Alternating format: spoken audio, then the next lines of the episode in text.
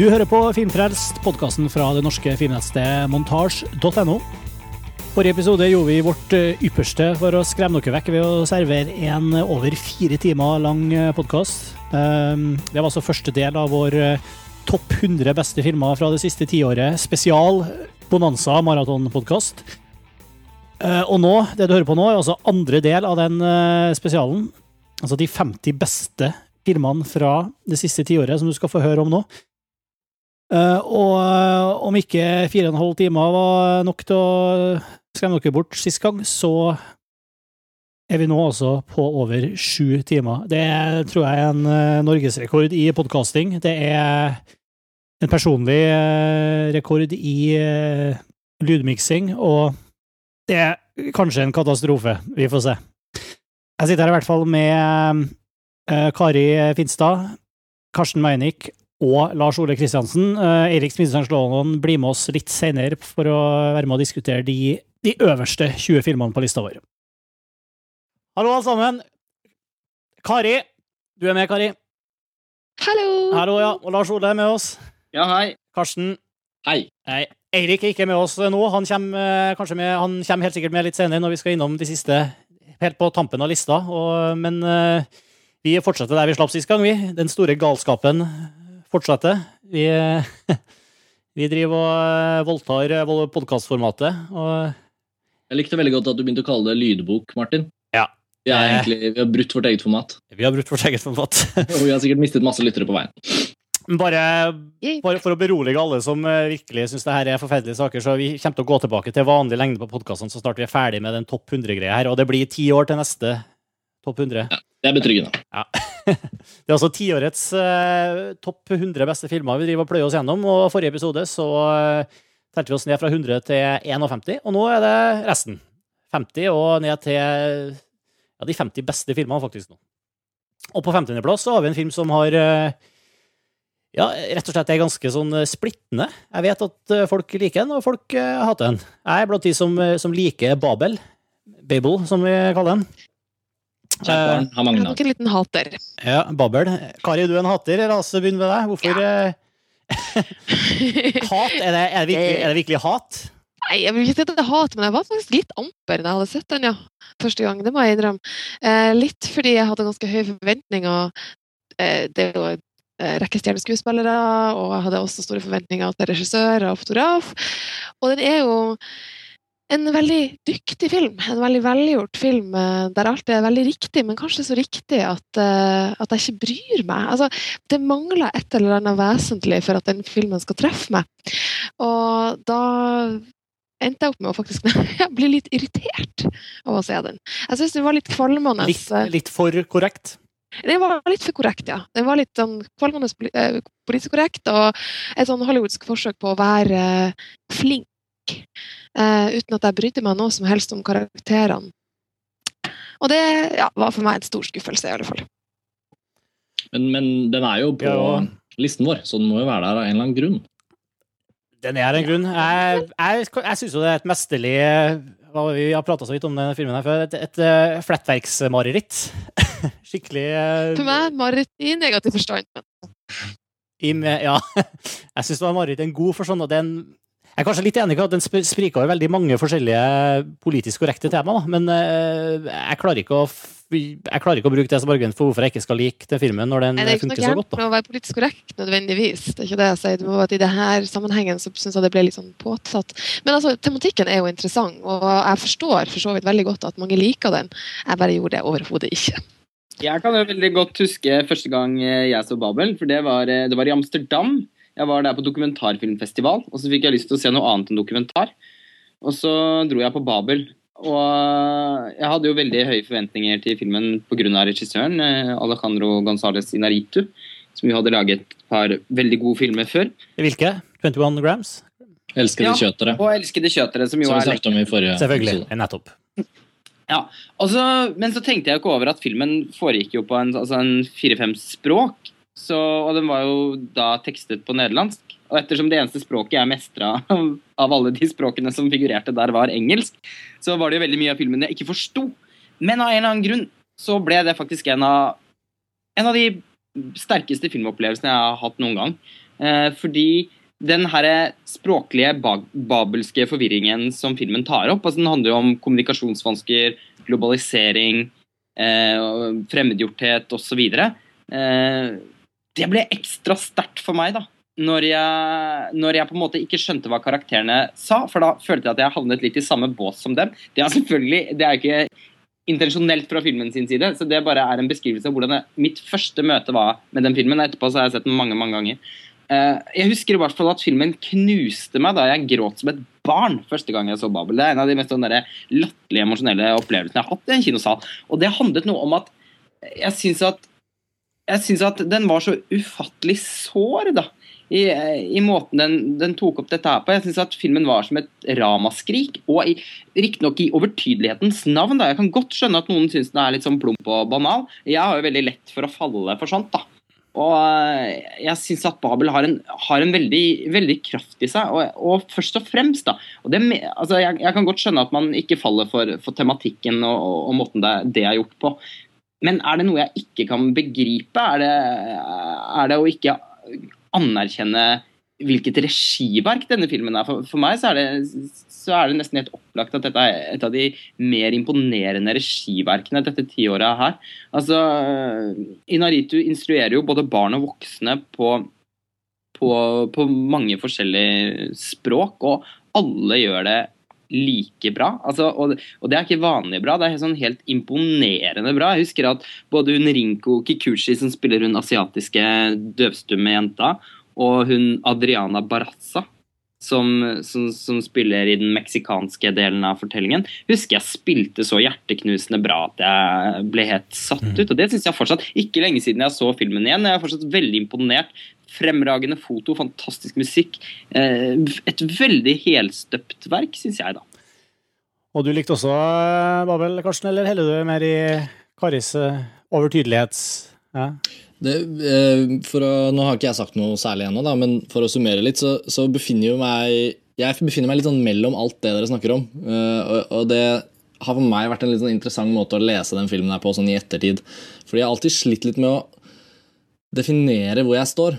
Mitt førsteinntrykk av filmen var at den ikke kommuniserte til meg. Uh, og det er pun intended, liksom. Den, den, forsøker å si noe om kommunikasjon, og om hvordan vi på en måte trenger hverandre, ønsker å nærme oss hverandre, selv når vi er i andre land enn vårt eget. Men, men mennesker har såpass uh, mange vanskeligheter når det kommer til kommunikasjon, at vi, når alt kommer til alt, sliter med å finne hverandre i denne store verden. Og verden blir mindre pga. globaliseringen. Tematisk sett så er den jo virkelig en 00-tallsfilm. Kanskje mye mer enn kanskje 80 andre filmer på listen vår. Så hører den jo veldig veldig til i det tiåret vi har vært i. Men, men førsteinntrykket mitt av filmen var bare at den ikke traff. Uh, og jeg har sett den igjen på DVD i mye mer sånne bedagelige, tilbakelente sofaomgivelser. Den traff meg ikke nødvendigvis da heller, men, men, jeg fikk mer respekt for særlig på en måte, det faglige som Lars Ole har snakket litt om nå. At, at den er vanvittig godt uh, laget. Men så, nå, uh, særlig kanskje det siste året Lars Ole og jeg vi har jo diskutert den filmen her en del ganger, også sammen med Eirik. Og, og, Det er vanskelig å ikke respektere den, men det jeg har liksom funnet ut at er mitt problem med Babel, er vel at den, den, den forteller 10% for mye. Den knytter noen bitte små bånd mellom historiene som, som jeg ikke kan svelge. Og jeg tror at dersom den filmen hadde latt meg Eh, putte mer inn selv, og ikke levere alt, så tror jeg den ville eh, vært mye mye sterkere for meg. For det er sånn verden er. Jeg opplever at den forsøker å si noe veldig veldig sant om den verden vi lever i. Men da må man også erkjenne som Eller de som lagde denne filmen, syns jeg burde ha erkjent at eh, det er også en veldig veldig naturlig ting at man ikke klarer å få alt til å stemme. At ikke det fins de båndene. og At det er nettopp det at vi er avhengig av hverandre uten å vite om hverandre, er minst like kraftfullt. Da. Og det er vel kjernen som jeg savner i Babel. Men alt i alt så syns jeg det er veldig bra at vi har Babel på listen. For den, den representerer, som jeg sa litt, uh, en tematikk som virkelig dette tiåret har uh, hatt i seg. Og, og, den forsøker å si noe om det. Og om den ikke er 100% vellykket, så tror jeg kanskje den kommer til å, å vare. Mye pga. tematikken sin. Det tror jeg også. Jeg, tror at det er eh, man, man, ser jo bare når vi sitter og snakker nå, så Det er en film som det er veldig lett å diskutere, som det er lett å snakke om. Eh, og det i seg selv anser jeg egentlig som en ganske sterk kvalitet. Og diskusjonen med Babel har aldri gått helt over heller. Det er ganske mange år siden den kom nå, men det er fortsatt en film som man diskuterer over tre-fire øl. Så eh, det, jeg føler også at dette er en av de varige filmene, og veldig symptomatiske filmene for tiåret da, på, på lista vår. Mm. Men så over, over til en film som uh, handler om et helt annet tiår. Uh, Ja. Zodiac, David Finchers uh, seriemorderfilm uh, om Zodiac-morderen på 70-tallet. Det satte da til San Francisco. Ja. Nettopp. Ja, det er en Det er en bra film. Ja, Som vi har satt på 49.-plass. Ja. 49. Jeg syns det er en litt merkelig plass, men noen må være på 49.-plass òg.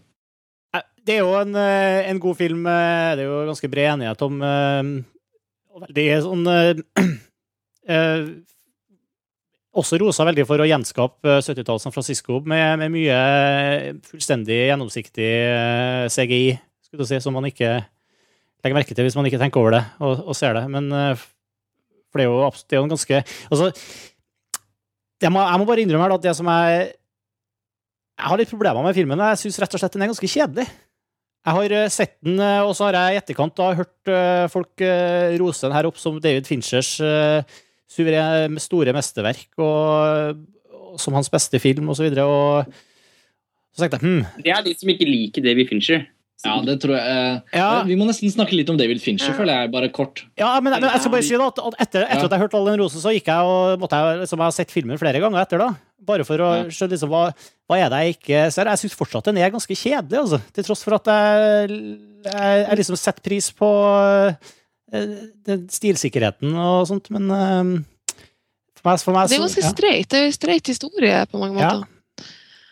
Og, eh, men jeg syns den er veldig, veldig god innenfor sin sjanger. Den, den på en måte utgir seg ikke for å være noe mer enn det den er, og er veldig fengslende, syns nå jeg, da.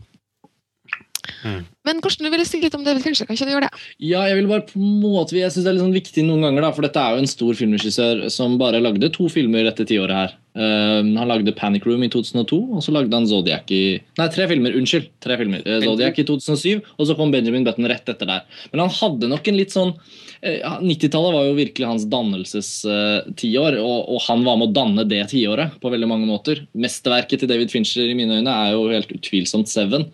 Eh, en annen seriemordersfilm som han på en måte umulig kunne overgå med Zodiac, selv om det er i samme sjanger. Eh, veldig forskjellige filmer, men som, måte, han kunne aldri ta seg mål om å overgå Seven. Det regner jeg med at han vet selv. Men han, også sto han jo bak Fight Club, som, som eh, vi snakker mye om i 1999-podkasten vår, og, og så gikk han inn i det tiåret her. Og han er jo kjent for å være litt sånn vanskelig regissør, som vil ha det som han vil ha det. Men, men Panic Room var jo en skuffelse, og den har jo virkelig tapt seg, synes jeg, eh, med årene. Og nesten en helt sånn ubetydelig film på, si, på sin måte, særlig sammenlignet med det Fincher har gjort fra før av. Så da han endelig kom med Zodiac, så husker jeg veldig godt at jeg var egentlig til å være en skikkelig Fincher-fan, så hadde jeg ganske lave forventninger. Jeg, jeg visste ikke helt hva jeg skulle til å se, og jeg, og jeg visste at Seven kanskje var umulig å, gjenskape. Da. Så det, det jeg setter veldig pris på med Zodiac, er egentlig at Fincher går en litt ny sti. Altså, det er veldig mye Fincher der. Han er en kjølig, liksom, visuell geni som, som, som ikke oversentimentaliserer overhodet i noe. Men det at den er, det at den er nøye, og det at den er presis, og det at den egentlig er en sånn meta-etterforskningsfilm Jeg vil jo kanskje si at den er mye mer en etterforskningsfilm enn en seriemorderfilm. Seriemorderen er jo kanskje en av de mest fraværende øh, karakterene i filmen. Naturlig nok, fordi det handler om et mysterium som, de, som ikke lar seg løse. Men det føyer seg mer inn i en sånn journalistfilmsjanger. Ja, nettopp fordi det, det må også tas med. ikke sant? Og etterforskning og journalistikk går jo ofte hånd i hånd dersom, dersom man er ute etter informasjon. På samme på måte som, eh, som i eh, All the President's Men, eller i og for seg denne nye britiske TV-produksjonen Red Riding Trilogy.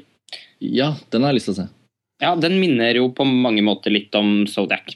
Ja. Ganske, altså, nå skal vi ikke snakke om den, men uh, den befinner seg litt i samme landskap. Ja. Så det var, fall, det var en av de grunnene til at jeg falt så enormt for Zodiac. Da, var at jeg på, på en måte slapp å få den filmen jeg fryktet, men fikk noe helt annet. Og noe som jeg i hvert fall har hatt veldig stor glede av å, å ha, ha flere gjensyn med. Da. Det er jo en film som er konstruert sånn at man virkelig kan oppdage mer ved den uh, ved å se den om igjen. Man finner ikke ut av mysteriet nødvendigvis noe, noe lettere, men, men, den var veldig rik for meg. da. Så, så, jeg ble veldig positivt overrasket, og dertil skuffet av Benjamin Button, som fulgte året etter, og som ikke er på listen vår. Men, eh, men, men, likevel så vil jeg følge opp det du sier med at eh, For jeg syns ikke det er så romantisk. Eh, jeg hadde veldig store forventninger til Zodiac da jeg så den. Fordi på, Rett og slett pga. forhåndsomtale og trailer og alt som var. Og det, var. og det er en fremragende god film. Altså, den er jo en perfekt film. Altså, den er jo regien i, i, den filmen der er så, så stringent og så, så perfeksjonert at, at man Ja, altså det finnes nesten ikke Det møter nesten ikke sin like innenfor den sjangeren. Altså det er en fullstendig perfekt film. Men når, som jeg antydet så vidt i stad, så er dette, dette er den David Fincher-filmen som de som egentlig ikke er så glad i Davy Fincher, som oftest trekker fram som hans beste film. Og deri ligger et derfor blir, vil alltid den filmen være litt paradoksal for meg i David Fincher sin filmografi, ettersom jeg er veldig begeistret for David Fincher. Jeg synes jo, akkurat som Karsten, synes jeg Seven er hans ubestridelige mesterverk. Det kommer han aldri til å overgå. Det er veldig kjipt å mm, lage en sånn film så tidlig i karrieren. Det er, det er, det er, veldig fint å ha laget den i løpet av karrieren overhodet, da. Det er, det er det, men altså ja, han, han, han, har gått i Frank Darabont-fella, på en måte. Er det et offisielt begrep nå? ja, eller Richard Kelly-fella. Ja. Eh, han vil alltid ha men, men, han klarte faktisk å følge det opp med en, altså en relativt sett like fantastisk film som er Fight Club, men med de to filmene der så satte han standarden sin så høyt at jeg syns faktisk ikke David Fincher har klart å holde, være med på notene dette tiåret her. Derfor syns jeg ikke Zodiac hører hjemme på den listen her. Jeg syns ikke David Fincher fortjener å ha en film på lista dette tiåret her. Vi har hatt andre filmskapere som har ganske mye til felles med David Fincher, som f.eks. Christopher Nolan. Som har levert et fremragende tiår, og som fortjener å, å, å, å, på en måte bli vurdert som en 2000-tallsstemme. For meg har David Fincher blitt en 90-tallsstemme. Zodiac er en perfekt film som jeg likevel alltid glemmer. Fordi den mistet den derre barokke, fantastiske fortellergleden som som lå i David Fincher sine tidligere filmer, hvor han liksom den her grenseløse trangen til å fortelle en historie på en så fet måte som overhodet mulig, det ble veldig kjølig nedtona og litt sånn nesten litt sånn derre tilgjort voksent, syns jeg, i Zodiac. Jeg, med Zodiac så mister jeg den David Fincher som jeg elsket. Det, det, er jo nettopp derfor jeg sier at den, jeg syns den er veldig god, men kanskje litt kjedelig. Men er det ikke er det ikke litt snobbete å si at den er dårlig bare fordi den er best for de som ikke liker Fincher-filmer? Selv om jeg nesten er litt enig med deg. fordi jeg tenker sånn eh, det, det, det jeg syns da er litt fantastisk, er at er Fincher faktisk Nei, nei, nei, men jeg synes, Er det ikke litt fantastisk at Fincher da har levert en film som man ikke trenger å være Fincher-fan for å digge, men uh, som kan stå på egne ben som etterforskningsjournalistfilmen fra dette tiåret, kanskje fremfor noen? da. Kan du komme på en annen film som klarer å, å skildre liksom, denne maniske behovet for å finne ut av et mysterium, denne, denne nitidige uh, arbeidet med å finne ut av det og ikke finne ut av det. Liksom dette nederlaget som kanskje Fincher også selv følte med tiåret. At det var et visst nederlag, at han ikke var der hvor han var, og at man på en måte ikke kom helt fram til det. Altså Jeg syns det er mye å hente i Zodiac. Jeg syns nesten det er litt sånn forfriskende at den er en Fincher-film. Jeg skjønner ikke hvorfor man skal på en måte si at eh, David Fincher ikke kan få lov å være med på lista i dette tiåret, fordi at filmen ikke er like god som Seven. Eh, og fordi at man kanskje forbinder Fincher mye mer med filmer som Seven og Fight Club. Jeg syns han har prestert en veldig god film som jeg synes er spennende fra begynnelse til slutt. Og fengslende og veldig intens. Og ja, jeg er helt enig i at jeg syns det er en ut, utmerket sjangerfilm som et film.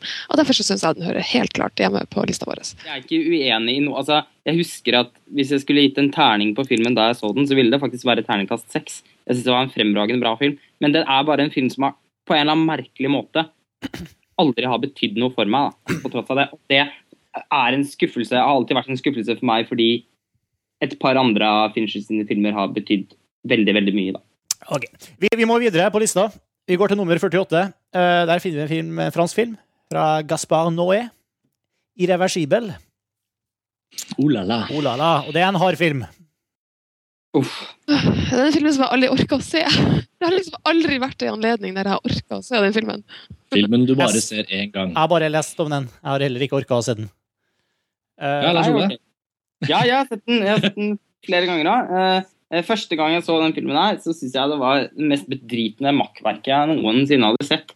Så syns jeg det var eh, et, eh, et forsøk på en slags både på en slags moralisme Jeg syns det var et forsøk på eh, et sånn veldig pretensiøst forsøk på å si noe om, om tid, om litt sånn ulne filosofiske begreper. Eh, og jeg, og jeg syns at de, på en måte, de temaene som ble forsøkt å tatt opp, var smurt inn i dritt, rett og slett. Jeg syns det var en tvers igjennom ufyselig film.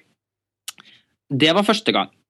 Eh, og det er mange år siden. Eh, så så jeg den igjen for eh, ca. et år siden. Og nå syns jeg det var en jævlig bra film. Det er Altså- jo jævlig bra. Hvem var du da du så den første gang? Det går, jeg, jeg, hva er det du Nei, jeg men jeg, nei, vet du hva, jeg, jeg, står, jeg står, for, står for det jeg syntes da. Ja, altså, ja, jeg var, det, er, det er ganske mange år siden. Uh, og, og jeg syns uh, Det er en film jeg har veldig forståelse for at folk kan avslå helt, fordi den, den er ufyselig. Men filmen heter 'Irreversibel' og forteller en historie baklengs, eh, eller i scener som i, i omstokka baklengs rekkefølge. Altså, det, det er ikke baklengs film, men det er scener som blir fortalt i, i, i Mm. vanlig eh, progresjon, men de er bare rokert sånn at den Endelsesforløpene kommer i baklengs. kommer i baklengs rekkefølge. ikke sant? Så du Mm. får gradvis avdekka mer og mer bak, backstory over det som du har sett tidligere. Ja. Vi kan, vel si, vi kan vel i hvert fall kort bare si litt om filmen, for det kan godt hende det er mange lyttere som ikke har sett den. Og jeg kan nesten ikke heller anbefale den på en måte, for den er jo helt forferdelig å se. Det er noen veldig harde voldtektsscener, er det ikke? Eh, ja, det er én. Det er Um, bra scene med med- volds og voldsscener, og egentlig ting blir også verre ettersom de blir bedre. Men la oss si kort den, hvordan den forløper seg. Da. Eh, Det handler, om, det handler på en måte om et par. Uh, Alex og Markus, er det det? Uh, som, uh, som er ganske lykkelige, og som opplever noe forferdelig. Filmen starter med det forferdelige. Og så Vi møter dem i en forferdelig ekkel kjeller. Og, eller vi møter han, Markus. Og så får vi sakte forstår vi at denne kvelden har handlet om noe veldig veldig grusomt. Og så får vi se det som er veldig grusomt, og så kommer vi til forberedelsene til kvelden hvor de er ganske happy og skal ut. Og så eh, mot slutten så får vi da se hvordan de hadde det før noe eh, forferdelig hadde inntruffet. Mm. Det er liksom kort fortalt hvordan, hvordan handlingen er. Men, men denne filmen er jo først og fremst en, på en måte, en, et, et audiovisuelt helvete. liksom. Den skildringen av Ja. det som skjer, er så nær og så ekstremt kraftfullt uttrykt på film og i jo- lyd. Jeg vil si at det også er et audielt helvete. Ja, altså- nemlig. fordi altså, jeg, Selv om jeg ikke har sett den, så har jeg faktisk hørt enkelte scener. Mm. Uh, i det den ble, jeg jobba i, i radio da den kom på kino. da jeg i P3, og Det var faktisk telefonstorm til P3 pga. de få eh, klippene fra filmen som ble avspilt, altså lyden av, på, på Filmpolitiet på P3. Fordi folk syntes at det her kunne man da ikke sende på radio. Det var så, de syntes det var så drøyt. Ja. Men det, det er også kanskje det Det Særlig den voldtektsscenen. Mm. Jeg tror, altså Det ble jo veldig mye omdiskutert, denne voldtektsscenen med Monica Bellucci. Eh, og det var vel den, tror jeg faktisk, som vi spilte på radio. Og, og det, det var jo ikke noe hyggelig å høre på, for å si det Jeg sånn. syns det er en fryktelig dårlig idé å spille av lyden fra den voldtektsscenen på radio. Det syns jeg høres grusomt Veldig dårlig idé. Men det, må, Det var vel din idé, det, Kari? Det var ikke min det da! eh, det er jo på en måte Det er jo helt sånn eksplisitt. Det er jo Noen skriker, det er jo fælt. Men det er jo ikke det som gjør lydbildet på denne filmen er så spesielt. Eh, lydbildet er jo kanskje det best utholdelige som man, jeg har fall noen gang har vært borti.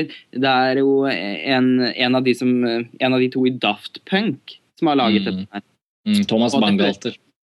Ja, og det høres ut som en sentrifuge som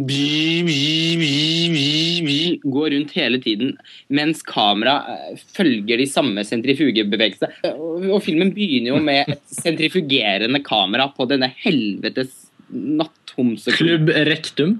Klubb Rektum, hvor de skal finne bendelormen og i det hele tatt. Uh, og det, og det, og det altså, noe, Noen av disse tingene var faktisk noe av det jeg reagerte på første gang som jeg syntes var ganske latterlig. da.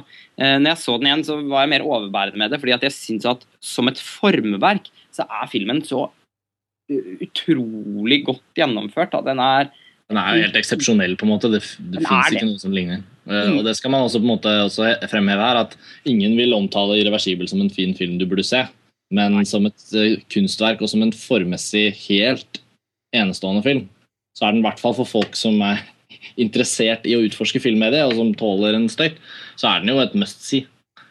Men jeg syns, Så- jeg syns først og fremst at, eh, at, eh, at det er viktig å på en måte uh, understreke at man Altså, jeg syns det er lettest å anerkjenne den som et formverk, da. Fordi det er liksom der jeg syns den virkelig stikker seg ut. Det er som du sier, det er et veldig Det er mer et Det er liksom nesten ikke en film, da. Det er mer et kunsteksperiment Men- som kunne blitt vist i et eller annet galleri. Men er en tematisk oppi der vi er med f.eks. Michael Hannikes Funny Games? Er det noe tils... Er vi liksom i den type budskap, hvis vi skal si noe om hva filmen handler om? En sånn Nei. Nei? Jeg syns det er vanskelig å få fatt i på en måte, hva den handler om. Når jeg tenker på Irreversibel, så er det ikke noen tematikk som dukker opp sånn med en gang. Den, det, bortsett fra at mennesker er forferdelig eh, kjipe mot hverandre. Men det er, det er det jeg mener med at det er først og fremst et formverk. da. Det er det man på en måte må Altså, Michael Haneke er en utrolig intellektuell fyr. Eh, Gaspar Noé er ja, Han framstår i hvert fall ikke som noen stor tenker i denne filmen. her. Han er en, en, mer en mann av handling. altså Veldig fysisk. Samtidig så er, en, er han jo en, et uh, orkestralt geni. Altså det å iscenesette en idé på den måten han har gjort i Irreversibel, er en, enestående. Altså det, og, og, ikke, og det må vi også huske at disse sekvensene, det er vel 13 til sammen, disse Mm. scenene, da, er jo skutt i enkelttagninger. Eh, sikkert jukset litt i enkelte av scenene, kanskje åpningsscenen i de mørke hjørnene og alt mulig, men, men i hvert fall scenene er jo skutt sånn som de, er, sånn som de forløper seg, uten klipp. Og, og, og det er så mange mesterlige ting når du først har en sånn idé. Og Gaspar Noé har jo ganske skrudde ideer i sine andre prosjekter også, så det er jo noe han holder på med. Han har et prosjekt. Men når du først har det, så kan du feile på så ekstremt mange måter. Og det at han da klarer å lage et, et filmverk som allerede har plassert seg selv, i hvert fall i en europeisk eh, sammenheng Det er sikkert ikke vist i alle land rundt omkring i verden, men hvert fall i Europa så har den en Eirik beskriver filmen i omtalen her vår som eh, en motreaksjon til mye av den gladvolden som hadde prega filmer fra Frankrike og Hollywood. Ja, det, den kan vel sikkert, sikkert leses som det. Men jeg, jeg, jeg, jeg tror Jeg, jeg, det, jeg synes det er en film som Hvis man skal analysere den filmen her, så syns jeg den faktisk tjener på en ganske sånn, ren sånn formanalyse. Jeg, den, den handler om, om filmens eh, effekt, da. Og på en måte hvordan, hvordan filmen kan virke som et medium på det mest uhyggelige og suggererende. Det er, det er, jeg, jeg, altså jeg bifaller Karsten fullstendig etter å altså, ha sett den flere ganger i løpet av det året her. Eh, eh, Det er et mesterverk, men eh, tenk deg om fire ganger før du setter på. For du, du, du kan ikke ønsi den filmen. Den er irreversibel. ja. Yes, Over til nummer 47 på lista vår. Snakk til henne fra Pedro Almodovar. Det er Ja. en regissør jeg vet du har et varmt forhold til, Lars Ole, og sikkert eh, flere her òg. Ja, det har jeg. Absolutt en av mine favoritter. Jeg kjenner veldig få som ikke Hvis man først har sett noen Almodovar-filmer, så er det veldig vanskelig å ikke like dem. på en måte Eller like den verdenen. Jeg vet ikke hvordan det er med deg, Kari, men Helt enig. ja. Jeg, jeg, jeg, Ja, nei, jeg er helt enig. Det er utrolig vanskelig å ikke like. Ja, altså, jeg, tra, jeg traff den første filminteresserte jeg har truffet på noensinne som ikke lik, liker Almodovar. Det møtte jeg på i høst, og jeg ble helt sånn der Dette kan ikke stemme. Det, altså, jeg, jeg husker jeg ble helt paff. Jeg tenkte Hvis du liker film, så kan du ikke ikke like Pedro Almodovar.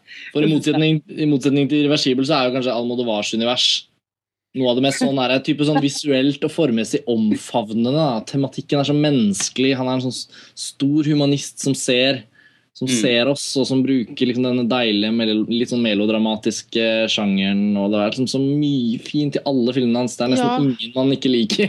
Og 'Snakk til henne' er kanskje, kanskje den beste. Nesten. Jeg tror kanskje det er den jeg liker best. Er veldig forførende på alle måter. Ja. Det er, det er, men det virker, jeg kan ikke få sagt det hvor, hvor tungt jeg mener det. Og jeg har et veldig sterkt forhold til flere av filmene hans, f.eks. 'Alt om min mor', som også er en av mine favorittfilmer. Men 'Snakk til henne' syns jeg er Den er for meg en av de ti beste filmene dette tiåret er. Da. Minst kanskje en av de fem beste. Eh, og Al- Almodovars eh, hovedverk for meg. Eh, bare Altså, jeg syns at det nesten er en sånn opps... Både en oppsummering og en nedtoning av hele karrieren hans, da. Altså, eh, det er jo, dette er jo den første filmen Almodovar lagde om menn. Han er jo kjent for sine sterke kvinneportrett. Og i denne filmen så lar han kvinnene ligge i koma. Og det er ganske sånn altså sånn karriere, altså i forhold til, Lest i forhold til hans uh, kunstnerskap òg, da, så det er ganske interessant. At når han først da skal lage en film om menn, så, så lar han kvinnene ligge i koma. Og den tilstedeværelsen som de kvinnene likevel har da, gjennom hele filmen, er veldig, veldig, veldig sterk. Altså eh, Nesten sterkere, syns jeg, enn noen av de veldig outrerte kvinneskikkelsene som han er langt mer berømt for å, å skape. Alt, eller Snakk til henne er på en måte den mest nedtona, finstemte, vakre og rørende Almodovar-filmen, syns jeg. Han også kanskje den minst melodramatiske, i hvert fall med tanke på hvor stort melodramatisk potensial det er da, i den Ja. filmen. Ja, den har ja. Er Men, men med, med nøktern, og ikke minst Vi snakker om, at, om filmer man kan se flere ganger. Eh, dette er jo virkelig en film man kan se både 10 og 20 ganger og fortsatt være like interessert. For det er så, det er så mye der, da. Så du skulle likt å sette denne litt høyere på lista, Lars Ole? Jeg syns den er det høres Det, det høres sånn ut. den, den er en sånn rar, underlig film som på en måte er sant, veldig ambisiøs på sitt tematiske plan, men samtidig også så føler jeg det er litt sånn, en ting som er litt sånn deilig med den, er at den føles ikke som en sånn storslått 'her kommer mitt viktigste filmverk'-film. Som Nei. mange av de liksom, beste filmene til store filmskapere føles litt sånn Ok, nå har de lada kanonen. Men Ja, her så følte jeg liksom kanskje Almodovar på en måte tok seg en liten litt sånn Nei, men nå må, jeg, nå må jeg tenke litt på noe annet. Nå skal jeg fortelle en litt annen historie enn det jeg holdt på med. Og der plutselig så bare bing, så treffer han. Ja. Fordi det føles, alt føles veldig veldig uanstrengt. Og det er ikke denne 'nå skal jeg endelig fortelle om menn'. Det gjorde han jo først i filmen etterpå, 'Dårlig oppdragelse', som jo er en av de svakeste Almodovar-filmene. Den så jeg aldri, faktisk. Og, nei, og den er absolutt verdt å se. Men, eh, men, men, eh, men dette her er bare Og han fikk jo kanskje sin største publikumssuksess, i hvert fall i Norge, et par år etterpå med Volver. Eller Ja. år, det er flere år etterpå. Altså et par Ja. filmer etterpå med, med Volver. Og, og det er jo en sånn utrolig herlig, underholdende tvers igjennom eh, ha, Altså tvers igjennom herlig filmopplevelse. Men den nærme, kan kan ikke nærme seg det nivået som Snakk til henne er på, syns jeg. da. Og det fikk han også belønning for, da, for han vant jo da en Oscar for beste originalmanus faktisk, for Snakk til henne, da den kom, i 2002. Så Og han fikk reginominasjon. Det er ganske ja da, det er selvfølgelig det er også viktig. Så den, den hører eh, absolutt eh, hjemme der oppe, altså, fra 00-tallet. Selv om den ikke er så høyt som du vil ha den. Lars Ole. Snakk til henne. Havla og Canella. Det er jo veldig god kontrast der, da, fra det liksom fullstendig mangelen på melodrama, og han lada ikke kanonene sine og så videre. Det har jo virkelig Darren Aronofsky gjort eh, i The Fountain. Som er neste film på lista her, på nummer 46. Her, Ja. mistenker jeg at du, du må starte, Martin. Ja, jeg har nettopp gjort det. Han er, altså, det her er, jo en, her er jo melodrama og ladde kanoner, og det, det skytes mye. Eh, Det er jo en, eh, virkelig en, en stor og episk eh, historie, selv om eh, det rent sånn eh, til syvende og sist foregår i, i, i nåtida, så inneholder det jo egentlig tre parallelle historier fortalt samtidig, eh, som spenner liksom hele Ja, fra alt fra eh, 1600-tallets uh, Satt liksom på 1600-tallet i Maya-riket, og eh, satt i nåtida, og samtidig satt 400 år inn i framtida. Uh, og egentlig en, eh, en skikkelig uh, stor, uh, klissete, episk kjærlighetshistorie om liv og død og kjærlighet og everything, som eh, til tross for, eh, for sine, sin eh, pompøsitet, også, som jeg, jeg virkelig Jeg og mange andre falt fullstendig for. Jeg fant også veldig for den, fordi jeg syns at pompøsitet ikke nødvendigvis Altså, eh, pompositet kan bli veldig eh, påtrengende og, og irriterende, men jeg syns at uh, The Fountain også er full, full av en masse inderlighet. Og da syns jeg det er veldig flott. Da liker jeg det episke og det store. Og, og det er det som at den traff meg virkelig. Jeg syns at den, den virka veldig ektefølt. Og så er det til, også, også til tross for alle eh, kompromissene som eh, man vet at eh, har blitt inngått for å få, lagd den filmen, her, med tanke på manus og produksjon, så virker den fremdeles eh, ganske kompromissløs. Da, for det er så mye ideer her som, liksom, han har, altså, som, eh, som Aronofsky tror tydelig har hatt et sånn eh, ønske om å realisere, som, som ikke altså, Det er så mye eh, grensesprengende billedbruk her, og det er så mye det er så mye fantastiske scener her, synes jeg. Og så mange høytsvevende konsepter som jeg liksom blir litt sånn eh, ydmyk overfor. da. Mm, jeg, jeg var veldig enig med det du sa Kari, om, eh, om møtet mellom inderlighet og pompøsitet. Eh, Jeg er litt svak for de to i kombinasjon, og jeg syns i The Fountain så Mm. Det er så befriende å se en filmskaper som, som bare bestemmer seg for noe og sier det, disse ideene, disse, uh, disse tankene, alt det som jeg har på en måte fylt dette manuset med, det skal bli film. Og denne filmen her møtte jo virkelig veggen opptil flere ganger. Uh, Aronofsky var jo virkelig en sånn whiz-kid etter Requiem for a Dream. Han var på en måte en av de store registjernene som ble født tidlig på dette tiåret. 00-tallet.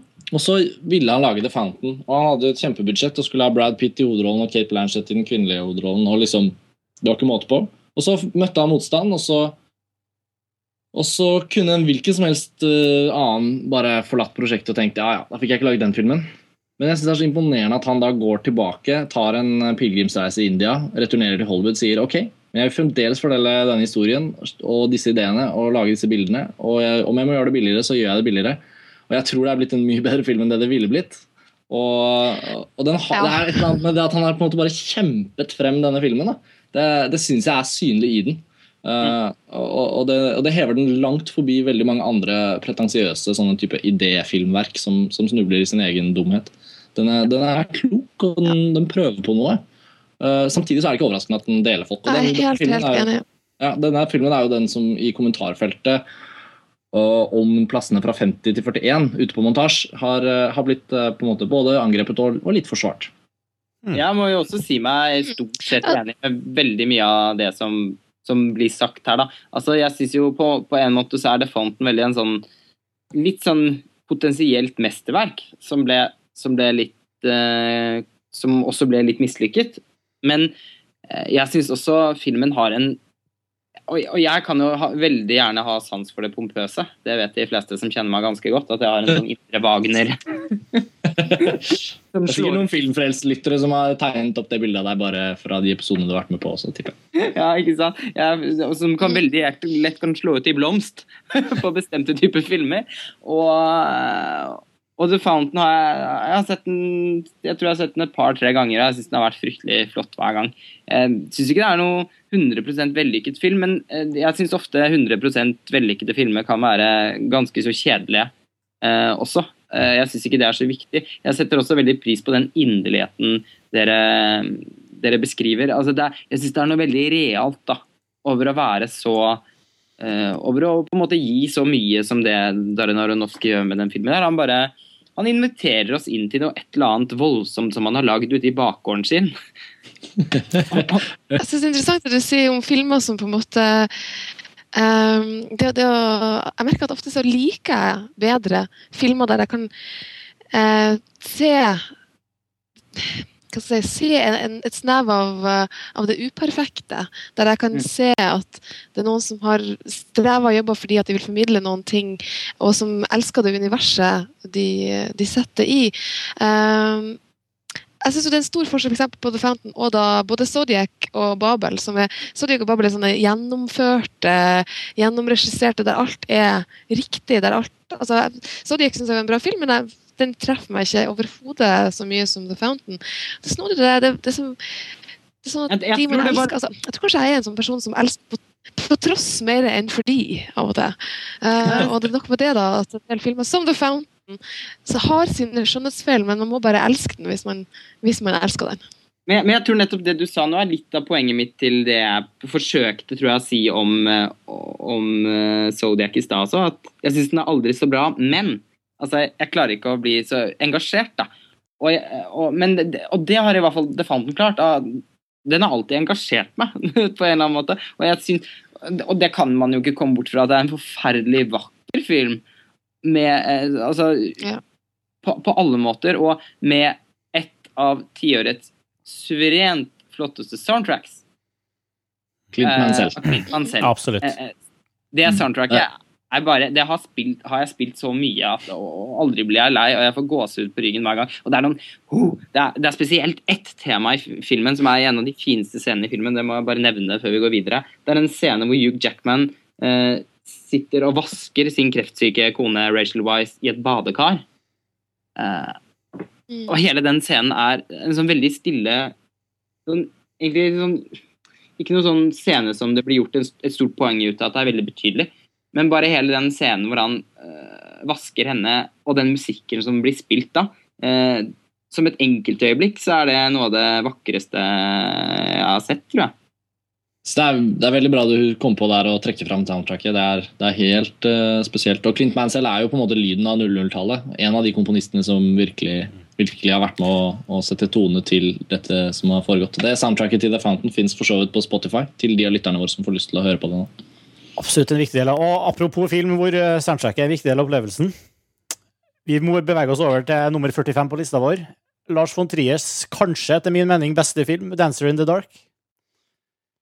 Som er en, rett og slett en musical.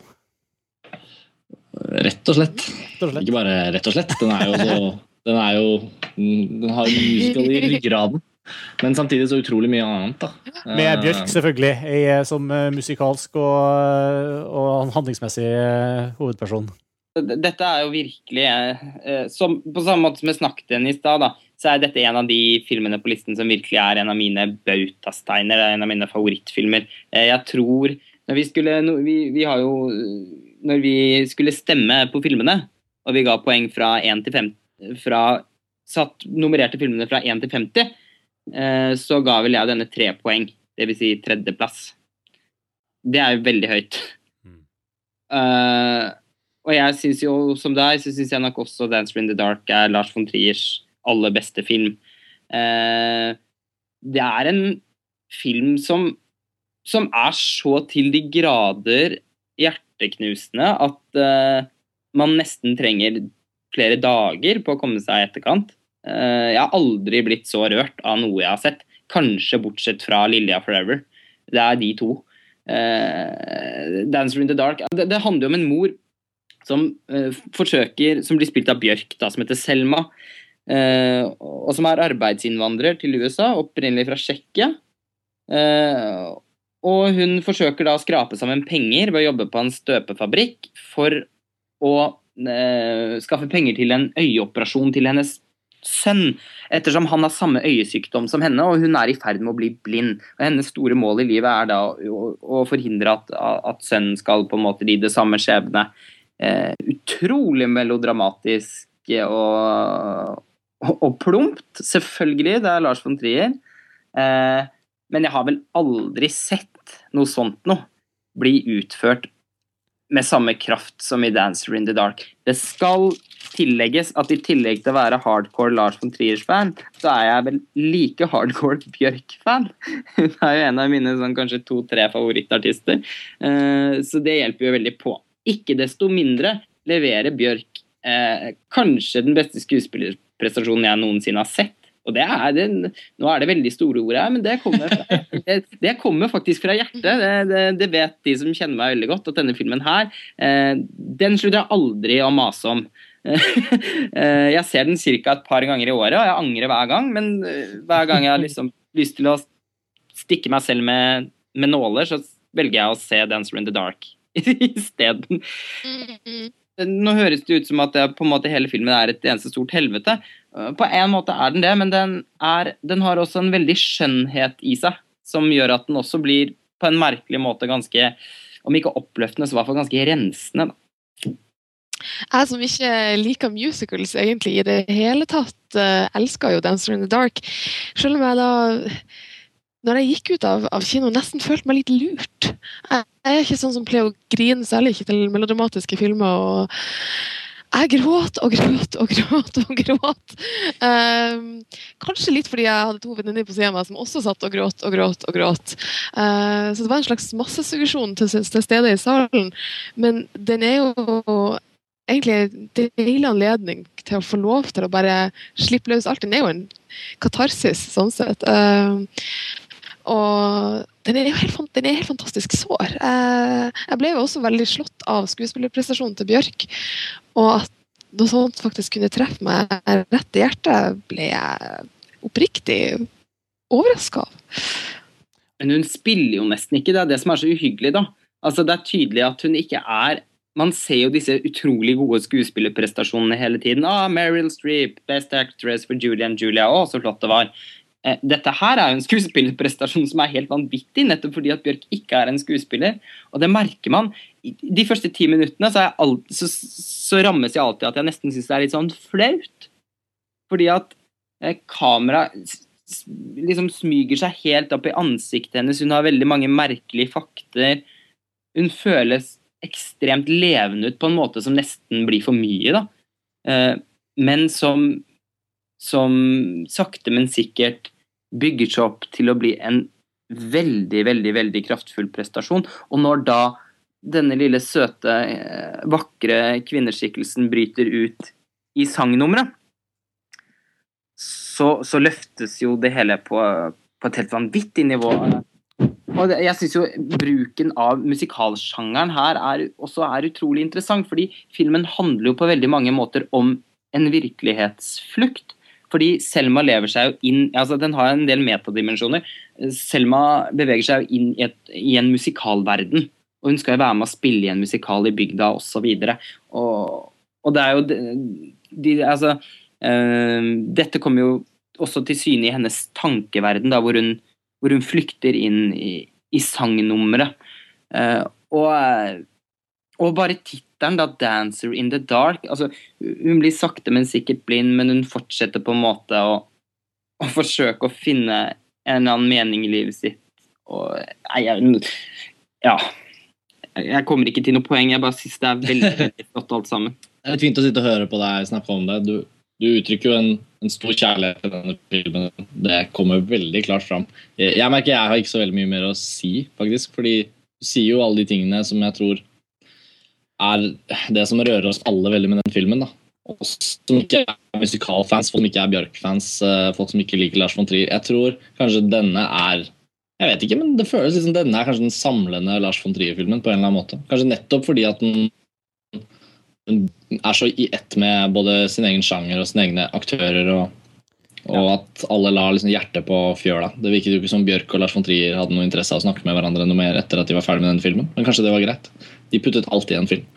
Så jeg syns det er en veldig verdig film på listen vår. Og jeg kan vel kanskje også si meg enig i at den kunne vært litt høyere. Men En fantastisk film, i hvert fall. Mm. Fra ja. Lars von Trier.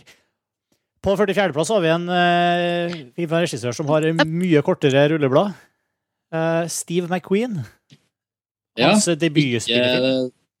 Og da ikke den amerikanske actionstjernen Steve McQueen. Ikke den Men, skuespilleren uh, McQueen. som man føler alltid må nevnes når man snakker om denne filmen. Uh, Hunger. Ja. Som Det er jo ikke så mange som har sett den, tror jeg. Det er vel en av de mer ukjente filmene på listen vår. Ganske enkelt fordi den ikke har tiltrukket seg noe stort publikum sånn jevnt omkring. Men den har jo tiltrukket seg ekstremt mye anerkjennelse fra kritikere og festivaler og priser. Og, og de som da har sett den, kommer jo ikke tilbake som de samme menneskene. For Vi har snakket om en del hardtslående, virkningsfull, eh, ekstrem film også tidligere på den listen. Eh, Hunger eh, stiller seg pent ved siden av disse andre, det, det men på sin egen måte. Ja, men det begynner jo nesten, Jeg skulle, måtte, skulle til å kommentere selv at det begynner jo nesten å bli parodisk, hvor mange av disse grusomme, opprivende filmene som er på denne lista her. Men, uh, men sånn, sånn, er den ennå.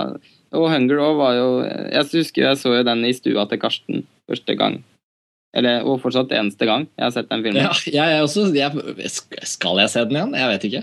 Kanskje. Nei, Det lurer jeg på. fordi det, Jeg tror ikke det kan vokse på noen som helst måte. Fordi det var på en måte så fullendt. Ja. Og den var, så, den var, imponerende på ekstremt mange plan. Men Vi må si litt hva den handler om. Uh, har dere sett den? Martin, du har sett den? Ja, da, vi har hatt til og med prata med i Fifa-episode. Ja, nettopp. Kari? Svaret Nei. Altså, det, det, det foregår i et nordirsk fengsel i 1981. Dette er en sann historie om eh, en gruppe fanger som ønsker status som politiske fanger, men som ikke får det.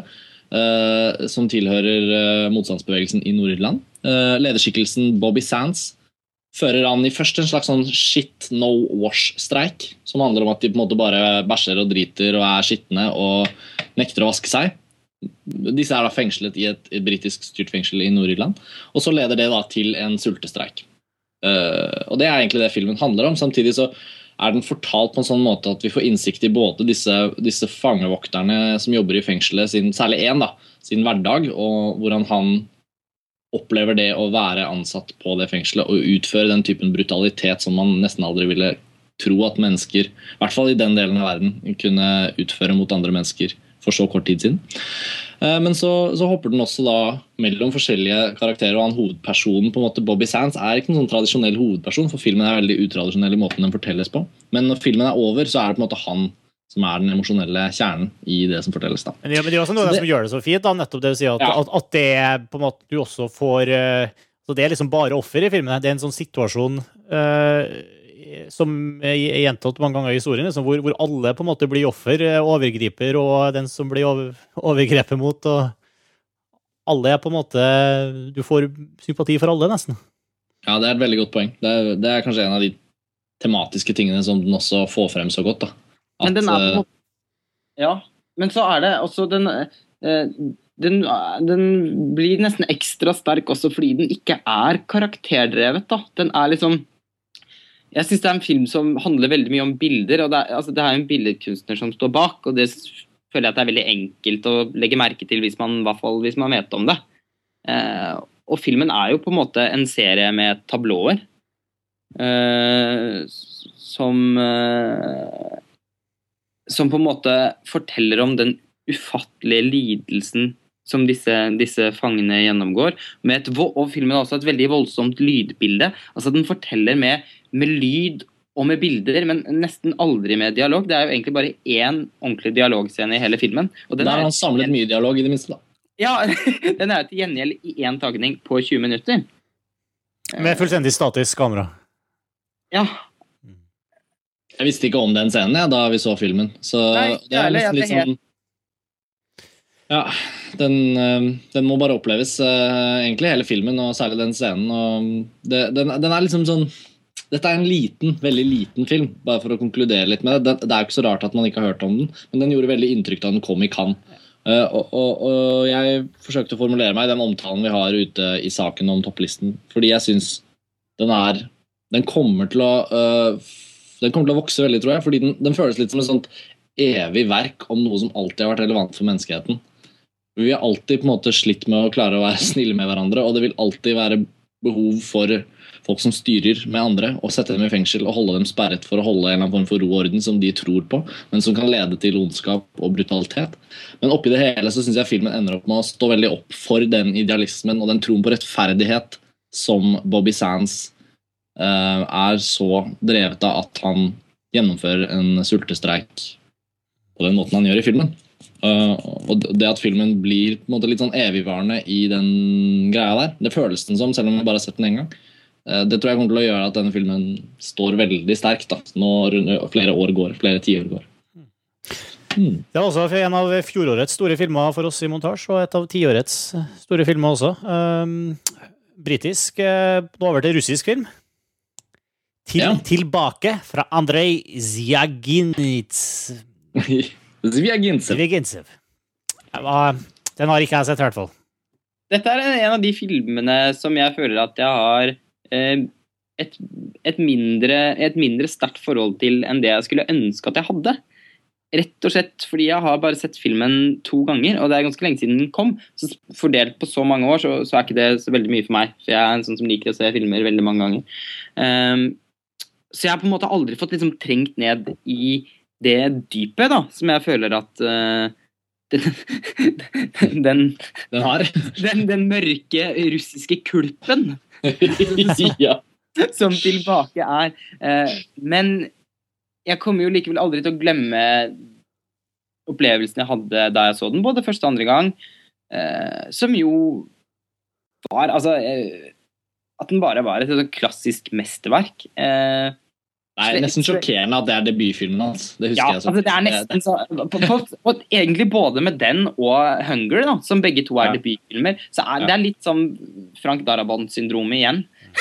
ja, stakkars. Hvordan skal de noensinne klare å overgå disse filmene? For det virker jo som de har liksom eh, Filmene har ligget og vokst i de som en eller annen sånn ekkel kokong hele livet, og så blitt sprutet ut. Uh, beklager det ufyselige billedspråket. Men, så, men tilbake, altså, visuelt sett så, så minner den jo påfallende mye om Andrej Tarkovskij, og det er jo en av mine store regissører. Um, og, og ikke bare minner den om, den minner jo også um, den, eh, den, den, har, den eh, Som Karsten trekker fram i, i, sin, i sin omtale, uh, at den minner jo også litt om sånn klassisk europeisk litteratur. Mm. Og- Også russisk litteratur som er, ofte handler veldig mye om familie og generasjoner uh, osv. Den, den føles ut som et ekstremt klassisk verk på nesten alle måter. Da, I beste mening. Eh, Mm. Veldig rørende, veldig forstyrrende godt spilt av de to, spesielt av de to barna.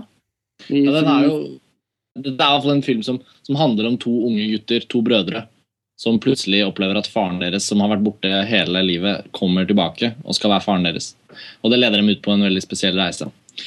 Og, øh, og det, det, det bare jeg vil si helt sånn avsluttende fra min side, er jo at øh, det at den er en russisk film, det at den på en måte er en europeisk film, og det at den hører veldig til i en lang tradisjon av fortellinger, syns jeg er med å styrke denne filmen veldig. Fordi man kan alltids liksom se til, se til um, ja, nye, unge stemmer som utforsker formspråk og som utforsker tematikk, og som er veldig sånn i tiden.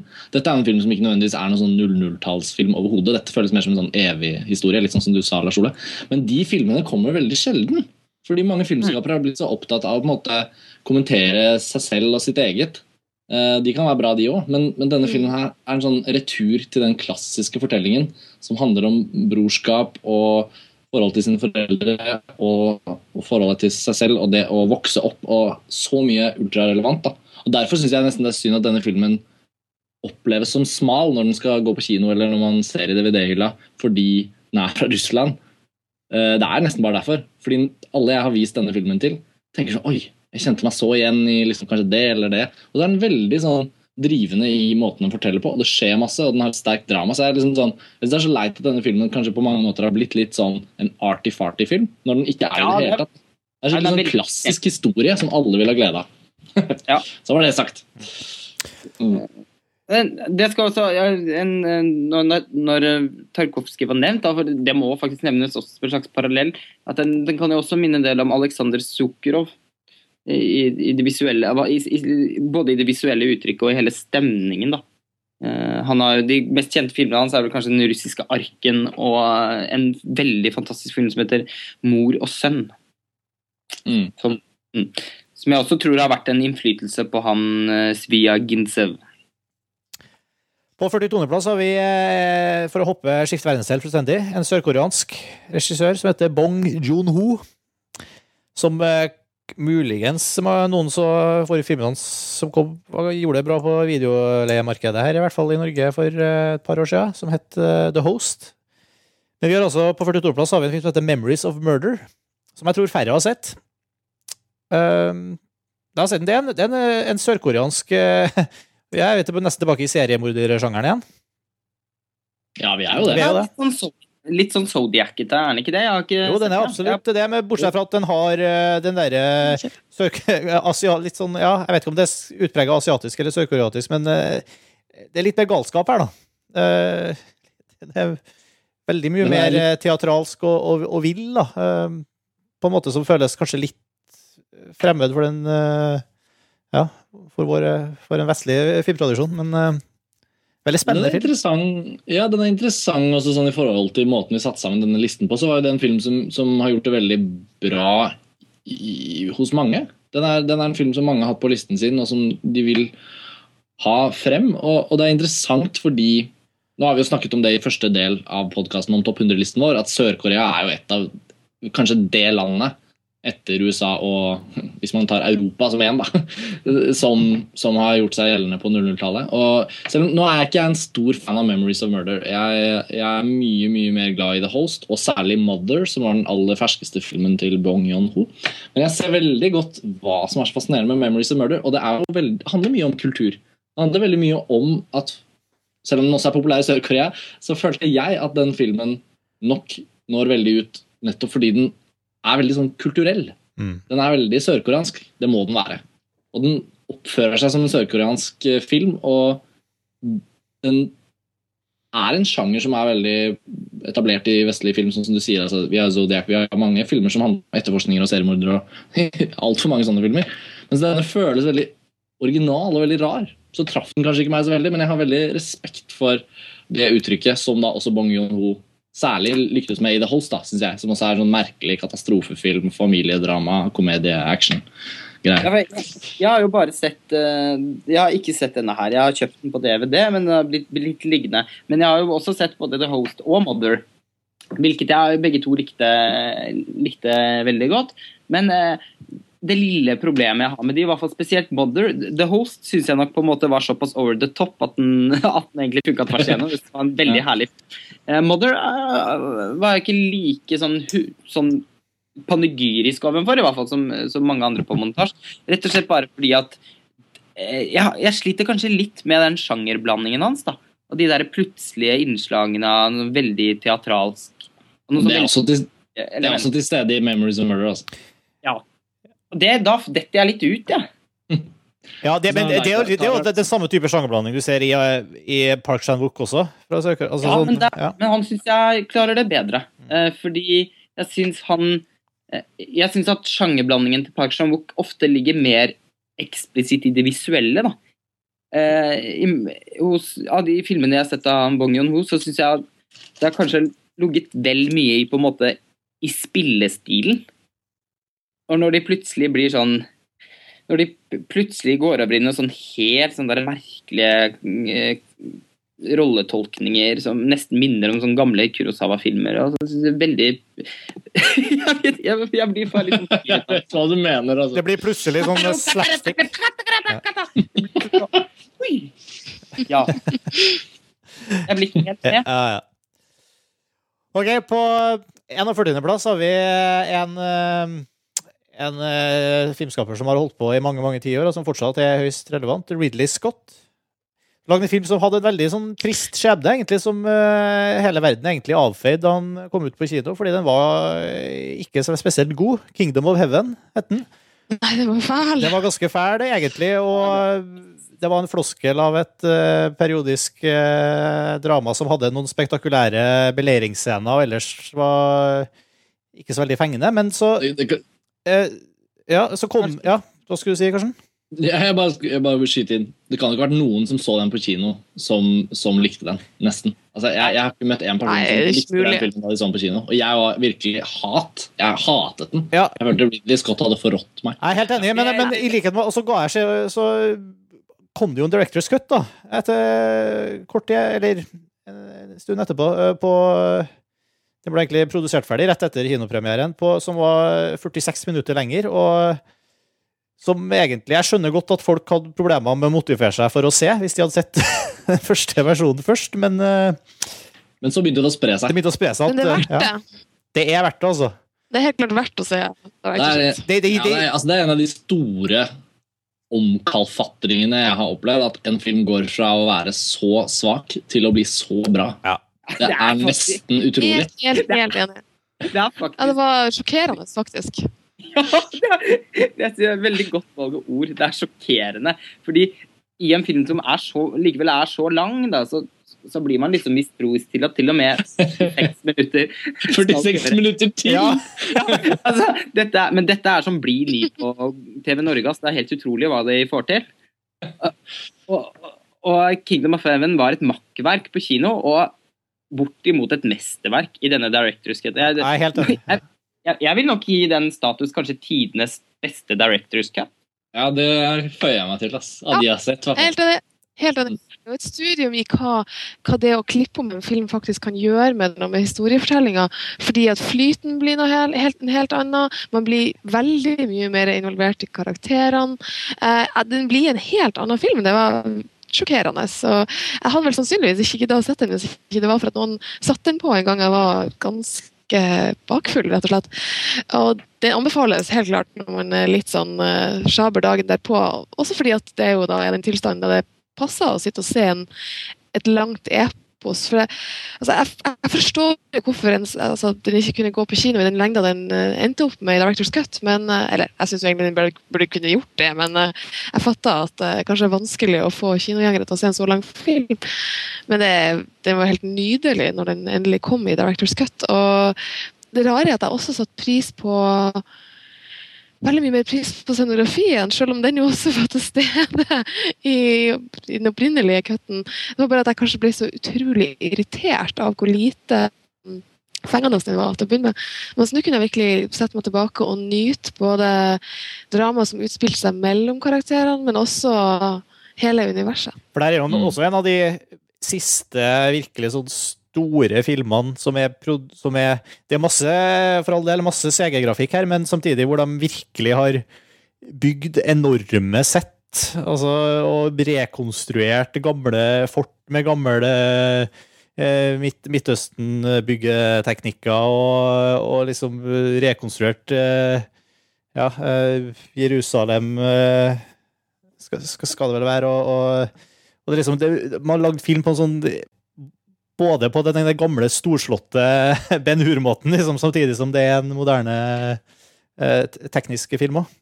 Men Mm. Kingdom of Heaven var jo på en måte med å sette punktum for en sånn bitte liten periode. Ja. Eh, som var på begynnelsen av, på begynnelsen av eh, det tiåret som vi jo diskuterer, så var det jo helt urimelig mange sånn helt gigantiske filmer.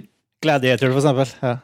Ja, Gladiator og Ringenes herre, Matrix-trilogien altså det var, Og så ble det også en veldig sånn Med Gladiator så ble jo den her litt sånn historical epic-sjangeren vekket til live igjen. Og det var jo Ridley Scott. Ja. Og, og det var jo Ridley Scott. eh, og det er vel fortsatt den aller beste filmen han har laget dette tiåret, men det, det, den kommer vi nok tilbake til siden. Eh, men, men etter den så ble det jo en del avleggere med ganske fryktelige filmer, som, som Troja og King Arthur. Men også to veldig veldig flotte filmer som sammen var med og drepte den bølgen. Og det, Den ene ble jo først flott på Directors Cut, som er Kingdom of Heaven. Og den andre var jo Alexander og Oliver Stone, som jeg alltid har syntes har vært en veldig interessant film. Og som også eh, eksisterer i to forskjellige Directors Cut faktisk på DVD. Og den siste av de, som heter Final Cut, er veldig veldig verdt å plukke opp hvis man ønsker å se den filmen igjen. Men det er det vel ikke så mange som ønsker. Jo, jeg ønsker absolutt å se den igjen. Jeg har bare sett den én gang. Ja, jeg har, jeg har også, jeg har, det har vi snakket om, før, men jeg har veldig lyst til å oppsøke den cutten der. Da. Og, og det, det som kanskje noen burde gjøre, sånn for å avslutte dette her, er jo å faktisk studere hva det er de har gjort i Kingdom of Heaven. For det er jo litt merkelig at den, at den er så god i den versjonen her, og så dårlig i den andre versjonen. Eh, Jeg har ikke gjort noe nærstudie av det. Jeg så den Directors Cutten, det var da andre gangen jeg så filmen. Første gang var da kinoutgaven, og så så jeg Directors Cutten. Og jeg vet jo at det er handler jo mest om karakterer. Det handler jo mest om at vi har gitt relasjonene mellom øh, de viktigste karakterene i filmen har fått vanvittig mye mer rom.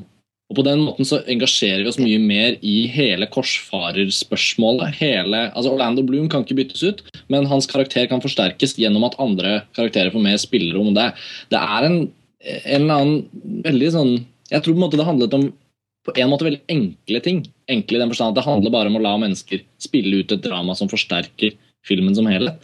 Men at alltid er det som går bort når en film skal bli kortere, er jo en synd. Og noen burde jo også lære av at, at kanskje det er derfor Kingdom of Heaven er blitt så bra. Og det har igjen gjort at jeg har veldig lyst til å se den siste versjonen til Oliver Stone av Alexander. For det var også en film som jeg følte Det lå jo så mye der. Hvorfor fungerte den ikke? Men Alexander er ikke på listen vår. Nei, det er derimot uh, Vi hopper videre, vi. Uh, fra, med, med avsluttende kommentaren. Hvis du bare har sett den uh, kinoversjonen av Kingdom of Heaven, så stol på oss og se Director's Cut. Men uh, neste film, nummer 40, Synecdoche i New York. Skrevet og regissert av Charlie Kaufman. Uh, Den kom i fjor på norske kinoer og gikk uh, to uker og ble sett av 5000 eller noe sånt. Det er mulig at jeg Ikke det engang. Nei, det var ikke sånn en gang, nei. Vi via en hel podkast til den, vi. Vi syntes den var veldig interessant. Eh, og det er, det er en, en av de filmene jeg gleder meg aller mest til å se igjen, faktisk. Um, som jeg ikke har fått rota meg til å gjøre ennå. Eh, Karsten, du eh, vet jeg har den som en av dine store filmer fra i fjor. Det var vel din Ja, favorittfilm, faktisk, for 2009. Det var det absolutt. Jeg husker veldig godt vi, vi tok opp den podkasten om den filmen. Uh, og der syns jeg vi fikk snakket om veldig mye av det som jeg er opptatt av med den filmen. Så jeg tenkte jeg skulle fatte meg i korthet. Fordi den fins jo. Så lytterne våre kan jo returnere til den hvis de er spesielt interessert i Synecdoche New York. Men dette er jo altså Charlie Kaufmans regidebut, men han hadde jo markert seg opp gjennom tiåret med noen av de flotteste filmmanuskriptene, som ble til veldig flotte filmer. Eh, Så, og han fortsetter jo det han har begynt på. Et veldig selvrefleksivt prosjekt med stor rikdom av lag hvor fortellingen foregår på forskjellige plan. Eh, Og det som var herlig å oppleve når man var fan av hans manusfilmer, var jo at han som regissør, etter min mening, også evnet å skape et spennende visuelt fortellerunivers uten hjelpen til f.eks. Michel Gondry eller Spike Jones, som har kanskje lært de beste filmene av hans manus. Så Synectic New York handler om uh, en mann som frykter å dø, og som ønsker å skape det store kunstverket som skal handle om alt det han tenker på og bryr seg om i livet. Og Filmen skildrer hvordan hele hans liv går med til å forsøke å iscenesette en teaterforestilling forestilling som skal få satt fingeren på hva det er han tenker om livet. Men det sliter han med å finne ut av. Og det, det synes jeg bare jeg, Grunnen til at det er min favorittfilm fra i fjor, handler bare om at det bare, det bare traff meg så veldig. Jeg vet ikke, jeg, kan, jeg klarer ikke helt å forklare det. Jeg bare, desto mer jeg tenker på den filmen, desto mer uh, føles den som noe mer enn en film. Noe mer som, et sånn, som en slags liten sånn dyp, vakker, filosofisk liten bok på 40 sider som du har på innerlomma, som du kan ta frem i tide og utide og kikke i. Og få enten et mer dystopisk syn på livet, eller et litt sånn oppløftende, humoristisk innblikk i viktige spørsmål. Så den liksom oversteg det å bare være en film da, for meg. Og da måtte den veldig høyt på listen. Rakk du å se den, eh, du, Kari? Nei, jeg har ikke fått sett den. Det er en av de mange sånne der, åh, den må jeg se-filmene. Så jeg bare hører på det Karsten sier, og kjenner at jeg gleder meg veldig til å plukke den opp. Den er jo vel nå tilgjengelig på DVD, tror jeg. Den er, den er på DVD, og jeg, jeg fikk først eh, sett den på DVD. eh, og eh, jeg på en måte føler at jeg må få sett den flere ganger før jeg på en måte eh, kan kan på en måte eh, føle at det er min film på, på, på et eller annet plan, eh, sånn som den er for Karsten. Men, men jeg syns jo den var ekstremt god når jeg, så den. Altså, jeg, jeg, hadde instinktivt lyst til å se den en gang til med en gang etterpå. Jeg syns det var en eh, jeg synes det var en dypt menneskelig film, og det var kanskje det som jeg ble mest positivt overrasket over. At, eh, fordi, og Det er kanskje den unike egenskapen til Charlie Kaufman. At han, han lager jo alltid frykt alltid noen sånn nesten litt sånn konseptuelle filmer. altså Det er sånn Det er, det er ganske sånn konstruert og, og, og, og veldig sånn tydelig, eh, tydelig fiksjon da, på, på alle måter. Men, i, men likevel så, så klarer han å få det til å til å på, Han får på en måte en sånn fortellerstrukturen sin ofte til å bli et bilde på den indre tilstanden som karakterene hans har. Og det er ofte tilstander som det er ganske lett å leve seg inn i og kjente seg igjen i. Og sånn følte jeg også at det var i Synecdoche New York. Jeg ble helt eh, 100 inn inne i filmen fra, fra første scene, og den holdt meg hele veien. Eh, Fryktelig engasjerende filmopplevelse. Charlie Kaufmans magi, som eh, Han er jo også en av de viktige, de viktige kar, filmkarene i tiåret her. Virkelig. Vi beveger oss videre til nummer 39. eh, Pixar. Finding Nemo. Ja. Det er vel, vi har vært inne på Pixar før, men de, dem er jo også absolutt eh, en av de som virkelig bare loffer ut kvalitetsfilm etter kvalitetsfilm. Det er altså Ja. eh, Eventyret under havet. Det er vel den første fiskefilmen. De går jo liksom fra, sånn, fra univers til univers Ja. hvor man tror de ikke kommer til å klare å animere det, og så klarer de det likevel. Nå skal jeg parafrasere Karsten. Parafrasere. Ja, få høre. Ja, for Jeg husker ikke sitatet korrekt, men jeg husker i hvert fall at, eh, at Karsten sa en gang at ja, men 'Oppdrag Nemo' er jo kanskje, kanskje den beste filmen som er laga om, om å være i havet. Jeg tror du husket omtrent presis det. sa. Men den er jo det! ja, men og jeg, på, på grunn av det du har sagt, så så jeg opp igjen uh, Oppdrag Nemo i juleferien sammen med Ja. min, som ikke hadde sett den før. Å, det var så koselig! Var det det? Var Ja. han enig i at det var den beste filmen Ja, livet under havet? sånn. Ja, men altså, den var på en måte Dette er den eneste av Pixar sine filmer eh, Ja, faktisk kanskje egentlig den eneste eh, som er skikkelig klassisk Disney. Altså, eh, det er den som skylder, skylder mest til Disney-tradisjon. eh, og spesielt den revitaliseringen av Disney med, som skjedde på slutten av 80-tallet med Den lille havfruen, Aladdin, Beauty and the Beast osv. Løvenes konge. Og Løvenes konge, selvfølgelig. Altså, den føyer seg inn i den tradisjonen der, da. Fordi det er en sånn klassisk, rørende, engasjerende historie med masse vendinger underveis. Og så er den veldig vakker, og så er den veldig hyggelig og fin. Uh, Pixars minst interessante film, syns jeg. Eller ikke, nei, altså den har noen som er på, på samme, men sammenlignet med, med, med, med filmer som De utrolige og Toy Story-filmene og, og Wall-E og, og Up og i det hele tatt, så syns jeg på en måte den er mindre interessant. Men eh, Og den vil nok aldri bli min Pixar-favoritt, men på tross av det en helstøpt film innenfor hva den forsøker å være. Ja, det jeg, er liksom sånn, Selv om jeg elsker den filmen, så er jeg på en måte også helt enig. Og Det er så deilig med en film hvor man ikke nødvendigvis føler at det er så mye store spørsmål å diskutere.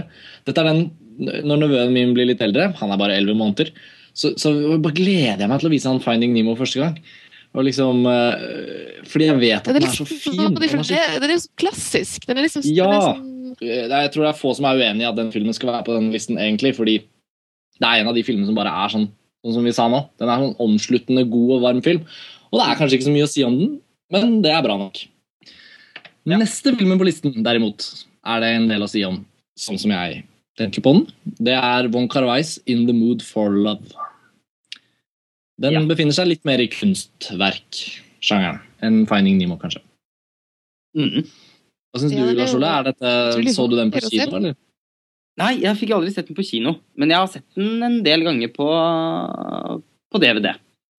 Uh, og det er en film som jeg syns er helt uh, utrolig vakker. Altså, jeg vet ikke. Er det så mye å si om det? Nei, Nei nå høres jeg nesten flåst ut, men altså Det er jo litt som å kaste seg over en konfekteske. Eh, Den er helt usannsynlig vakker, både i liksom Selvfølgelig i måten det er fotografert på, i de fantastisk vakre kostymene. Jeg tror aldri jeg har vært så opptatt av å se på kjoler, kanskje bortsett fra i Marie Antoinette. Eh, Den er, har en helt sånn fantastisk, litt sånn på vei hjem til Nashville-aktig stemning, som jeg syns er veldig forførende. Og så har den fantastisk flott musikk av han Shigeru Umebayashi, som lager musikken til alle filmene til Wong Kar-wai, og som jeg er veldig begeistret for. Når det er sagt, så er det er nok ikke min uh, favoritt-Wong Kar-wai-film. Uh, det har alltid vært Happy Together. Uh, Fram til uh, jeg var så heldig å bli invitert på en visning av deg, Karsten. eh, av, av Blu-ray-utgaven til Criterion av Chunking Express. Som jeg av en eller annen forferdelig grunn aldri hadde fått sett. Eh, Den er jo skremmende bra. ja, altså Du husker jo min reaksjon på den filmen. Det var jo ganske overveldende. Jeg syns jo rett og slett det var noe av det beste jeg hadde sett. Men, Så men når, vi, Ja.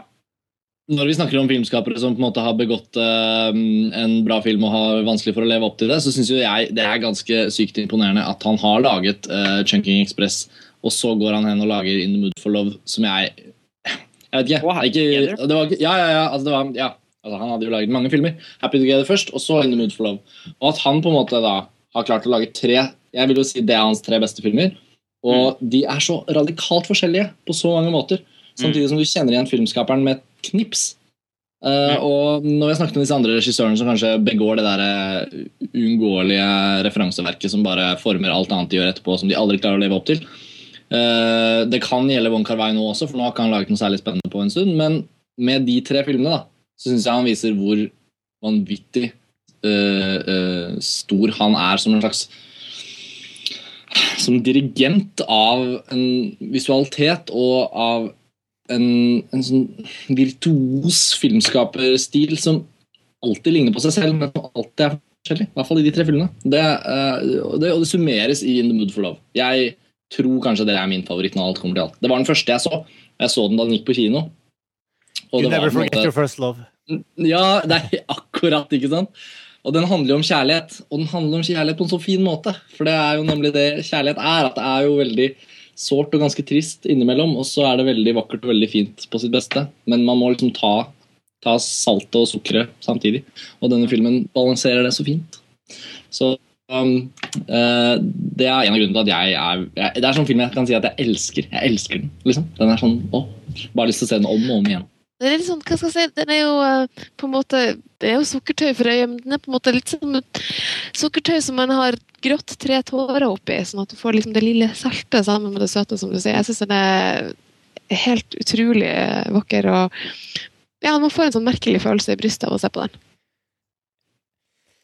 Men nå er jeg virkelig spent på hva dere har å si om uh, neste film på lista.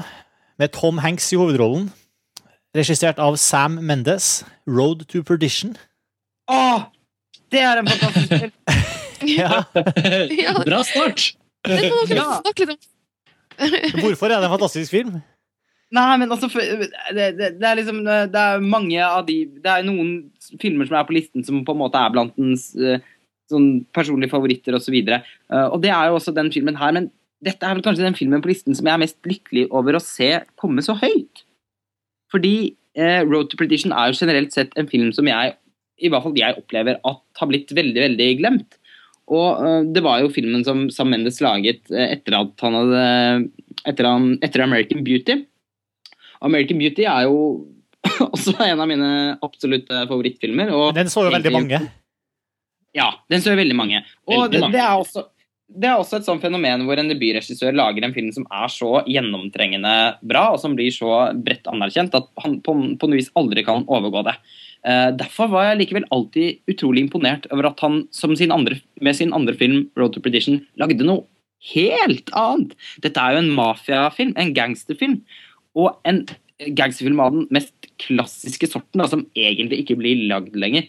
Og Mm. jeg blir alltid skuffet, nesten, i hvert fall etter en liten stund, når jeg ser nye gangsterfilmer og jeg begynner å tenke på Road to Predition, fordi ingenting er jo like bra.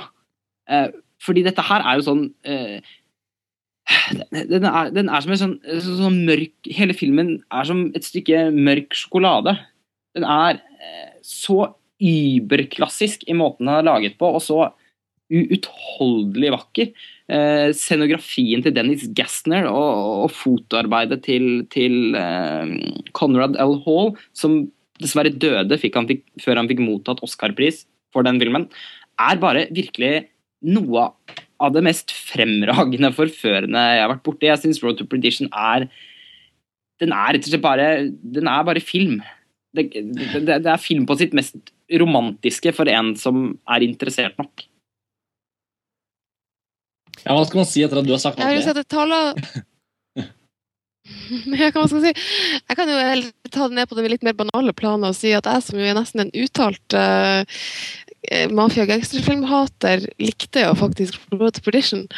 Og de som kjenner meg, vet at jeg sier sitt. Jeg syns jo den eh, ikke er en film som nødvendigvis treffer meg midt i brystet, men som jeg bare står der som en bautastein innenfor godt film filmhåndverk. Og helt klart en film som jeg er glad for å se på lista.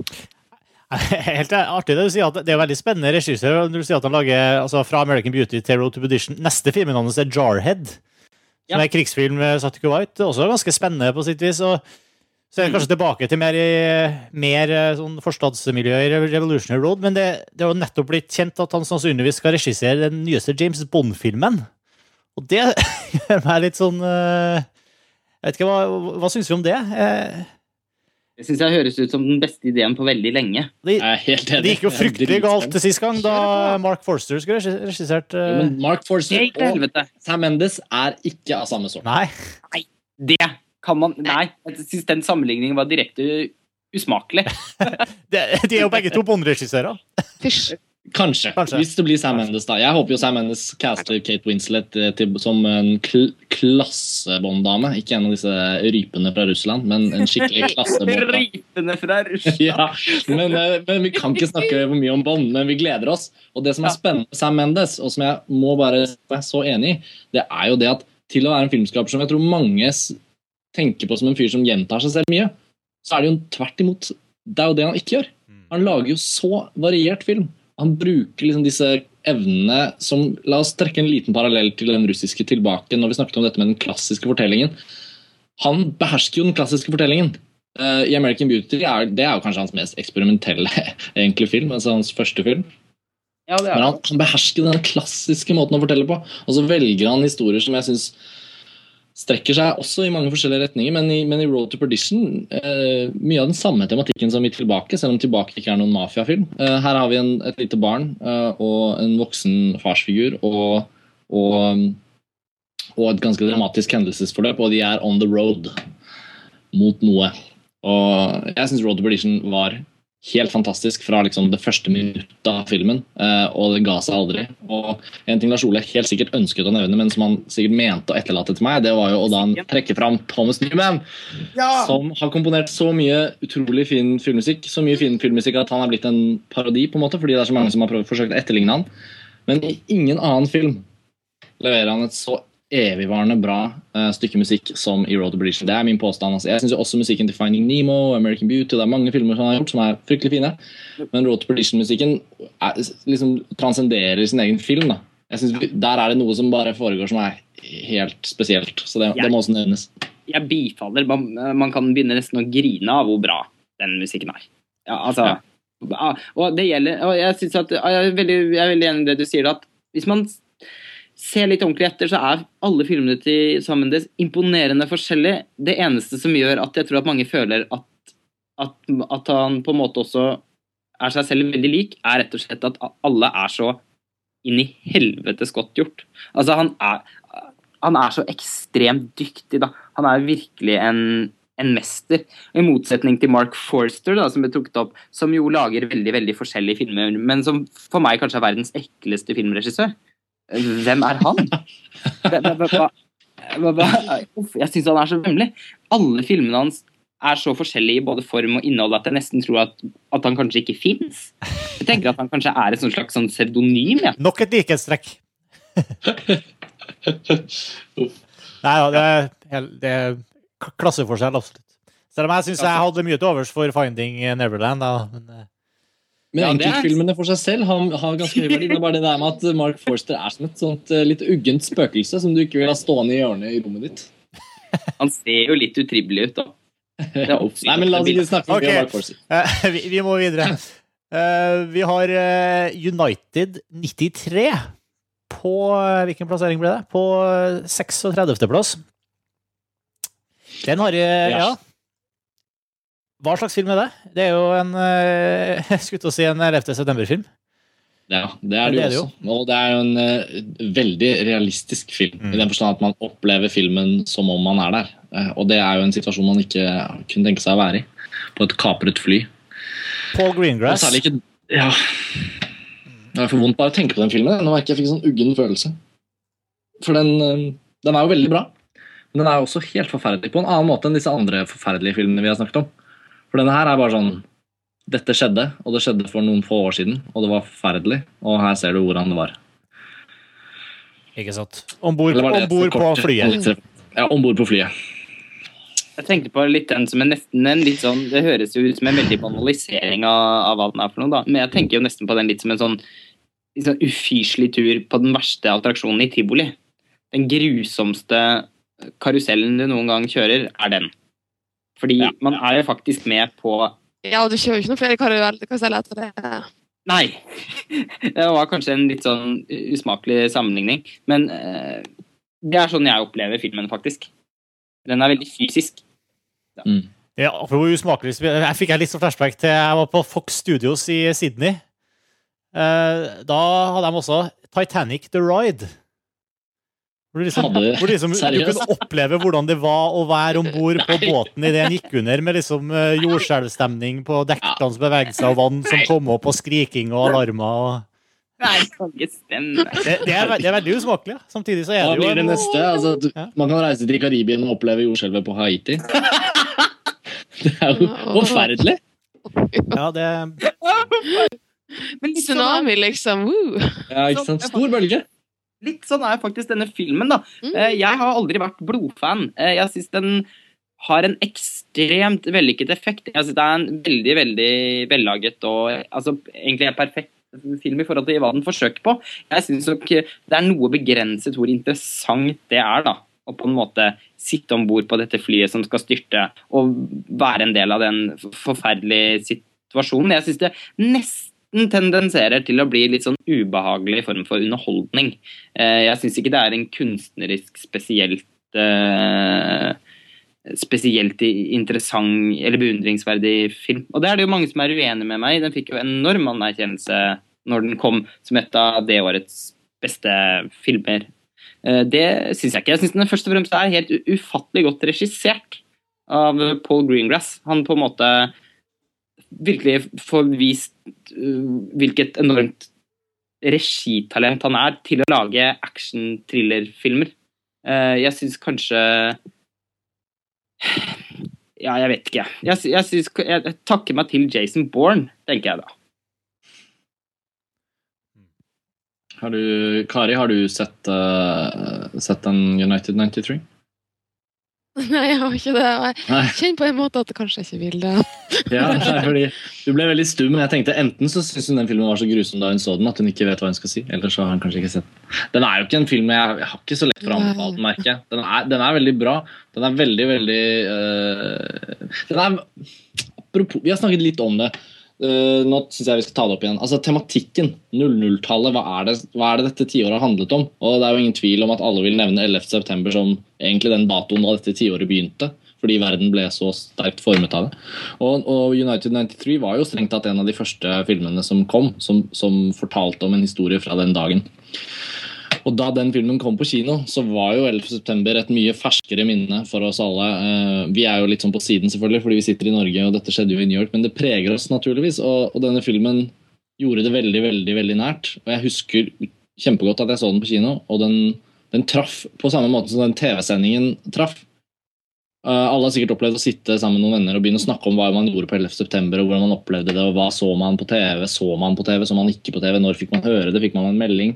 Uh, og, og, den dagen hadde en sånn dirrende ubehagelighet, samtidig som man var veldig tiltrukket av det å følge med og få med seg hvordan dette skulle utvikle seg. Og, litt den samme følelsen hadde man når man satt og så den filmen. Uh, og akkurat da så satte jeg på pris på det, for jeg tenkte så utrolig at jeg klarte å lage en film som gjenskaper den følelsen Eh, og historien i filmen klarer jo å bygge en veldig flott heltehistorie om passasjerene på det flyet som klarte å kjempe tilbake mot kaprerne, og som kanskje ofret seg.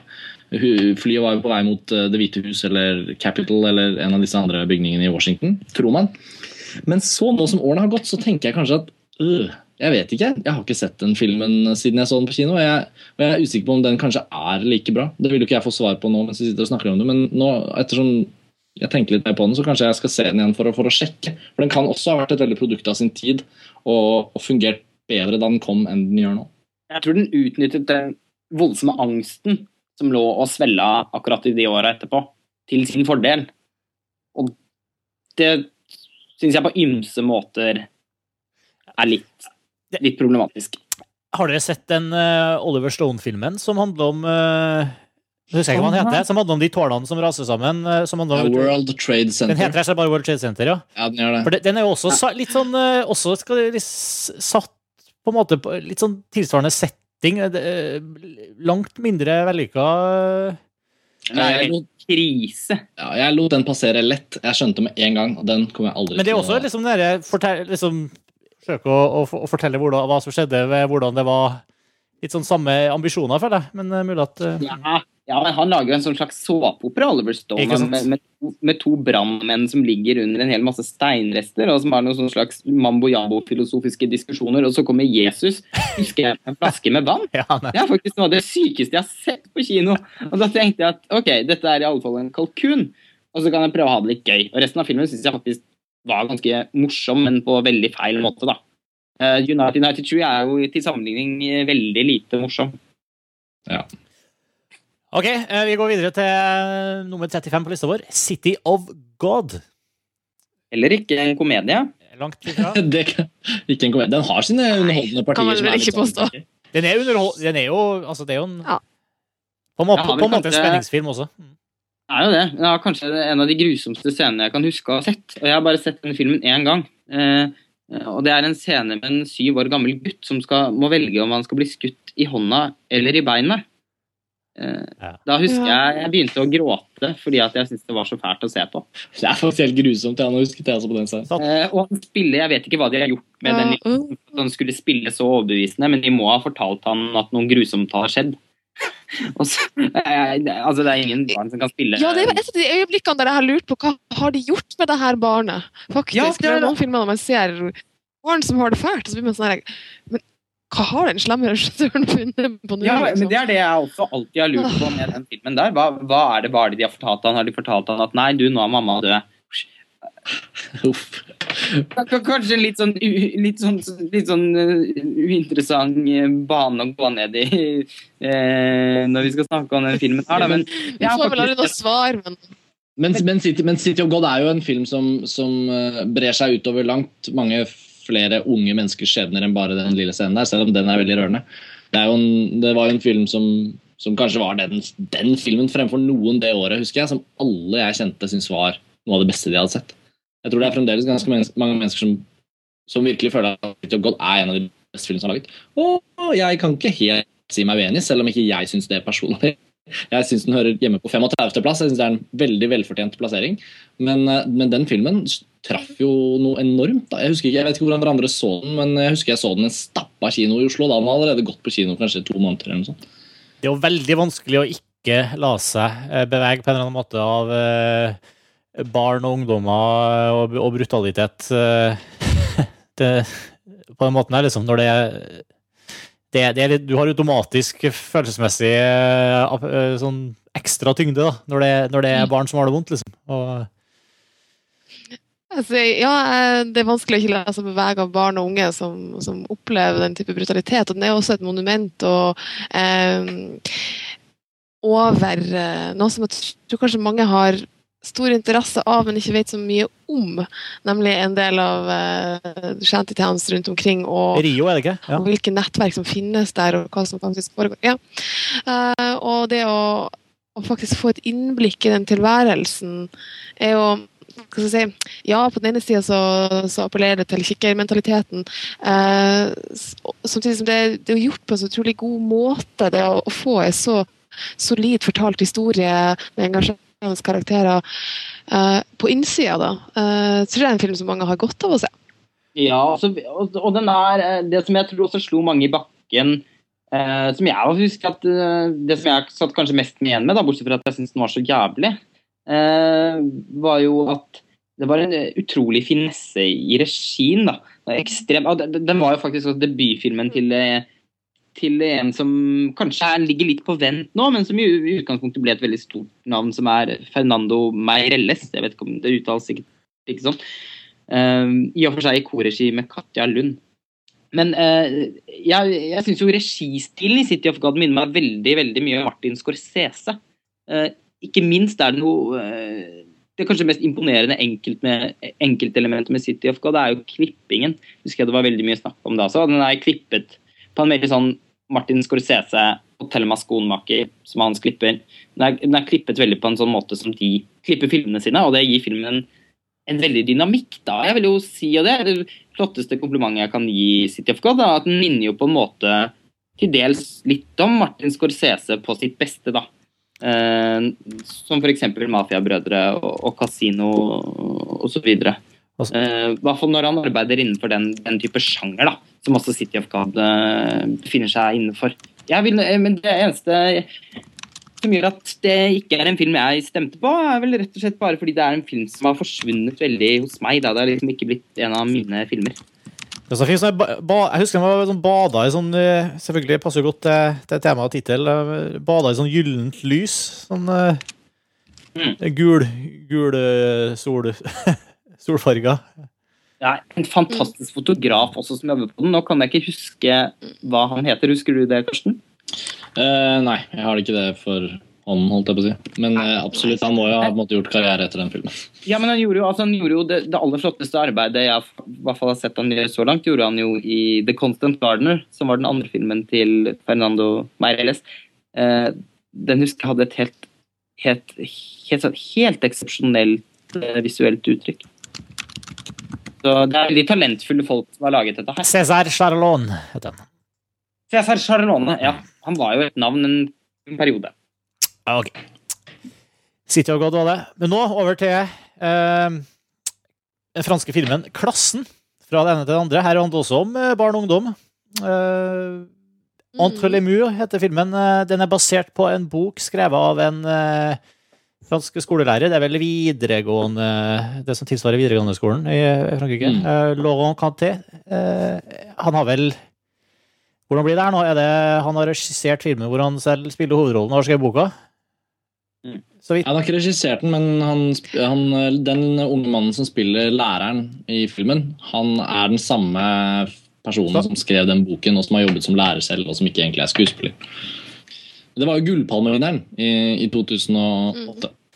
En fantastisk Det som er så imponerende med filmen, her, synes jeg, er at eh, den, han, er en, den er så medrivende og så bevegende og så uh, spennende å se på, Uh, som, når den, samtidig som den handler om så hverdagslige uh, og, og smale tema som du ikke er vant til å se på film. Da. Det handler også om, om det er veldig sånn Det er ikke smurt, det er ikke malt med bred pensel her i hele tatt. Liksom. Det er små situasjoner i klasserommet. Det er små, subtile ting eh, om forhold mellom lærer og elev, om karaktersetting og mobbing, integrering, men det, det er veldig sånn Det føles veldig eh, vir virkelig, da, veldig reelt og relevant for eh, på en sånn hverdagslig måte. Ja, og det er jo snakk om, snakk om det å få innblikk i noe som man vanligvis ikke ser så mye til. Eh, jeg syns den er gjort utrolig, på en utrolig fintfølende måte og, og er veldig ekte. Det viser veldig godt eh, både universelt hvordan eh, situasjonen i et klasserom kan være, og, og i den livssituasjonen de her ungdommene er i, og ikke minst eh, integreringsspørsmålet og, og kommunikasjonen mellom både barn og voksen, og mellom og typen språkbruk som er akseptert i visse grupper og ikke i andre. Eh, jeg syns også det er interessant at da jeg bodde i Frankrike, at jeg syns den veldig godt gjenspeiler eh, drabantbyene rundt Paris. Helt klart eh, del av det jeg møtte på der. Så ja, den er, den er liksom på en merkelig, subtil måte veldig, veldig treffende og veldig rørende. Den er det. Den er, det er også den mest eh, altså Man kan nesten si at sånn skolefilm er nesten en egen sjanger. Altså alt fra, fra Dead Poet Society til Hets av Alf, Sjøberg, som var den første filmen som eh, Bergman skrev manus til, og, og til eh, eh, Rommepenger av Francois Truffaut. Altså det, er, det er jo faktisk nesten en sånn bitte liten subsjanger. Og i Norge har vi også forsøkt oss på den, men da gjennom dokumentarfilmen. Uh, og vi har laget en veldig fin film som heter 'Jenter', og så har vi laget en veldig dårlig film som heter 'Ungdommens råskap'. Som er en utrolig sånn plump og fordomsfull og eh, og helt, for meg, nesten utroverdig skildring av en klasseromssituasjon, på tross av at det er en dokumentar.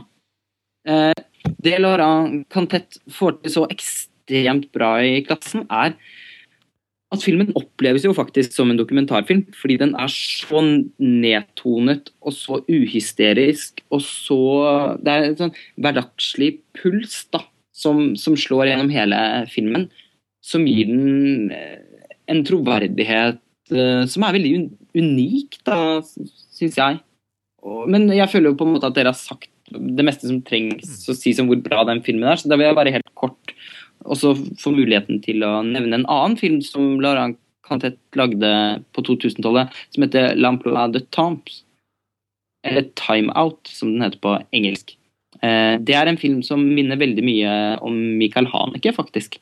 Men uten på en måte brutaliteten som, som, som Haneke har. Men den tar opp veldig mange tar opp et veldig hanekesk eh, veldig hanekesk tematikk, da. Eh, så for de som, som, som setter pris på, på Haneke, så vil jeg jo veldig anbefale den filmen. Og den har blitt trukket fram på mange lister eh, faktisk også, som, som jeg, jeg, tror det var Times sin liste som hadde den blant de Times eller The Guardian, som hadde den på sin topp ti, tror jeg, for dette året her. Mm. Er det noen av dere som har sett den? Nei, og jeg tror kanskje det er nok flere små filmer som lider litt av at, eh, av at vi ikke rett og slett har fått sett dem.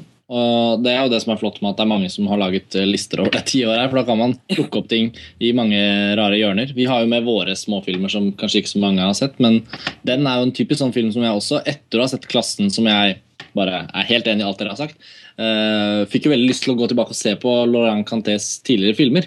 Man merker jo at han har et prosjekt. Og, og Time Out er en av de som virkelig har, har skilt seg ut for meg. Uh, så den, den står på hylla her faktisk og venter på å bli sett.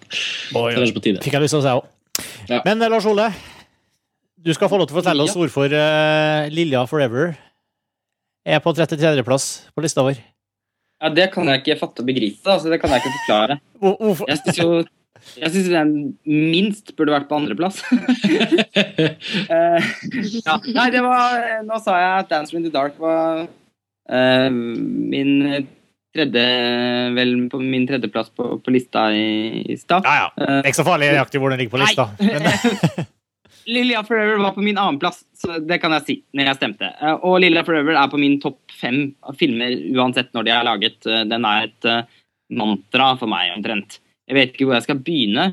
Eh, Den, når den kom Jeg kommer aldri til å glemme den kinoopplevelsen.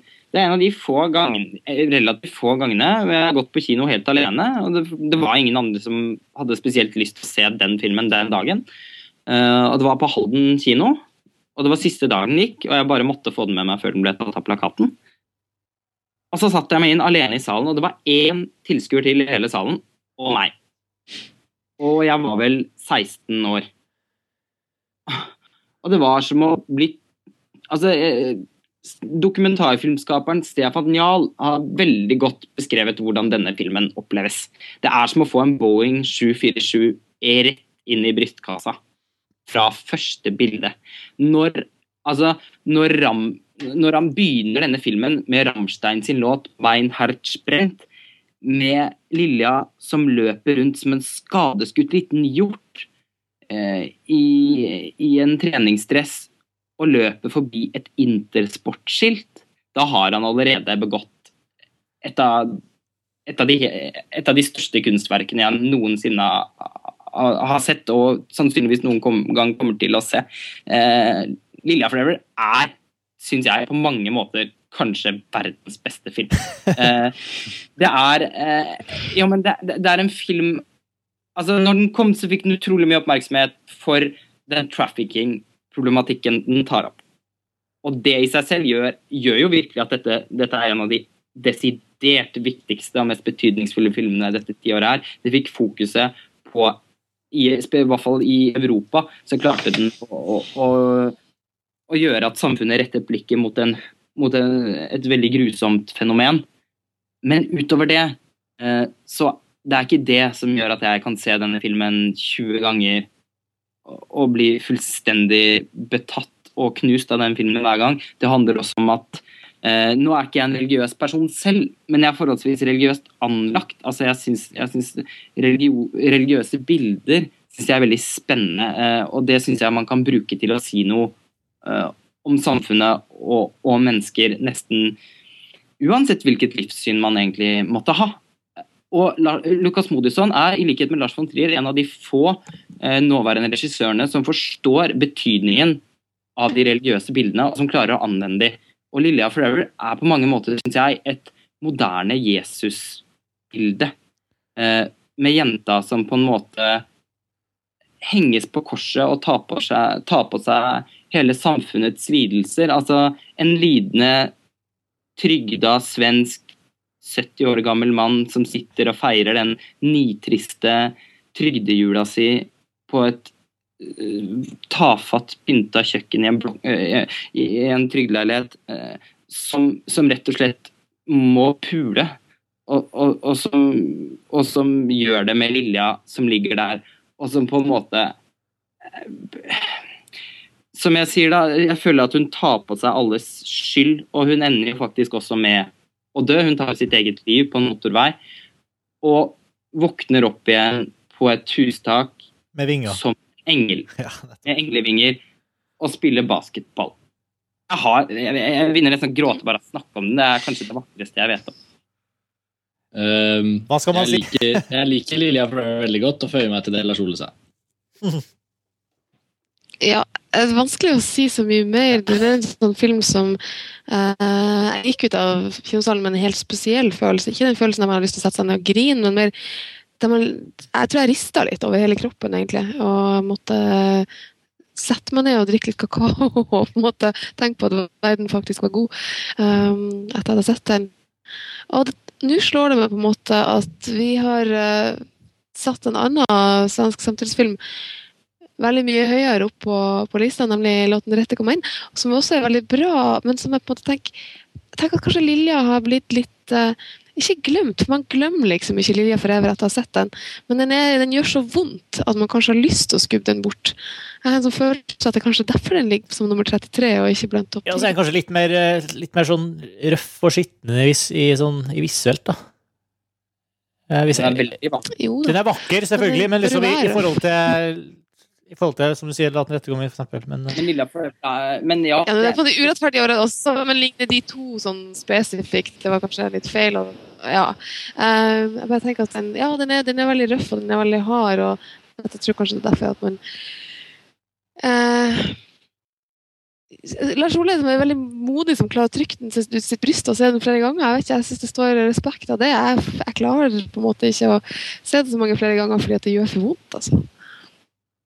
Men det har jeg veldig Det har jeg veldig forståelse for. Eh, det er bare en film som har fått en helt, helt spesiell plass for meg. Eh, og, og det handler egentlig ikke så veldig mye om Mm. temaet den tar opp. Det er mer eh, den den derre mytefortellingen da, som jeg syns at Lucas Modisson klarer å, å lage, som berører meg, rett og slett. Jeg, jeg synes det er et slags, hvis, jeg, hvis det er noe som jeg syns har vært et slags testamente på 2000-tallet, så syns jeg det er den filmen der. I, Mm. og, og da mener jeg det ganske bokstavelig. Et slags testamente. Herregud, hva skal, okay, skal vi- tenke nå? se, se, se Lilla Forever igjen, tror jeg mange får lyst til. Da, folkens, er vi kommet til en historisk eh, eh, punkt i topplist, topp 100-lista vår for eh, 2000-tallet. Vår første og vi kan vel si det eneste Ja. norske film på lista. Reprise. Det kommer kanskje ikke som noen stor overraskelse på de av lytterne våre som følger med på norsk film, for Reprise er vel den norske filmen fra dette tiåret som har fått den type anerkjennelse som rimer med at man er med på en liste sånn som den vi har laget. For den, eh, den har jo opprettholdt den statusen den fikk kanskje allerede i sin mottakelse, at det var en særegent bra norsk film med et eh, uttrykk som holdt det internasjonale standard, både formmessig, og innholdsmessig og idémessig. Um, så, men uansett så er det kanskje, kanskje overraskende at vi ikke har flere norske filmer på listen, og det, det er vel kanskje verdt å ta opp litt før vi snakker om filmen. Ja, hvorfor har vi ikke flere norske filmer på lista? Er det ikke Eller det er kanskje norske så enkelt. Nei. Det var mange norske filmer som var nominert. Vi, vi, vi tok i utgangspunkt i en nominasjonsliste som vi har bygd denne topp 100-listen ut fra. Mm. Og det var flere norske filmer som var nominert. Det var, ikke, det var lite Altså, eh, Salme fra kjøkkenet, De usynlige og Den brysomme mannen. Og Lykkens grøde. Og Lykkens grøde, selvfølgelig. Det er, ja, den er fantastisk. Ja, Ja, ja, Honorable mentions, nevne. som det heter. ja, det synes jeg er verdt å nevne nå. For, fordi dette har jo kanskje vært eh, altså, og, og det vet jeg, det begynner jo vi på montasje snart å bli kjent for, å skrive ganske kvasse artikler om norsk film. Eh, og det, vi gjør ikke det bare for å være kvasse. Altså, på, det er ikke til å komme bort fra at dette tiåret vel antageligvis har vært det beste tiåret for norsk film noensinne. Men det handler jo på en måte mer om at vi tidligere nesten ikke har klart å lage film, med noen hederlige unntak. Og nå har vi på en måte fått i gang en, en kontinuerlig, sånn, litt kvalitetssikret filmproduksjon. Og det på en måte syns vi er veldig uh, flott her i Norge. Men uh, det handler jo ikke om at altså, og, og det har blitt laget mye bra film, men bra uh, er ikke nok til å kunne komme på en topp 100-liste over de beste filmene som er laget i hele verden de siste ti årene. Og der er det vel på en måte bare reprise som hører hjemme, men den hører jo til gjengjeld hjemme på en høy plassering, da. Eh, Som jeg i hvert fall føler at er veldig fortjent, for det er definitivt en av mine favorittfilmer fra dette tiåret her. Så det Ja, samme her. Og det, og, ja, og reprise øh, Du kom jo høyt på ganske mange ganske mange lister når vi øh, bygde Ja, når vi rangerte ut fra hvordan medlemmer av montasjestaben hadde stemt. Så det er interessant å se at denne da har på en måte blitt løftet inn rett og slett basert på kvalitet alene. Og, og øh, det har hatt veldig lite med nasjonaliteten til filmen å gjøre. Så med det så er vi på en måte kommet fram til reprise, da. Ehm, hva slags film er det, Lars Ole? Ja. eh, Det er jo en eh, film som eh, beskriver på en måte, den beskriver et miljø som på en måte du er født og oppvokst i, så det er nesten du som burde tatt den monologen der. Men du, du kan jo få lov til å Jeg, fortsette. prøv, jeg prøvde å rømme fra den. Ja, men det, er, altså, det, er en film om, det er en film om å være ung og ambisiøs. Ja. Og, og det er faktisk for veldig mange ganske enkelt å kjenne seg igjen i, fordi man er jo ofte full av ambisjoner og drømmer når man er ung. Eh, og, og full av overmot på, på, på mange måter. Og, og til slutt så opplever man ofte å merke en sånn slags utilhørighet hvor man føler at i takt med at man ikke får realisert de tingene man drømmer om, så går man mer og mer inn i seg selv, og så føler man seg egentlig ganske fremmed, selv om man sitter midt i vennegjengen sin. Og Det er vel en veldig universal eh, problematikk som jeg tror har gjort at reprise har hatt appell over hele verden. Absolutt. Og, og kanskje en av de tingene du sier der, ved, ved å sitte der midt i vennegjengen, det det er jo noe som, som er veldig vanskelig å skildre. Fordi det er nemlig ikke så lett som det kan se ut i mange filmer. Og det kan alle spotte så lett som bare det, for nesten alle mennesker på jorden har vel på eller annen, et eller annet tidspunkt vært en del av en vennegjeng, stor eller liten. Uh, og de har sin egen dynamikk rundt omkring selvfølgelig i verden. Men, men det å liksom vise hvordan enkeltindividene i en gjeng uh, ikke er noe uten gjengen, og gjengen ikke er noe uten enkeltindividene, men at man skal kunne få lov å være seg selv, og forsøke å finne ut hvem seg selv er. Og Dersom man i tillegg er full av ambisjoner, og som hovedpersonen i reprise ønsker å skrive stor litteratur, som krever en viss form for selverkjennelse, og selvransakelse og innsikt, og ikke minst en evne til å se seg selv og sine venner utenfra. Og, ja, og det, det får de til, disse gutta som reprise handler om. Men, men alt det um, er veldig komplekst, selv om det på en måte er også en sånn vestlig banalitet. Jeg ser jo det. At liksom når alt kommer til alt, så handler jo ikke reprise om de store spørsmålene som betyr noe for liv og død i verden. Men samtidig så lever vi i et Norge som er sånn som Norge er nå. Og jeg husker veldig godt hvordan den filmen, da den kom, ikke bare var en norsk film som, som jeg aldri hadde sett før, av en type kvalitet som jeg aldri hadde trodd vi skulle få til. ærlig talt. Men den var jo mye mer enn noe annet. uh, en fortelling om hva det vil si å være et ungt menneske i ja, Vesten, tror jeg, da, kanskje, men også egentlig i mange andre deler av verden. Men jeg følte det veldig som en smertefullt sann fortelling om hvordan det er å gå rundt eh, i et urbant sted og ha venner og ha ambisjoner, men hele tiden vite bare én ting for sikkert, og det er at man ikke vet hvor man er på vei. Og det syns jeg er så rørende. Ja, det, og jeg, jeg også synes det, jeg synes det, er, det, det er en veldig gripende film også for meg. Og, og det er den på en måte Det var et sjokk å se den filmen. Fordi at den var laget i Norge, det var en Jeg husker at jeg satt og var helt he, altså helt fullstendig forfjamsa. Uh, jeg syns det var den beste filmen i hele verden det året der, og det husker jeg du ikke så. Ja, jeg, jeg, men jeg har jo veldig lite problemer med å på en måte uttrykke min store kjærlighet for reprise, fordi sånn som alle andre filmopplevelser selvfølgelig, så er det jo subjektivt, men særlig her så merket jeg på en måte at det var eh, ytterst subjektivt. Og, Ja, men Men, men, ja, ja. et, et, jeg må bare si, altså, et av de første liksom, argumentene jeg artikulerte for denne filmen, uh, og det står jeg veldig ved, jeg, sto utenfor kinoen. Jeg tror jeg hadde sett den på jo, jeg så den på Saga, i en, sal, en ganske fin sal på Saga, sammen med Eirik.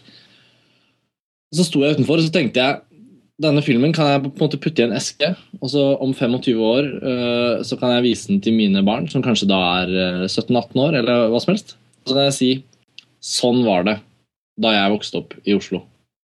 Helt konkret så var jeg ikke en av de karakterene. Jeg hadde ikke noe behov for å skrive en bok, liksom, men ganske nært. Og, og, og sånn var det. Sånn er det.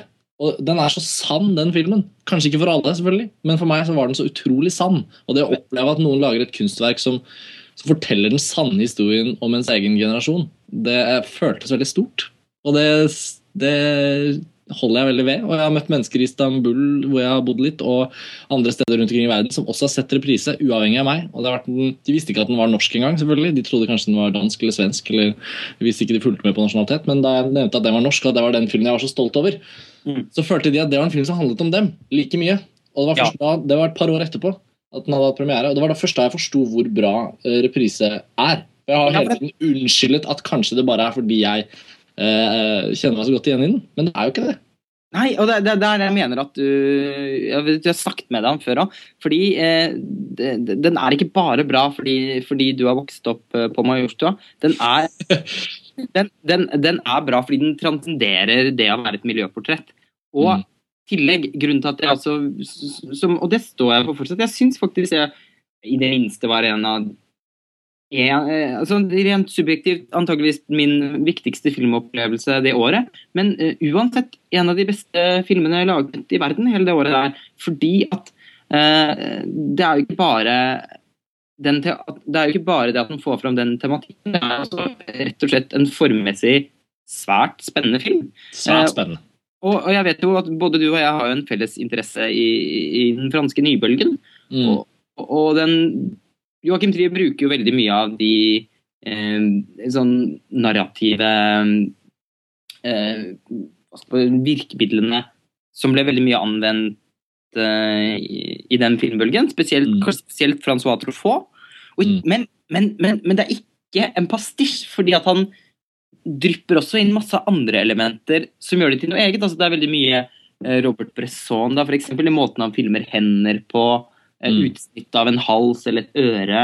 Mm. Eh, som er en sånn type liksom veldig sånn var form for kroppsfetisjering, som, som er veldig Robert Bressonsk. Eh, I tillegg så, så er det noen sånne der svev av Tarkovskij, som, jo- som jo er Joachim Tiers uttalte favorittregissør. Det er, det er en blanding av veldig mye Hvis man er liksom filmhistoriebuff, som vi er, eh, så blir det faktisk også, et veldig morsomt puslespill. Også, Absolutt. og, og, øh, og han har gjort det til noe veldig eget, som gjør at den filmen fortsatt ikke føles som en sånn derre døll øh,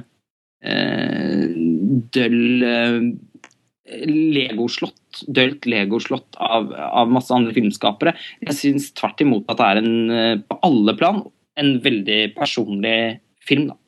Og Det er jo en av de elementene som gjør den så sterk, særlig i en norsk sammenheng. for Nå har vi dratt noen paralleller ut mot verden, men det at den ikke At, at den, den skildrer sin tid, sin tid, men den er ikke et offer for sin tid. Jeg tror ikke dette er en av de norske filmene som kommer til å se kjip ut og høres rar ut uh, om ti år.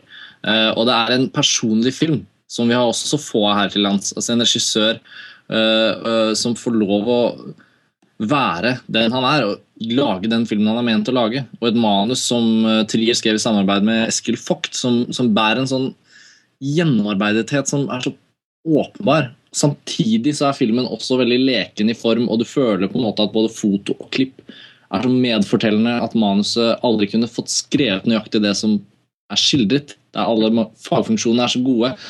Alt det som kanskje ofte blir litt svakt i svakere filmland, er ikke svakt i reprise. Og den hever seg opp, og den dukket opp på ti- topp på ti-lister rundt omkring i mange forskjellige land etter hvert som den hadde premiere i flere land enn Norge. Og den, den står der, da. Så uavhengig Og så må- av nasjon og uavhengig av alt, så, så er jeg veldig stolt og glad for at vi, vi på en måte har fått løftet den til den plasseringen på listen som den har. fordi jeg tror man også kunne lett i Norge unnskyldt seg en bra film, og ikke liksom hevet den opp til den plassen den fortjener, fordi det er på en måte liksom noe vi ikke gjør. Og istedenfor å ha tre filmer surklende ned på 90, noen og 90. plass, så har vi heller da én film som, som vi trekker som vi trekker desto lenger opp. Og det er i hvert fall, før vi går videre til neste, et, et element med reprise som heller ikke må glemmes. da, fordi vi virker jo veldig alvorstunge og nesten pretensiøst inderlige når vi sitter og snakker om den filmen. Det er jo faktisk også en film som er dritmorsom. Ja, veldig. Det er den morsomste norske filmen jeg noensinne har sett. En av de morsomste filmene Og jeg er ikke lett å more. Jeg, jeg ler me mye mer av mennesker og sosiale situasjoner i virkeligheten enn jeg gjør av film. Eh, komedien er på en måte den sjangeren som jeg eh, er minst begeistret for. Eh, men eh, når jeg først syns noe er morsomt, så syns jeg ofte det er veldig morsomt. Og reprise er jo på en måte Altså, Der er det noen replikker og noen situasjoner som jeg syns er helt udødelige. Jeg ler så jeg griner hver gang. jeg. Den er veldig morsom. Veldig morsom. For eksempel. ja. Men det er jo tre-fire år siden reprise kom. Hva gjør Joakim Trier nå?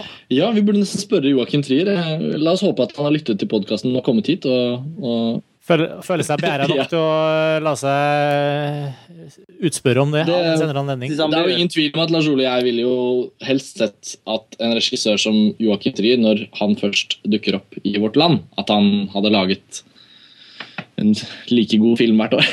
Eh, Men han har ikke laget noen filmer eh, siden reprise. Han har jobbet mye med reklame og jobbet lenge med å skrive et nytt manus sammen med Eskil Vogt.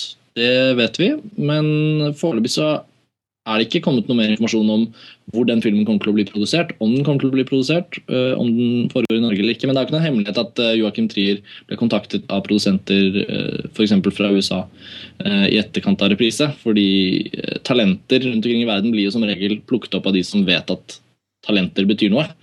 Talentutviklingen i Norge har ikke så, så, stått så sterkt. Så jeg håper virkelig at ikke vi på en måte mister Joachim Trier. Men Joachim Trier må jo også få lov å lage akkurat de filmene han helst vil lage selv. Så det blir veldig spennende å følge med. Det var altså eneste norske film, reprise på, lista, på topp 100-lista vår for tiåret. Eh, Derimot så er det veldig mye amerikansk film. Eh, Og det neste er også amerikansk. eh, På en tredjeplass, Into the Wild. Regissert av Sean Penn. Eh, Det er med Emil Hirsch i hovedrollen. Han spiller en ung mann som eh, Ja, vi må nesten si eh, melder seg ut av samfunnet og eh, trekk, tar på seg ryggsekken og, og trekker ut i, på en walkabout som ender opp i, i villmarka i Alaska etter, etter noen år. En veldig Veldig sånn Hva skal vi si eh, Eksistensiell film. da. Som, eh, som ikke bare er usedvanlig vakker, men også veldig I hvert fall fikk meg veldig til å Veldig motiverende, rett og slett. Inspirerende til å liksom se Se litt eh, Se gjennom livet sitt litt, for å si det sånn. Jeg er veldig enig med deg. Ja. Det er kanskje nesten den filmens, frems, den filmens fremste kvalitet er vel akkurat det du sa der.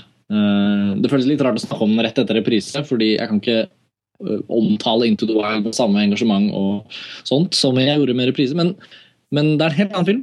Og kvaliteten til Into the Wild, akkurat som du sier, er den, den følelsen at man blir revet med av en sånn type inspirasjon som handler like mye om at man på en måte liker å se at han tar det valget. At han bare sier 'nå går jeg ut, nå selger jeg alle mine ting'. No more belongings, liksom. Og bare legger ut i marka. Og man får så lyst til å liksom bare Å, ja! Livet kan bli så statisk, og vi sitter bare her. Det er viktig å bruke jorden.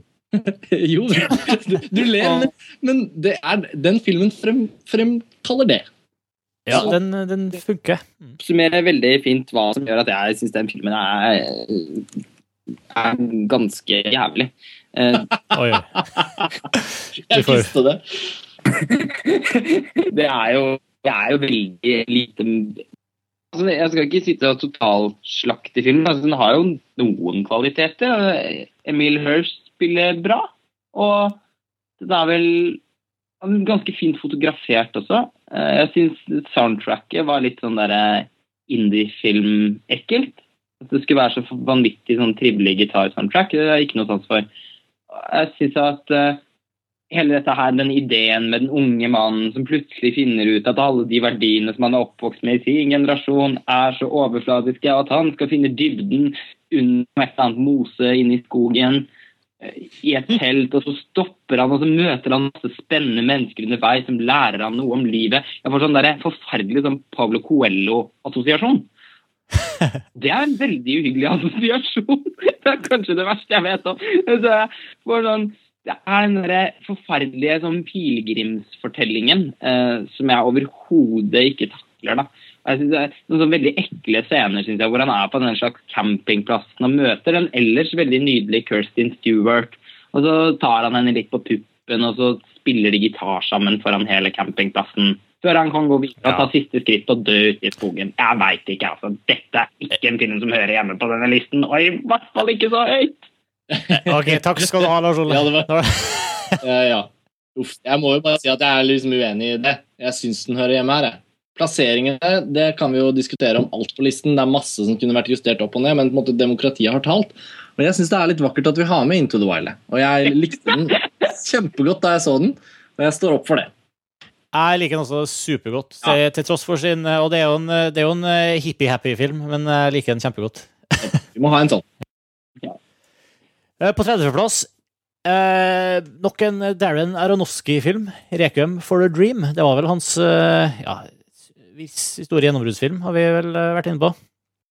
Ja, det kan det vel ikke være tvil om. Det er et ganske stort filmfenomen, egentlig. Ja, absolutt.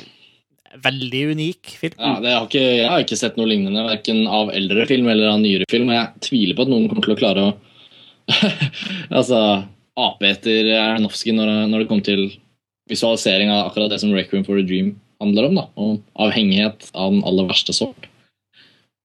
Ja, og her er det jo visualisering av mareritt igjen, som er et gjengående tema Ja. i, i mange av våre favorittfilmer. Men uh, det er jo først og fremst uh, formmessig at han virkelig skinner her, da. Uh, det er lenge siden jeg har sett filmen, faktisk. Er det noen som har sett den nylig? Jeg så den for et par år siden. var sist jeg så den. Mm. Ja, det er litt sånn samme her. Det er jo nok en gang, Dette høres jo ut som et gjennomgangstema. Det er jo ikke en film man får så veldig lyst til å sette seg ned og, kose seg med på en søndagskveld. Uh, men den er jo et vanvittig For det første så er den jo en ekstremt sterk opplevelse når man opplever den for første gang. Og samtidig, eh, jeg har vel sett den fire-fem ganger, tror jeg, og det handler jo ekstremt mye om et type gjensyn med den, den briljansen, vil jeg kalle det, som, som Aronofsky beviste fra sin første film. altså Allerede i Pi så ser man jo at dette er en regissør med et helt, helt, helt særegen stemme. Men i Requiem for Dream så, liksom, så er det jo på en måte så Det er så åh, Jeg finner ikke det riktige ordet. det er liksom Alt sitter sammen som en sånn Du kunne ikke tatt ut ett bilde, liksom, føles det som. Du kunne ikke tatt ut én lyd. Det ville ikke vært det samme. Den er sånn komplett, men også helt jævlig komplett på sitt verste. da. Den, den insisterer på bildene sine, den insisterer på tematikken sin, og den må kjøre på og kjøre på. Og dette er jo en nedadgående spiral, for å si det mildt. For de som ikke har sett den, så, så handler den jo i hvert fall Den viktigste avhengigheten den skildrer, den som er mest profilert, er jo rusavhengigheten til hovedpersonen, som spilles av Jared Leto. Men uh, Ja, der er- det- Og rusavhengigheten til mora hans. Ja, jeg er litt uenig med deg der. Særlig. Jeg syns det er moren som er den jeg absolutt føler meg mest som, Det er den avhengighet, karakteren hvis avhengighet gjør at jeg blir mest uvel, i hvert fall. Ja, ok. Ja. Men la, mot, eh, mot de er jo på en måte to, to avhengigheter av samme art. Jeg føler ikke at de står opp mot hverandre nødvendigvis. Nei da, absolutt. Og jeg er jo veldig enig i alt du sier rundt at altså, dette her er jo den, Filmen er så til fingerspissene gjennomført på alle tenkelige plan.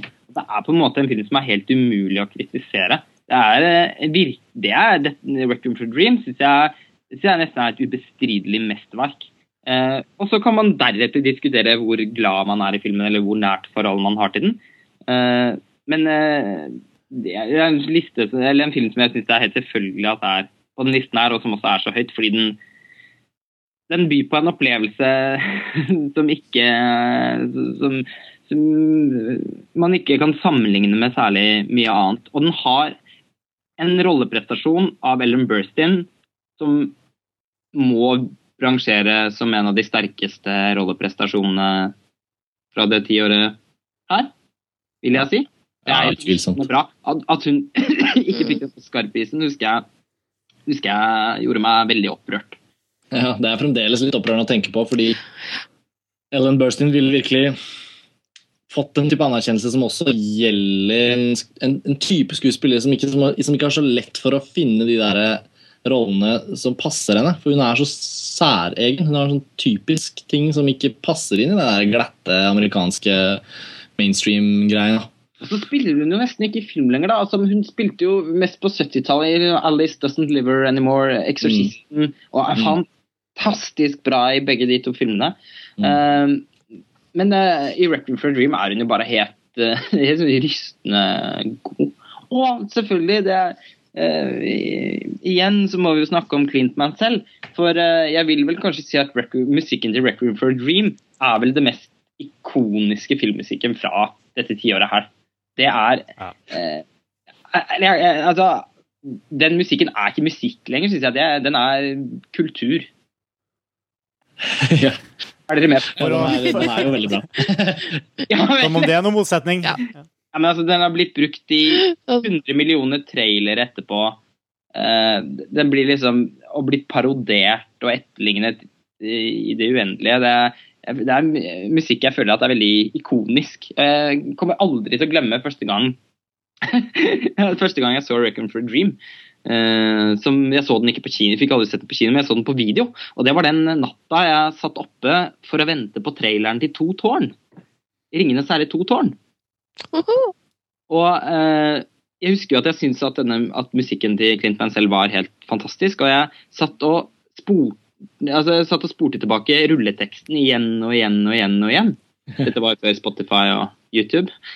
For, for å liksom høre dun, dun, dun, dun, dun, dun, igjen og igjen og igjen. Og igjen. Og så når traileren da til slutt kom, så brukte de jo den musikken, og da trodde jeg faktisk at det hadde blitt helt gæren, husker jeg.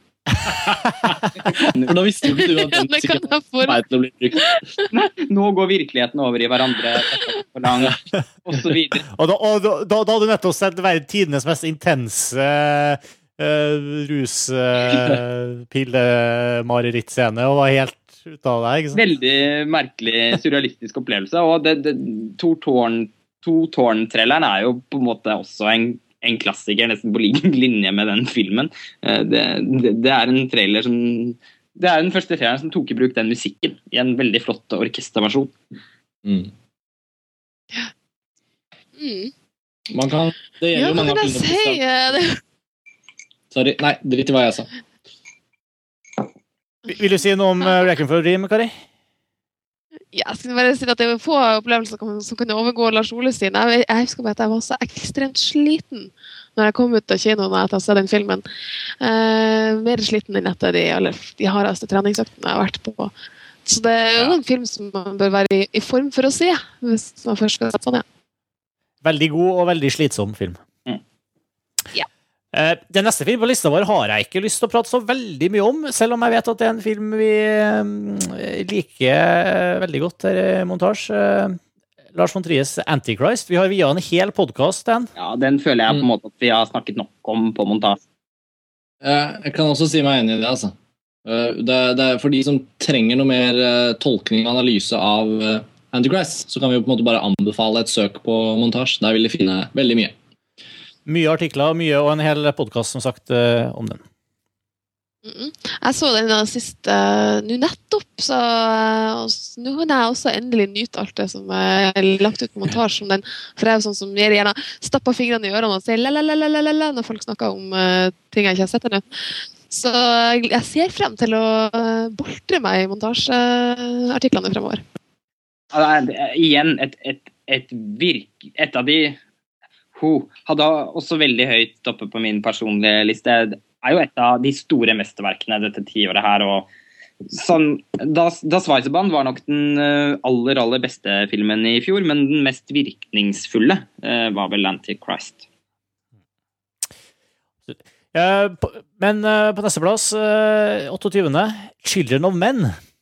Oh, En, eh, Da har vi er returnert til mere, Mindre unison, eh, kan du kanskje si. Den har, men likevel har vi stemt den opp veldig høyt på lista vår. Ja. Jeg bare tenkte på dette med Alfonso Cuaron, Ja. eh, som er regissøren bak eh, 'Children of Men'. Han ble jo ganske heftig debattert i kommentarfeltet på vår aller første artikkel om topp 100-listen vår, hvor vi presenterte plassene fra 100 til 76. Og vi har snakka om den før på Det har vi jo ja, absolutt gjort. Han er jo en av disse regissørene som vi må nevne. Eh, Spesielt fra 00-tallet, for han har jo virkelig laget mye spennende film. Eh, Og 'Children of Men' er jo den filmen som listen vår i hvert fall sier at er hans fremste. Men så kan man jo diskutere det. Jeg liker Ja, 'Children of Men' veldig godt. Uh, Men vi diskuterte mye om det her når vi diskuterte Harry Potter og Fange fra Azkaban. Og jeg husker vel i hvert fall at jeg og Eirik og muligens også Kari var enig om at den kanskje var den beste filmen hans? Ka- Nei. Å, nei. Ok. Der vil jeg ikke være med. Nei, jeg syns, jeg syns jo 'Children of Men' er klart best. ok. Det er bra. Men uh, hvordan, hvordan står Ja, det? Jeg har jo da rang- rangert 'Children of Men' øverst på min liste over Å, ja. filmene siste. Ok. Ja, det er jo en eh, fantastisk eh, Ganske unik eh, fremtidsvisjon. Og en, eh, hva er det som gjør at du setter den så høyt, Kari? Er det eh, historie? Er det teknisk? Er det kombinasjonen? Er det Det er nok eh, helheten. Og, men igjen, som med ganske mange andre filmer jeg elsker, så ser jeg på en måte Kan jeg se skjønnhetsfeil, men jeg elsker den like fullt. da. Eh, jeg syns jo både jeg, synes, jeg, er veldig glad i eh, den type filmer, den type univers. Postpolitiske filmer er jo noe som står høyt i kurs hos meg. Men da må det være gjort, gjort godt, og det må være gjort med en intensitet og en inderlighet, og det syns jeg den er. Og jeg syns det også er fabelaktige skuespillerprestasjoner utenom da hun som spiller den, eh, den unge gravide. Der butta det litt imot, sånn syns jeg, da. Og det er kanskje den, den lille skjønnhetsfellen som må til for å virkelig elske filmen, kanskje. Det er Eh, en liten skjønnhetsfeil, da. I så fall. ja, det er vel en liten, journalistfeil, kan man si. Andre har sikkert andre innvendinger. Jeg syns jo at den er drivende god fra begynnelse til slutt. Jeg syns karakterene er, kjempeflotte. Jeg syns jo Clive Owen er en kjernekar. Og jeg er også veldig, veldig begeistra for eh, hva skal jeg si, den, den, hvordan han klarer å, å, å bruke scenografien på den måten han gjør og lage shantytowns som ikke er shantytowns sånn som man kanskje kjenner fra varmere strøk, der du har mer varme farge og, og, og uh, yrende liv. Du har et yrende liv, men på den der sånn bleike britiske måten. Altså, Den er så full av britiskhet til å være laga av en meksikaner. Men den er eh, at eh, det er jo sikkert Er den ikke det? Den er hva for noe? Så- er vel basert på en britisk roman? Jo, PDJ. ja, Er den ikke det? Jo. Jo. Ja, Novel, The Children Det er of Men, PJ James. Mm. ja, ja. Det er kjempe Så Ja. den er på en måte Det er naturlig at den eh, sikkert også er Men jeg er også enig i at den har den der regntunge, grå britiskheten over seg. Eh, og jeg er jo eh, Vil også eh, Selv om jeg er veldig, veldig veldig glad i Harry Potter og Fangen fra Skaban, og derfor er det min, Harry- min Alfonso Cuarón-favoritt, eh, så betyr ikke det at jeg ikke syns at eh, 'Children of Men' er en strålende film, for det syns jeg. Jeg husker at jeg så den tre ganger på kino, faktisk. Eh, For jeg var veldig fascinert av den da den kom. Jeg var nok hakket mer fascinert av den da den kom, enn det er nå. Det er på en måte ikke en av de filmene som har overlevd veldig i meg. Men eh, det jeg husker da, var en forferdelig suggererende en sånn, Nesten helt sånn forgiftende filmopplevelse, da. Som hadde et utrolig vakkert visuelt uttrykk. Altså han fotografen, Emanuel Lubeski, han er jo virkelig en av de beste fotografene som har jobbet dette tiåret her. Han ble Oscar-nominert for den filmen, og han tapte for, eh, for fotografen på Pans labyrint. Det synes jeg er helt utrolig, fordi fotoarbeidet i 'Children of Man' er utrolig mye mer ekspressivt og spennende enn i den filmen. Eh, og kamera Det vil jeg jo i hvert fall si at en scene som jeg føler at allerede har på en måte manifestert seg som en slags moderne klassiker, er jo den her enormt lange steadicam-tagningen som foregår litt ut i filmen, hvor det kommer blod på linsa, eh, og, som, som bare varer og varer og varer, hvor man til slutt bare sitter og gaper fordi man er så imponert over den rent tekniske prestasjonen da, som Det er jo to sånne scener i den filmen her som, eh, står, som får den type eh, omtale. Det er jo, det er jo det er den der lange kampscenen eh, inni den bygningen med de tanksene og skytescenene litt ute i filmen. Så er det jo en scene ganske tidlig eh, på vei i, i en bil. Ja, ja. I og utafor og rundt en bil, hvor kameraet beveger, gir deg en veldig sånn eh, rar eh, følelse av å sitte midt inne i biler sammen med en bil som egentlig er stappfull, hvor det ikke er noe plass til en kameramann. Eh, Mm. og kameraet beveger seg inn og ut av bilene og eh, inn og ut av øynene til de forskjellige menneskene som sitter i biler. og Det er en helt sånn absurd teknisk å lese. Det var en veldig interessant debatt nå som har traversert litt på nettet så jeg og i diverse filmfora og podkaster sånn om det var en eller annen kar som skrev en artikkel som fikk mye omgang, hvor, hvor han liksom kritiserte veldig at det var en, eh, noe å, beundre filmen for. da. At det var noe som man satt og sa sånn Å, så kult, det var imponerende, men at det egentlig ikke bidro noe til, til, til, til filmens eh, skulle du si, historie eller innlevelse. Sånn. Jeg Eh, er fullstendig Jeg er helt uenig. Helt uenig. ja, jeg er også helt uenig. Det var jo noen av tingene jeg virkelig liker ved filmen, er jo nettopp de scenene. Ja. Men det er noen som alltid skal ja, dokumentariske sånne følelsen at du faktisk sitter i denne bilen og altså, du får liksom den, det trøkket og den angsten som man faktisk får av, av vold inn på kroppen. Da. Det, jeg har jo opplevd liksom, Jeg har kanskje vært med i en bilkrasj i sitt liv eller opplevd en voldelig situasjon på nært hold. og det, det, Da får man en sånn adrenalinrush som er helt utrolig.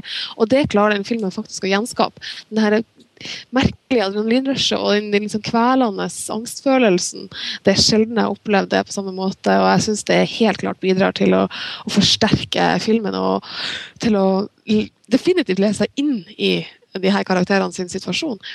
Ja, for det, for det det jeg syns er selve styrken her. Også, at det er det virkelig det eh, verdensbygginga, og så eh, evnen til å hive deg inn i den verdenen så, eh, så tett innpå den, liksom. Så, så midt inni den. Jeg har sjelden vært så redd når jeg har sett en film, egentlig. Yes, det var 'Children of Men', i hvert fall. Alfonso Cuarón, det er vel Er det andre eller tredje filmen hans på lista? Det er Det er den andre. Det er den andre. Yes. Vi nevnte så vidt uh, Fausts labyrint. Hans labyrint. Pans labyrint. Pans eller labyrint. Labyrinto del Fono. Faus, ja. eh, Fono. Pans labyrint. Nevnte labyrint, ja. Og den eh, neste Det er nesten pussig at de kom rett ved siden av hverandre. Ja. Ja, faktisk. Ja, ja, ja. Det er De var de morsomt det jo- det at de er to av mine favoritter. sammen. De kom jo, altså det, det må jo også nevnes at det, det er en trio med meksikanske filmskapere. Det er Alfonso Cuarón, som vi har snakket opp og ned om. Og så er det jo eh, Alejandro González Inaritu, som jo har laget Babel og Elskede kjøtere, som vi har snakket om tidligere. Og så er det Guillermo del Toro. Og de tre er jo bestekamerater, får man inntrykk av i hvert fall. Og de er jo produserer hverandres filmer, og de har på en måte utviklet et slags imponerende filmkollektiv, da. Og det er veldig kult, fordi det er tre veldig forskjellige filmstemmer men som på en måte har eh, på, en, på en vis er litt fra samme generasjon. da, Nå er vel Inarito ganske mye yngre enn de andre. Alfonso Cuarón har faktisk holdt på ganske lenge. Han har jo eh, et par ganske kjente filmer fra 90-tallet også. Ikke minst en film som heter The Little Princess, som er veldig bra. Eh, men i alle fall så kom jo eh, dette året hvor disse tre filmene, Babel, Children of Men og Pans labyrint kom, så var det jo en sånn Mexico-feber. Jeg husker det, det ble skrevet opp og ned om disse tre her, og jeg husker på, på Oscar-utdelingen hvor de tre kom sammen. og uh, Det var utrolig mye buzz rundt de. Uh, på en eller annen måte så er det litt trist å tenke på at man liksom aldri har eh, sett noe særlig mer komme etterpå. Alle har på en måte vært liksom plaga av prosjekter som ligger i limbo og som bruker fryktelig lang tid på å utvikle seg. og Guillermo del Toro har vel på en måte Ja. Nå lager han jo Hobbiten, da, og det er vi vel alle lykkelige Så har han laget Hellboy og Hellboy 2. Ja, det kan man jo kanskje ja, diskutere. Hellboy synes jeg også var flott. Labyrint er helt fantastisk, og det er jo helt klart en type film som hører hjemme i mitt univers. Jeg elsker jo eventyr. Uh, og det var interessant at du trakk fram filmfoto, for jeg syns fotoet i Pans også er aldeles nydelig. Uh, jeg syns det er så utrolig hvordan han klarer å veve sammen eventyruniverset, men også den her uh, altså, bruken av lys for å, å fremstille den her ekstremt fascistiske og grusomme mannen, eh, som samtidig er veldig vakkert. Den, det kjølige månelyset som jo slettes ikke er realistisk sånn på fargeskalaen i det hele tatt. Det har mer en slags blågrønn farge. Eh, jeg har sjelden sett noe som klarer å, å male en karakter i så, så sterk grad. Da. Ja, men altså eh, i, eh, Som jeg sier så ofte altså, det, Igjen, ikke ment som noe kritikk. til altså, jeg syns jo også Pål labyrint ser helt nydelig ut. eh, Men det er bare i forhold til fotoprestasjon da, så syns jeg det er mer snakk om et klassisk sjangerfoto. Mens jeg syns at eh, det visuelle uttrykket i, i 'Children of Men' var litt mer eh, eksperimentelt, da, opplever jeg. Men, men filmen Ja, det er det men filmen eh, syns jeg er fantastisk fin. Eh, og jeg er også veldig, veldig glad i eventyr, da. Så det blir på en måte litt uimotståelig for meg, hele universet. Og det er en sterk film også. Det er en veldig rørende historie. Den er jo satt til eh, Den fikk jo Det er jo ikke minst en ekstremt mørk og veldig voldelig film. Eh, ikke noe barnefilm. Eh, den skildrer jo, den foregår under den spanske borgerkrigen og skildrer jo de grusomhetene som foregikk der på en ekstremt eksplisitt måte. Og det er på en måte den kontrasten Ja. Mellom, det og den her utrolig vakre eventyrverdenen som hun hovedkarakteren eh, lever seg inn i, som gjør at den filmen blir så minneverdig på så mange måter. Da. Eh, ja, nei, en film jeg kan se som jeg aldri kommer til å slutte å se. Ja, jeg syns Pans Det er eh. Ja, jeg må bare si noe, for jeg føler eh, Nå ble jeg litt stille. Men Pans labyrint, det er en vakker film. Uh, ikke bare visuelt, men den filmen slo meg som et sånt veldig vakkert portrett av et barn. Uh, og det er mange av de filmene vi har på listen vår som handler om barn som gjerne befinner seg i fare. Lilja Forever, vi snakket om det, hun er jo selvfølgelig en ungdom, på en måte, og det er vel i Pans labyrint òg. Men barn som utsettes for grusomheter. City of God, vi snakket om det. uh, men som på en måte gjennom, gjennom en fantasiverden, sånn som i Pans labyrint, eller gjennom andre midler som de bruker for å bare takle at ting er så forferdelig. Der er jo filmmediet utrolig godt for å skildre den typen historier. Det, det, det egner seg. Pans labyrint for meg er en sånn, sånn filmfilm. Jeg kunne gjerne lest det som en liten eventyrbok. Den, den er jo så klassisk som en eventyrfortelling at den ville sikkert passet til det òg. Men som film så syns jeg den på, på et veldig, veldig medrivende sett da, utnytter filmmediets potensial til å skape en sånn empati for det lille barnet.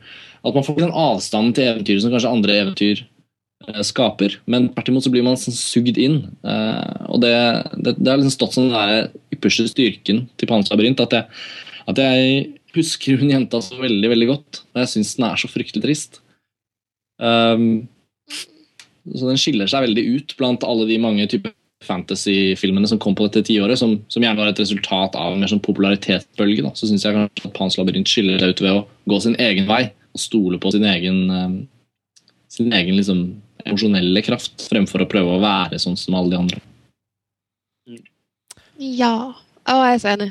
Jeg blir så glad i Jeg, jeg er også helt enig. Jeg har ingenting å tilføye. Ikke jeg heller. Eh, men jeg er helt enig. Uh, derimot så er jeg litt Etter det så jeg er litt overraska over å se 26.-plassen vår, som er Batman Begins. Overrasket på hvilken måte? Ja, det skjønner ikke jeg heller. Nei, jeg, jeg syns ikke det er noe dårlig film på ingen måte. Jeg bare eh, Jeg har ikke falt meg inn å rangere den så høyt, da, eh, noensinne, egentlig. Jeg har sett den flere ganger. Eh, Hva, hva gjør den så bra? Karsten? Ja, jeg, jeg tar gjerne den hansken, men uh, Ja, vær så det god. tenkte mange av oss. Jeg, jeg, jeg ble litt overrasket. Er den, må den forsvares? Nei, jeg vet ikke. Må, må Jeg, kanskje ikke jeg, det. har ikke, jeg føler nesten ikke at jeg den, Det har ikke mentalt forberedt å forsvare. Nei, ok. Nei, så, så det bare jeg som er det, det, Nei, jeg vet liksom eh, Kari, er du enig med Ja, nei, jeg kanskje blir sånn hm, Hvorfor Ja. Kanskje den er så høyt, men ja, 26.-plass. Jeg syns hun er en fabelaktig film, så det hører helt klart til godt hjemme på Linst. Jeg syns ikke den er bedre enn verken uh, Pans labyrint eller Children of Men. Uh, Slett ikke. Jeg synes de, men jeg syns jo de er fantastiske, da. Så, og nå gjorde jeg en sånn håndbevegelse for å understreke det som gjerne skulle vært med. Ja, altså, jeg var veldig letta da Batman Begins kom, fordi det var en jeg syns det var en eh, ganske OK Batman-film, for en gangs skyld. På, på, på, på, på veldig lenge. Ganske OK. Ja. Ja. Det er jo, det er jo Stisser du tungen, Lars Ole? Ja, jeg, jeg syns jo dette var eh, filmen som gjorde at Christopher Nolan ble en mester. Enkelt og greit. Han hadde laget en, en eh, litt Litt sånn eh, for meg Litt, litt sånn kons, Litt sånn for konseptuell og på mange måter egentlig litt mislykket film, syns jeg, med Memento. Uh, men som jeg på en måte Som jeg kan beundre vel. Som- Den kommer, vi, den kommer vi tilbake til. den kommer vi tilbake til. Uh, Det er en film som jeg kan beundre, men som, jeg, som jeg ikke elsker. Uh, Og så syns jeg han laget en veldig overraskende god og respektabel remake av Insomnia. Men med Batman Begins så ble plutselig Christopher Nolan et enormt navn. Fordi han revitaliserte jo ikke bare Batman, han revitaliserte jo en hel sjanger. Og så kan man jo si at Spiderman eh, eh, hadde på en måte gjort det et par år før. eh, fordi den var jo den som satte superheltfilmen på kartet igjen, og også den første X-Men-filmen. Eh, eller de to første X-Men-filmene. Men Batman Begins Det var jo den første tegneseriefilmen i, i hvert fall i den bølgen der, da, som ikke var en tegneseriefilm. Christopher Nolan har jo laget et mer sånn slags eh, Et skikkelig drama, da. Eh, med en skitten fargepalett, mørkt, eh, truende univers. Eh, Inge, veldig, veldig veldig lite av den tegneserie'ikonografien da, som man gjerne forbinder med, med sånne typer filmatiseringer. Og den har jo eh, et soundtrack av Hans Zimmer og James Newton Howard som er så suggererende at man kan høre på det tusen ganger. Den er utrolig spennende. En veldig, veldig fin eh, versjon av selve Batman-myten. Og, og den det veldig, finnes jo veldig uendelig mange sånne Begins-filmer som skal fortelle hvordan Altså Wolverine jeg vet da faen. Eh, men, men Batman Begins er jo faktisk en film som takler å for sånn Begins-filmer er jo ofte ganske kjedelige Begins-filmer, merkelig supersjanger. Men sånne typer filmer blir jo ofte ganske kjedelige, da, fordi det blir bare eksposisjon. Og så sitter man og venter, og så får man på en måte aldri noen forløsning. Eh, men i Batman Begins så får man jo faktisk det. Jeg syns den er utrolig godt skrevet. Han var jo ninja, faktisk. Ja, og det var så mye spennende elementer som som, som, kom inn der, og, og, den er så godt skrevet. Og den er veldig veldig godt spilt av, av Christian Bale, som bare ble Batman med en gang. Og kan aldri Noen andre kan aldri være Batman igjen etterpå, syns jeg. Eh, Michael Kane i en ny, aldeles nydelig birolle. Eh, jeg syns bare det Og ikke minst var det faktisk en film som om mulig var bedre andre gang enn første gang. Det er en film som jeg kommer til å Snakke om tredje og fjerde. For ikke å snakke om tredje og fjerde. Det er faktisk en film som jeg kommer til å fortsette se alltid.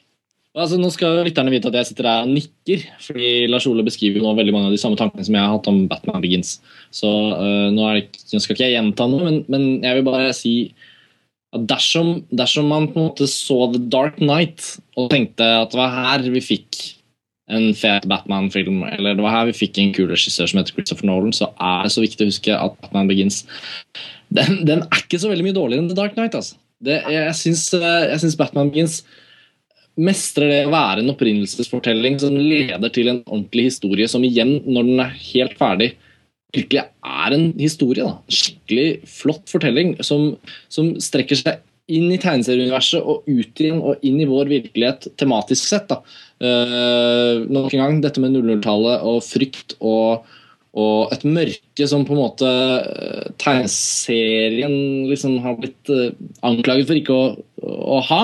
Tegneserien er liksom bare tull, det er bare tyggis. Uh, hvis Spiderman fikk lyst til å på en måte se at tegneserie kunne være film og funke, og ikke bli teit, og at X-Men fikk lyst til å liksom tro at uh, tegneserien kunne være et stort univers, så var det Batman Begins som fikk oss til å forstå at tegneseriefigurene kan virkelig være et filmatisk måltid hvor det er et ekte alvor. Og at tegneserier er ikke tull. Nei, og jeg tenker, Hadde det vært jeg som hadde skrevet disse Batman, mye av Batman-fortellingene som inspirerte dem når de har skrevet eh, Begins og Dark Knight, har jo vært uh, litt sånn uh, på siden altså liksom Batman-historien ble skrevet i diverse tegneseriebøker på 80-tallet. F.eks. Frank Miller skrev Batman Year One. Den har, de, den har de ikke gjort, men den, er, måte, den ligger jo der som en sånn, en sånn det, det, det, gir en viss gjenklang, det vi ser som Nolan prøver på. Mer enn noe annet så, så tar han liksom ting på alvor og gjør det til en ordentlig voksenfilm.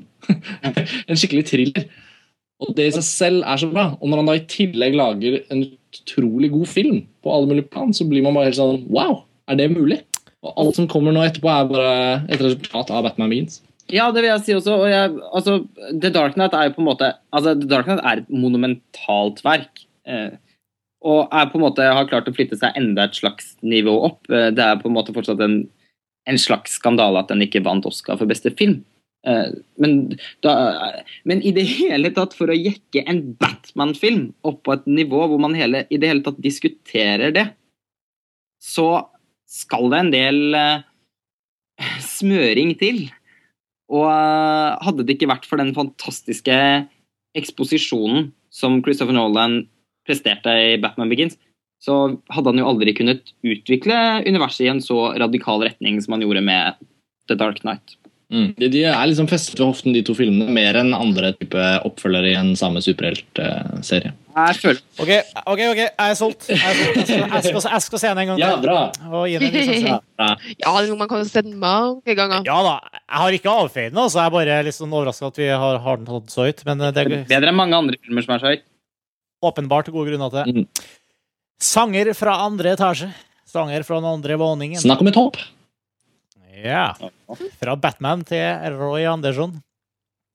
Eh, Karsten, Ja, fortell oss om sanger fra den andre våningen. ja jeg, kan, øh, jeg kan begynne, i hvert fall. Dette, Den er i hvert fall litt, litt bedre enn Batman Begins. Eh, Ja, ifølge vår liste så er den da et hakk bedre Ja. enn Batman Begins. Altså, alle disse plasseringene er jo, er jo litt relative. det er bare tull, vet du. film, Ja. er jo en god, god unnskyldning til å prate om gode filmer. Og det, er jo, det viktigste er jo at uh, Roy Andersson er representert med sin aller beste film, spør du meg. Uh, Sanger fra andre etasje er jo uh, Hvor begynner man? på en måte? Det er jo Mer enn noe annet så er det jo et veldig veldig særegent filmverk. Det kunne vel knapt vært laget av noen andre på noe annet sted. Det, er, uh, det føles som et helt unikt filmverk. Den ligner ikke på noe annet, uh, i hvert fall i min filmverden. Den, den, den, beslekt, den er jo beslektet med, med, med ting, men den fremstår som en veldig veldig original film. Og jeg husker veldig godt første gang jeg så den. Det var noe av det særeste jeg har opplevd. Jeg tror ikke jeg likte den egentlig så godt første gang. Jeg, jeg kjedet meg litt. Uh, så begynte jeg på en filmskole oppe i Lofoten som, uh, som var eh, en veldig fin opplevelse for øvrig. Men der, der fikk man plutselig tid til å sette seg litt mer ned med film, for det var ikke så mye annet å finne på. Og da endte jeg opp med å se sanger fra andre etasje. Så jeg tror det sånn tre ganger i løpet av én helg. Fordi det var en annen i klassen min som var veldig inspirert og som ville, ville at jeg skulle liksom sette meg litt mer inn i den. da. Og det tok jo ikke veldig mange gjennomsyn før den bare steg og steg og ble bare sånn, og brettet seg ut som, eh, som det store filmverket den er. da. Så mm, jeg liker den veldig veldig godt og syns den absolutt fortjener å være der den er. Det er en liten intro. Jeg vet at Lars Ole, som med veldig mange andre filmer, kan si ganske mye om denne. Ja. Men det var helt utrolig, og den er litt spesiell. Og jeg syns det er veldig deilig å se at filmskapere kan eh, komme med den type filmer, og at de faktisk ja, blir sett av såpass mange. Jeg tror Det må bli sett av ganske mange. Den, eh, den har jo gått eh, på en måte land og strand rundt. Og det å, å kunne male den type tablåer og snu på ting på den måten når Andersen gjør, er helt unikt. Eh, det gjør at det blir veldig for en slags merkelig respekt. Altså Man kan få respekt av folk som mestrer det å fortelle historie, en klassisk historie, men det å klare å gjøre noe så eget eh, gjør at jeg blir like fjetra hver gang. Mm. Og, og Roy Andersson er jo Han er kanskje den eneste sanne perfeksjonisten som lever eh, i dag. Og er, man har ikke mange perfeksjon... Altså, perfeksjonisme i, i ordets eh, helt bokstavelige betydning. Eh, det er det faktisk ytterst få filmskapere som er. Og Det handler ikke om at filmene deres ikke er perfekte, det handler mer om hvordan filmskaperen tenker når han lager film. Og jeg vet egentlig kanskje bare om to filmskapere som jeg virkelig tenker at er perfeksjonister, eh, perfeksjonister og det var Stanley Kubrick, og så er det Roy Andersson. Han jobber jo faktisk i mange, mange år med filmene sine. Og han er jo selvutnevnt perfeksjonist. Han sier jo før, han, før, han, før hver film han lager, så sier han jo og det er ikke så mange, så sier han jo alltid at han skal lage et mesterverk. Eh, For hvis han ikke skal gjøre det, så syns han ikke det er noe vits da, i å bruke så mye tid og krefter på, på å lage film. Og han, har- og han har jo dette Studio 24 hvor han sitter og, og får bruke den tiden han trenger omtrent. da.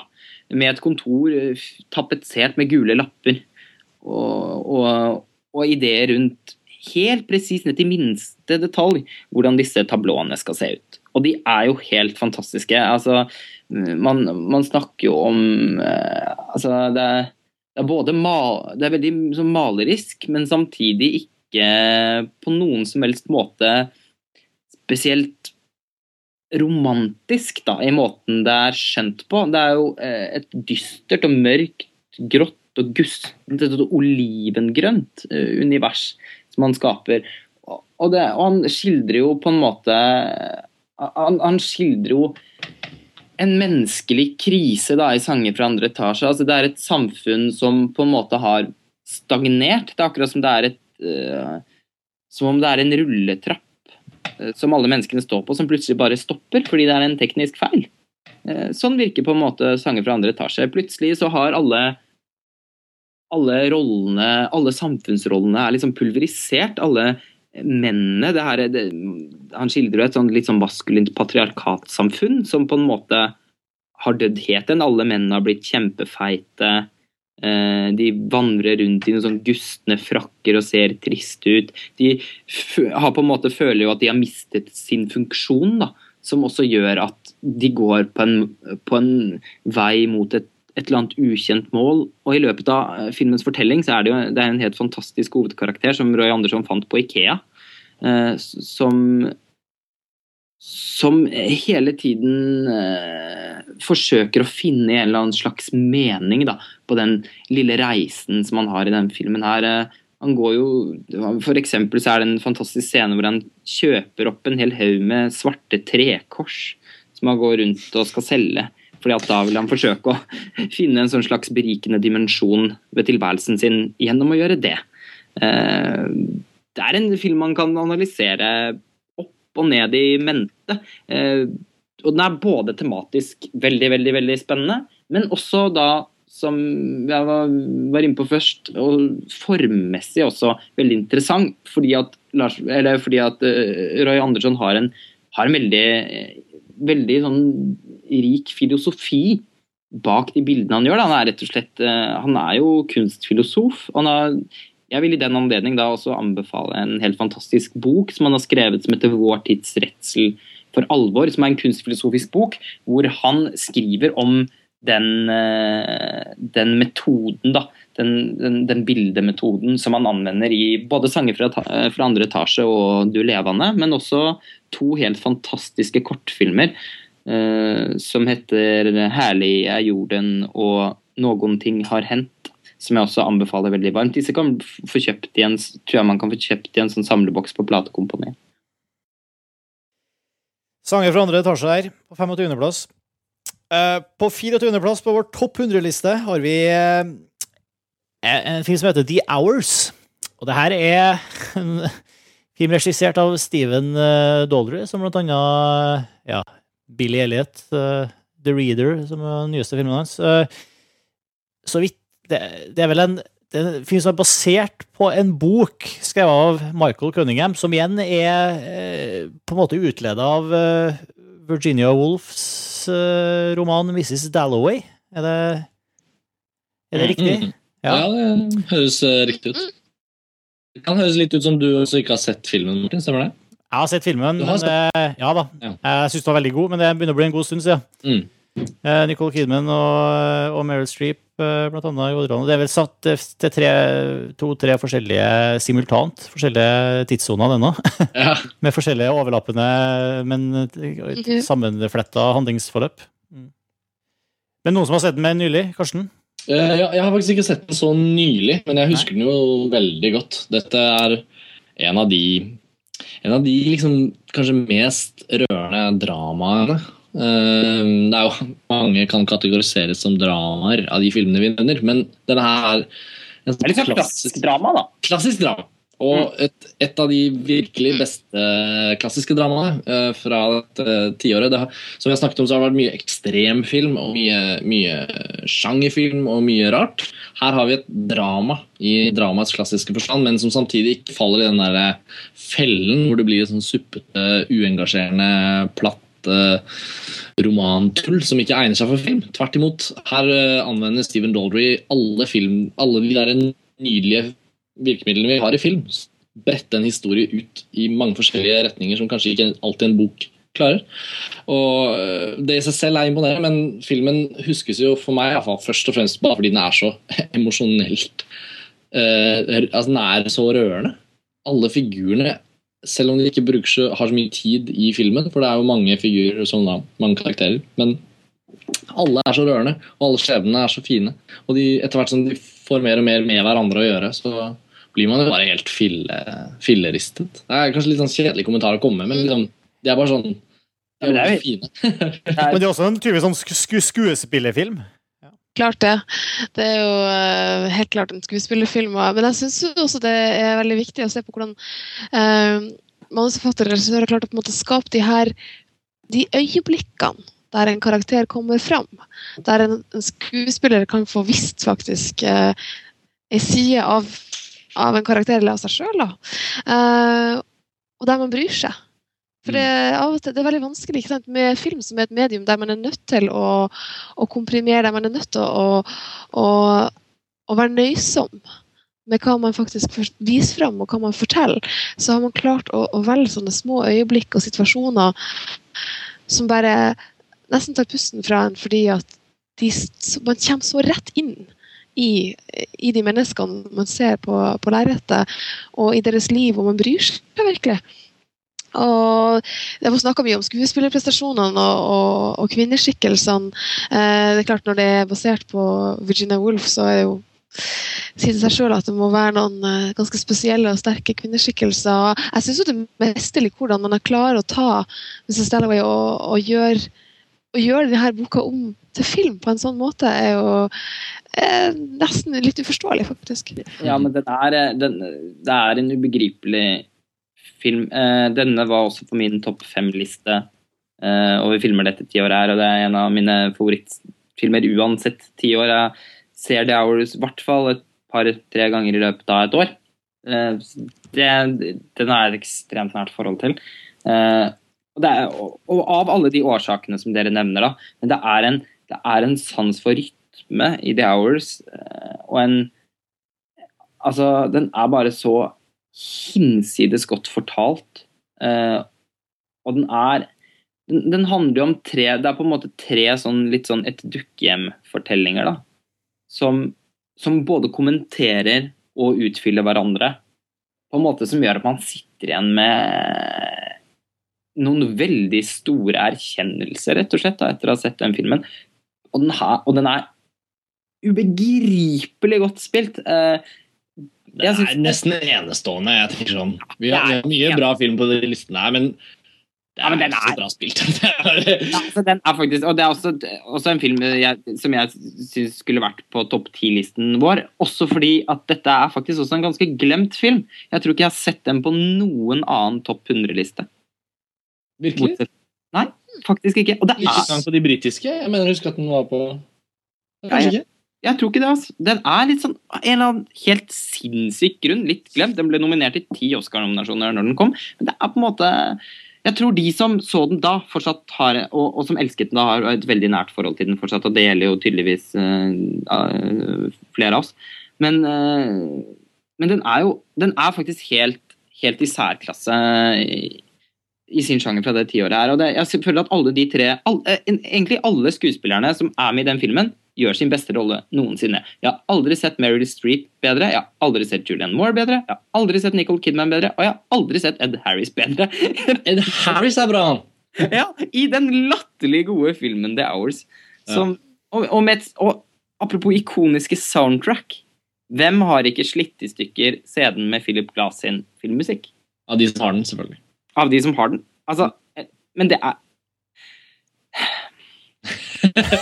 okay. Det var, en, det var en veldig bra punktuering. Det var punktum, tror jeg. Ja. Den er, for, den er forstummende bra. Hvis man ikke skjønner at The Hours er så bra som den er, så må man, har man ikke fulgt med i timen. Du er litt streng, men det er bra. Ja, Ja, men Vi må være litt strenge òg.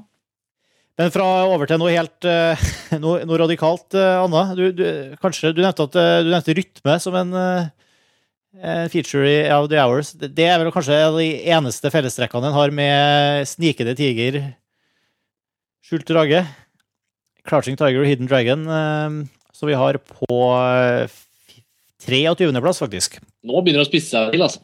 Ja. Nå er det altså det her er, Derfor er det desto rarere at den filmen er der, tenker jeg.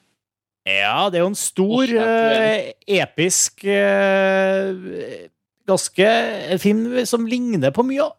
Det starta vel kanskje en, en bølge med en slags sånn semi-Hollywoodifiserte kinesisk uh, store eh, s- actiondrama-filmer.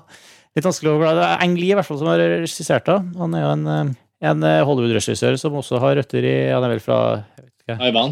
Taiwan er han faktisk fra. Mm. Jeg syns absolutt den filmen her hører hjemme på lista vår, altså.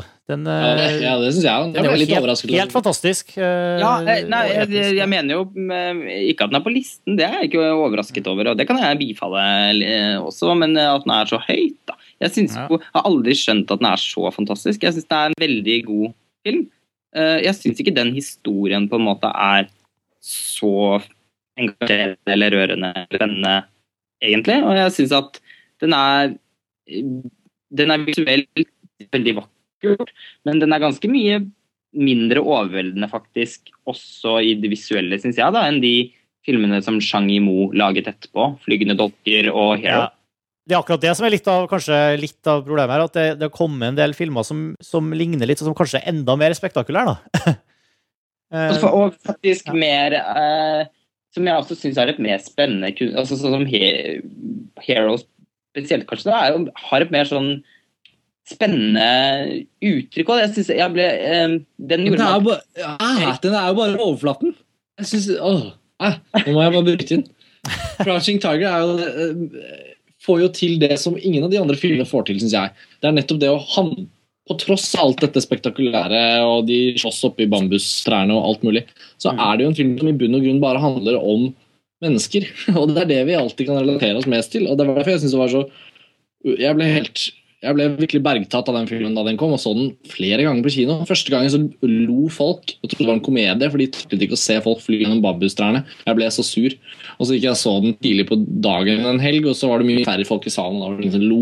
Og da fikk jeg ta inn alvoret. Jeg synes det er en dypt alvorlig film, og det at den klarer å både være det, også være sånn spektakulær på en måte, kampsport-actionfilm. Og, og, sitte igjen som, som noe Nok en gang en veldig rørende film for meg. da og så var jeg så klar for å se Hero of liksom House of Flying Daggers, eller hva den heter. Men de er jo så platte i forhold. De er jo bare, de er bare overfladiske hvis du måler dem opp mot Crouching Tiger. Isolert sett så er de veldig spennende på sin måte. Jeg liker de òg, men, men eh, det er en grunn til at ikke de er på listen vår.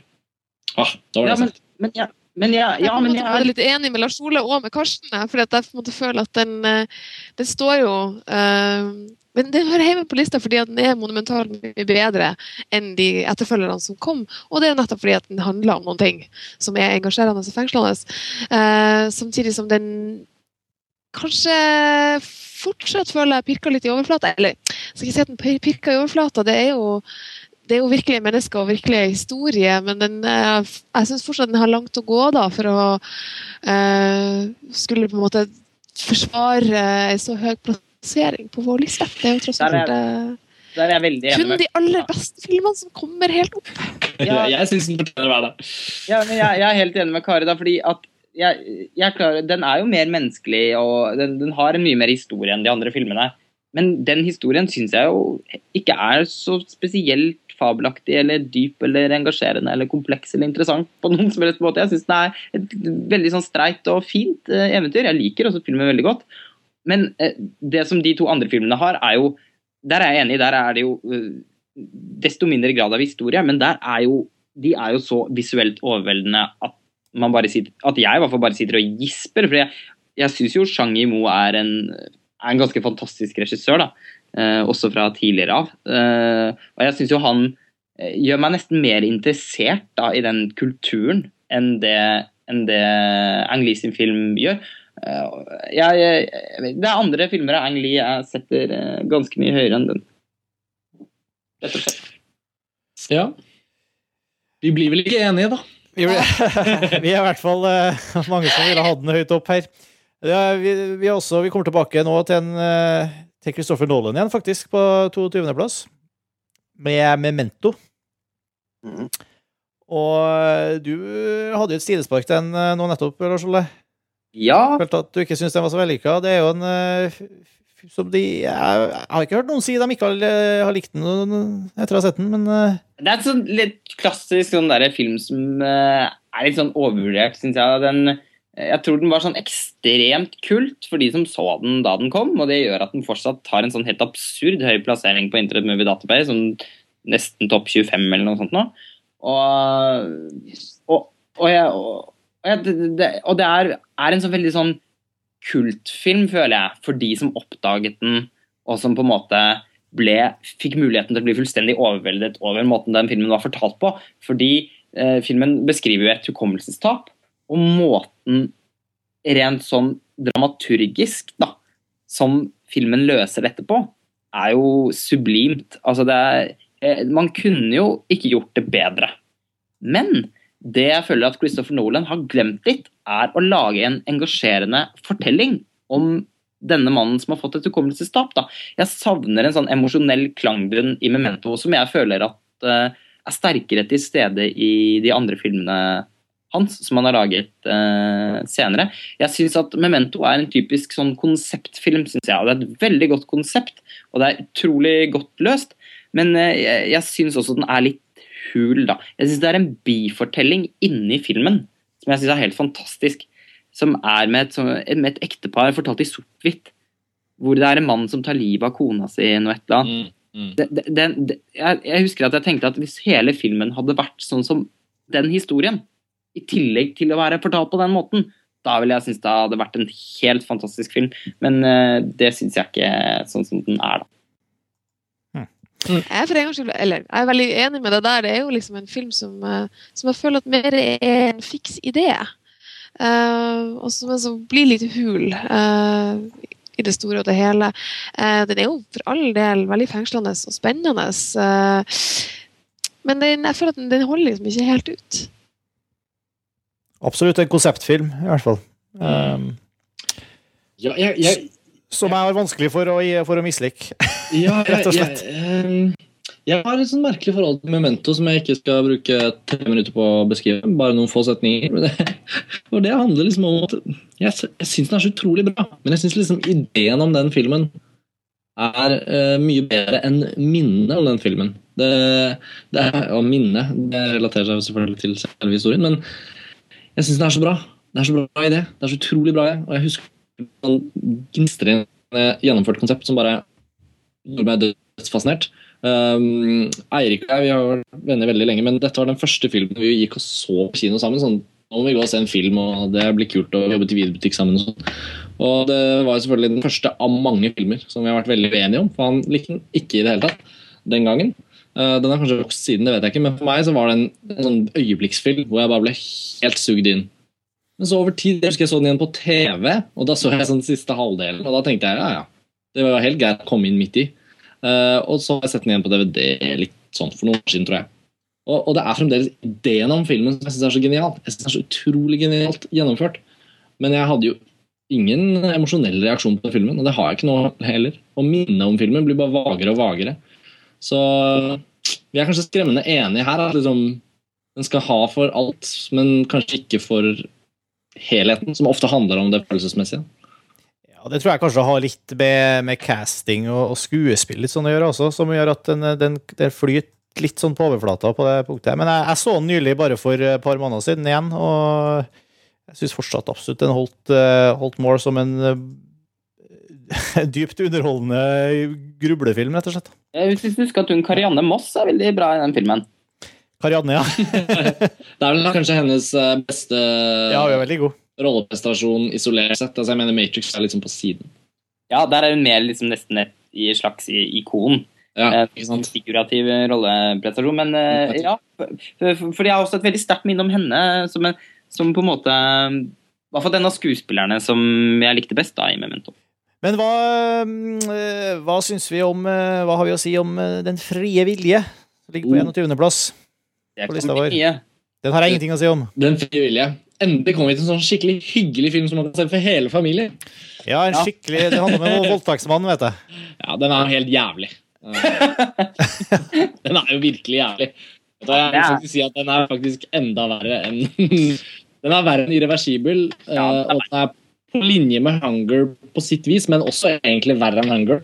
Det er kanskje litt symptomatisk at eh, alle de filmene som jeg ikke har uh, orka å sett, er de her grusomme voldtektsfilmene som Jeg vet ikke om det har noe med at jeg er jente og føler at på en måte, jeg ikke har noe interesse av å føle kroppen min invadert på den måten. Og jeg føler at det å gå på kino av og til er en, eh, en kroppslig opplevelse. Så jeg har rett og slett bare ikke makta å se den frie.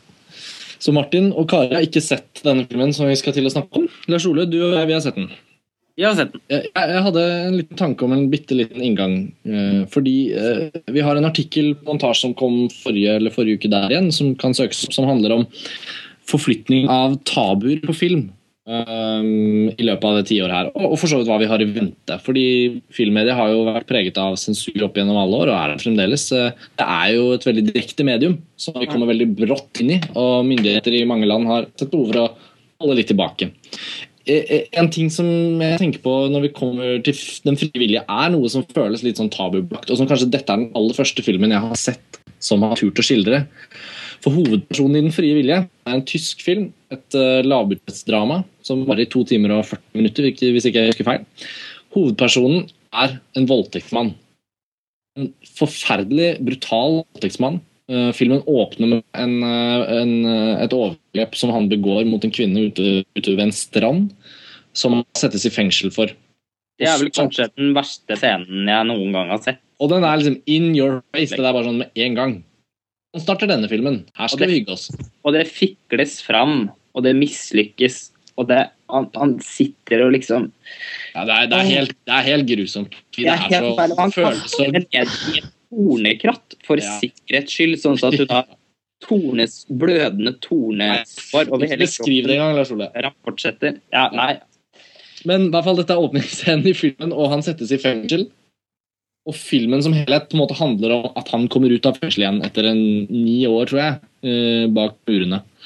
Um, og filmen har virkelig gjort Og regissør Mathias Glassner Glasner skal ha all mulig honnør. Han har gjort et inderlig forsøk på å forsøke å skildre denne voldtektsmannen. Altså alle, alle voldtektsmenn, på en måte, da. Men å forsøke å se om det er mulig å hode å gi denne karakteren noen form for empati, gjelder eh, at man forstår, samtidig som man ikke ønsker å forstå hans handlinger, så forstå hva det er i han som menneske som gjør han sånt et stygt og forferdelig vesen ingen vil ha i nærheten av seg. Og det at en film tar mål om å gjøre det, og faktisk lykkes For den filmen blir jo da noe så forferdelig som en grusom og bitvond og jævlig film som blir mer og mer engasjerende. Uh, og, og jeg synes det er helt fantastisk at, at det går an å gjøre det på film, og at man ikke har et sånt restriktivt samfunnssystem i vår tid som gjør at det å lage en sånn film er helt umulig. Demokratiserte produksjonsmidler har hjulpet veldig, for han kunne liksom lage den filmen uten at noen måtte, måtte godkjenne den. Men det at den ble laget og ble så bra, og vant priser i Berlin og ble en, en, en film som, kom, som ble distribuert i mange land, det syns jeg er fantastisk. Jeg må si Den ble faktisk interessert, ikke fordi den vant masse priser i Berlin, men eh, fordi den ja, faktisk Det høres ut som noe veldig fascinerende at en film prøver å ta for seg og skildre en voldtektsmann. Uh, selv om jeg jo Jeg har tenkt, jeg har tenkt tidligere at denne filmen skal jeg aldri, aldri, aldri se. Uh, du har kanskje overbevist meg om at jeg skal tåle den. Det var ikke et mål i seg selv å overbevise deg om å utsette deg på en måte for det, men, men det er jeg vet, Det burde ikke stor kunst gi oss innsikt i menneskeheten, på godt og vondt. Ja, Det det er det som er mange av de vonde filmene som er viktige. Ja, og, og det er på en måte Altså, det er veldig mye det, er, det er veldig mange ting som er Mange filmer som er bra, eh, og som på en måte er fantastisk bra på en eller annen måte. Men det, det er liksom Det er ikke så Det er ikke like mange som er virkelig er bra, bra, bra. Altså sånn bra på et veldig dypt plan, da. Og uh, i så måte er jo uh, Den frivillige en av de få. Uh, fordi det, det er et fullstendig kompromissløst kunstverk som forteller om noe uhyre vanskelig, og som gjør det på en veldig, veldig flott Altså helt ekstremt flott måte. Eh, vi, altså, den fremstiller jo han voldtektsmannen som et menneske, og som en person med, med Som også har behov, og intimitetsbehov, eh, omsorgsbehov osv. Og det er jo en kjærlighetshistorie faktisk i denne filmen her. Fordi han får seg jo en ganske mye yngre kjæreste, som han også drar på en sånn slags tur med. Og den kjærlighetshistorien er jo helt ubegripelig rørende, syns jeg. Eh, fordi han prøver så hardt, og han eh, det er noen, altså de, de, de møtes på, I begynnelsen, når de begynner å møte hverandre, så treffes de på en liksom sur, brun kafé. Og det er liksom, Du merker at det liksom lukter litt sånn Det lukter sånn veikromat der. Kaffen smaker ikke noe godt. Altså, det, alt er så langt oppi ræva da, som det kan komme. Uff, det blir litt trist å tenke på det. Den scenen der på kafeen er bare så jævlig sår og ekkel, og det er det beste han kan få i livet, liksom. Det er hans uh, happy moment. det er hans happy moment er den. Det er, det, er det er så bekmørkt som man kan få det, men det er eh, også helt utrolig gripende eh, og flott. Veldig flott at noen har turt å lage den filmen på den måten som de har gjort. Og han som spiller hovedrollen, som jeg dessverre ikke husker navnet på, Jørgen Fogel. ja, han gjør jo en helt monumental skuespillerprestasjon. Ja, uten, altså det er nesten vanskelig å tenke seg noe lignende. Både i forhold til mot, bare det å ta på seg en sånn prestasjon. Men han var også veldig involvert i, i å drive frem filmen. Mm. Uh, og det å gjennomføre det og få det til å bli liksom et ekstremt tredimensjonalt portrett av en voldtektsmann som vi alle ønsker å dømme bare vi hører at han er voldtektsmann. Jeg kan tenke på én annen film som har noe til Det var en film med Kevin eh, Bacon. Eh, Som handler om en eh, The Woodsman. en- Er Woodsman, ja? Han er pedofil. Mm. Som gjorde noe forsøk på noe tilsvarende. Vel, noe av det, de få Den er vel ikke i nærheten av like, like hard. eh, Jeg har ikke sett den filmen, Høres det ut som. Men eh, Men jeg liker at det, det, er, det er veldig mye vanskeligere for amerikanske filmskapere å være kompromissløse på den type tematikk. De ønsker det fordi de ønsker å bryte tabuer, men de henfaller, mange av de tilfellene jeg har sett, eh, henfaller jo ofte til et sånt halvveisopplegg. ja, The Woodsman er absolutt ikke kompromissløs. Er det jeg frykter litt. Jeg har ikke sett den, jeg er litt sånn redd for å sette meg ned med den. Og pedofili er jo et av disse gjenværende tabuene. Da, kan man si. Det er, fint. det er vel få som har lyktes i å, å skildre en, en, en, liksom en definert hovedperson i en film som en sympatisk eh, Eller om ikke sympatisk, så i hvert fall en, en pedofil karakter som kan forstå. Jeg syns det var tilløp i den eh, Lie som eh, Lars Ole nevnte i forrige episode. Mm. som, eh, som var en veldig Da var det en, en god karakter i forhold til å finne en pedofil karakter. dersom man det. Også faktisk i norske filmen 'Sønner' så syns jeg Henrik Mestads eh, rolletolkning som pedofil nærmer seg et, et veldig, veldig viktig skille mellom en sånn karikatur av den onde eh, eh, og en, en ond karakter som man kan forstå. Eh, jeg syns Henrik Mestad skal ha veldig mye honnør for det. Den filmen er jo ikke listen vår, men, men den er fra 00-tallet, og den er norsk, og, og den nærmet seg i hvert fall. Ja, Det er jeg veldig enig i. Det syns jeg også Det er en sånn norsk film som hyggelig nok har blitt trukket fram da, i en del sånn kåringer. Eh, blant annet den som Rushprint hadde. Det er faktisk en av de norske filmene Selv om den på, på mange måter var klønete og ikke sånn ja, jeg hadde ganske mange skjønnhetsfeil, men uh, på mange måter så var det en veldig sterk og modig film å lage i Og det var veldig godt spilt. Jeg, husker faktisk den overraskende godt, altså. Det må jo for ordens skyld presiseres at vår eh, faste, som ikke er med nå, men Erik Fogel, er jo, som er med i Filmfrelst som regel, er jo eh, produsent på Ja, selvfølgelig. Det tenkte jeg ikke på. Det må vi nesten bare si mens vi- ja, vi prater om den. Ja, ja. Det er Bra jobba, Erik. Og vi er ikke, Ja, kun- men kudos til. Men den kan ikke måle seg med Den frie vilje. Sorry, ass.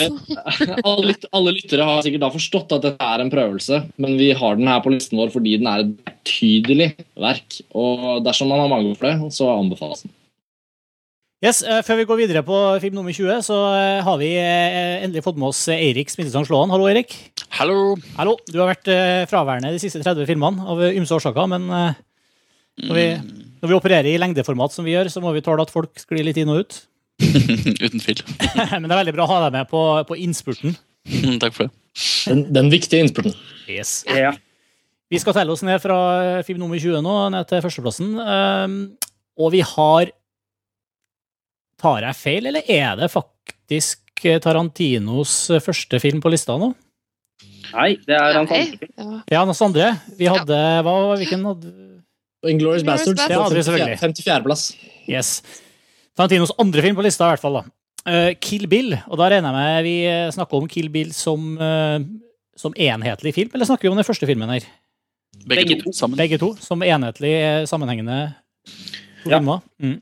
Skal vi si litt om det valget, kanskje? eller? Ja, det kan vi godt uh, gjøre.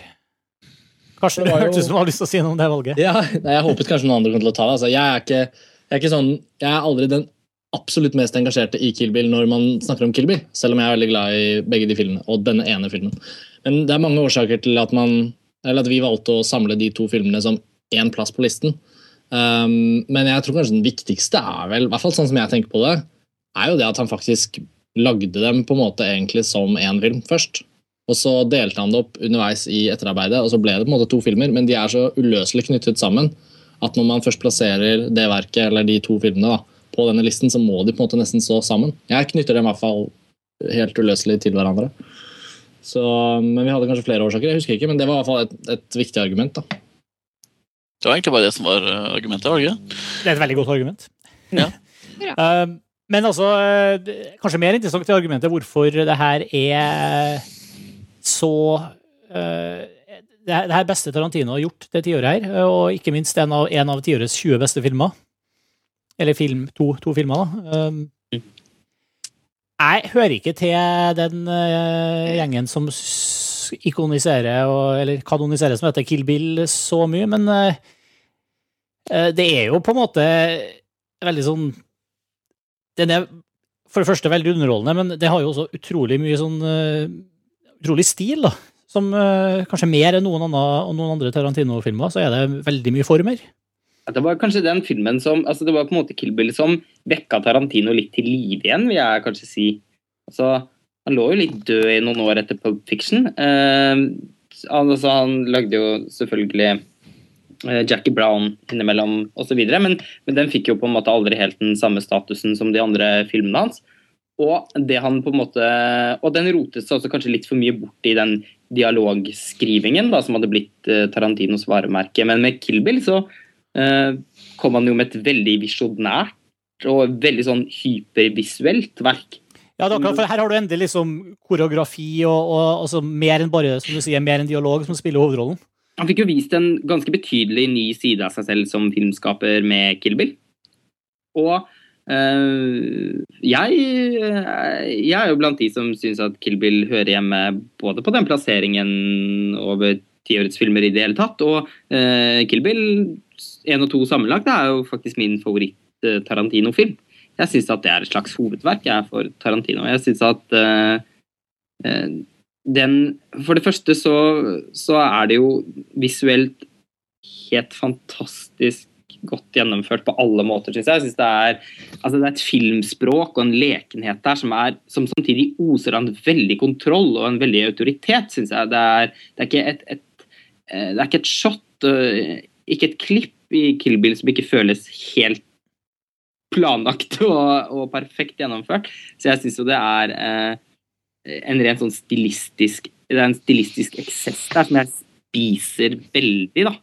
Uh, uten at jeg blir overmett heller. Jeg syns det er veldig velbalansert alt sammen. Ikke minst fordi de to volumene er veldig forskjellige. Den første er jo en, eh, nesten en ren actionfilm, mens den andre er, er mer et drama som på mange måter ligner mer de, de tidligere filmene hans.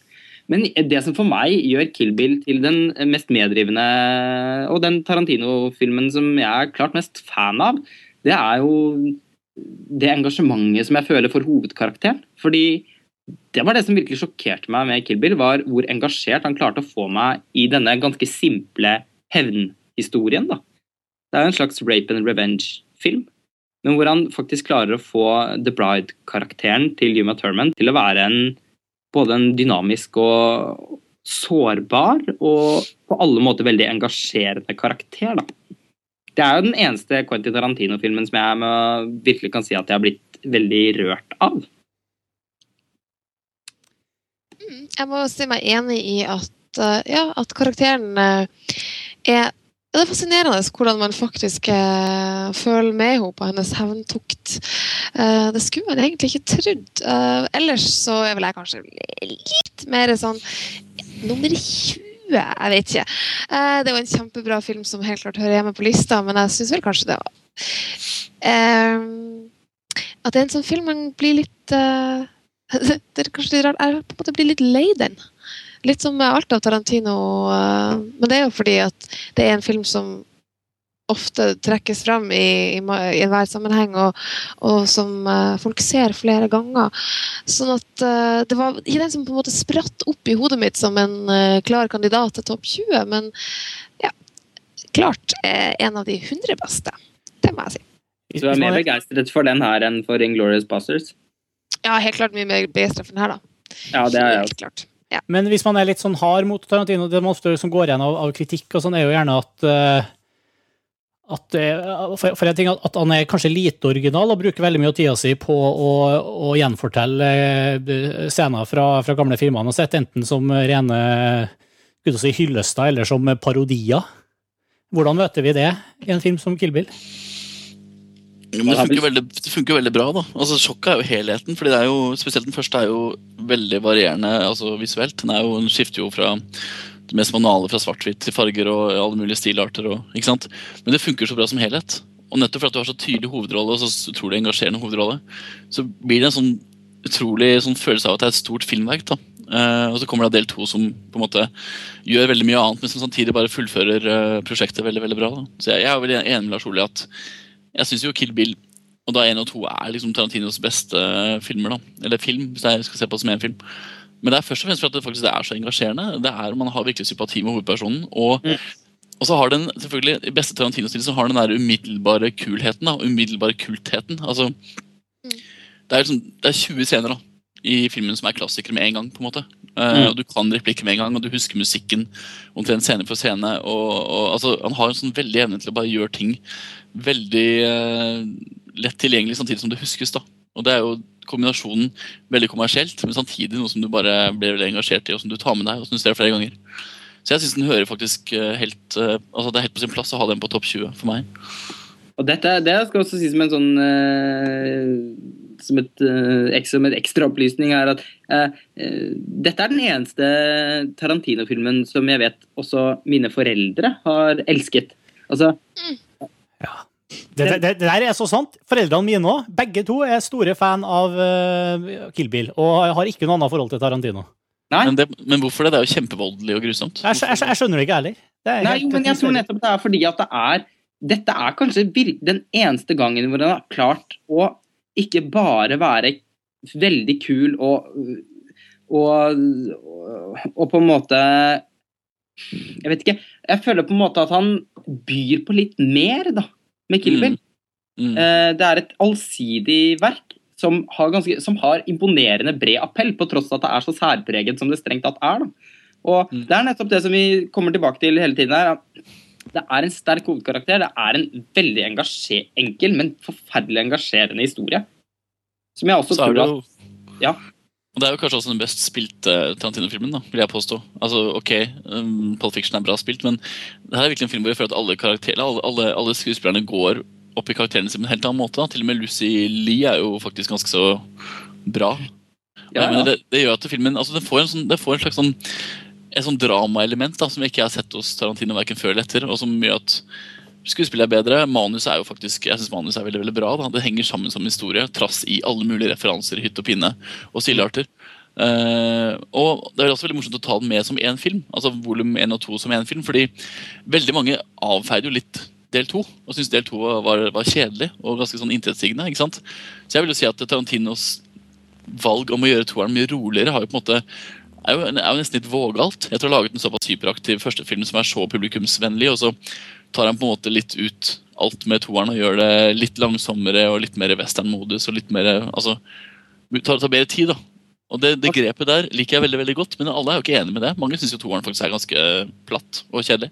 Ja, men altså, jeg tror, altså, det var jo opprinnelig også vist eller, altså, Filmen var jo tenkt som én film. Altså, Han Mm. lagde den jo som én film, men så gikk jo prosjektet litt altså, han brukte jo Det er jo ikke, ikke noe prosjekt han har brukt så mye tid og krefter på som Kill Bill. Jeg er ganske sikker på at han på mange måter også ser på det som et slags hovedverk selv. Eh, Og så ble det for langt. ja, det ble jo for langt, og det gikk eh, liksom over alle støvleskaft.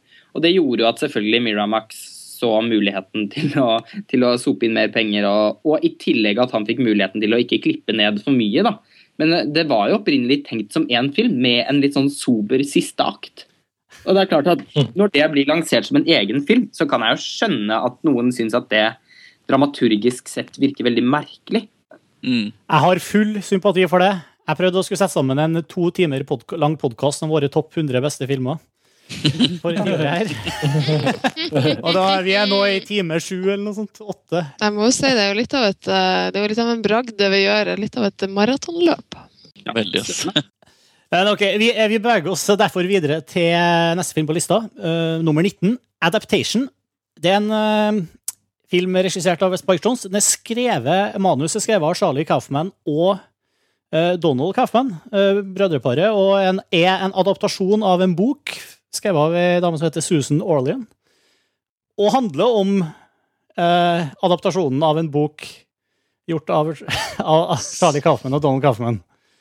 Basert på en bok av Susan Orlean. Basert på en bok av Susan Orlean. Mm. Det er et, uh, kanskje et av ti, tiårets merkeligste utgangspunkt for en film, og regissert av en av tiårets uh, mest produktive og varierte regissører.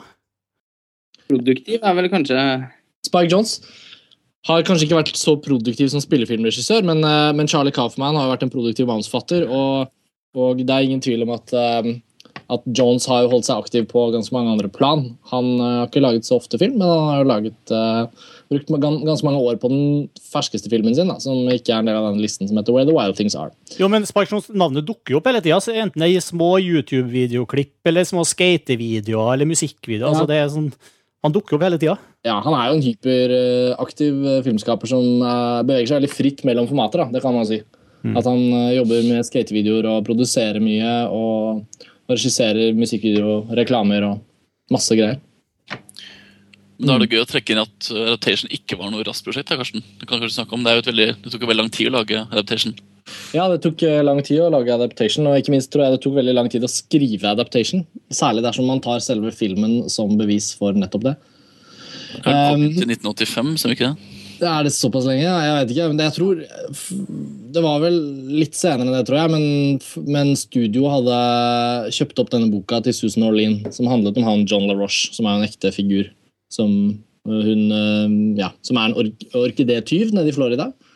Som øh, er en fascinerende figur, og som hun reiser ned og skriver en artikkel om. Og så blir hun motivert til å skrive en bok. Og så skriver hun en bok, og så kjøper filmselskapet opp boka og leter etter en manusfatter til å skrive adaptasjonen av det. Og når, og når, filmen Adaptation begynner, så befinner Charlie Kaufman, manusfatteren uh, av uh, The Orchid Thief, han befinner seg på settet til Being John Malkovich, som er da den første filmen som han har skrevet manuset til, som er i produksjon. Dette er sikkert da i 1998 eller noe sånt. Og han jobber med adaptasjonen av The Orchid Thief, samtidig som han ikke føler seg veldig velkommen på settet til Being John Malkovich. Uh, og hans uh, tvillingbror i filmen, da, Donald Kaufman, som da utenfor Adaptations univers ikke eksisterer som en virkelig person, men som i filmen Adaptation er Charlie Kaufmans tvillingbror. Han er på en måte liksom plagsom, uh, mindre intelligent uh, tvillingbror som, som, henger rundt og er på besøk hos Charlie i Los Angeles, og som etter hvert også bestemmer seg for å bli manusforfatter. Men han tar den mer som kommersielle ruta. da. Så mens Charlie strever med denne adaptasjonen, så skjønner vi jo også at fortellingen om hans strev med å gjøre adaptasjonen er selve filmen som vi sitter og ser på. Eh, men filmen får det jo til å flyte overraskende bra. Altså, det høres alltid veldig komplisert ut når man forteller hva adaptation handler om, men når man setter på adaptation og ser den, så føles det veldig naturlig. Den, flyter av gårde med egentlig ganske stor letthet. Og så er det parallelt klippet da selve historien om Susan Orlean, forfatteren som reiser ned til John LaRoche. Den er jo også da med som en sånn parallellhandling til Charlie Kaufmans skriveprosjekt fra tidlig i filmen. Da. Og Der er jo Meryl Streep i den Oscar-nominerte rollen sin som Susan Orlean, og ikke minst Chris Cooper som spiller John LaRoche, en rolle han fikk Oscar for det året. Men du, de her scenene uh, Nicolas Cage uh, som seg selv og, nei, som Charlie Kaufman og tvillingbroren og her i uh, under filminga av Being John Malkovich. Er det sånn digital uh, magi er fiksa i etterkant, eller var de faktisk uh, tatt opp som del av uh, opptakene til uh, Being John Malkovich? Sånn som jeg har forstått det, så har de vevd sammen bakom-bilder fra Being John Mackwich-settet. Blant annet så er det et sånt hysterisk, eh, morsomt eh, bilde av John Mackwich skuespilleren som venter på at de skal ta en tagning hvor han sitter i kjole i en av disse drømmesekvensene hvor det sitter masse folk med John Mackwich-masker omkring. Og så gir han et råd og sier at alle, sette, alle på settet må fokusere noe jævlig akkurat nå, fordi folk har det innmari varmt inni disse maskene. Og dette, ser, dette klippes til Nicholas Cage som Charlie Kaufman, som observerer Malkovich være sur. Og man ser fotografen og man ser eh, assist, ass, regiassistenten og masse folk som er sånn i sine funksjoner. Og så skjønner Charlie Kaufman at han ikke er så veldig velkommen, og så tusler han ut på utsiden av studioet. Og Da kan man også se på en måte at de klipper mellom ting som er skutt på 35 mm film, til adaptation-filmen, og ting som er skutt med på sånn bakom-video-greier. Så Det setter en veldig sånn fin tone, og et par ganger til underveis i adaptation så, rett, så er han liksom på settet, da, fordi Donald Kaufman, som da er tvillingbroren, og mye mer sjarmerende og ledig med damene, han flørter jo da og blir kjæreste med en sånn sminkejente som jobber på settet, som spilles av Maggie Gyllenhaal. Og så blir han etter hvert også venner med Catherine Keener, som spiller i Being Joe Malkovich, og som Charlie Kaufman tror jeg har et litt sånn erotisk tiltrekningsforhold til. Så det er mange ting som foregår bak det. altså. Men uh, nå er det jo bare jeg som snakker. altså Jeg har også skrevet adaptation, men jeg er jo nysgjerrig på hva dere andre syns om at den er der hvor den er på listen.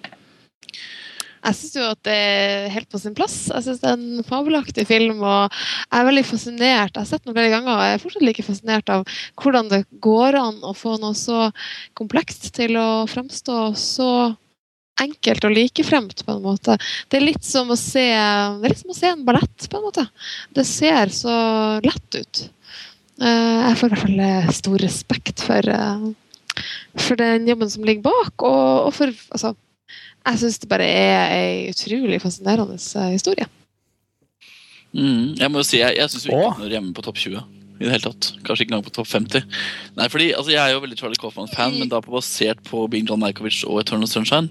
Uh, jeg syns jo faktisk Når jeg så filmen på kino, syns jeg at den var ganske kjedelig. Uh, og egentlig ganske uengasjerende. Men jeg er veldig todelt. Jeg syns jo sin, Chris Cooper og Meryl Streep sin, uh, sitt segment, da, for å kalle det det, er, er, veldig bra. Den har jeg alltid likt veldig veldig godt. Også etter uh, andre gangs gjensyn. Men jeg liker ikke Nicolas Cage-historien. Jeg liker ikke, jeg liker liksom ikke den Men som, som manusforfatter, Erik, som uh, du kanskje er mest av oss alle her det handler jo veldig mye om, om det. Mm. Jo, men det, er det som er litt av premiss her. Altså, jeg, jeg, hadde så utrolige forventninger til nettopp det å få se en film som så tydelig skulle være en sånn metakommentar. og Spesielt fordi Charlie Coffman jo hadde markert seg fra før av som en veldig ny og original mannsfatter. Men så, jeg syns faktisk at det, er, altså, at det er ganske uengasjerende å følge Nicholas Cage-karakteren. Eh, jeg syns ikke det funker, da. Og jeg liker heller ikke skuespillet til Nicholas Cage. Så jeg, jeg, bare, jeg falt veldig fort av. Men eh, jeg må jo si at jeg, samtidig så er jeg veldig veldig begeistra for veldig mye av filmen, da, spesielt da Chris Cooper og Mel Strip. Uh, både tolkningene og hele, hele det plottet synes jeg er veldig fint. Eller måten den er, er, er, integrert på i, i handlingen. Uh, men jeg er faktisk jeg er egentlig ingen fan av adaptation. det må Jeg si. Jeg er veldig fan av Eternal Sunshine og veldig fan av uh, Being John Malkovich. Men adaptation falt litt gjennom for meg. altså. Så jeg kan være litt motvekt. ja, ja, nei, jeg kan jo stille meg litt imellom alle sammen her. Jeg har ikke så mye å si, men det jeg har å si, er at jeg har faktisk bare sett Adaptation to ganger. Og det er mange mange år siden. Det var da den kom. Og da syns jeg det var en fantastisk bra film uh, som Altså, den, jeg syns den, den, var jo så opplagt interessant, og den uh, formidlet en tilstand uh, på en utrolig god måte. Altså, jeg syns at det, jeg synes det var noe helt opplagt spennende over formspråket til filmen og måten den er fortalt på. Jeg, jeg, jeg syns jo den var en ufattelig særegen og, og gjennomgod film. Eh, altså egentlig helt, en helt glitrende film. Men jeg har aldri på en måte rukket å bli fan av Adaptation, fordi det er rett og slett ikke en av de filmene som jeg har satt meg ned med og på en måte gått virkelig inn i. Så derfor er Adaptation jeg stemte jo ikke på Adaptation uh, når vi hadde avstemningen til den listen her. Og, det er ikke fordi at jeg på en måte ikke anerkjenner at den har den plasseringen den har. Det er snarere med å gjøre at jeg på en måte personlig aldri har fått noe særlig forhold til den filmen. Men jeg må jo si inspirert av, av, av, av at den dukker opp da, på de fleste av disse listene nå uh, som har vært på tampen av forrige tiår, så, så må jeg jo si at jeg føler at jeg må, må benke meg ned med DVD-en og, og, se opp igjen denne filmen og kanskje endelig få et forhold til den. For jeg, jeg har virkelig tro på at, uh, at Jeg syns jo det er kanskje en av de Kaffan-filmene jeg har sett, i hvert fall som, som, minner, som minner meg mest om uh, hva heter den, om Synectic i New York, i og med at den rent sånn tematisk er så veldig eh, Handler så mye om den kreative prosessen, da, og om kunstner- kunstnerproblemet, Mm. Liksom. Som, som Ja, jeg får følelsen at Mm. sitter liksom å, Det er liksom som om man skal sitte ned, sette seg ned og skrive en bok, og så aner man ikke hva man skal skrive en bok om, og så sitter man heller og skriver en bok om det å skrive en bok. Eller ja, at, ja. Men det er kanskje litt av problemet, da, for da, da, har man, da er det på en måte vanskelig å kanskje identifisere seg med karakterene. Jeg føler jeg synes, altså jeg, jeg faller, Vi vi kan jo snakke mer om Turner Sunshine senere, for den kommer jo etter hvert. Men eh, jeg bare jeg, jeg greier ikke å like hovedpersonen verken i Synecdoche eller i eh, Adaptation. da. Jeg, altså jeg, jeg bare jeg greier ikke å engasjere meg i, eh, i historien i hele tatt. Jeg, blir faktisk litt sånn der irritert på de. Og det er kanskje litt av meningen også. Ja, for det tror jeg, jeg tror den irritasjonen egentlig er Jeg tror, tror det er intensjonen bak. da, Jeg, jeg så jo jeg så Synecdoche New York, og den likte jeg fryktelig godt. Så Det er også noe av det som har inspirert meg til å se Adaptation igjen. da, og Det er jo de to filmene som jeg øyeblikkelig eh, har likt Nei, OK, Eternal Sunshine, eh, men den kom til siden. Eh, men bortsett fra Eternal Sunshine, så er jo det de to jeg har likt best. Jeg er ikke så fan av Bing John Malkovich. Der føler jeg faktisk mer avstand, da. Jeg Mm. synes det er mer en konseptfilm. Jeg synes det er et, et veldig morsomt og fiffig konsept. Da. Jeg, jeg setter pris på den filmen også. Men uh, jeg, jeg blir nok faktisk mer, både mer, mer som følelsesmessig engasjert i både Synecdoche og Adaptation, sånn som jeg husker den i hvert fall. Mm. Bare for, å, å returnere kort til det du sa, da, Martin, så synes jeg det er kanskje en av de tingene jeg liker aller best med Adaptation, er at den nettopp ikke handler om en person som ikke aner hva han skal skrive om. da. Eh, han bare sliter med å få sagt det han vil si, eh, for han har ting han vil si. Han er veldig opptatt av den boken. Og Det er en sånn nydelig åpningsscene der hvor han sitter sammen med hun studiodama, eh, som er så elegant spilt av Tilda Swinton. Hun er bare sånn Han er supernervøs og supernevrotisk og har lyst til å si mye om hvorfor han vil eh, gjøre dette prosjektet og hvorfor han brenner for det. Og Hun har så tiltro til han, hun bare sitter der bare sånn We love you. We love what you do. You're a genius. Just do what you do. Og Han er veldig veldig bekymret. Og man, man, helt, helt fra begynnelsen så får man en veldig sånn sterk følelse av at han brenner for den boka, men han bare rett og slett har problemer med å på en måte kanalisere det. Og Det tror jeg ikke handler så mye om at han er noe dårlig manusfatter, men det handler om at han har et veldig miserabelt liv. Og Adaptation handler jo faktisk om en person som har et veldig trist eh, og miserabelt liv, og som ikke klarer å se verdiene rundt seg eh, fordi han er så bundet inn på sitt eget. da. Mens gjennom filmen så sakte, men sikkert så løser det seg opp. Og der er det jo et parallell med Meryl Streep og Chris Cooper sine karakterer, som også eh, er litt sånne ensomme figurer. da. Så jeg synes det, det som er det vakreste med Adaptation, er at den tar liksom metakonseptuelle utgangspunktet sitt og gjør det til en veldig varm og human fortelling om mennesker som er ensomme innenfor sitt virke, og som leter etter noe, og som vet hva de vil, sannsynligvis, men som ikke skjønner hvordan de skal komme dit, men som kommer dit. Og Finne Ja. orkideen. er det ikke? ja, ikke sant? Og det, og det, og det, at, eh, det, at, det å adaptere en bok også på en måte kan leses som en allegori inn mot noe som har med naturen å gjøre. Da. At liksom vi, altså skaper, Skaperprosesser, Darwin, evolusjonen er jo vevd veldig mye inn i adaptations tematikk. Da. Vi har jo disse fantastiske sekvensene hvor, hvor eh, Charlie Kaufman står på rommet sitt og sier sånn OK, we open on, we open on the beginning of time. We open on uh, an asteroid hitting the earth. Uh, dinosaurs, walking man. Og det har vi jo sett tidligere i filmen, men den, når vi ser at han finner på den ideen, det får vi se senere i filmen. Og så liksom ender det opp med at Charlie Kaufman blir født, og der sitter han! Og nå sitter han ved skrivemaskinen. Og liksom, ja, nei, det er, Åpenbart jeg er en stor fan av filmen, men, uh... Men det liksom, altså, jeg bare, jeg synes han er, jo, han er jo veldig veldig karikert, denne hovedpersonen. Syns du ikke det? Han er jo bare helt vanvittig karikert. det er derfor han er morsom, synes jeg. Nei, det er derfor han er irriterende. Fordi Han liksom bare, han er jo han er, han er, ikke troverdig som karakter. da. Altså, du snakker om at han, liksom, han er sympatisk, og du, altså, du, du faller for at han har så trist liv, og bla, bla, bla, men han er jo egentlig bare en karikatur, føler jeg. Det synes jeg er mye mer liv i de andre birollene. Ja, det er liv, absolutt liv i dem, og han er jo på en måte Det er jo overraskende at uh, han har noen venner i det hele tatt. Så det er jo fint at han har funnet på en tvillingbror til seg selv, uh, sånn at han kan på en måte ha han. Uh, men han Hva skal man si, da? Ja, kanskje han er på en måte litt sånn litt sånn, Det lukter sikkert vondt av han, eksempel, når han sitter der og svetter. Jeg ser for meg liksom Nicholas Cage spiller jo så uelegant som det er overhodet mulig å gjøre. da. På en måte litt sånn modig rolletolkning fra hans side, som skal på en måte være en attraktiv actionstjerne ved siden av. Det er kanskje den siste forrige, det er den forrige gode rollen han har gjort, liksom. Eh, åtte år siden. Eh, men eh, ja, nei, dette kan vi snakke i evigheter om, da, men det, det Hvem har lest Robert McKees story? Jeg har lest den nå. Det er så morsomt. Jeg bare, jeg Ja, bare- det har jeg også. Du kan si først, du, Kari. Jeg kan si. Nei, nei, nei. nei. Go on. Grunnen, bare- grunnen til at han nevner selvfølgelig at den filmen handler jo, det har jo en del sidespark og, og litt, litt hyllest til, til Robert McGee. Altså Det som er det kanskje jeg vil påstå det mest interessante med adaptation i en sånn topp 2000-liste, er jo på en måte det at eh, Charlie Coffman lager en film som så direkte kritiserer alt Hollywood står for. da, ikke sant? Han tør faktisk å lage en film som tar det helt ut. Samtidig som Hollywood bare omfavner Coffman, og alle stjerner vil spille filmene hans, og han får liksom nominasjoner. eh, egentlig samme han gjør for noe, og Han har et veldig bra tiår. da. Han, lager jo, altså han gjør jo veldig veldig mye bra det tiåret her. Eh, samtidig som han hele tiden ganske tydelig går ut og kritiserer både sjangermessige grep og kritiserer manusform. og Han, han gjør en del sånne liksom, ting da, som på en måte, han, han gjør det med sjarm og med ironi og med humor, så alle, alle godtar det jo. ikke sant? Men det er en veldig tydelig kritikk av Hollywood innbakt i veldig mye av det han gjør. da. Um, og det gjør han For meg så, gjør det gjør han på for meg så blir han en slags helt, da, for han har på en måte greid å etablere et navn i Hollywood basert på å være veldig veldig seg selv og, og gjøre ting på egne premisser, samtidig som han kritiserer det han jobber i. da, det miljøet han jobber i. Mm. Det liker jeg. Og det er jo, samme, altså det er jo kanskje mitt fremste Eller det som gjør at jeg kanskje faktisk ser på Adaptation som en god film, er jo at han nettopp tør å ta litt bladet fra munnen og faktisk gå direkte inn og kommentere noe via metagrep, selvfølgelig, men også bare bygge opp et univers som så tydelig gjør narr av det det egentlig der det er skapt. da.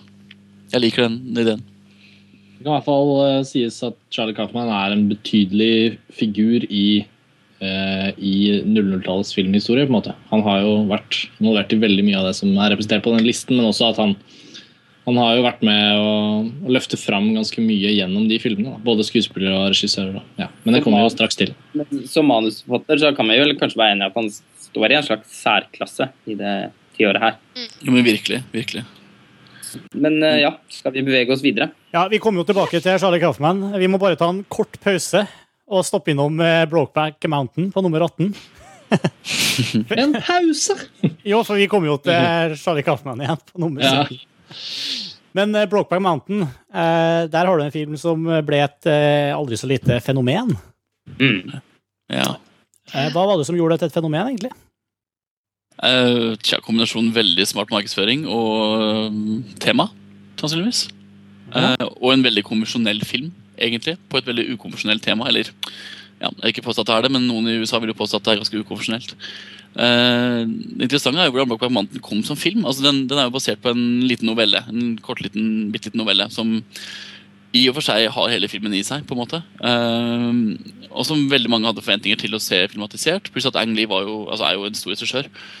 Um, Heath Ledger var en forholdsvis stor skuespiller. Jake Gyllenhaal var et ganske sånn, ikke nytt navn, men altså han var på en måte ikke noen stjerne. Um, og så begynte de en sånn talkshow-runde, og filmen hadde førpremiere på en del uh, noen festivaler. og litt sånn der, Så begynte folk å snakke om at det her var jo virkelig en stor film og en fantastisk film, og en ny variant av den romantiske drama eller melodrama osv. Um, og så begynte faktisk uh, produsentene å forstå hva de egentlig hadde, og så begynte de å fokusere på kvinner som målgruppe. Uh, og da via talkshow og så. Og vips så satt de med en liten sånn der blockbuster på hendene, som handla da om to homofile cowboyer uh, i et USA som ikke tolererer uh, homofile. Og så ble det en kjempesuksess. Filmen har jo spilt inn et eller annet 160 millioner dollar verden over, og kasta jo 14 millioner dollar. Så det er jo, det er jo, det her er faktisk en liten sånn solskinnshistorie, vil jeg faktisk påstå. Egentlig. I amerikansk sammenheng. da. Og greier å lage en film om et sånt tema, og samtidig greier å på en måte få det ut bredt og få den anerkjennelsen filmen fortjente. Enig. Det er jo fascinerende hvordan som du ser, den har virkelig slått an hos, uh, hos jenter, hos kvinner. Eh, jeg vet ikke hvor uh, om det har noe med at eh, både sjangeren er noe som generelt tiltaler kvinner mer, og at uh, guttene kanskje fortsatt sliter med litt uh, homofobi innimellom, men jeg vet bare jeg kjenner masse jenter som trykker den filmen til sitt bryst, og som griner minst like mye som i en eller annen romantisk komedie hvor det da er en kvinnelig helt. Men til å være en konvensjonell historie, eh, bortsett fra at det Altså bortsett fra kjønnet på um, de som spiller i, i kjærlighetshistorien, hva, hva, hvorfor er den så bra? Hva er det som gjør at det funker? Så, så, så spesielt bra, liksom. Det er mange Altså- ting man kan se. Hvor skal man begynne? Det Det er, veldig det er veldig mange som ikke liker Brokeback Mountain. Jeg må si det først. Det er veldig mange som ikke liker den filmen her. Er si det det? Det er viktig å si at den fikk, jo, altså, den fikk jo en liten sånn motreaksjon når den da fikk så mye oppmerksomhet, spesielt i USA. Så ble det på en måte en slags motreaksjon at folk skulle ikke like den da, en periode. Um, ikke for at de syntes den var dårlig, altså, ikke, ikke som en sånn hype, men altså den bare Den fikk litt avsmak hos enkelte, har jeg følelsen av. Uh, det falt litt igjennom da, og ble litt platt for noen, noen seere. Men altså, jeg må jo si, nå vet jeg at både Karsten og Lars Ole jeg setter den filmen veldig høyt. Um, for meg så er det for at det her faktisk er bare helt formfullendt. Det er egentlig det beste jeg kan si. Fordi det er så utrolig, det er så subtilt og fint og nøyaktig og presist fortalt. Det er så velspilt, og det er så nyansert uh, og flott portrettert. da, Hele forholdet mellom disse to gutta.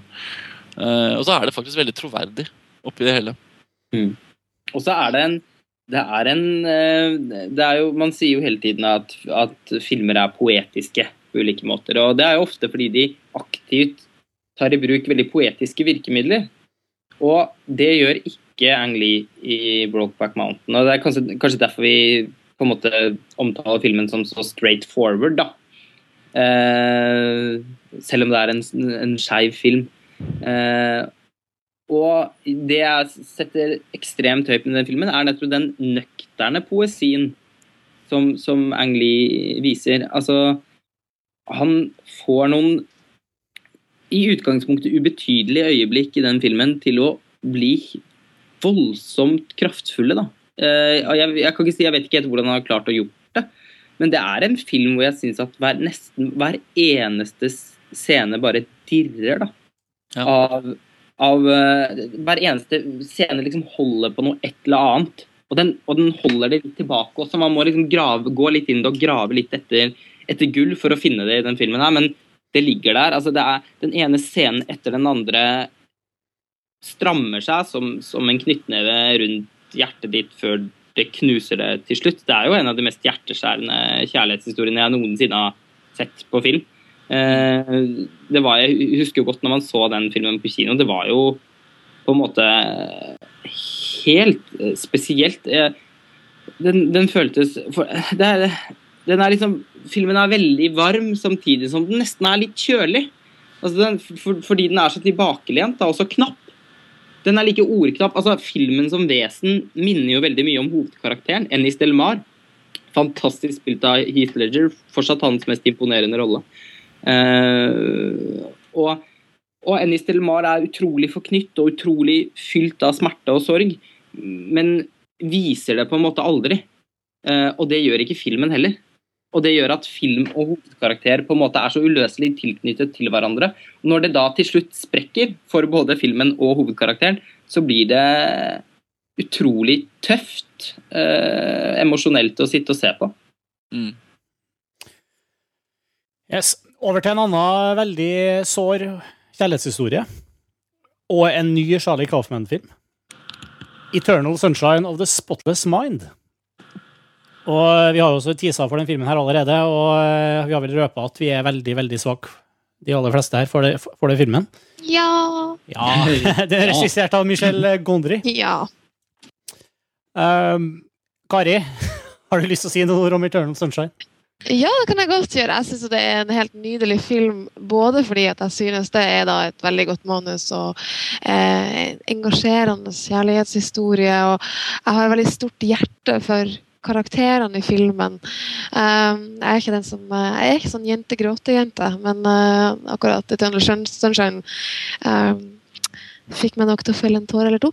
Og så synes jeg jo da Michel Gondry sitt, sitt filmspråk er utrolig fascinerende.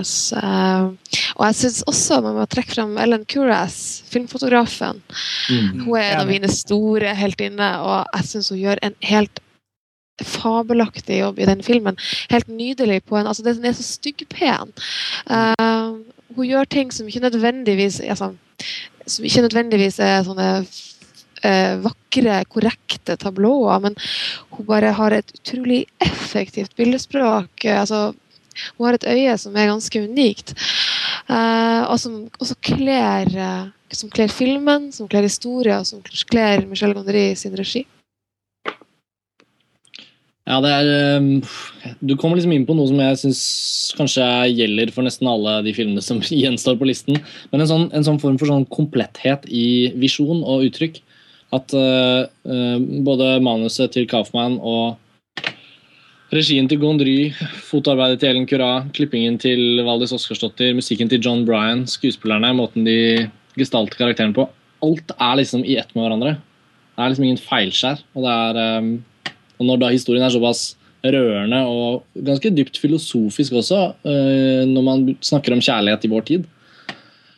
Når alt det liksom kommer sammen, så blir det så vanvittig sterkt. da. Eh, egentlig mange fellestrekk til Brokeback Mountain, selv om de er veldig forskjellige i, i, i form. Hvordan de liksom ser ut og oppfører seg som filmer, så har de den samme, samme melankolien som veldig mange av de beste kjærlighetshistoriene fra 00-tallet har. da. Og så er samtidig så avansert, og så sånn, rent sånn handlingsmessig.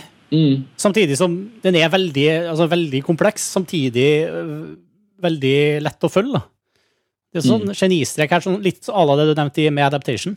Så er det, jeg, jeg vil jo også si at jeg syns jo eh, Charlie Coffman og Michel Gondry er liksom made in heaven som, Ja.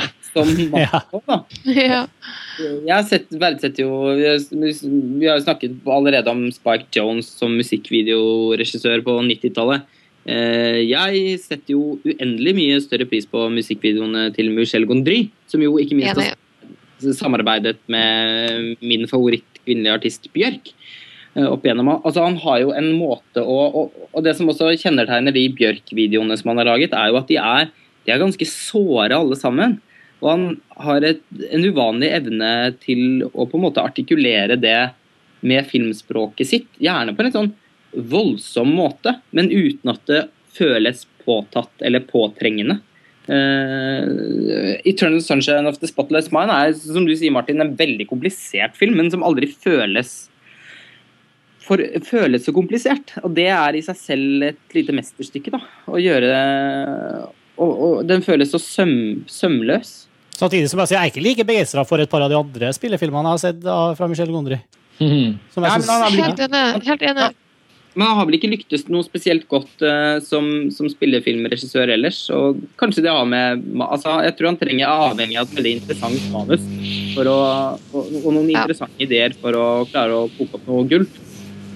Men det er vel kanskje litt av kjernen også med Eternal Sunshine. Det er den der perfekte symbiosen mellom et veldig veldig godt manus og en veldig god regissør, som bare Mm. møtes og gjør noe helt uh, spesielt. da. Men jeg, jeg vil jo si at liksom det som virkelig får meg inn i Eternal Sunshine, er jo Kate Winslet sin, uh, sin rolle, sin tolkning. Jeg synes jo eh, Det er jo en av de fineste kvinnekarakterene fra 2000-tallet. Mm. Veldig, selvfølgelig veldig omfattende og veldig variert. Veldig, veldig bisart tolka av Kate Winslet, og veldig uvanlig henne. på en måte, Men samtidig så utrolig, så utrolig fri da, i stilen. Eh, og så er det selvfølgelig gøy å se Jim Carrey gjøre en litt sånn rolle hvor han på en måte kanskje egentlig kanskje spiller mest seg selv da, av alt. Men det funker jo. Eh, og veldig mange fine biroller. Altså, biroller som på en måte er casta litt imot seg selv også. altså Kirsten Dunst for eksempel, i en sånn litt merkelig rolle.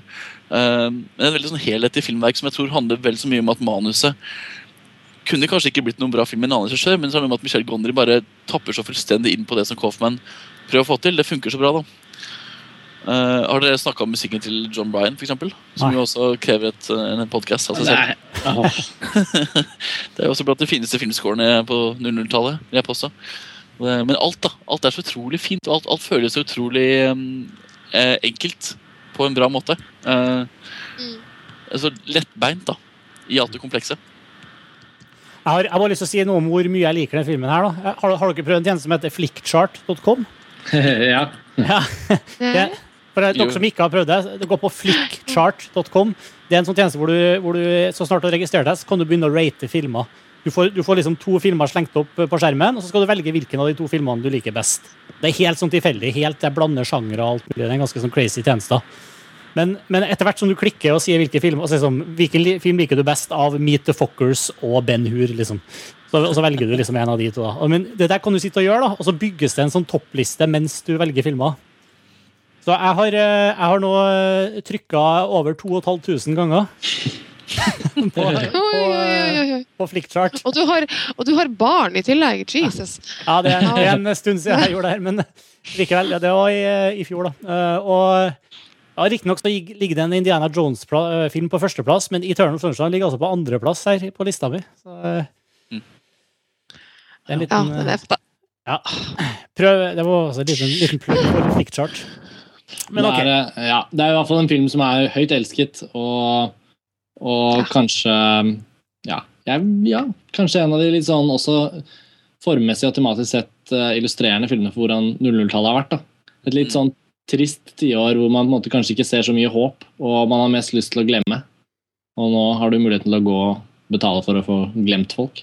Det er egentlig ganske mye som ligger der i den, vevd inn i den tematikken, da, som gjelder mye annet i, i tiåret vårt. Som hever i hvert fall for meg tanken om den filmen her hver gang jeg tenker på den eller hver gang jeg ser den. og jeg har sett den utrolig mange ganger så føler man liksom at man skal inn i den stemningen. Det er ikke bare historien, det er ikke bare alle de tingene vi har snakket om, men det er liksom det er som å dra et sted. da. Hvor det er litt trist, men også veldig fint. Neste film Neste film er jo unektelig også et veldig sterkt bilde på, vårt, på, på dette årtusenet. Skjult. Hva skjer? Eh, Mikael Hanneke igjen. Ja. Ja. Det her var vel hans, eh, kanskje en av hans, kanskje hans største publikumssuksess. Eh, bortsett fra Funny Games, selvfølgelig. Nei, den var vel ikke så stor publikumssuksess når den kom. Den har vel heller fått et langt liv på DVD, tror jeg. Ja. Uh, Den er vel mer en kult, uh, men Das Weißeband ligger vel kanskje an til å bli Ja. hans største ja, men det kom jo nå nettopp. Ja. Eh, Men, eh, men det er klart, Skjult ble et slags lite hva skal Man si? Man kan jo ikke si at det er et folkelig gjennombrudd. Nei, det, blockbuster var det ikke. Innenfor sjangeren intellektuelt, eh, analytisk filmhelvete Et eller annet, så er han jo veldig stor. Og så er det jo Ja. en film som har to av Frankrikes største skuespillere i hovedrollen, Daniel Auteuil og Juliette Binoche. Så den var jo en, lansert som en liten sånn blockbuster. Man måtte, man måtte se den, faktisk. Spesielt i Frankrike og de landene som kjenner de to. Mm. Så er det jo det er jo, det er jo her på en måte, det er jo en stjernefilm, selvfølgelig. det her. Bortsett fra ja. det er jo ikke det i stil og i innhold og i det hele tatt. Men altså, på plakaten det står Daniel Auteuil og det står Juliette Binoche, så tenker man jo selvfølgelig sitt. Og det var jo på en måte Skal vi, skal vi si litt grann om hva den handler om, eller? Mm, Ja. jeg bare syns det er interessant å ha med. Altså, OK, skal jeg Si, si hva den handler om, du, Karsten. Nei, for jeg bare, Det kan jo faktisk også hende at det er noen som hører på som ikke har sett den. Vi tar det på en måte litt sånn for gitt nå, nå som vi nærmer oss toppen at folk har sett filmene. Men Caché er vel en film som ganske mange ikke har sett, vil jeg tro. For den har på en måte, ja, mm, den er jo litt eh, spesiell, men sykt bra også. Men det, handler, det er jo faktisk en veldig spennende, det er jo en thriller. En skikkelig spennende thriller. For det handler om et ektepar som, som opplever å få tilsendt videokassetter av, som består av oppta lange opptak av, fra utsiden av huset deres, fra liksom eh, altså Scener fra deres liv, på en måte. da Men de kan ikke forstå helt hvor den kassetten kommer fra. Det er ingen logisk eh, motivasjon, og dette gjør dem veldig veldig paranoide. Og det skaper en betent tone dem imellom, og sakte, men sikkert så rulles da opp et mysterium som man på en måte kanskje ikke helt får ordentlig svar på, eller tvert om, man får egentlig bare flere spørsmål. Men det ligger en sånn vanvittig dirrende sånn thrillerstemning nesten fra aller første bilde i filmen. Så det er, ja, så er det viktig å si at uh, opptakene er statiske. da. ja nettopp. Det er, det er jo ikke snakk om at det er spennende opptak hvor det har gått til personer ut og filma inne i huset deres, og alt er skikkelig sånn fiffig. Det er veldig sånn Det, det kamera er ikke Blair. Nei, ikke sant? Så det er ganske sånn Jeg mener en film som handler om altså Mye, mye av filmen er da statisk opptak av et hus i en gate i Paris. Uh, men herregud, for en spennende film. Og så utrolig så, så skummel. Det er forferdelig er. Men, den er jo nesten enda skumlere i ettertanken, fordi eh, selv om den er veldig intens når den pågår også Caché er jo en film man Hvis man ser kanskje én gang, så ender man som regel opp med å se den i hvert fall fem ganger til. Det var for jeg har gjort. Og eh, den handler jo om et, et viktig, et sånt helt sentralt tema for det tiåret her, er jo, er jo irrasjonell frykt. Eh, som jo selvfølgelig blusset ekstremt opp etter det, det, dette terrorgreiene. Og, eh, og Caché handler jo om en familie, en kjernefamilie, en typisk fransk borgerlig kjernefamilie, som rett og slett blir ødelagt av en frykt som egentlig ikke er rasjonell. Altså, de blir tilsendt noen videokassetter eh, som gjør at de får en helt ekstrem angst, som gjør at de begynner å på en måte gå Alle går i hvert sitt eh, Alle gjennomfører sånn personlige skriftemål omtrent. Hva er det jeg kan ha gjort? Hvem er det som kan være ute etter å ta meg? Er det noen jeg har såra? Er det noen jeg har eh, vært slem mot? Eh, og det Altså, filmen klarer virkelig da å si noe om hvor ødeleggende den frykten er som en kraft i seg selv. Den, den ligger jo bare og dirrer gjennom hele filmen. som en sånn, Filmen er jo forgifta med en veldig frykt, en veldig angstfremkallende stemning som Michael Haneke er mester på da, og klarer å, å få til. Det er han jo i alle sine filmer. Men i Caché så, han tar jo opp den her irrasjonelle frykten i Das Weisseband også, som jo på mange måter er en slags tvillingfilm til Cachet. Og det er på en måte Man blir Man ender også opp med å konfrontere seg selv da, og sine egne holdninger til, til ting. Og, det, og, og, holdninger til, til samfunnet øh, og den øh, man, man, føler seg veldig utsatt når man har sett denne filmen her, samtidig som man reflekterer over at den, den, over at den følelsen i seg selv er utelukkende destruktiv. Da. Og det syns jeg er eh, kanskje det mest imponerende med den filmen, i den endeløse rekken av ting Eh, som er imponerende med, med Caché. Det er virkelig en av mine favorittfilmer fra dette tiåret her, i hvert fall. Mm. Hva med deg, Martin? Hva? Jeg, synes, jeg, liker den også veldig veldig godt. Og, og i forhold til å si at det er en film som, som, som er, er, skummel og, og, og, sånn etter at man har sett den, det, det handler litt om det Fannik også gjør veldig ofte. At han, han, lukker, han, tar, han nøster ikke opp trådene, liksom når, når, han, når, han, er ferdig. Han, han gir oss ikke Hollywood-konklusjonen på, på, filmene sine. han, Det er fortsatt skjult når filmen er ferdig. Ja, ja. Måte, det, er, eh, du blir sitt, det er stort potensial for grubling eh, etterpå også. Liksom. Det, og, nei, jeg er også veldig glad i den filmen her, altså. Er, og den er noe så sjeldent da, som en virkelig mystisk film. Altså, det lages jo Eh, David Lynch har jo laget en film som eh, hvis første halvtime er ganske lik kanskje Lost Highway. Hvor det også er et par som blir tilsendt videokassetter uh, som, hvor det er noen som har filmet de Han går selvfølgelig mye lenger da, og filmer at de, ha, at de har sex og alt mulig rart. Og at de sover om natta og osv. Han, han forsøker seg mer på en sånn paranormal activity-stemning. Det er ikke for å ikke anerkjenne Lynch her, han er jo fantastisk, men uh, men det som gjør Hannekes film så imponerende, er den uh, Altså, han, han, er så ufattelig kjip, da, i måten han lager film på. Han, den mystikken blir aldri på en måte lagt fram i noen slags poetiske vendinger eller noe stemnings... Han bruker aldri noen sånne veldig stemningsfulle virkemidler for å trekke oss inn. Filmen er iskald og er alltid liksom på en slags kontrollert avstand, samtidig som vi trekkes inn fordi at den gåten som filmen bærer på, er så instinktivt engasjerende. Det er jo en Det er virkelig en av de beste filmene jeg har sett. Og så plasserer han det så veldig nært, da. For han, han plasserer det rett inn i familie, rundt, rett på kjøkkenbordet, liksom. Mm.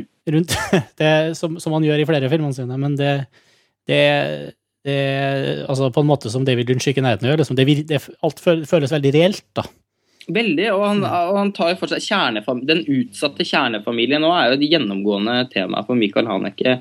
Til, og ikke nødvendigvis helt vanlige kjernefamilier, f.eks. i pianolærerinnen. Så litt merkeligere kjernefamilie. Men, og i Funny Games, i Bennys video, uh, i Kode ukjent, og, og, i, og i Cachet, og i og for seg Ida Sveitsband også. Han er veldig opptatt av familien som en institusjon, men han er også ekstremt kritisk da, til hva den institusjonen rommer av fordommer og, og frykt. Yes. Now for something completely different. Fra Hannike til Pixar. Ja, Her, fin overgang. snakker om en helt annen verden. Wally -E har vi på Hvilken plass er det? 15.? Mm. Uh, her har vi altså en av Det er vel kanskje regna som uh, hylla i hvert fall som den, eh, den beste Pixar-filmen i her.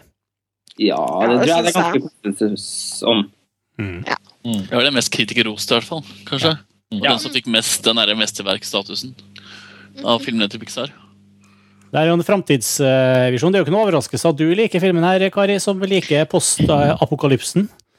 Ja, nei, det er vel kanskje ikke noen stor eh, overraskelse, selv om jeg jo da ofte hegner til det litt uh, mørkere segmentet og det litt voksnere. Men jeg syns det er veldig fascinerende at det går an å lage en postapokalyptisk film for hele familien. Jeg syns det er utrolig vakkert fortalt. Altså, jeg syns jo karakteren Wally er jo helt nydelig. Jeg syns det er fascinerende hvordan man kan lage en Altså få en liten uh, metalldings til å få så mye personlighet. Uh, først og fremst den bruken av lyd. Jeg syns det er Man kunne ha viet en hel uh, filmfrelst podkast bare til å snakke om lyden i Wally, egentlig. Fordi fraværet av dialog, men den utrolig kløktige bruken av eh, karakterbyggende lyder. Eh, det treffer meg i hvert fall midt i hjertet. Eh, altså, en ting er jo at jeg er glad i apokalyptiske filmer med måte, eh, fremtidsvisjoner hvor eh, verden har gått litt til helvete. Mm. Uh, jeg syns bare det er deilig å se det på en, denne måten. Og, uh, hvor man tar vare på håpet så til de grader. Også sånn bokstavelig talt den lille grønne blomsten i en sko, uh, som er det store håpet. Men, men, altså, først og fremst er jo kjærlighetshistoria mellom Wally og Eve det som treffer meg midt i hjertet. Og den omtanken da en liten metalldings kan vise for en annen, er jo helt nydelig digital kjærlighet. Mm. Det er jo nesten det er en slags altså Jeg, jeg føler jo Wally er en slags ET for 2000-tallet. Eh, på en måte mm. På mange måter. Det er liksom litt samme effektbruken og altså det der med lyden framfor dialog. ikke sant?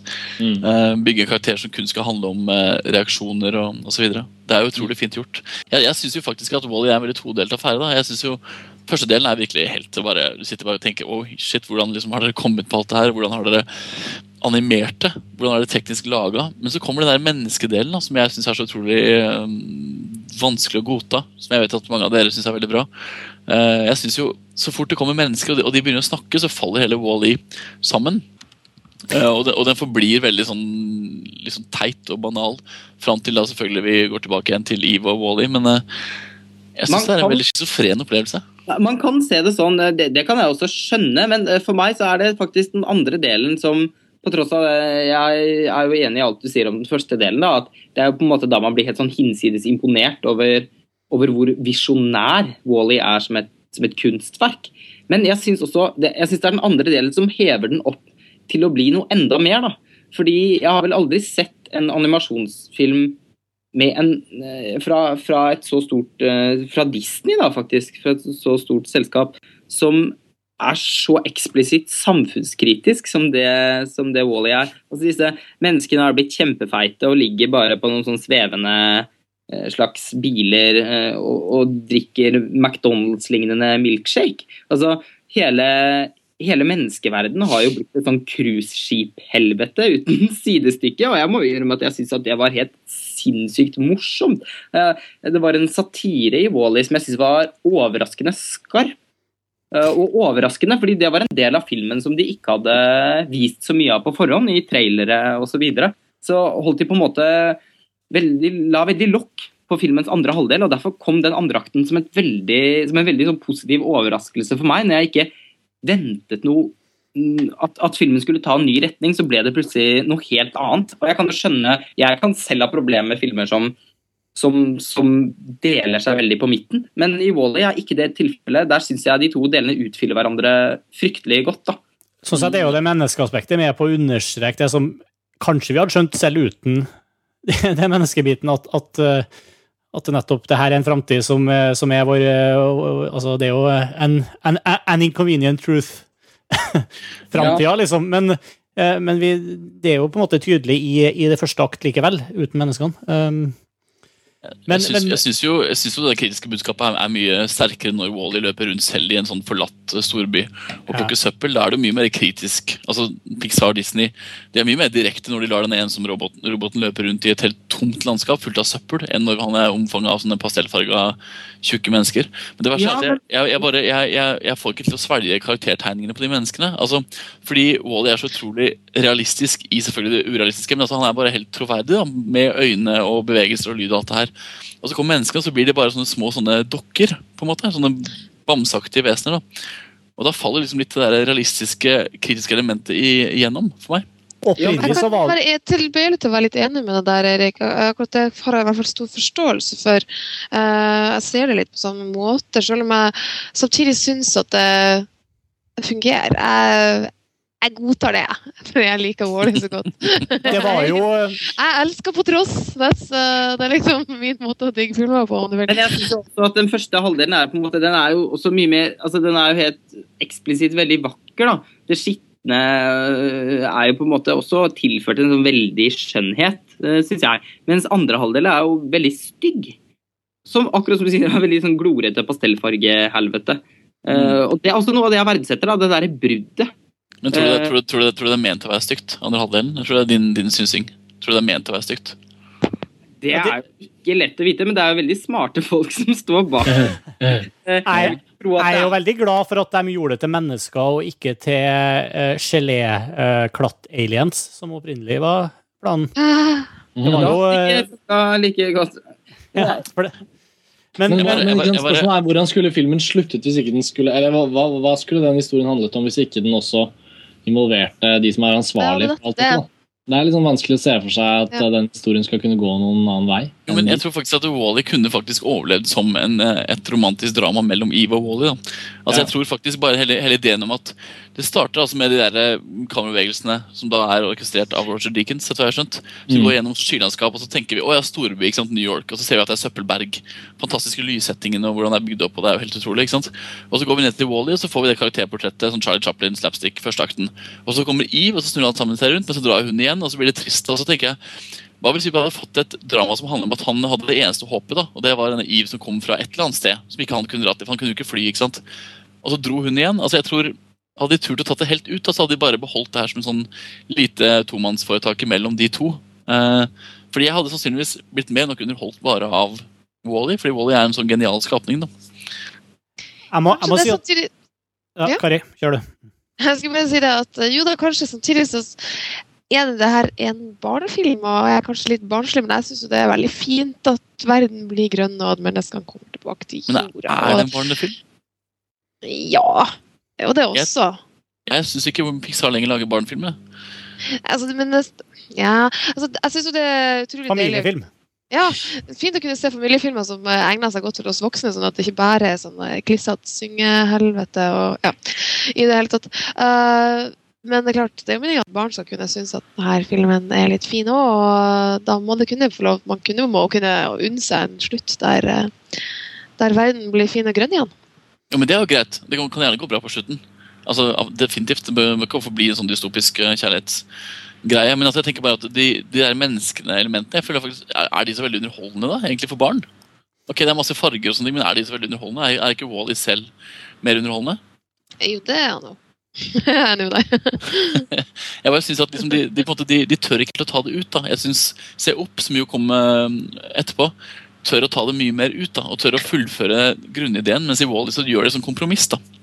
Ja, men, men jeg syns jeg, jeg- jeg, jeg, syns Se opp lider av mye av det samme som Wally lider av. Jeg syns det er en svak tredjeakt i, i begge de filmene. Mm. Ja, men jeg, men jeg, øh, for min del da, altså, jeg var mye mer plaget av det med Se opp. Altså, jeg syns det var Jeg syns Wall-E er en utrolig mye bedre film enn Se opp. øh, fordi den herre Se opp begynte, begynner jo en begynner jo helt fantastisk. En sånn veldig menneskelig i drama som føles kanskje mer voksen til noe Pixar har gjort tidligere. Men der syns jeg den der litt sånn King Kong, Indiana Jones-aktige tredjeakten føltes litt sånn forslitt. Altså, det var veldig godt gjort, men eh, der syns jeg den manglet. Eh, Der hvor eh, siste akten i Wall-E strengt tatt er litt interessant, det er et litt interessant brudd med resten av filmen, så syns jeg den i Se opp var mer preg av idéfattigdom, da. Mm. Det morsomme er at det fullfører jo veldig en slags oppfatning av Pixar om at de er, de er veldig flinke på første akten, da, men så er de ganske dårlige på å avslutte det de setter i gang. på en måte. Det er en liten sånn følelse man har med de filmene de siste årene. Ja, at de, og, de kan ikke helt å fullføre.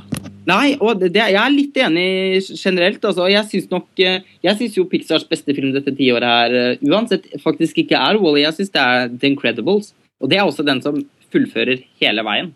Mm. Det er jo det er en mesterlig orkestrert film. Der, der syns jeg ikke det er et eneste feilskjær. Uh, den, den, den, øh, den føles veldig veldig helstøpt. Og jeg syns jo det er en evig sorg at den er såpass langt ned på listen vår. Da. Men uansett da, om Wall-E på en måte fungerer som en helhet eller ikke, så det er jo veldig interessant å se at en sånn film som da har den kritiske tonen, ikke sant, eh, kan gjennomføres og bli en eh, publikumssuksess og lanseres av Disney og det hele tatt. Det er veldig morsomt å se hvordan Pixar har kommet seg i posisjon da, til å gjøre sånne ting. Ja, og det er uansett, altså, uansett eh, det, hvordan vi har ulikt forhold til den innbyrdes, så, så tror jeg så er det ganske tydelig at vi liker den veldig godt alle sammen. Og eh, det er en film som uansett føles obligatorisk på en, på en liste som det her, fordi det er jo en av de store, store filmverkene fra tiåret uansett. Det tror jeg ikke vi kommer bort fra. Mm. Mm. Ok, over til 14.-plassen vår, og eh, nok en film, eh, andre film fra Ridley Scott. Ridley Scott har jo lagd mange filmer det tiåret her, men uh, foreløpig så er det bare Kingdom of Heaven, Director's Cut, vel å merke, som uh, kom seg inn på lista vår, i tillegg til denne filmen her, Gladiator, som var en kjempe, kjempesuksess. Ja. Uh, ja. Det var jo en kinoopplevelse helt uten like. I hvert fall da jeg så den. Da gikk jeg Jeg tror jeg vel var som 15 år eller noe når jeg så 'Gladiator' på kino. Og da var jeg jo helt Altså, jeg hadde ikke ord i min munn når jeg, når jeg kom ut fra den kinosalen. Det var virkelig en av mine avgjørende kinoopplevelser. Og den har holdt seg har, ja, den har nesten en slags sånn fordums storhet over seg, som jeg syns vi ser veldig sjelden i film nå. Det var bare min lille digresjon til akkurat det. Jo, men det er jeg veldig enig med deg, og det gjør også at jeg, For det første syns jeg filmen er eh, imponerende tidløs. Eh, den Altså, Ridley Scott revitaliserte jo hele eh, Sword and Sandal epic-sjangeren med, med den filmen her, og, og ingen klarte å hamle opp med det helt etterpå, fordi Gladiator føles, altså den føles fullstendig tidløs, og den føles heller ikke som en pastisj på de der gamle eh, filmene. Som jo mange av de andre gjorde, som nok har gjort at de er litt mer sånn forslitte. Eh, Gladiator jeg syns den er sånn evig ung jeg, i sin uh, trausthet. Eh, og den, det er en film jeg ser minst én gang i året, og det tror jeg aldri jeg kommer til å slutte å gjøre. Fordi historien er forferdelig rørende. Den er veldig enkel, men veldig rørende. Samtidig som den også har noen preg av noe mer komplekst. Det er en bihistorie i filmen som, som er helt fantastisk, med Jackin Phoenix og Connie Nielsen. Litt sånn incest-problematikk som ligger og dirrer. En, og en veldig sånn mystisk stemning som, som sildrer gjennom hele filmen. Som, som kanskje er den største kvaliteten. Da. Altså, man snakker jo ofte om, om de fantastiske actionene osv. Og det er også verdt å nevne, fordi Ridley Scott er jo en mester til å lage sånne sekvenser. Men jeg syns det likevel er den derre gjennomgående mystikken som gjør at jeg blir så fascinert av den filmen. Og ikke minst usedvanlig rørt. Altså, eh, det, er, det er på en måte en litt sånn stor, plump film som Oppsiktsvekkende mange eh, veldig typisk litt sånn intellektuelle mennesker også innrømmer at de blir veldig revet med av. fordi at når Maximus bæres ut av av Colosseum og får møte kone og barn i, i, i himmelriket i en stor eh, eng av eh, av, av eh, høy, eller Bygg eller noe Hvete. sånt. Korn, det. og synger, og han simmer sin musikk svulmer i bakgrunnen. Så nesten helt umulig å ikke gråte. Jeg, jeg, jeg blir så slått av den her utilslørte storheten i den filmen. Jeg syns det er en av Ridley Scotts kanskje tre beste filmer. Men det ligger jo veldig i det der vi snakket om at det er på en revitalisering av en historisk sjanger. Det, det er jo ikke en film av i dag. Virkelig ikke. Nei. Altså Det som gjør at den er i dag, er jo selvfølgelig effektbruken, som kanskje er det som gjør at den faller litt igjennom i dag. er jo at Den er, den er ganske avhengig av en del CGI-tablåer, som kanskje ikke helt funker helt bra i dag, men man kan jo neglisjere det. for så vidt. Men det er jo først og fremst en film som revitaliserer det e e- episke Hollywood-dramaet, egentlig. Og Det er kanskje det mest interessante med den også. Og da også denne bifortellingen med som du sagt, noe som er, fortsatt er veldig engasjerende og veldig velspilt. da. Mm. Men jeg vil si at det er ganske morsomt, fordi det her er jo det er spennende også sånn, som et kultfenomen. fordi sånn som Musikken til Gladiator har jo blitt en helt, uh, hel affære. For eksempel, da. Mm. Ikke sant? Det er en sånn film som kom, altså Den hadde premiere 5. mai i 2000 i, i, i USA. og så vidt jeg vet så lå musikken høyt på listene liksom kjempe, kjempelenge og solgte masse. masse, masse, ikke sant? En sånn type film som bare Altså Det blir mer enn bare film. da. Eh, Ja, ja. Og da tross, tross alt når, når et soundtrack, liksom, et filmscore, selger, så er jo det, det sier jo ganske mye om at, at folk har dyrka filmen. man kan jo si at Hans Simmers musikk nesten er en slags popmusikk. da. Og, Ja, det blir jo det, ikke sant? Du spiller på fest, du spiller på nachspiel på en fest, ikke sant? Så sitter alle og nynner i sofaen. Det er helt, helt absurd. Ja, og, og det har på en måte gjort at eh, Gladiator er en av de ikke en av de få, for det er mange filmer på denne listen her som på en måte man kan si at virkelig er klassikere. Andre er mer sånn perler som man trekker fram og som man anerkjenner, men som på en måte ikke har fått til et sånn kulturelt fotfeste. Men det har jo virkelig Gladiator gjort. Det er jo eh, noe så sjelden som en, en virkelig stor moderne klassiker som ikke lenger er en film, den er en kultur. Mm. Hva tenker dere andre? Nei, Karsten, jeg hørte jo på musikken på Video Nova sammen for eh, snart eh, ni år siden. Ja, men denne, denne filmen er jo liksom, den transcenderer jo så mange sånne ting. da. Den blir mer som en sånn, det blir som en sånn stor, klassisk roman som alltid har vært der. Eh, Jeg følte den var sånn umiddelbart føltes bare som en sånn evig gammel film. På en veldig Mm. bra måte. da. Som var bare sånn Ok, da har vi liksom, da har vi den. Da kan all, alle andre Saud- og Sandal-filmer herfra ut kan måles etter den her.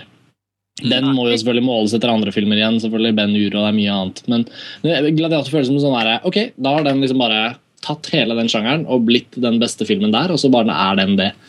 Og det blir Eh, jeg kan ikke skjønne hvordan noen kan gjøre noe bedre enn den, egentlig. Nei, det kan ikke jeg signere. Den, den vil nok stå som den beste filmen i den sjangeren, tror jeg.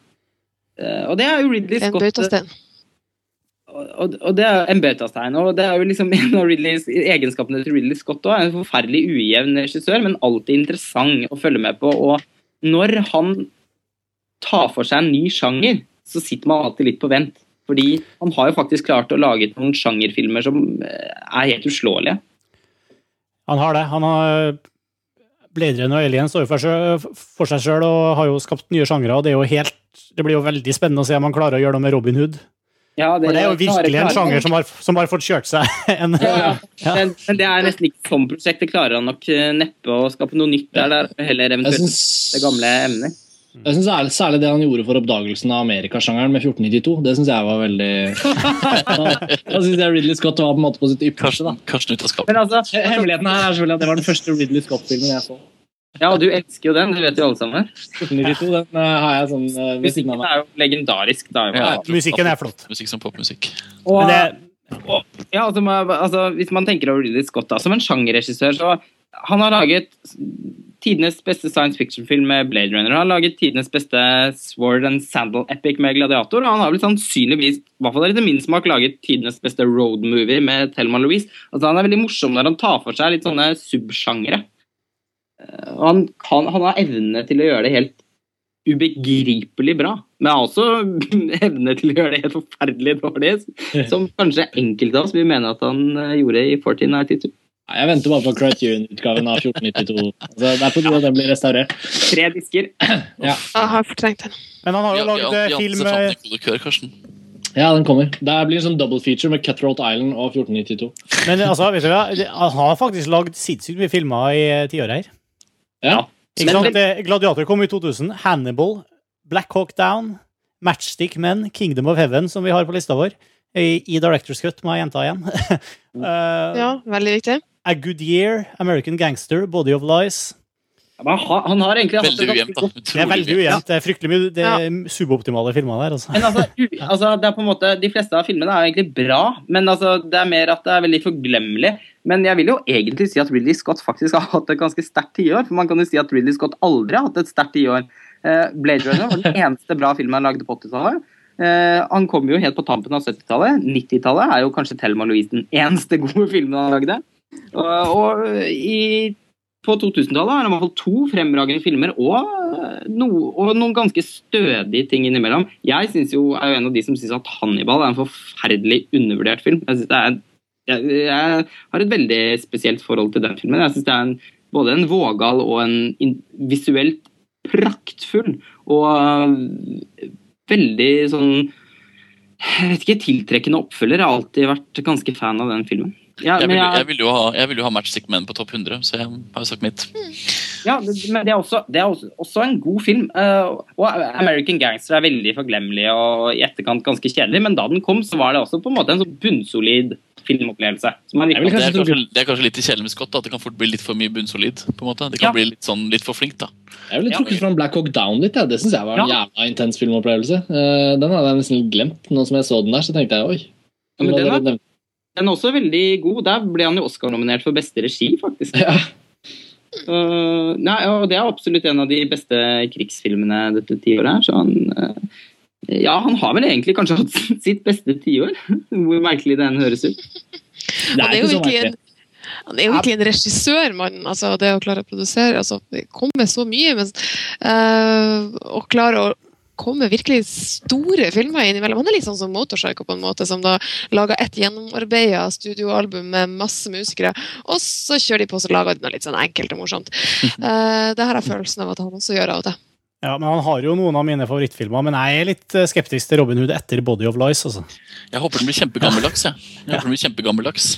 Jeg håper Robin, Robin Hood blir en sånn skikkelig virkelig en sånn, sånn der gammel fil og litt sånn støvete og helt tatt, jeg. Det er vel det vi er enige om at det er Gladiators største styrke ved siden av alt det andre som er veldig bra med den. At den føles så liksom klassisk. på en måte. Det er også det jeg ville drømme om at Robin Hood er. Jeg har ekstremt lave forventninger. Støv og jord i slow motion. Jeg har ekstremt høye forventninger, da, fordi jeg, du får se den sammen. det, Ok, er nettopp, det er nettopp de Og da lander jeg sånn midt på treet. Ja, men jeg, jeg tror han kommer til å bruke de tingene som kanskje noen har gått lei, men som jeg ikke har gått lei. da, For jeg har sånn kjempefetisj for en del sånn visuelle motiver til Ridley Scott. Og det ser ut som, en, som Robin Hood blir en slags armada av alle disse tingene. Og gammeldags eh, jeg tror jeg nok i alle fall den blir, og da er jeg ganske fornøyd. Det er en sjanger som jeg har et merkelig kjært forhold til. Jeg vil bare ha en ny Everything I Do, I Do It For You. Uff, det Det blir iallfall veldig, det blir veldig pompøst. Liksom. Det kan jo, det kan jo er få, ja, men det blir jo helt sikkert. Pretensiøst og pompøst, men det er jo- kan være greit, det. Den tilhører neste tiår, så vi får spare den. Vi sparer den. Ja. Eh, Nå skal vi over til Cohen-brødrene. Joel og Ethan Cohen har lagd en film som heter No Country for Old Men, som vi har på eh, 13. plass plass. på lista vår. Apropos pompøst. Ja. Det var jo alt annet enn pompøst, vil jeg påstå. Ja, her er en type film hvor de eh, drister seg til å, å klippe bort sin største action, potensielle actionscene og virkelig eh, leke mer enn de kanskje har lekt noensinne før med, med, med, for, med fortellerstil, i hvert fall. Mm, Eller er jo basert på en bok da, av Conrad McCarthy som ikke eier actionscener. Altså, det er jo en, basert på en roman som i seg selv er like stilltiende som, eh, som filmen. Um, det er veldig delte meninger om denne filmen her på montasje, mener jeg å huske. Uh, jeg syns det her er en av de litt mer eh, Kanskje den mest fintfølende og subtile Cohen-filmen. Jeg synes den er uh, med et av de beste fotoarbeidene fra 2000-tallet, etter min mening, av Roger Dickens. Mm. Uh, og en av de, noen liksom de mest sånne fine skuespillerprestasjonene. og det mest sånne, altså Fintfølende da, er det ordet jeg vil bruke om denne filmen. her. Um, basert på en veldig veldig bra roman som bare fullføres og adopteres. Eh, veldig flott filmatisk. Du, du har lest romanen, du, da? Ja, jeg, jeg er jo Cormac McCarthy-fan. Du er en av de? Ja. så Men det er veldig mange som er enig med meg. Ja, jeg er veldig enig med deg. Jeg syns det er en fabelaktig film. Jeg syns det er veldig deilig å se at Cohen-brødrene kan gjøre en, eh, en litt inderlig og oppriktig film. For ofte så syns jeg de De leker seg jo ofte veldig med dialog, eh, men de blir litt sånn eh, De driver og, og tusler rundt på overflata og uh, det kan være veldig fascinerende en del av de filmene der det er liksom alltid et uh, hva skal jeg si, der de har et smil på lur. Uh, det er ikke så mye smil på lur i No Country for Old Men. Eh, men jeg syns det er så utrolig godt å se en så bunnsolid film, og ja, som sagt en så oppriktig film fra Cohen-brødrene. Mm. Den er, den er virkelig altså Jeg også bifaller alt Eirik eh, sier. Eh, for det er jo altså og, og som du, altså Den er jo bunnsolid på alle mulige måter. Det, det, altså Filmen er et mesterverk. Eh, men eh, den tilhører nok sjangeren som jeg eh, beundrer veldig, men som jeg nok aldri helt klarer å elske. da. Eh, og det har vel både du, både Eirik og jeg og Karsten hatt en del diskusjoner om før, og er vel egentlig som regel vært ganske enige om at Eh, Det er jo ingen av oss som vel dyrker denne filmen like mye som veldig veldig mange andre gjør. Ja, Det er altså, det morsomme, men det er morsomme som Cohen-film at den ikke dyrkes. da. Det er første Cohen-filmen som er litt vanskelig å dyrke. da. Hvis vi ser bort fra Lady Killers og Intolerable Cruelty og andre forferdeligheter. Så Øh, Men den, er jo liksom, den, den har en sånn merkelig status hos meg, fordi jeg, jeg syns den jo er helt sykt bra. Altså, et, med så mye dårlig film som lages. det er en dårlig, det er en kjedelig sammenligning, selvfølgelig. Men uansett, den er, den er liksom veldig, veldig veldig bra. Bare at jeg har, jeg har liksom ikke noe spesielt behov for å oppsøke den så mye. Og når man er er såpass filminteressert som alle vi er, og, og, og vi dyrker jo de filmene vi dyrker, de dyrker vi jo virkelig som uh, kjære planter i en potte. Som uh, vi besøker eh, flere ganger um, i året. Men uh, her så er det liksom en film som er sånn dødsbra film. Vanvittig intens kinoopplevelse. Superrespekt for alt. Husker den kjempegodt. Ikke så veldig stort behov for å oppsøke den flere ganger. Og Det handler ikke om at den er så grusom eller så ille. eller noen ting. Det handler bare om at jeg føler liksom jeg har sett den. Jeg, jeg, Jeg er veldig enig der. Snodig der. jeg, jeg, jeg syns Kari har et veldig godt poeng i det at eh, det, det er kanskje grunnen til at vi føler sånn. Jeg føler litt på den måten her, er jo nettopp det at de roter litt for mye i- eller litt, litt mye i overfladiskhet. da. Kanskje litt mindre enn eh, mange andre av filmene deres i, i No Country for Old Men. Men i, sånn som i neste filmen eh, de lagde, Burn After Reading, som er liksom veldig, veldig over i, i crazy uh, idékomikk eh, som, som liksom ikke leder noe sted. Mm. Og, og, og litt, litt egentlig litt av grunnen til at jeg er litt uh, blitt mer og mer liksom uh, avmålt i forhold til Tarantino. Det er litt det samme symptomet, Ja, syns jeg. Det kan jeg. Men Ja. samtidig- kan Ja, det, det her med men faktisk Burn After Reading er jo litt interessant i så måte. Jeg vet ikke på hvilken måte dere så den, men jeg syns de da klarer å gi et ganske bra spark til seg sjøl. hvis dere ser den på den måten, så, så syns jeg i hvert fall at den- får en helt ny mening. Mm. Men det var nå min lille tolkning. Men, men altså samtidig, da, for å gå litt tilbake til No Country for Men og Cormac McCarthy, for det er jo en adaptasjon, og det er viktig å si det, så er det jo altså Tenk på alt som ligger karakterene. Tom Lee Jones og Harvey altså alle, alle, alle, karakterene da, i universet er jo veldig underspilt ikke sant? og veldig lite dialog og veldig lite egentlig handling, da, for så vidt. Men alle karakterene sitter jo veldig godt igjen etterpå. Eh, kanskje spesielt Tom Lee Jones sin karakter, vil jeg påstå. da. Så jeg faktisk mener er den beste karakteren i hele, i hele filmen. Men eh, det er så utrolig det er, så, det, er så, det er jo egentlig utrolig mye i No Country for Old Men. Ja. Som På samme måte som det er alle kommer med kart i romaner, så er det egentlig utrolig utrolig mye. Men det er så strippa, da. Det er så kokt så utrolig ned til beina at det bare er liksom egentlig ikke igjen noe annet enn virkelig det mm, Akkurat det du trenger da, for å kunne pusle sammen uh, puslespillet og forstå karakterene osv. Og det er så utrolig interessant å se Cohen-brødrene gå den veien da, og gjøre en sånn film. Det, og gjøre det så bra. Det, og ikke ta noen ting for gitt. Altså de bare, jeg synes Det er så utrolig mange, det er så mye, mye detaljer i, i alt her som kommer etterpå, etter å ha sett filmen. Altså to timer senere. Derfor har jeg tenkt at jeg, må, jeg må jo se den på nytt, for jeg vil jo gjerne gjenopptage de, de sekvensene på det, prøve å sette i sammenheng. Og hva skjer egentlig med Tommy Jones, for eksempel? Hva skjer Ja. med den karakteren? Uh, det, er, det er utrolig mye ekkelt og ubehagelig og horroraktige ting her som er uh, vet ikke Det er en veldig mangfoldig film, da, synes jeg. Slutten på filmen er jo kanskje hovedgrunnen til at man har lyst til å se den om igjen. Nå merker jeg at du pirret meg litt igjen, for den, den er jo ganske gåtefull. Ja. Eh, Det er veldig mye konkret som foregår, og det er veldig mange rare vendinger, men når filmen er over, så føles den som en litt sånn uløst gåte. Men siden det er så konkret, og akkurat som du sier, det er nedstrippede Du ser det du ser, og du vet at måte, det er det du ser. og Den er ikke konstruert med en sånn narrativ som bygger opp rundt det gåtefulle. Det er bare sånn ting skjer, og så har de på en måte klart å skape en sånn slutt på den historien som, som etterlater oss i det litt gåtefulle. Da. Og det er kanskje det var kanskje det jeg likte aller best med filmen. Eh, Jeg- Jeg er veldig fan av denne den sjangeren. må jeg si. Altså, jeg, er veldig fan av den sjangeren som tar seg veldig god tid, men som samtidig greier å bygge opp et sakte crescendo av noe, et ubehag. da. Uh, ikke sånn som hos Haneke, kanskje, men istedenfor bare en film som ikke nødvendigvis skal være en horrorfilm, men som til de grader er en horrorfilm. Jeg mener, Den der uh, Javier Bardem-karakteren er jo virkelig en, uh, en grusom skikkelse. Det er vel nesten djevelen, på en måte. Ja, ja. Det er jo, det er jo, det er jo veldig mye ondskap i No Country for Old Men. Og det, Men jeg, jeg, jeg, jeg opplever det som en karikatur når jeg så, når jeg så filmen.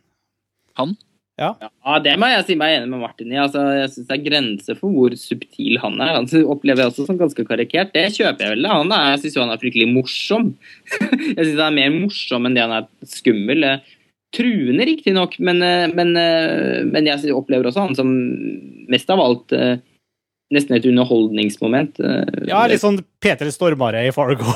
ja, men også, men også, også veldig sånn maskin. da. Også veldig sånn kald seriemorder som bare er en slags terminator. Men- altså... Men, men den har på en måte fått, den har, filmen har fått status som, uh, ifølge mange, tiårets beste film, og, og Cohen-brødrenes beste film. Og, og jeg, jeg, vil nok si at jeg fortsatt syns at Fargo er den suverent beste filmen til Cohen-brødrene. Jeg syns at den har både mer sjel og mer hjerte, og, og, og faktisk på noen måter er tankemessig enda mer spennende også, syns jeg. Jeg syns at No Country den er så destillert da, at du nesten ikke kan Det er nesten ikke noe å begynne å analysere, fordi det, er så, det ligger så for dagen, og samtidig som det er veldig komplekst. Og det er selvfølgelig filmens triumf. Og det er en he helt eksepsjonell film som på en måte er umulig å undervurdere. Men uh, uh, og, og, det forklarer også at den har kommet så høyt på listen vår, på tross av at det jo også er ganske tydelig at det er en mangel på brennende No Country for Old Men-fans i montasjestaben. Mm. Ja. Yes, vi beveger oss over til en film eh, på tolvteplass som jeg ikke har lyst til at vi skal prate veldig mye om, fordi vi har via en hel podkast til en eh, bare for få uker siden. Det er Michael Hannikes eh, 'Det hvite båndet'. Og vi har jo nevnt den mange ganger allerede i, i kveld. Ja, hva skal man si som ikke er sagt? Der er vel flere Ja. Der er vel kanskje flere redaksjoner sånn, som er fans. Ja. ja. Vi kan vel bare vi, vi, vi oppfordre alle lyttere til å se den filmen. Den går på kino nå. Ja. Og uh, søk på montasje etter både podkast og artikler. Og det er en fryktelig rik og forferdelig ekkel og skummel og ubehagelig film. Jeg tror, jeg tror vi kan kåre det til 2009s uh, montasjefavoritt, rent sånn kollektivt sett i, i redaksjonen. Det tror jeg nok eh, stemmer. Og, ja. og det er eh, Det hvite båndet er en film som øyeblikkelig stiller seg blant de beste filmene som noensinne er lagd. Eh, det, altså, det syns jeg faktisk ikke er for pompøst å si. Det gjøres ikke bedre. Den er på nivå med det beste Bergman lagde. Og, og, og de mesterne fra, fra, hans generasjon. Det, det, er helt Det føles absurd å gå på kino og se en så god film som Det hvite båndet. Huffa meg, så bra. Men på ellevteplass en eh, minst like god film fra Julian, Julian Schnabel, som vi også har vært innom før uh, på lista vår. Men han lagde en film i 2007 som heter 'Dykkerklokken og sommerfuglen'. Mm. Ja. Som handler om uh, redaktøren for et moteblad. Er det, er det, er det L? Ja.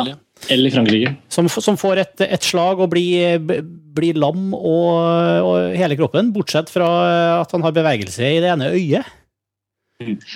Og, og, boka handler om hans restitusjon, skulle du si. Hans, han, han, skriver vel faktisk en bok, han, med at han har uh, sånne lingvister og sykepleiere som tolker altså Bare ved å blunke med øyet, så klarer han da altså etter hvert å få et system for å kunne formidle bokstaver og ord og, og sånn. Og, og, han klarer faktisk å skrive en bok med, med øyet sitt.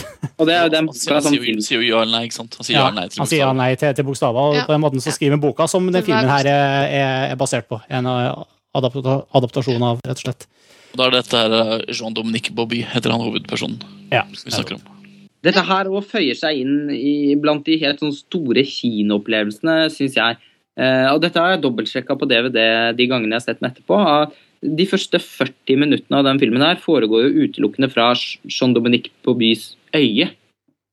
Og den følelsen av motløshet og klaustrofobi som, eh, som Jean-Dominique føler, Eh, klarer faktisk filmen å smitte fullstendig over på, på tilskueren. Jeg husker at jeg, jeg har sjelden vært så irritert og frustrert og oppriktig sint eh, under en film som jeg var eh, de første 40 minuttene av 'Dykkerklokken og sommerfuglen', fordi jeg ville virkelig ut av dette ja. øyet. Ja, det, fordi han er jo litt sånn, litt sånn uspiselig figur i utgangspunktet. Han ja, han er ufyselig. Han, ja, han, er kjempeufyselig. Uh, men man blir på en måte tvunget da, til å sette seg i hans uh, bås. Mm. Og når da filmen frigjør seg fra øya hans etter 40 minutter, så, så, er man så tørst på å vite mer. Altså man er, man er, så, man er så oppdagelsestørst, da, rett og slett. Man ønsker å se hvilke rom man befinner seg, hvordan menneskene eh, rundt han ser, ser ut fra andre vinkler eh, enn fra hans øye. Man, er, man blir veldig sånn interessert i eh, hva som er årsaken til at han har havnet i, i den ulykken. Eh, hvilken, hvilken relasjon han har til familien sin, til barna sine, til ekskonene sine. da, eh, så. Man får en, eh, han, Julian Snabel klarer på et helt fantastisk sett da, å gjøre at man blir utrolig interessert og engasjert i en, som du antyder, ganske uspiselig karakter. Eh, og det formidles jo da også med en grenseløs skjønnhet. Det må jo være en av de vakreste filmene som er laget for i tiåret. Eh, ikke minst pga. det som kanskje er min favorittfotograf av de fotografene som i hvert fall jobber i dag, Janus Kaminski, som ellers bare jobber med Steven Spielberg, men som gjorde et unntak for Julian Schnabel og dette prosjektet. Eh, og eh, resten av filmen er nesten en sånn poetisk bildestrøm som både forteller eh, Jean-Dominique sitt arbeid med denne boken, og også hele hans livshistorie. Man blir, klarer faktisk å bli veldig kjent med hvilken person han er, og det er utrolig godt gjort. Men den, altså det desperate behovet man får, er jo å se han, hvordan han ser ut etter 40 minutter. ikke sant? Ja. Du får en sånn veldig sånn, men Hvordan ser denne mannen ut? Jeg vil se, altså Er han helt skada? Altså, har han åpne sår i ansiktet? Hvordan er, altså, hvordan er han? Ikke sant? For Du får ikke se noen ting av han. Annet enn et lite hint i et speil. hvis jeg husker. Og så går det 40 minutter. ikke sant? Og Man blir jo nesten sånn, man blir jo helt desperat og klaustrofobisk virkelig fanga i hodet til uh, Jean Daux. Man blir jo helt satt ut av det. I dykkerklokka. I dykkerklokka. Dykkerklokka, ja. Og, og tittelen sier jo alt. altså Dykkerklokken og sommerfuglen er jo en helt utrolig tittel. Ja, og den, og den filmen er jo Første akten er jo dykkerklokken, og andre eh, akten er jo sommerfuglen. og Det kan høres litt sånn banalt og nesten litt sånn det er akkurat det du sier. Det er jo så vanvittig nydelig løst i den filmen. Det, er, det, fins ikke mange filmer som klarer å, å bruke det og putte det i en tittel. Og, og, og, den historien er så spesiell. Jeg har aldri hørt en historie som ligner på den som fortelles i denne filmen, om et menneske som havner i en så uh, ja, uh, paralysert situasjon, men som har et så rikt indre sjeleliv. Og, og klarer å få det ut, liksom. Det har vært utrolig. Samtidig som jeg, Det er en sånn film som jeg nesten syns er vanskelig å snakke om. fordi, uh, og Det blir jo sånn rent personlig. Jeg tror vel alle som uh, kjenner noen eller har kjent noen som på noen som helst måte har blitt fanga i sin egen kropp pga. sykdom, vil bli veldig truffet av den filmen. Jeg, jeg blir lei meg av å snakke om det, nesten. Men skal det sies, da, for å snakke om litt uh, optimistiske det, det, er noen utrolig vakre kvinner som jo er i fokus de første 40 minuttene av filmene. Det er jo noen stjernelaga franske skuespillerinner som spiller forskjellige roller her. Og det er jo visuelt også fordi filmen faktisk tillater seg å, å vise det litt sånn veldig sånn seksualiserte blikket da, til Jean-Dominique Bobby på disse damene. Som gjør at det også er ganske morsomt. Det er jo ikke bare tragisk. Nei da, den er ganske morsom. Det, og det er også en veldig, det er også en veldig sånn halverotisk, eh, småvulgær, sjåvinistisk eh, karakter da, som vi får møte. Som gjør at det blir veldig sånn Det er, det er, på det er veldig ubehagelig, men samtidig er det litt sånn det er nesten litt fint også, noen ganger. Ja, men, men det, det, er jo fordi at han personen eh, Han, han er jo Idet han innser situasjonen sin, så er han jo fort Altså, han er jo fortsatt seg sjøl. Liksom. Han, liksom, han, gir ikke opp alt og blir superdepressiv med en gang. Han blir det litt etter hvert, men Han er jo fint det funker så bra da, i manuset. akkurat der. Ja. Mm. Han er jo bitende sarkastisk. Han blir jo ikke noe helgen med en gang bare fordi han har vært gjennom ei ulykke. og Det syns jeg er veldig bra, for det hadde vært eh, en tragedie for filmen om han hadde mista si, sine menneskelige feil bare fordi han var i en tragisk situasjon. Ja.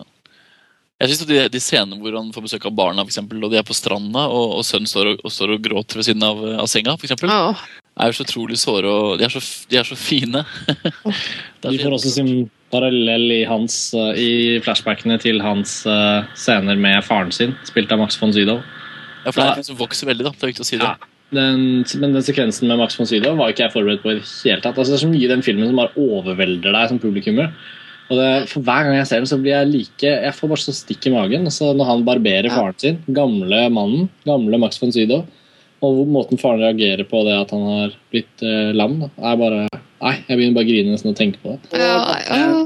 Gamle Max von Sydow som sitter gråtende på telefonen på ja, Det er jo umulig å ikke bli berørt. Altså, altså det som er så ekkelt med filmen, nå er jo at det her er sånn hele, ramme, hele rammen for, for, hva som skjer. Det, er helt sånn fra blå himmel, fullstendig uforklarlig, liksom. Plutselig er mm. mann i sin beste alder. liksom Han er verken gammel eller har tidligere sykdomshistorie, eller noe. Han bare plutselig får et slag, og viff, så er han eh, totallam. Liksom. Mm. Så, så er, er, det, er det ganske skummelt. Ja, it, could, it could happen to you. Men det gjør, gjør, at det blir en litt sånn horroraktig følelse Altså, for at du tenker at shit, det kan jo skje med alle. Og det, mm. det gjør det skummelt, da, faktisk. Mm. Det, men altså, fotoarbeid Vi kan jo Det er veldig interessant hvordan de monterte på øyenbryn på kamera og eh, eksperimenterte med linser og helt tatt bygde opp det der øyet. da Og brukte øyet som eksempel. Hadde med seg lege på settet som sto og passa på at det var riktige innstillinger. Og, altså, de jobba jo virkelig med for å skape den følelsen av um, å være inni hodet til Jando. Mm. Det, det er utrolig gjennomført, men Jan Kaminski er jo, altså han, det her er jo produsert av eh, Kathleen Kennedy, sin Spielberg sin produsent. Så det her er jo en amerikansk produksjon, som er altså amerikansk-fransk, finansiert i USA. Uh, så Kaminski ble jo med på det amerikanske teamet som ja, som gjorde filmen. da. Men Det er veldig fascinerende å tenke på at Janusz Kaminski drar til Europa og gjør sin uh, beste film. sin, sin beste fotoarbeid, vil jeg påstå. Det, mm. Han burde gjøre mer i Europa. Mm. En fantastisk film. Det er også filmen vi har på tiendeplass. Nummer ti, Lost in Translation, Sofia Coppola. Uh, hvem går på den filmen her? Oh, um, jeg tror. Mange hengivne fans. Nei, dere, dere, dere som er med langprata, kan få lov å begynne først. Kan vi ikke begynne med Scarlett Johansen, da? Jo. Kan vi ikke begynne med det negative, faktisk? Fordi Nei, uh, jeg kan jo begynne med rumpa til Scarlett Johansen. Nei, altså Filmen, filmen starter veldig pent. Det var ikke det jeg mente. Jeg tenkte bare, jeg har lyst til å bare erklære at jeg er så skuffa over at Scarlett Johansen eh, i løpet av 2000-tallet mista det hun egentlig hadde. etter min ja, mening. Det er sant. Det er, Vi har aldri sett det bedre enn i Lost in Translation. Altså Det hun hadde, var, er bare så tydelig i den filmen her. Og så har hun mista det, vil jeg påstå. Kan ikke du begynne med det, da? og så snakker vi oss baklengs tilbake til Lost in Translation. Nei, men altså, ok jeg synes også Lost in Translation, Det tragiske med den, da, når man ser den i dag, er uh, Scarlett Johansson. Fordi hun, hun, er så nydelig i den hovedrollen, og hun er så bra. Og alt det som hun på en måte sto for som skuespiller, er uh, optimalisert da, i uh, Sofia Coppola sin film. Men det har hun mista i løpet av 2000-tallet, vil jeg påstå. Og hun har bare blitt en sånn litt sånn, der, litt sånn kjedelig superstjerne. Du føler ikke så. at du gjorde det like godt i The Island? Nei, altså hun har, nå har bare blitt en sånn derre Jeg vet ikke, en sånn Loreal-representant. Jeg vet ikke, jeg synes bare, altså Rumpa til Scarlett Johansen var liksom noe av det beste med hele Lost Translation. Det er én ting, men hun, bare, hun er virkelig, for meg så er hun egentlig kanskje det store store, store trekkplasteret i den filmen. da. Det er hun som jeg kommer tilbake til. Ja, altså, filmen begynner jo da med den legendariske rumpa til eh, Scarlett Johansson. Og jeg tror hun vil for alltid være min største Ja, og jeg, eh, jeg tror hun for alltid vil være min største filmforelskelse. Eh, det, og det har ikke bare med henne og hennes utseende å gjøre, for jeg hadde vel aldri kanskje sett noen som var så pen da jeg så Lost in Translation, men det er også noe med hennes å gjøre, da, Charlotte, som er en så ufattelig nydelig karakter. Det er kanskje den fineste filmkarakteren jeg kjenner. Eh, og som jeg virkelig føler at jeg kjenner også, da, fordi eh, jeg glemmer aldri følelsen jeg hadde jeg Translation for første gang i London. Og da husker jeg den her fremmedgjortheten som den filmen eh, tematiserte, og den her utilhørigheten, den kjente jeg så ekstremt sterkt på kroppen. Og jeg syns at eh, det, var, det var Altså, den filmen kom fra intet, da. Og bare klarte å si mer om hvordan jeg til tider kunne føle meg, enn kanskje noen annen film jeg hadde sett. Og så har jeg blitt eldre siden den gang, osv. Men eh, Lost in Translation har fortsatt og vil alltid ha en særstilling hos meg. Den er en av mine topp fem favorittfilmer gjennom alle tider. Ikke bare for dette tiåret her. Eh, og det er en, Jeg husker det var en sommer hvor jeg så Lost in Translation. Jeg tror jeg nesten så den hver dag. Og jeg skulle vise den. du er nerd! Ja, men det er helt ja, men Det er helt ekstremt. Jeg skulle vise den til alle vennene mine, og jeg gråt og jeg drakk sprit.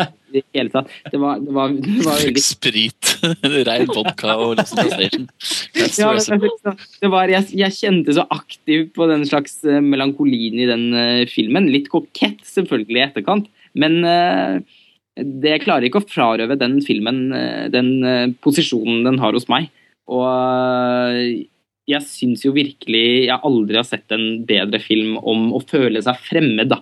Om å være om den, om den utilhørigheten som, som, begge karakterene opplever på hver sin måte, og som blir aksentuert av at de eh, befinner seg i da sannsynligvis verdens mest forvirrende og merkelige by i en kultur som på mange måter er en ekstremversjon av den amerikanske kulturen de kommer på. De kommer fra, samtidig som den også har en urkultur eh, som blir dyrket, som, som, som på en måte eh, som, som, Amerika ikke har, da. Det, i, i, i, mange I USA for eksempel, så er det jo en utrolig skam forbundet med urkulturen. Mens i Japan så er det jo tvert imot. Det er en veldig eh, Det blir jo fremhevet fortsatt som, som, noe, som noe veldig ærefullt, da flott. Og når Sofia Coppola åpner oss opp for disse lommene i Tokyo med teseremonier og, og alt dette her, så klarer hun også å formidle en sånn veldig ro. Da. Man, man dysses jo inn i denne filmen her. og og for et merkelig altså Mange har jo kritisert filmen i etterkant for å være veldig fordomsfull i måten den framstiller Japan på i det hele tatt, men jeg opplever den ikke sånn i det hele tatt. Um, jeg får snarere en veldig veldig respekt og fascinasjon for, for den japanske kulturen gjennom den uh, filmen. Og den har to av de fineste karakterene jeg jeg vet om. I både Bob, uh, som er spilt av, fantastisk godt spilt av Bill Murray, i hans kanskje morsomste og mest subtile rolle, og selvfølgelig denne evinnelige, vakre Charlotte, da, som jeg aldri kommer til å slutte å være forferdelig avstandsforelsket i. Hvem av oss har vært i Tokyo? Ingen. ingen. Det var ingen. ingen. Nei. Men, jeg synes uh, nei, Lost in Translation ja, Karsten. Nei, ta det der ikke. Nei, nei, du først ja, nei, hva skal man si? Er, uh, altså, du, uh, når du skrur på Lars Ole, så, så, så, så får du virkelig sagt det, syns jeg. Det, ja. Jeg tror bare det er viktig kanskje da få sagt at uh, vi var veldig mange som opplevde den filmen på den måten. Og det er derfor jeg tror den står så vanvittig sterkt. det var et kraftig Lost in Translation backlash i min vennegjeng sånn i 2004, kanskje. Og jeg kunne bare ikke fatte og begripe hvordan folk plutselig klarte å snu og begynne å hate filmen. Sånn intenst. Det er den kjedeligste film, liksom. Og jeg hater hun jenta. Særlig mange jenter som syns hun jenta var så forferdelig håpløs. Det er ikke så rart, da. Det er ikke så rart. Nei, nei, nei, men, nei, det er ikke så rart, kanskje, men liksom, det kom et sånt veldig backlash. Uh, så jeg husker at liksom, Lost in Translation for meg i hvert fall gikk litt sånn ut av tiden sånn i 2006 en gang. og så så jeg den liksom ikke på mange år. Og jeg så den flere ganger på kino og, og har hørt veldig mye på det soundtracket og sett mange av scenene. Altså jeg, jeg synes jo, Vi snakket litt om at Brokeback Mountain ble et fenomen innenfor sitt uh, felt. da, i, i, Tematisk at det var en av de første kjærlighetshistoriene mellom homofile som var skildret på en sånn naturlig måte. Dette er kjærlighetshistorie vel så god som en eller annen kjærlighetshistorie. Mens Lost in Translation ble også et fenomen på, sin, på, si, på sitt vis, da, men uh, i en helt annen sjanger. Uh, og, og, det at den liksom døde litt hen, det er jo selvfølgelig veldig subjektivt. For meg gjorde den det. Og så har den fått et veldig oppsving igjen de siste årene. Og så så jeg den igjen senest i sommer, tror jeg. Da var, gikk den på TV, og da plutselig så var det den beste visningen jeg hadde av Lost in Translation. Altså Sikkert sjette eller sjuende gangen jeg så den, og så plutselig slo det meg at den var jo egentlig vanvittig mye bedre enn, uh, enn den hadde vært hele veien. Så nå er jeg egentlig på sånn der, veldig sånn Sofia Coppola-opptur. da. Også fordi at jeg syns Marie Antoinette er så bra. Der er jo Lars Ole og jeg enige. Men uh, Nei, jeg synes uh, Den har vokst veldig. Da, så Jeg er stolt og innmari glad for at den er på tiendeplass. på den listen her, for Det er en sånn film som lett kunne havne på den 70.-plass. Og så hadde jeg blitt litt sånn lei meg og tenkt at var ikke den egentlig fantastisk? Å gud, det hadde jeg blitt trist, altså. Ja, og jeg synes jo Noe av det som er veldig likende med filmen og med Charlotte, er jo nettopp det at hun har lov til å være litt ja, litt sånn menneskelig slem. og gjør Altså, Hun går ikke rundt og bare er snill og god. Jeg, jeg, jeg, skjønner at kanskje det er en del andre jenter som syns hun er litt ufyselig, men jeg syns det er det som er deilig. Rett og slett. Jeg syns det er en helt fantastisk film. Jeg syns den har så mange nivåer, og den har en stemning som er helt unik. Og jeg føler at den har et, eh, for meg i hvert fall, et kultpotensial som er ganske stort. Og mange mindrealdrende menn syns jo det her er en vakker og realistisk eh, fin kjærlighetshistorie. Men samtidig, da, det, er, det er ikke vanskelig å forstå hvorfor folk ikke liker den lenger. fordi jeg også så den opp igjen på TV i sommer, og jeg, jeg, jeg syns filmen er veldig veldig bra. og jeg, jeg, vil jo faktisk si at jeg elsker den på en eller annen måte. Men eh, samtidig, jeg, forstår jo veldig godt at hvis man ikke setter seg ned og lar seg på en måte forføre av den fra første sekund, så kan den fort bli veldig lett forglemmelig og veldig sånn Å ja, ok, ja, men da var den ferdig. For det er jo tross alt en film som handler egentlig om ingen verdens ting. Altså den handler på en måte, det er en eh, Nå syns jeg Sofia Coppola mislykkes med Marie Antoinette, men samtidig så hun, er, hun, er, hun, holder på med et sånt prosjekt som handler om at hun, hun, lager film om kjedsomhet og film om ingenting. da. Og her så får hun på en måte til å heve det opp til å bli en sånn kunstprosjekt. Og det er veldig fascinerende. Men hvis man da ikke lar seg fange av det, og ikke, ikke fra liksom første 10-15 minuttene lar seg hypnotisere av, av, det visuelle, alt som skjer, så tror jeg kanskje man bare glemmer den. da. Og avfeier den litt fort. Da må man prøve en gang til. Ja, ja, men jeg har, også, jeg, jeg har sett den sikkert 20 ganger, jeg også. Jeg, jeg, jeg blir like mye fanga hver gang. Og det handler ikke bare om det visuelle, det handler også om at musikken er så altså, perfekt da, til filmen. Alt er så perfekt gjort. Så men, Coppola bladet helt uh, skamløst god smak. ja, ja, hun, er jo selvfølgelig, hun har jo en oppvekst som altså, hun har jo på en måte vært i et miljø hvor hun har fått liksom virkelig en utdanna smak osv. Hun, har jo, hun har jo alt, alt, alt ligger til rette da, for henne, egentlig, men det er bare jeg, jeg, forstår veldig godt de som sier at ja, men den er da ingenting. Den filmen, hva, hva er det? Liksom, ok, Bill Murray er morsom, liksom, men den er da ingenting annet. Men jeg tror vi, Hvis vi skal sette ned litt sånn kulturhistorisk perspektiv, da, så var den, den, den kom jo på ekstremt rett tid. Og jeg vil også si at den har vært en film som har, som har vært veldig viktig i måten altså, at den har påvirket mye annen film på. Jeg vil jo si at det man nesten kan omtale som litt den hipsterfilmen. Og da må vi virkelig medregne soundtracket til Lost in Translation. Jeg vil jo si at eh, Lost in Translation på noe vis er den, nesten den første hip, virkelig sånn hipsterfilmen. Eh, hvis man ser på altså, Det er ikke lenge siden jeg så en film som het 500 Days of Summer. Eh, som jo fikk veldig gode kritikker i fjor, og som var en veldig god romantisk komedie også. Men, eh, og den var ekstremt hipster.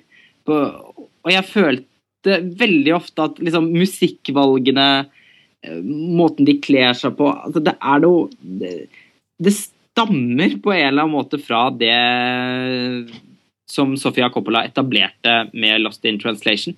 Så jeg vil jo si. Det er farlig, da. Men det er ganske farlig å få et sånt stempel. Ja, så det, der, der synes du har et innmari poeng, og jeg tror kanskje det er også litt av årsaken til at mange hater den. Det er jo det at folk har jo en sånn iboende hipsterangst. Eh, det går jo litt i bølger. Uh, og derfor så er det på en måte, kan jeg forstå at nå når de liksom får litt sånn hipsterangst og blir litt kvalme og alt som er hipt og kult, eh, ikke vil like Lost in Translation. Mm. På hodet. Ok, film nummer ni på lista vår er en film som eh, ja, unisont kanskje er likt, så vidt jeg kan se, i hvert fall. Vel, en gjenganger på sånne oppsummerende lister fra, fra tiåret og fra året den kom i, og alt mulig. Det er Christopher Nolans eh, The Dark Night. Kanskje tidenes, i hvert fall eh, tiårets mest vellykka superheltfilm. Både hos Altså, Du har jo liksom Spiderman og, og, litt sånn X-Men-fenomen sånn som har gjort det bra, men det er virkelig en film som liksom har truffet innertier både hos publikum og hos kritikere. Um, vi har jo uh, Christopher Dolans første Batman-film også på lista vår. Vi var innom den før her. Uh, Batman Begins. vi snakket jo ganske mye om The Dark Night da også. Vi klarte jo ikke Ja, vi gjorde det. det var ikke så lett å skille dem. Men, eh, men, eh, Dark Knight er jo, er, er jo virkelig et fenomen. Altså virkelig liksom uh, litt Jeg skulle til å si bensin på bålet men, til, til, Batman, men, men det har virkelig satt liksom både Batman og Christopher Nolan på alvor for på gjort Christopher Nolan til superstjerne, rett og slett. Mm, men også veldig fascinerende mm. at det skjer fordi det er Christopher Nolan-film. da. Ja. Mener, kan, man kan snakke om også Spiderman og, og Sam Ramy, men jeg føler jo på en måte ikke at Spiderman føles som en Sam Ramy-film. Men jeg føler veldig at The Dark Knight er en Christopher Nolan-film.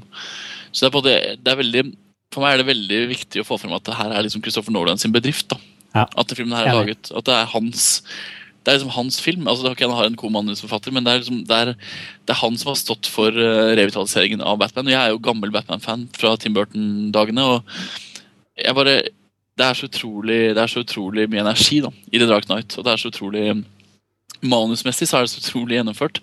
Så Nolan lager en film som setter han helt oppe i eliten blant uh, filmskaperne, både kommersielt og statusmessig. Han greier å treffe alle kritikerne. Han fikk uh, masse priser. Filmen gjør det kjempebra på, på kino. Og de aller fleste syns enten at den er veldig veldig bra, eller bare helt best jeg har sett noensinne. Og det skjer jo nesten aldri. Nei, En sånn det- type um, Ja. Det, um, men hvorfor? Altså, jeg mener, det er jo uh, blockbust, altså uh, Pengeinnspillingen på den altså, den har jo spilt inn 1,1 milliarder eh, dollar.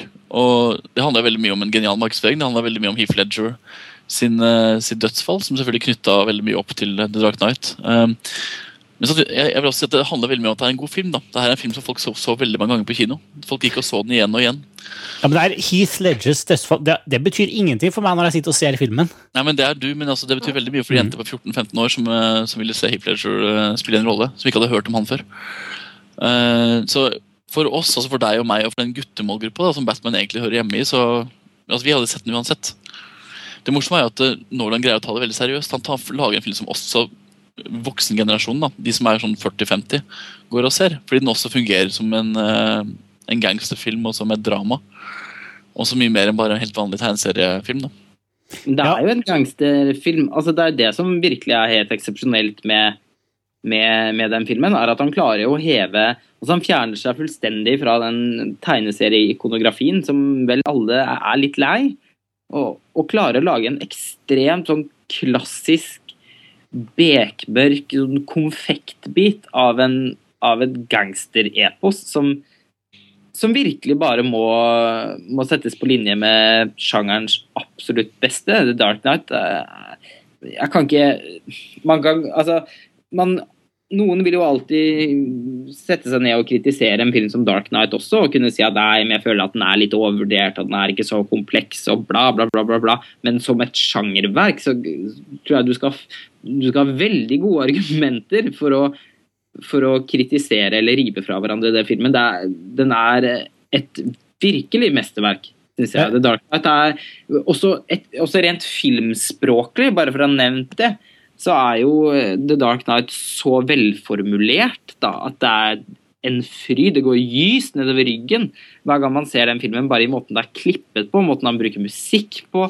hver eneste, liksom, hver eneste kamerakjøring, hver eneste Alt i den filmen fungerer på liksom absolutt, absolutt høyeste nivå av hva man skal kunne forvente. Det er hinsides hva man skal kunne forvente. Bare åpningen på den filmen her er jo en klassiker alene. En liten kortfilm som man kan se 20 ganger. Mm. Og det, Det er sykt, sykt inspirerende film. Altså man, altså på en eller annen merkelig måte, i hvert fall for oss som liksom lefler litt med praktisk eh, filmproduksjon, så blir man jo helt Man blir jo bare helt sånn satt ut av at det er mulig å, å få til så mye um, med et så, en så stor, stort lerret. Med mangel på bedre ord. Men liksom at, eh, at eh, faller liksom ikke i en eneste felle som en sånn film kan falle i, og det er ganske mange feller. I hvert fall hvis man ønsker å være en film som skal øh, være der oppe. da. Ikke bare være en underholdningsfilm, liksom, men virkelig treffe både intellektuelt og hos publikum. og på alle mulige måter. For det er jo ikke en film som liksom er sånn fordummende eller enkel, og det er derfor den er populær. Tvert om så er det en film som jeg husker, og jeg har ganske trenet øye når det kommer til å se film, og etter at jeg har sett den første gangen, så var jeg faktisk litt usikker på om jeg hadde på en måte fått med meg hvordan ting hang sammen. på en ordentlig måte. Men ikke sånn frustrerende usikker. Jeg var bare mer sånn Wow, så tett og rik denne filmen var liksom, i måten den ble fortalt på, og i måten den var iscenesatt på. det, Um, det, det er ikke det du forventer. Nei. Ja, det er jo en massiv opplevelse, rett og slett. Jeg har ikke så mye mer å tilføye. Jeg er veldig enig, og, og den er jo virkelig sånn uh, Jeg tror den, den bør helt klart ses flere ganger, det burde jo alle gjøre, men uh, den har et ganske uts- uslettelig inntrykk uh, i sin kompleksitet og i sitt mørke. Og så, synes jeg det er en sånn film som har så utrolig mange gode enkeltscener. Altså, det, er så mange små kortfilmer i den filmen der, på en måte, som, som står som er, Det er kanskje ingen andre filmer de siste årene som jeg husker så mange frittstående scener fra som, som The Dark Knight. Mm. Men også litt sånn tematisk. Det kunne vært interessant å ta opp da, nå som vi tross alt er kommet til The Dark Knight. Det er jo en film som har betydd veldig mye for mange av oss. Eh, Det gjelder alle filmene på listen her, men liksom, den, er, den er massiv. Og det at 00-tallet er som det har vært, er jo også reflektert så vanvittig fint i den filmen her. På en fryktelig måte, selvfølgelig, fordi dette Uh, merkelig nok så tenkte jeg tilbake på Caché, som vi snakket om for noen plasser siden. Som handler om paranoid uh, Eller hva? Frykt. Irrasjonell frykt, var det du sa, Lars Ole. Fint sagt. Uh, og her er den på en måte ikke frykten irrasjonell, men den er manifestert i en karakter, karakter, som bare ikke virker som han har noen spesiell grunn til å være ond. Han bare er det. han er på en måte en levende personifisering av av den frykten og den terroristen på en måte da, som, eh, som i vårt virkelige samfunn ingen kan sikre seg mot. Du kan, du kan uh, ta så mange røntgenbilder du vil av passasjerer og se dem nakne, og sånn, men en eller annen dag så kommer trusebomberen liksom, eller hvem som helst. Og, og jokeren som en sånn på film i tegneserieuniverset, men likevel så utrolig realistisk skildret da, og, og tolket av Heat Heath Ledger bare er denne, er denne uroligheten, da, som kanskje da vi aldri finner ut av i Kasjé i Hanekes univers, men som her er bare rett i ansiktet på oss. liksom. Som mukker pannen vår ned i en penn ved bordet og bare bah! Mm. Ja, men Det som er så kult, at det er jo et eller annet veldig eh, forførende med jokeren òg. Det er et eller annet som føles veldig riktig med den figuren òg. Liksom. Du føler på en måte at han har et prosjekt som på en eller annen måte er også litt sympatisk. Mm. At, at, det er et eller annet med, det han, med budskapet hans som, eh, som eh, du liksom du demrer i bakhodet. Dette er kanskje noe vi trenger også, liksom. Det er, det er, jo, det er jo stokket man får da, av å se den. Mm. Han, han, skal jo bare rydde av veien uh, alle som prøver å bygge seg opp en, et eller annet. Altså, han, skal, han, han, har et veldig tydelig motiv i det alt utydelige. Da. Han skal egentlig bare gå inn og ødelegge for å gjenskape verden. Når han får det berget av penger, så bare antenner han det. Og de, ja, ja, ja, ikke sant? Det er bare den der herlige anarkiet som selvfølgelig er forferdelig, men som også er ganske fascinerende. Ja, altså, han er jo faktisk filmens eneste virkelige ideolog, da. Uh, han har jo en agenda som man, som man ikke helt klarer å ikke anerkjenne. Han er jo på mange måter er, Selv om han er en utpreget skurk, så er han jo også en slags antihelt. Det, han, har da, han, har, han har jo da en uh, ideologi som som ikke eksisterer, men som samtidig blir en uh, ideologi, i kontrast til da Two-Face, politikeren som har en, har en uh, ideologi og går til valg på det, ikke sant? men som er helt tom på det motsatte. Altså Mannen uten ideologi, jokeren, får en ideologi fordi vi på en måte får en slags sympati for han, mens Two-Face blir politikeren uten uh, noen ting. da. Og det, det er veldig morsomt spenn mellom de to karakterene. Veldig. Hvis man, skal si noe, hvis man skal si noe negativt om The Dark Knight, så er vel det kanskje Og det mener jeg selv om jeg elsker filmen, så er jo det at selve Batman er jo fullstendig tilsidesatt. Uh, han er jo nesten en sånn ikke-karakter i filmen. Bruce Wayne selvfølgelig er en karakter som, som jeg syns har en interessant uh, historie uh, under det hele, men, men Batman-figuren er liksom virkelig satt til side. da. Ja, med unntak av de siste ti minuttene, kanskje, hvor jeg føler at at man blir veldig spent på hvordan den historien kan fortsette. da. Om Nolan klarer å vende balansen tilbake til Batman i en tredje film, eventuelt. Men det er jo Batman som karakter er jo tilsidesatt uansett. Det er jo det som Batman sliter med i Tim Burton-regi og i til og med Joel Schumacher-regi. Så er jo Batman bare en liten birolle. Det skal sies da, i, i, i, i, Batman Begins er jo Batman en veldig tydelig karakter. Virkelig hovedpersonen, ikke sant? Eh, men det som Nolan gjør, er at han, han, går bare mer og mer imot altså han, han følger jo bare egentlig mer og mer Batman-sporet. da. Batman skal jo bare være en slags sånn paraply ja. som, som, skal skje veldig mye rundt. da. Eller under. Mm. Mm. Ja, og Den andre tingen du kan kritisere filmen for, er kanskje at det er litt trangt uh, i skurkebiten her. Med Altså, det, han Two-Face uh, Det er nesten så det ikke er plass til både Two-Face og Jokeren. Kan du kanskje si. Jeg, har aldri tenkt på det, men det. men det Men det tror jeg handler veldig mye om det faktum at selv om jeg på en måte har sagt at jeg er ikke er enig med folk sier det, men det er noe med at Heath flere gjør en ganske blendende rolle. da. Tross alt. Og det er jo en karakter som er tydelig er skrevet med veldig mye mer engasjement enn de andre karakterene. Altså, De har jo hatt en, en, en fest hvor de har skrevet den karakteren. sannsynligvis, for de, har hatt, de kan bare leke seg med alt. ikke sant? Og det er sånn overskuddsforetak av kule scener. Ja. Hva er det du sier, Kari? Jeg, jeg, har et ord som jeg liker så godt, og det må jeg bare få slenge ut nå. Det er en slags angstbejaende fest. Jeg føler at det er liksom litt av det. hva, hva, sier du? Angstbejaende? Ja. Mm. Ja, ja. Det føles veldig sånn. Sånn den scenen hvor, hvor da jokeren stikker hodet ut av bilen på en måte, og er sånn bikkje som værer mot himmelen ikke sant, etter alt som har skjedd, og er kjempelykkelig. og alt der. Altså, Han har jo så veldig mange sånne emosjonelle karakterøyeblikk. Det er derfor vi får en viss sympati for ham, fordi vi, vi følger han jo egentlig på veldig mange plan. da. Jeg er, så, jeg er så veldig glad i en scene hvor han går ut av sykehuset og skal sprenge Ja, ja, ja, sykehuset. det, men det er jo komikk. ikke sant? Det viser jo at Hitler kunne jo blitt en stor komedieskuespiller. ikke sant? Han kunne jo han kunne gjort hva som helst. da. Ikke minst de to scenene hvor han forteller om hvor han fikk dette kuttet rundt munnen. eh, Ja, som er to forskjellige fortellinger. eh, som er også en sånn, er bare sånn underliggende karakterisering hvor du bare aner liksom ikke hvem du aner ikke hvor du har han. Kanskje er den sann, kanskje har han hatt en vond oppvekst, kanskje ble han sviket av sin kone, sveket av sin kone, men, men du vet aldri. Og, og det bare liksom leveres i alle hans scener, da, så er det så karakteriserende. Jeg nevnte denne pennen i stad, men jeg bare Da jeg så den film første gang Jeg visste ikke om den scenen, selvfølgelig, for jeg hadde prøvd å unngå noe, og så den vel ganske tidlig. Og det at liksom han, duden bare kommer bort, og jokeren smekker hodet hans i bordet, og du ser det ikke før et par sekunder etterpå at den pennen er borte, og at den sitter igjen i panna på han duden som ligger bak. Det er sånne små ting, så det er jo, fantastisk. da. It's magic. Det er mye stor ikonografi i den filmen her som jeg tror kommer til å prege, prege veldig mange 14-åringer som eh, Altså de som så den her når de var 14, de har en fin, spennende fremtid foran seg, for de har liksom det som en sånn inspirasjonskilde. Det var ganske kult. Ok. Over til åttendeplassen vår. Eh, fra USA til Sør-Korea. Her har vi eh, en eh, ny film av Park Chan-wook, 'Oldboy'. Vi har så vidt, eh, jeg har så vidt spoila den allerede, syns jeg husker. Ja, vi har snakka ganske mye om den allerede. Ja.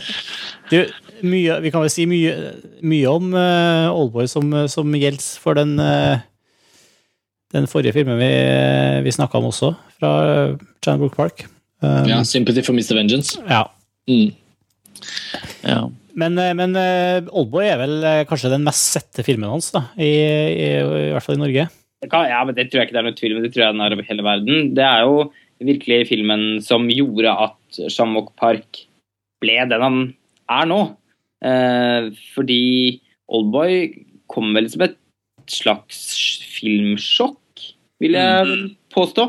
Jeg husker veldig godt uh, første gang jeg så den. Det var sammen med Eirik. Eh, det var eh, film, Cinematekets filmnatt. Nei, si- Cinemanøff. Cinemanøff I Oslo. I Oslo. Og så hadde de sånn troll i eske, så vi visste ikke hvilke filmer som skulle bli vist. Og det endte da med å bli Oldboy, Broken Flowers og 40 Year Old Virgin. For å si det sånn, Hvilken viste de først? Er det et kinderegg?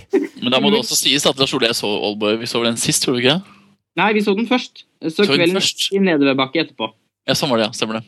Ja, Broken Flowers var litt småkjedelig, og, og, og, og 40 Year Old Virgin var bare helt jævlig.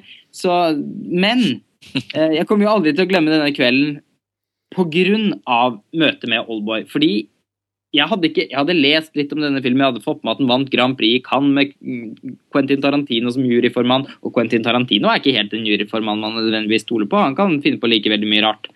Eh, men, men man hadde hørt om volden, og det var en blekksprutscene hvor, hvor det var en karakter som spiste en sprut. Det var liksom litt, sånn, litt mystikk, men likevel så kom jeg ganske ren da. Litt sånn nyfødt til denne filmen. Å, satan, for en film!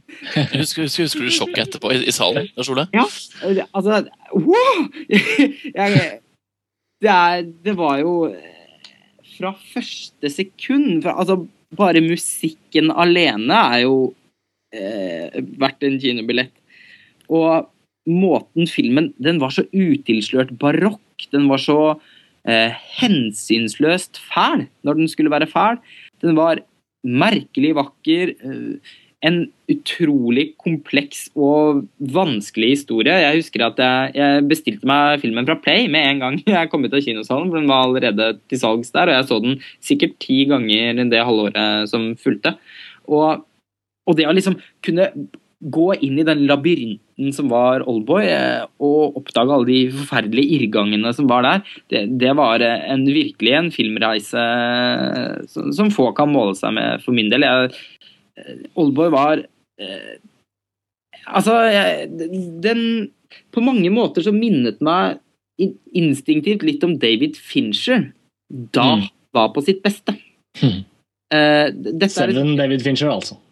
Ja, altså dette her er på en måte filmen David Fincher sikkert har grått blod for at han ikke lagde. Eh, og den er Hvor skal man begynne? Det er jo en thriller, samtidig er det et ganske sånn uh, Ganske sorgfullt og gripende drama. Den har en, et aspekt som vi ikke kan avsløre for de få som fortsatt ikke har sett filmen, men som er så sjokkerende når, når det kommer at man nesten ikke klarer å puste etterpå. Eh, en på alle måter veldig sånn en berg-og-dal-bane av en film, men ikke på en banal måte, med på en ganske sånn uh, På en veldig uhyggelig måte. Det er jo ikke noe hyggelig film å se. Er jo aldri beskrevet som en action-incest-komedie. ja, og den er morsom. Og det som er spe spesielt med, med, Oldboy også, er jo det at jeg tror mange av oss har den uh, opplevelsen som du hadde. da, fordi det var, Den kom liksom litt ut av intet. Det var, uh, det var en mange av disse amerikanske populære filmene som er høyt, er høyt, på listen vår, hadde vi jo forventninger til i årevis før vi så dem. liksom, antageligvis. og liksom, da, Så endelig fikk vi sett dem, og så var den fantastisk. Å, så ble vi veldig takknemlige og glad for det. Mens Oldboy var en sånn film som kom fra ingensteds, akkurat sånn som du beskriver den. da. Og Jeg hadde også en sånn helt sånn para, liksom, unormal måte å se den filmen på. Og man kommer ut og er helt satt ut. og selv om man nå får veldig mye hype, og den har blitt hypet opp og blitt en klassiker nesten i løpet av de årene som har gått, så vil jeg tenke at de som ennå ikke har sett den, og som kanskje hører på nå, eller ja, uavhengig av filmfrelst også, folk som bare får sett Oldboy for første gang Det er ikke bare det at man ikke vet noe om den, men det er altså måten den er konstruert på. og fortellingen, sånn som Nå sliter vi å finne en sjanger. ikke sant? Incest, komedie, action, thriller. Hva er det? det er jo, kanskje I hjertet av filmen så ligger det jo en eller annen sånn dyp, forstyrrende hevnhistorie hvor, hvor i motsetning til veldig mange andre hevnfilmer, hvor uh, hevneren vet veldig godt hvem og hva det er han er ute etter, så er dette en film om en person som helt uforståelig blir satt, et, satt på en celle, eller en slags sånn makeshift, en eller annen form for sånn stengt leilighet, ombygd ting, som er en celle. Og så plutselig bare slipper han ut, og han skjønner aldri hvorfor han har blitt satt på den cella i utgangspunktet, og han vet ikke helt hvem han er ute etter. Og det er på en måte et mysterium òg, en slags sånn detektivhistorie blandet med en hevnfortelling, uh, som har lag på lag med informasjon som når det da kommer, får hele historien til å fremstå i et nytt lys. Og ikke en sånn M. Night Shyamalan-twist-verden, men bare hvor hele historien bretter seg opp som en sånn som et sånt enormt stort papirark som så veldig lite ut når det begynte. Jeg, jeg syns det er slående er hvor, liksom, hvor, hvor tøyleløst det er. Hvor, liksom, eh, det, hvor, hvor overskuddsaktig det er. Liksom. Det, er sånn, eh, det, det, er så vilt i alle retninger da, hele tida. Og liksom, du har, du har en, liksom den herre eh, det som har fått liksom skryt for eh, Du snakka om Tarantino og liksom voldsaspekt og sånn, men du har den herre scenen, en sånn slåssescene i en sånn korridor, sånn utrolig velkoreografert scene hvor du liksom uh, Hvor du har tatt bort ene, en av sideveggene i en, i en, korridor og bare ser en helt sånn umulig filma scene. Men hvor den, altså Hvorfor i verden skal den være med i filmen, liksom, tenker du? Det, den hører jo egentlig ikke hjem der. Samtidig så, så, er det liksom del av det som gjør filmen. da. Mm. mm. Det, det, det, det, er den type greier som preger filmen tvers igjennom. Liksom. Den, den, bare tar den sånn ut i alle retninger. Jeg husker veldig godt Lars Olav, at når vi hadde sett den på filmklubben, så var det jo De måtte utsette neste film i en halvtime. Folk skulle rekke å snakke litt om filmen før, før, eh, før den neste. På, det var ja. sånn der, Folk måtte bare si noen ting. Men så var det egentlig ingen som hadde noe å si etterpå. Det var litt sånn stille. Og Da begynte folk å si ja, men synes ikke at den var noe bra. Og så ble, ble folk sånn jo, jo, jo, jo, men altså eh, eh, Jo da. Jeg bare vet ikke helt hva jeg har sett folk greide ikke helt å definere opplevelsen. da, husker Jeg veldig godt. Og det, jeg har fortsatt problemer med å definere hva Oldboy egentlig er for film. Jeg bare vet at Den er veldig kreativ og veldig mangefasettert og utrolig engasjerende. Men jeg, jeg greier liksom ikke helt å fange den liksom, på en måte, som film. Det har jeg ikke fått til ennå. Og, og, og, det føles ikke som min. Det føles ikke som film som jeg på en har kontroll over. i hele tatt. Det føles som en film som jeg bare, bare får lov til å se på, og så er det en eller annen syk uh, fyr som har laget den. liksom, Og han bare leker med meg. liksom. Og det ah, ja. Det er en sjelden opplevelse, en, en, sånn film. Ja, det er vel nettopp Jeg syns jo på mange måter du egentlig oppsummerer filmens største kvalitet. Med det du sier, Den lar seg ikke fange. Det er derfor man kan se den så mange ganger. og man jeg har sett den veldig veldig mange ganger, og jeg har fortsatt ikke følelsen av at jeg mestrer den filmen. på en, på en spesielt... Og, og, hvem, og, hvem, lager en sånn blekkspruttscene? Altså, hvem skriver et manus og så sier det skal skje? liksom? Og så spiller de en sånn scene, liksom. Mener, hvem, liksom. Hvordan begynner man på det? Det er heldigvis en delikatesse i, i Sør-Korea. Men ikke av den størrelsen? Nei, det tror jeg ikke. Park, Park Chan-wook. Det må være i ditt eget Sør-Korea, Karsten. det er oppfølgeren til mitt Afrika. Det er mitt Sør-Korea. ja. En film som er litt lettere å plassere, da, er sjuendeplassen vår. Den uh, tyske Das Leben der Anderen. De andres liv. Som er mye mer uh, si, mye mer straight forward eh, rent sånn historiemessig. Og, eh, men en utrolig mektig film som har fått ja, det, det ble vel vist ganske nylig også, i forbindelse med på, på TV og sånn. Jeg tror det er mange som har sett den nå i år, liksom i forbindelse med jubileet for Murens fall osv. Ja, den gjorde nok veldig mye bedre på kino enn man har inntrykk av. Altså, den, den, ja. den har vokst veldig Jeg tror publikum har virkelig omfavnet den filmen, så hvis de har klart å finne den, den ja, men den, var jo, jeg synes, den her var jo en liten sånn suksess. Absolutt. Ja. Lansert forholdsvis ja. bredt. Husk på, den, den kom i altså, Janne Stiv kom i en sånn bølge med veldig mye bra tysk film på kino i Norge og i Europa. Altså Med Das Untergang og Rekviem og Den frie vilje. og Det var flere som kom rundt den perioden her. på en måte, så Folk var ganske vant med å skulle se tysk film. Mm tross alt. Og den her fikk jo da ekstatiske anmeldelser, liksom. Og den bare Den fikk jo masse priser. Uh, Jeg så den da ikke på kino, jeg så den ikke på DVD. Jeg så den sammen med Karsten i reprise på en sånn retrospill. Eller ikke reprise, men sånn Det beste fra fjoråret i tysk film. På, Høydepunktet fra tysk film. ja, på Berlinalen uh, året etterpå. Mm. Så jeg, jeg, så den jo ikke på kino. Uh, jo, men vi var jo i en kinosal, men det bare var ikke en ordentlig kino ja, vi så den i en veldig veldig fin kinosal. Det var veldig gøy å se den der, men altså, jeg, jeg fanga den ikke opp på kino. Jeg fanga den heller ikke opp på noe DVD-format. Så mm. Men det her er jo virkelig altså, jeg, Det er fælt å kalle det en film for noe sånt, men altså, det her er kanskje den perfekte film. Ja, det var perfekt sånn form. Så morsomt at du sa det var akkurat det jeg satt og tenkte på. Liksom. Jo, men det er utrolig rart. Altså, jeg, jeg, så den opp igjen på TV nå, og mamma og pappa så den, og de kommenterte at den er så utrolig. Den bare Det er ikke, det er ikke liksom, Den er så utrolig eh, velstemt, da. det er liksom bare alt er liksom riktig. på en måte, og Det betyr at den er jo verken kontroversiell og den er kanskje litt, uh, litt spennende sånn type sånn tematisk, og kanskje er den bare veldig veldig A4, men herregud, hvor bra den er, da. Altså, ja, veld, veldig, ja, det er bare sykt bra. Det er, det veldig, veldig god opp, oppsummering av den filmen, og, men det oppsummerer jo også på en måte det som gjør at uh, det er vel kanskje den, jeg, den eneste filmen på topp ti-lista som jeg personlig ikke føler at hører hjemme så høyt, fordi at den til det syns jeg rett og slett den har for lite særpreg og litt for lite motstand. Altså, jeg syns ikke den er interessant nok. Jeg syns også det er en perfekt film eh, som jeg elska da jeg så den, og som jeg ville gitt terningkast seks. Eh, men eh, den har jo den har aldri klart å liksom bli en av mine favorittfilmer nettopp fordi at jeg syns ikke den er så særegen, da. Bortsett fra at den er uhyre perfekt gjort, men det syns jeg også veldig mange andre klassiske filmverk er. da. Men jeg, altså, jeg, jeg bifaller den anerkjennelsen eh, rundt uh, hvordan filmfortellingen fungerer helt perfekt. Men jeg, men jeg syns jo ikke det er en film som gjorde meg sånn dypt verken rørt eller opprevet eller uh, interessert eller jeg, Mer enn sånn ah, for en deilig filmopplevelse. Men, men hva er det du savner i den? Nei, jeg savner jeg, nei, Hæ? Har du sett den siden? Jeg, jeg har sett den to ganger. Uh, men uh, Nei, altså, men jeg, jeg, kan ikke si at jeg savner noe.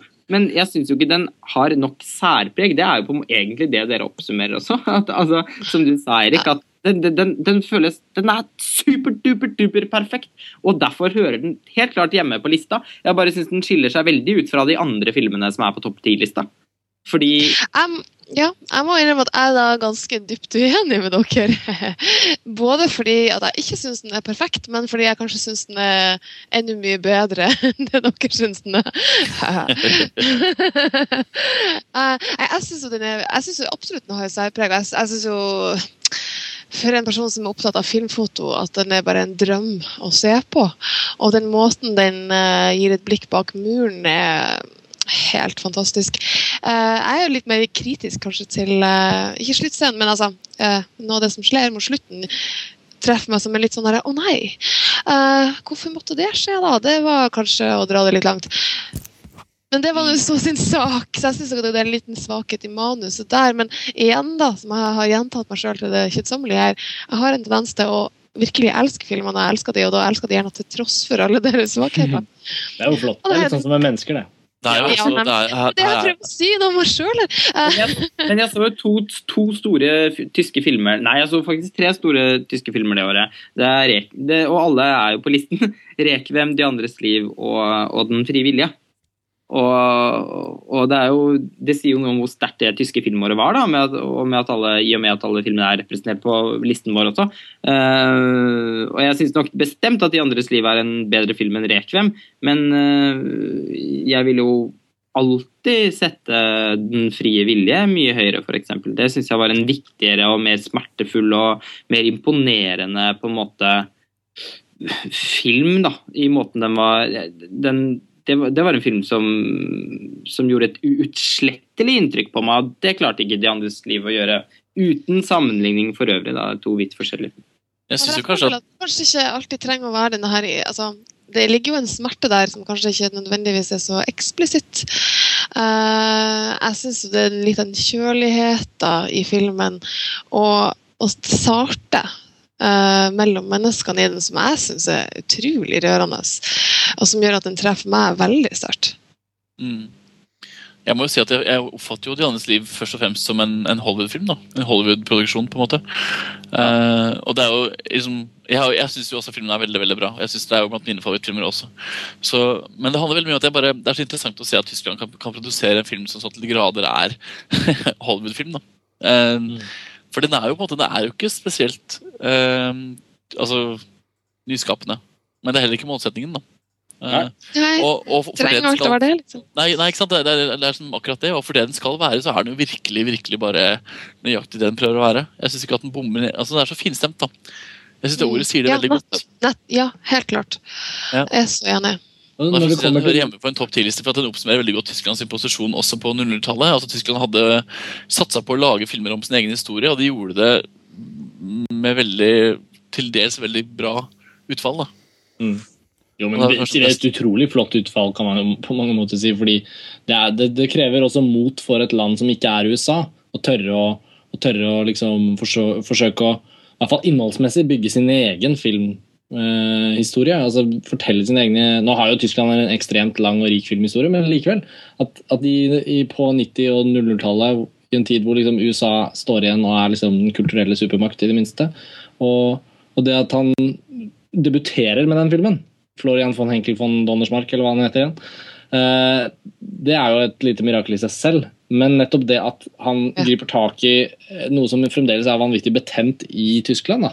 Eh, Stasi, Stasi-byråets liksom, handlinger i Øst-Tyskland.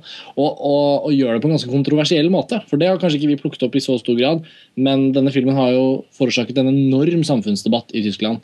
Hvor mange mener at den, den empatien filmen konkluderer med i forhold til hovedpersonen, som er en del av et så, uh, så forferdelig system, det verste systemet Tyskland har fostret siden nazismen, det er det mange som ikke svelger. Men det, det å bruke et så mainstream filmspråk da, og så til, per, til liksom perfeksjon, til fingerspissene perfekt som en fortelling, og likevel tørre å ta det valget om å på en måte bære frem den empatiske karakteren. da på vegne av liksom, sikkert mange av de menneskene som ble en del av et system som de ikke turte eller hadde ryggrad til å gå ut av, men som de kanskje egentlig var alt kom til alt ikke støttet. da.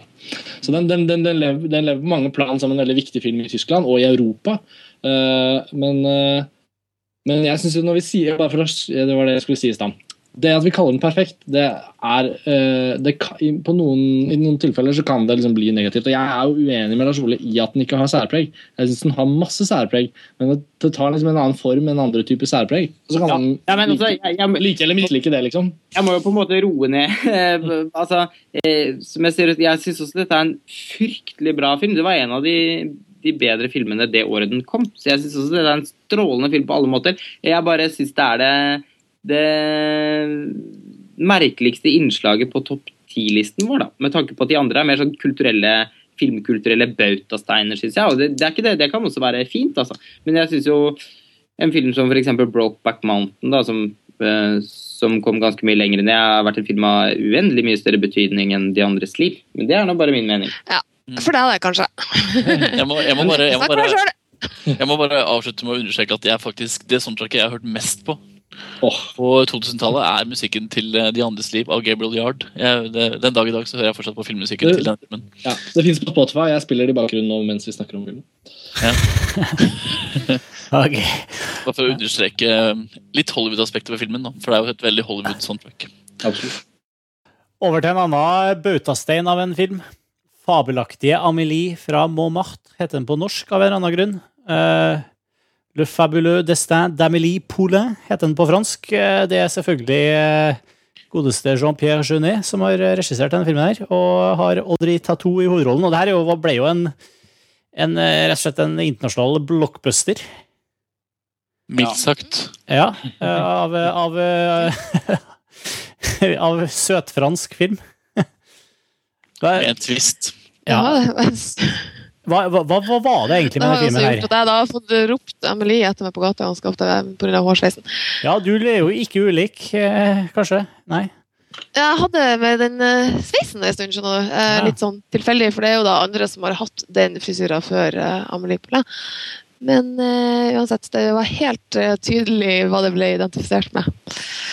Har du en sånn føflekk òg? Jeg husker ikke. jeg har mye føflekker. Vi kan, jo, kan vi, ikke, vi kan starte med å si at uh, Amelie kostet uh, 10 millioner euro. Mm. Og spilte ikke, det var ikke euro da, men altså i dagens uh, valuta. Og spilte inn 173 millioner på kino alene, og har sikkert solgt DVD for det samme. Så den har da en eller annen sånn type sånn, spilte inn budsjettet 30 ganger, da, kan du si. 30, Og i Montmartre så har de solgt sykt mye crème brulé. Og det har også tilført det franske nasjonalbudsjettet vanvittig mye penger i ren turisme. Mm. Ja, det er jo masse Amelie-turister. masse, Jeg husker i Paris, ikke sant? det var jo det toga jo japanske jenter rundt for å liksom gå ruta til Amelie. Men, men, liksom, hva er det? Hvor begynner vi egentlig nå? Går vi alle ja, ja. retning? all, all, Alle som har sett en Jean-Pierre Genet-film, vet jo at filmene hans er alltid spektakulære å se på. Men, men det å- Amelie har truffet et eller annet ekstra her, som, som liksom har fanga hele verden på en måte som ingen andre filmer hans har gjort. Hva, Ja. Ja, jeg tror altså, Amelie vil jeg si at er en veldig, den har en slags todelt historie. Og det er eh, Når den kom, så var den jo først og fremst for oss som da allerede var Jean-Pierre Genet-fans, så var det jo en helt eh, sånn overveldende filmopplevelse på alle mulige måter. Altså, det er jo Jean-Pierre Genets Vidt kjent som Jean-Pierre Genets beste film. Det syns jeg også at det er. Og det var, altså, det var en film med en fantasirikdom og en uh, skjønnhet uh, altså, som var helt altså, ekstremt tiltrekkende. Da. Han har et visuelt uh, uttrykk som hvis man faller for det, så faller man grenseløst for det. Så, da kan man nesten spise seg sånn helt sånn bulimisk på, på, de, på de ulike faktene og, og motivene som man bruker igjen og igjen. Og i Amelie så er en crescendo av hele hans uh, uttrykksregister. Jeg tror alltid vil stå som hans de desiderte hovedverk. Og i tillegg til det så hadde den en, en veldig, veldig pussig og, og morsom og interessant hovedkarakter. Eh, fantastisk typecasting av hun Audrey Tautou, som vel ikke har imponert i så veldig mange andre roller etterpå, men som bare var pitch perfect som Amelie. Og hele det der, den lille verden som han skapte, hadde en romantikk da, som man vel nesten ikke klarte å pansre seg mot. Altså selv, selv den største kyniker eh, ble jo helt betatt av Amelie. Men altså, fra hvert den fabelaktige Amelie fra Montmartre, så syns jeg på en måte hun i økende grad har blitt en helvetes-Amelie fra Montmartre. Fordi eh, jeg har vel aldri sett en film som har gjort så mye uhyggelig eh, for, for eh, hverdagskulturen som det Amelie har gjort. Lars Ole, jeg, jeg, husker en fantastisk samtale vi hadde nylig om Amelie. Du må bare gjenfortelle den derre historien din om eh, Historien om jenta? Ja. Ja, det skal jeg gjøre. Fordi altså, Amelie handler jo om å finne gleden over de små ting.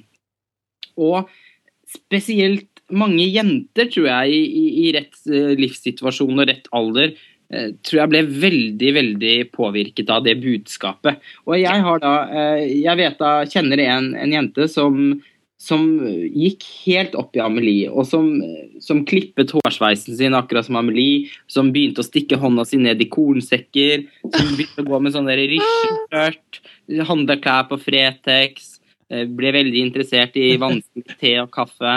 Og Vil du ta bilde av sånn hagenisser òg? Å, Ja, det er sikkert ikke langt unna. Men uh, dette endte jo i et helvete, da. Hun fikk jo et kjempesammenbrudd. Det endte med å rive ned Amelie-plakatene fra veggen og knekke soundtracket i to og kaste DVD-en i søp- søppelkassa. Så har hun aldri rørt Amelie. Hun ble jo grenseløst deprimert når hun innså at denne filmen strengt tatt var en fantasi. At det, det handler ikke om små ting. Livet handler stort sett om ganske store ting. og store følelser. Det, man får ikke så mye ut av å, av å knekke toppen på en crème brulé som Amelie får. Og den slags sånn jentekulturen og den utrolige interessen for kaffe og te og bønner og spirer og jeg vet da faen, som har oppstått på gru, mye av Amelie.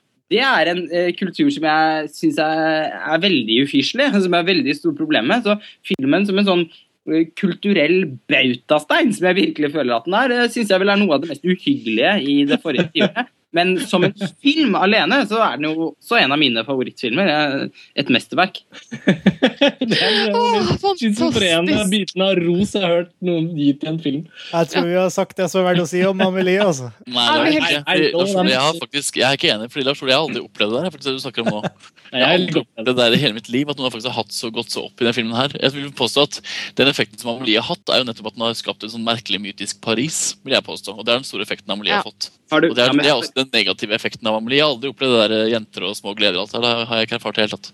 Det kan Nei. ikke. Nei. Spesielt ikke hos, spesielt ikke hos franske jenter, som hadde et helt annet forhold til Amelie når den kom ut, enn det du snakker om nå. Så jeg er egentlig ganske uenig. Jeg, jeg må jo Eh, snakke i norsk kontekst, da.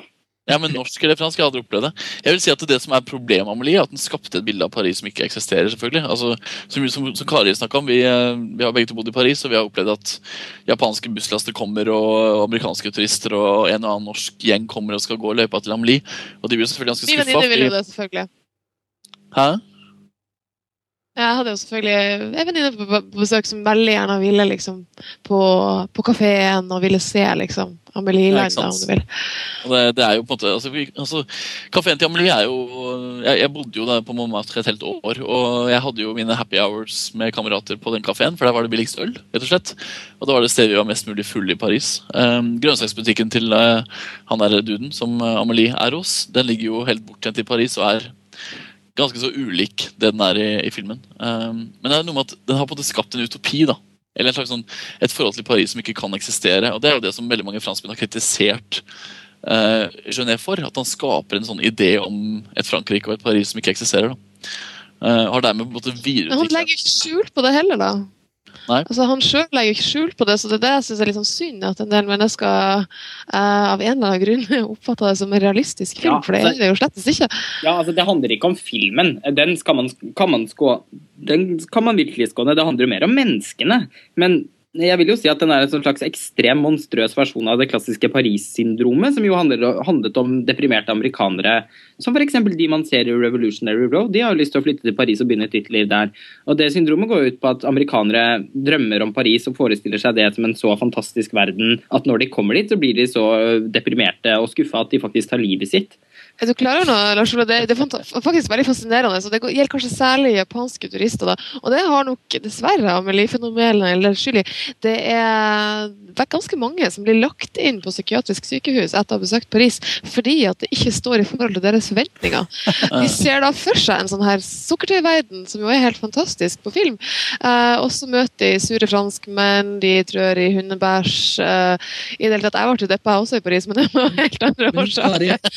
nå skjønner jeg hva du snakker om. Du snakker, du snakker om disse amerikanerne i Julie Delpys Two Days in Paris.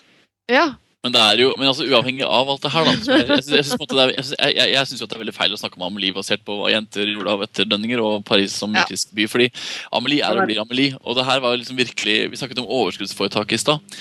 Og det som irriterer meg folk snakker om Amelie, at de glemmer at det her faktisk er et originalmanus. Altså, her er ikke basert på noen bok eller en novellesamling. Det her er faktisk et originalmanus.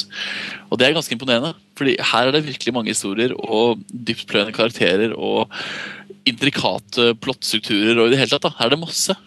Masse, masse, masse. Det her er jo unektelig en veldig veldig bra film. Som Ja, men det, men det er det vel ingen her som bestrider. altså som jeg sier det også. er Nei, men veldig mange, veldig, veldig mange henger seg fullstendig opp i det som Amelie har påvirka i ettertiden. da. Og nettopp Ja. at det er et fenomen, ikke sant? kultfenomen Amelie som spilte inn masse penger og var en suksess i hele verden. Men altså, man glemmer da filmen i seg selv. Og filmen som filmverk er jo enestående. Ja, den er jo helt, helt enig.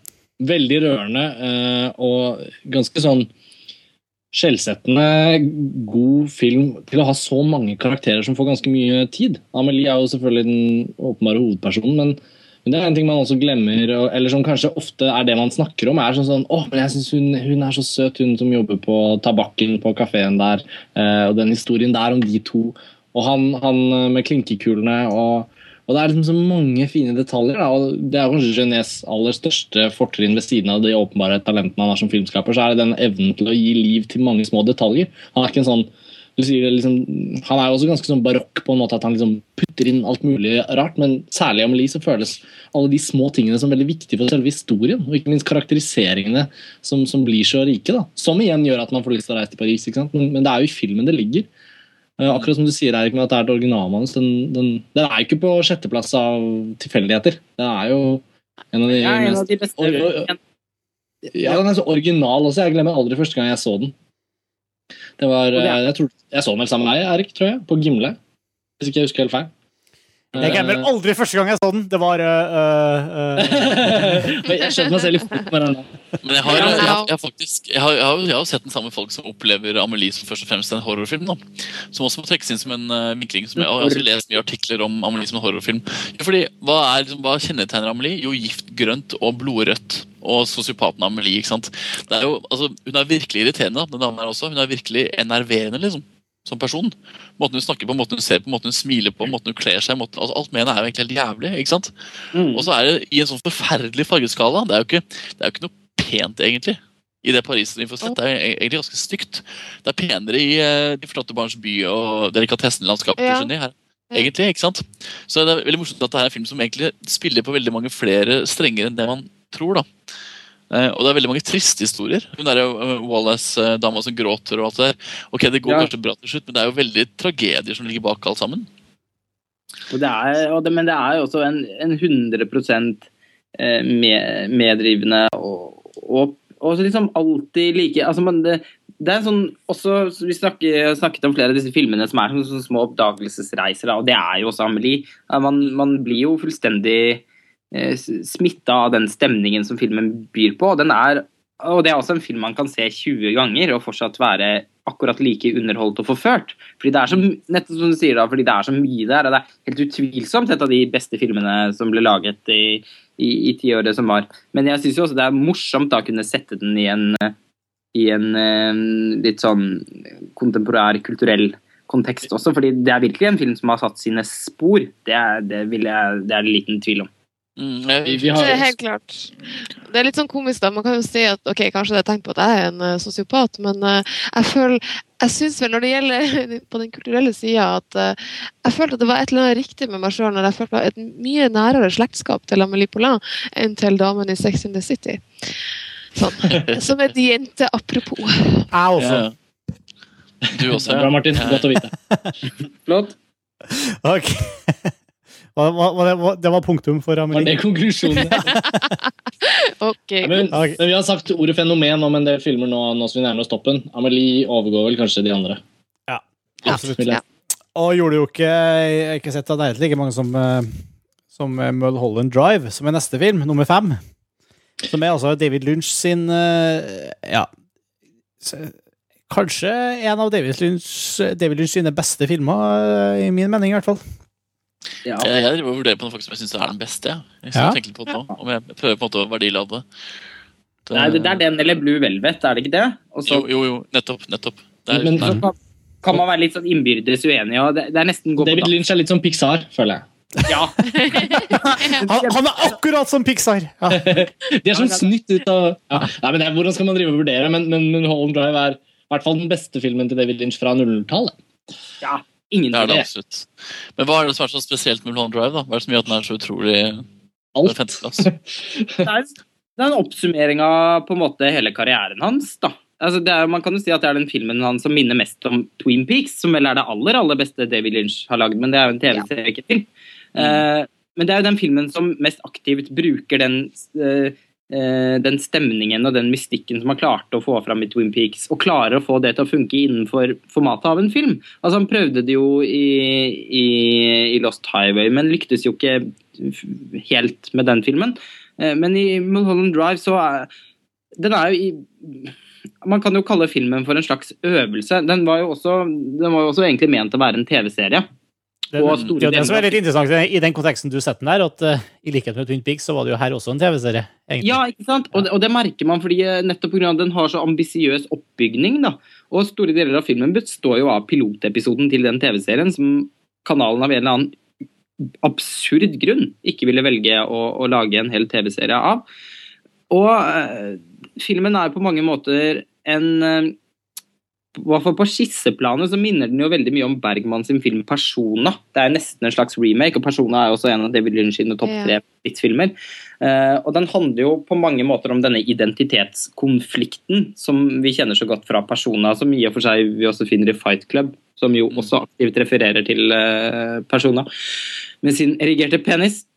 Men uh, det handler jo veldig mye om altså grensene mellom mellom to personer. Da, i, i, hvilken, I hvor stor grad eh, er man seg selv, eh, og hvor mye skal til før du plutselig går over i en eller annen rolle hvor du kan eh, Og så skal jeg ikke begynne å gå inn og analysere den filmen, for det er ganske umulig.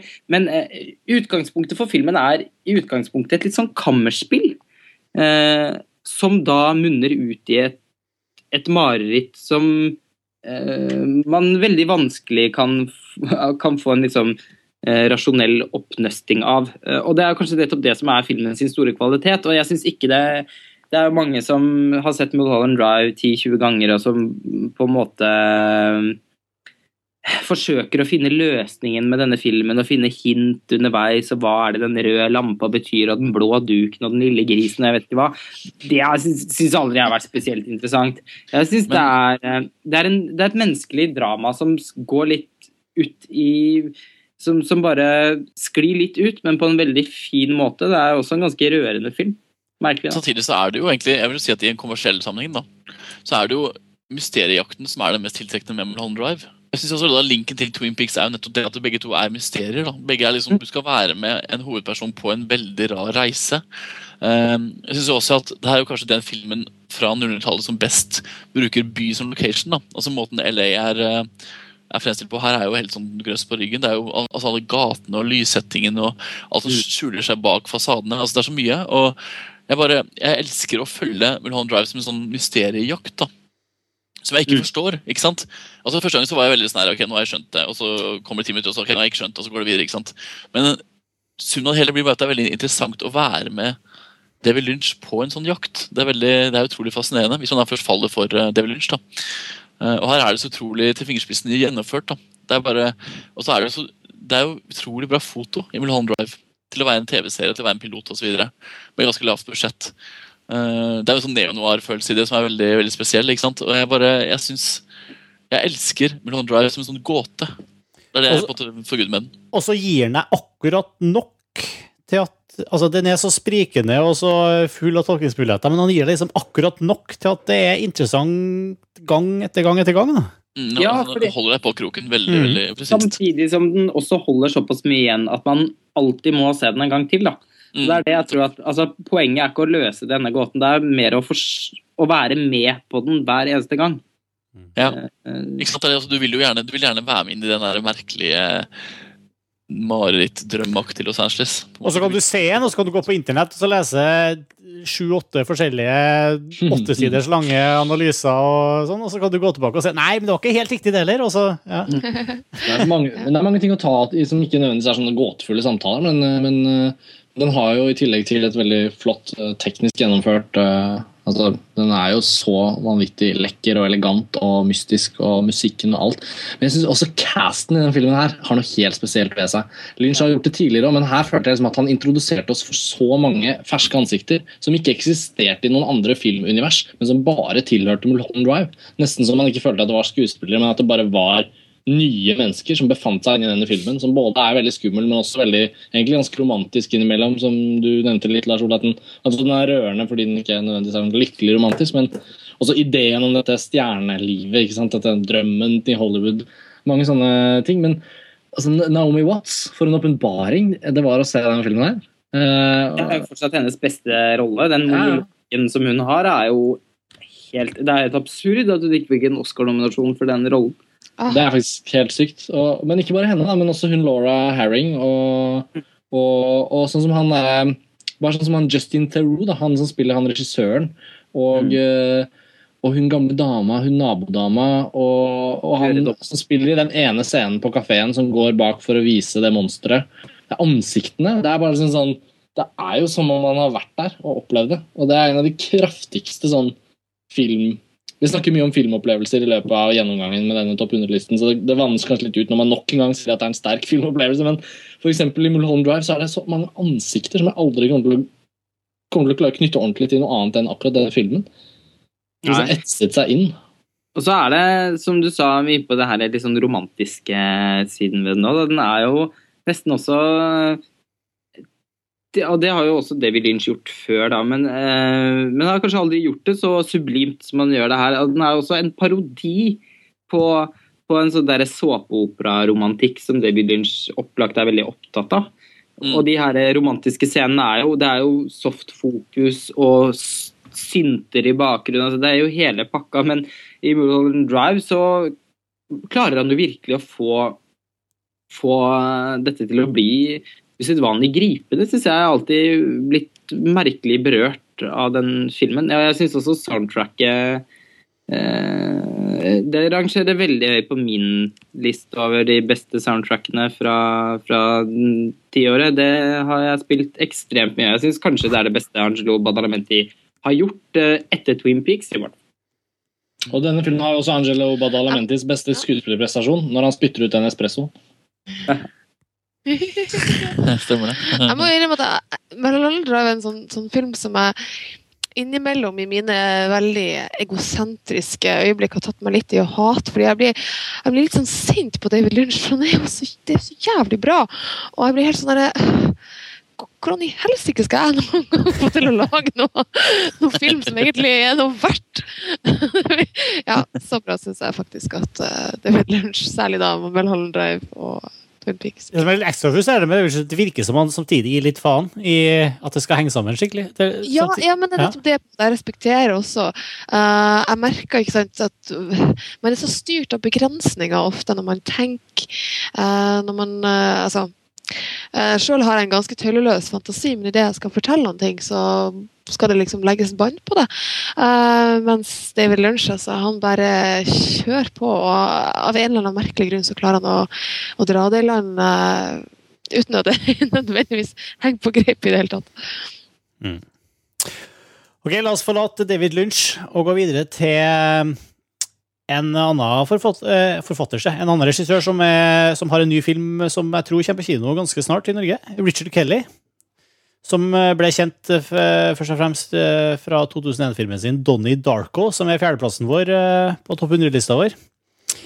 Og Donnie Darko jeg har en sånn film som jeg føler fikk en veldig sånn myk, rolig start, men som liksom har bygd seg opp til å bli en av de virkelig store filmene fra tiåret her. Liksom eh, etter hvert som flere og flere har fått sett den på DVD og sånn. Er det, er det riktig, eller er det bare jeg som har opplevd filmen på den måten? Jeg fikk ikke med meg den filmen før mange mange år etter at den, at den kom ut. Ja, men Det er jo veldig- som- Er det er jo-? Ja. Den skulle jo, skulle jo opprinnelig rett på, eh, på DVD, eller VHS, eh, blir det kanskje. Eh, VHS var det Nei, 2001. Da var det jo DVD for lenge siden. Nei. Ja, det var fint, eh, fint med EØS da. òg. Det var det, var, det var begge deler, tror jeg, faktisk. sannsynligvis. Ja, altså, det var jo- det var bra for det var ment. Ja, Det var jo ment å skulle gå rett på um, videoformat. da, ikke sant? Mm. Men så ble den ble jo vist i Sundance og fikk ganske kjipe omtaler i, eller anmeldelser i Sundance. Og så ble den kjøpt opp eh, til videodistribusjon, og så ble den igjen da plukka opp til eh, kinodistribusjon av New Market Films etter at den gjorde det ganske bra på, på DVD en periode. Eh, så jeg spilte faktisk inn budsjettet sitt på kino, men det var bare så vidt. Og så ble den da oppdaga igjen på DVD på en sånn ny sånn Directors Cut-utgave. eh, og ble da en kjempekult eh, suksess som i Norge gikk på filmklubbene, og etter hvert solgte veldig bra på DVD, og ble en sånn film som etter hvert alle bare måtte se. da. Men det starta veldig veldig forsiktig og veldig kjipt med dårlige omtaler, og så var den bare vokst og vokst og vokst og fått etter hvert ganske positive anmeldelser. og Kanskje blitt mer og mer forstått da, som film, sannsynligvis. Det er jo på, jeg føler jeg opplever Mulholland, eller jeg opplever Donnie Darko som litt den siste virkelig kultfilmen, jeg. Eh, Ja, egentlig. og jeg opplevde også- Jeg opplevde også det som en kultfilm. Eh, Jeg så den på video første gang i en sånn kjip utgave. Eh, og jeg ble jo fullstendig forført av den filmen. Og det var også en av de filmene som jeg så ekstremt mange ganger når jeg gikk på videregående skole. Det, en, det ble en ekstremt kult rundt den filmen her, og det er vel årsaken til at også denne filmen her har fått en liksom motbølge mot seg etterpå, fordi eh, det er liksom blitt en litt sånn emo-film. Men, eh, men det har aldri påvirket mitt forhold, forhold til Donnie Darko. Jeg syns det er eh, Det er en eh, Som mange av de sterke filmene fra, fra 2000-tallet, så er det også en film som handler om fremmedgjøring og, og eh, den herre slags ut, altså uttrykksbehov da, som aldri får på en måte Som aldri får noe, noen forløsning. Altså, eh, hovedkarakteren er en usedvanlig smart fyr. Donnie Darko. Han er jo en, en Altså, han er jo en eh, en som ikke klarer å identifisere seg med de fleste av de andre på sin alder. Ikke fordi han nødvendigvis er så, så sinnssykt mye smartere enn alle andre, men at han bare han har noen tanker som han på en måte aldri får omsatt. Og så begynner han å Sakte, men sikkert, han går jo inn i en slags psykose, må det vel være. Hvor han eh, nesten begynner å leve sitt eget lille liv. Og, og så blir han kjent med den fantastiske, skjønne jenta Gretchen Ross. Eh, og, og så får de en sånn helt sånn spesiell bonding sammen når de forsøker å finne ut av noen mysterier sammen. Altså, det høres jo helt latterlig ut, men uh...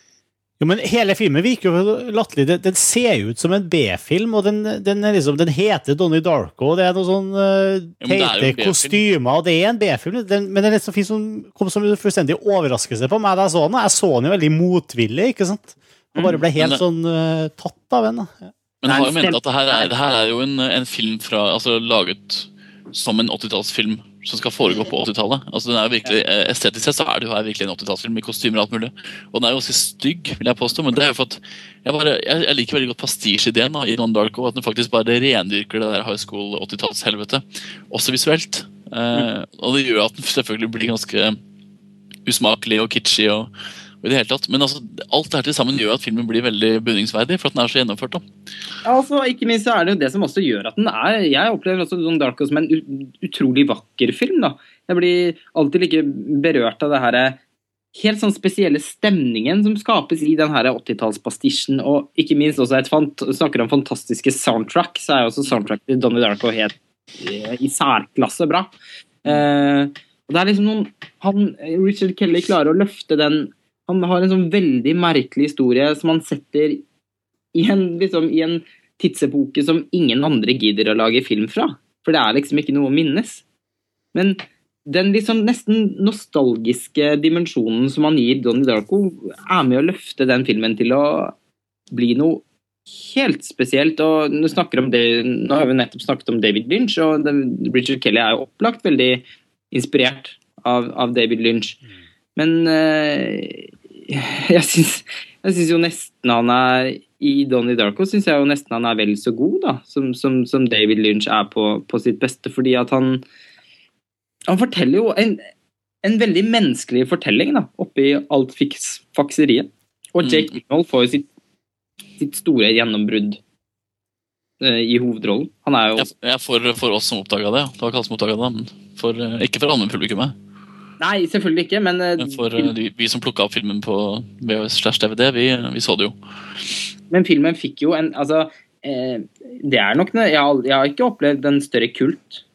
Det, Nei, jeg, jeg, jeg, så nå at den faktisk ble lansert på kino rett etter 11.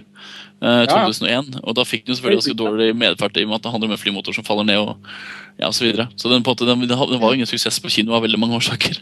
den ble jo eh, først utsatt timing. også på, kino pga. 11. september. Den skulle jo kommet like etterpå. Mm. Men så- Jeg, jeg, jeg, jeg husker veldig godt at jeg husker jeg, husker jeg hørte folk, folk omtalte Donnie Darko som en sånn film som, eh, som jeg måtte se, men ingen egentlig kunne fortelle meg hvorfor. da, At den, at den var veldig fin. Altså ordet liksom veldig fin. Og det er jo en veldig fin historie, men eh, den, den vokser jo ut av det der B-preget sitt ved at den faktisk er veldig velspilt. da.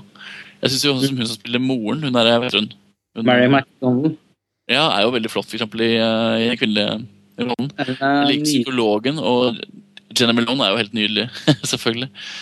Så det er, veldig, det er en veldig gjennomført film. Altså. Jeg syns den er veldig, mm, veldig, veldig, veldig flott.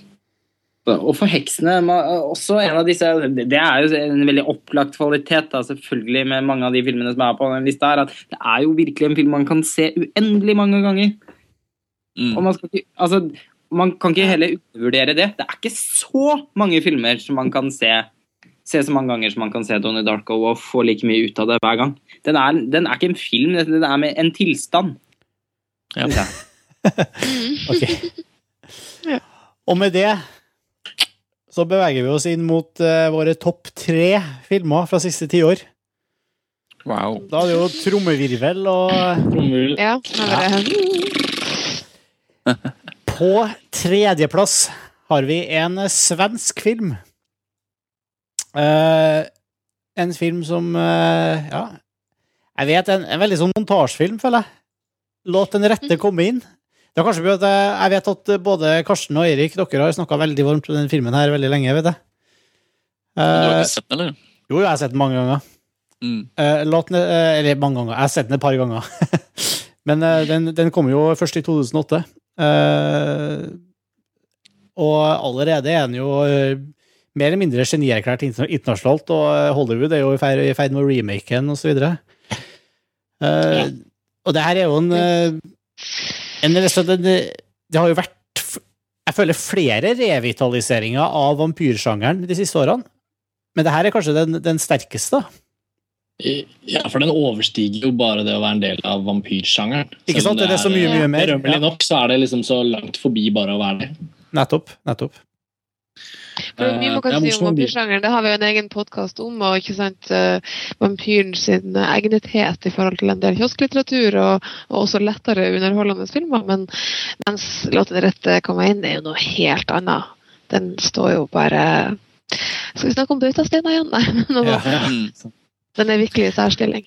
Jeg fikk jo passet mitt påskrevet jeg hevda at det handla like så mye om eh, om, eh, om forsømte barn og sånn som det handla om vampyrer av eh, vampyrologen vår. Men eh, Ja, ja. Han om det. ja. Men det handler, det handler jo om forsømte barn. Og det handler om incest, og det handler om barnemisbruk, og det handler veldig mye ekle, tabubelagte, svarte tema.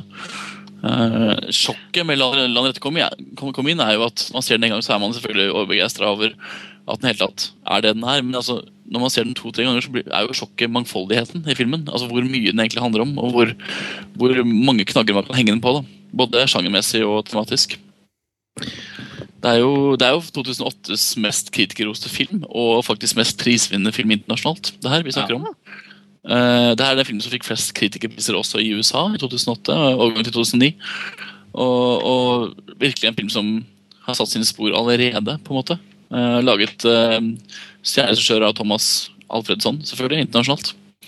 Mm. Eh, men det er, altså, det her er bare det her er en av de filmene som virkelig bare Du kan snakke om den og snakke om den. Du må på en måte gjøre det i riktig kontekst. Du må, du må skrive det ned. Du må, du må lage en avhandling da, om denne filmen her. Ja, men, men det, det jeg synes var imponerende at det funker på så, på så ut, som du sier, på så mange plan. Også, og ikke bare tematisk mange plan, men også den, den funker også et, teknisk, liksom. Og den funker fotomessig, og den, den funker og den, den er veldig smart, da. Tvers gjennom veldig, veldig smart, liksom. Den er, så vanv- den er så vanvittig nydelig fortalt rent visuelt. da. Når man snakker om visuell fortelling i, Ja. i form av at han rett og slett anvender bilder og virkelig bruker dem til å drive historien fremover og skape de stemningene som er der. Selv om den er eh, adaptert fra en eh, roman som jeg dessverre ikke har fått lest ennå, men som jeg har tiltro til at er fantastisk på sin egen måte, så drar han den adaptasjonen opp til et nivå hvor den blir et så sterkt filmverk. da, Hvor den liksom bare virkelig bruker det. Bruker landskapet, bruker ansiktene.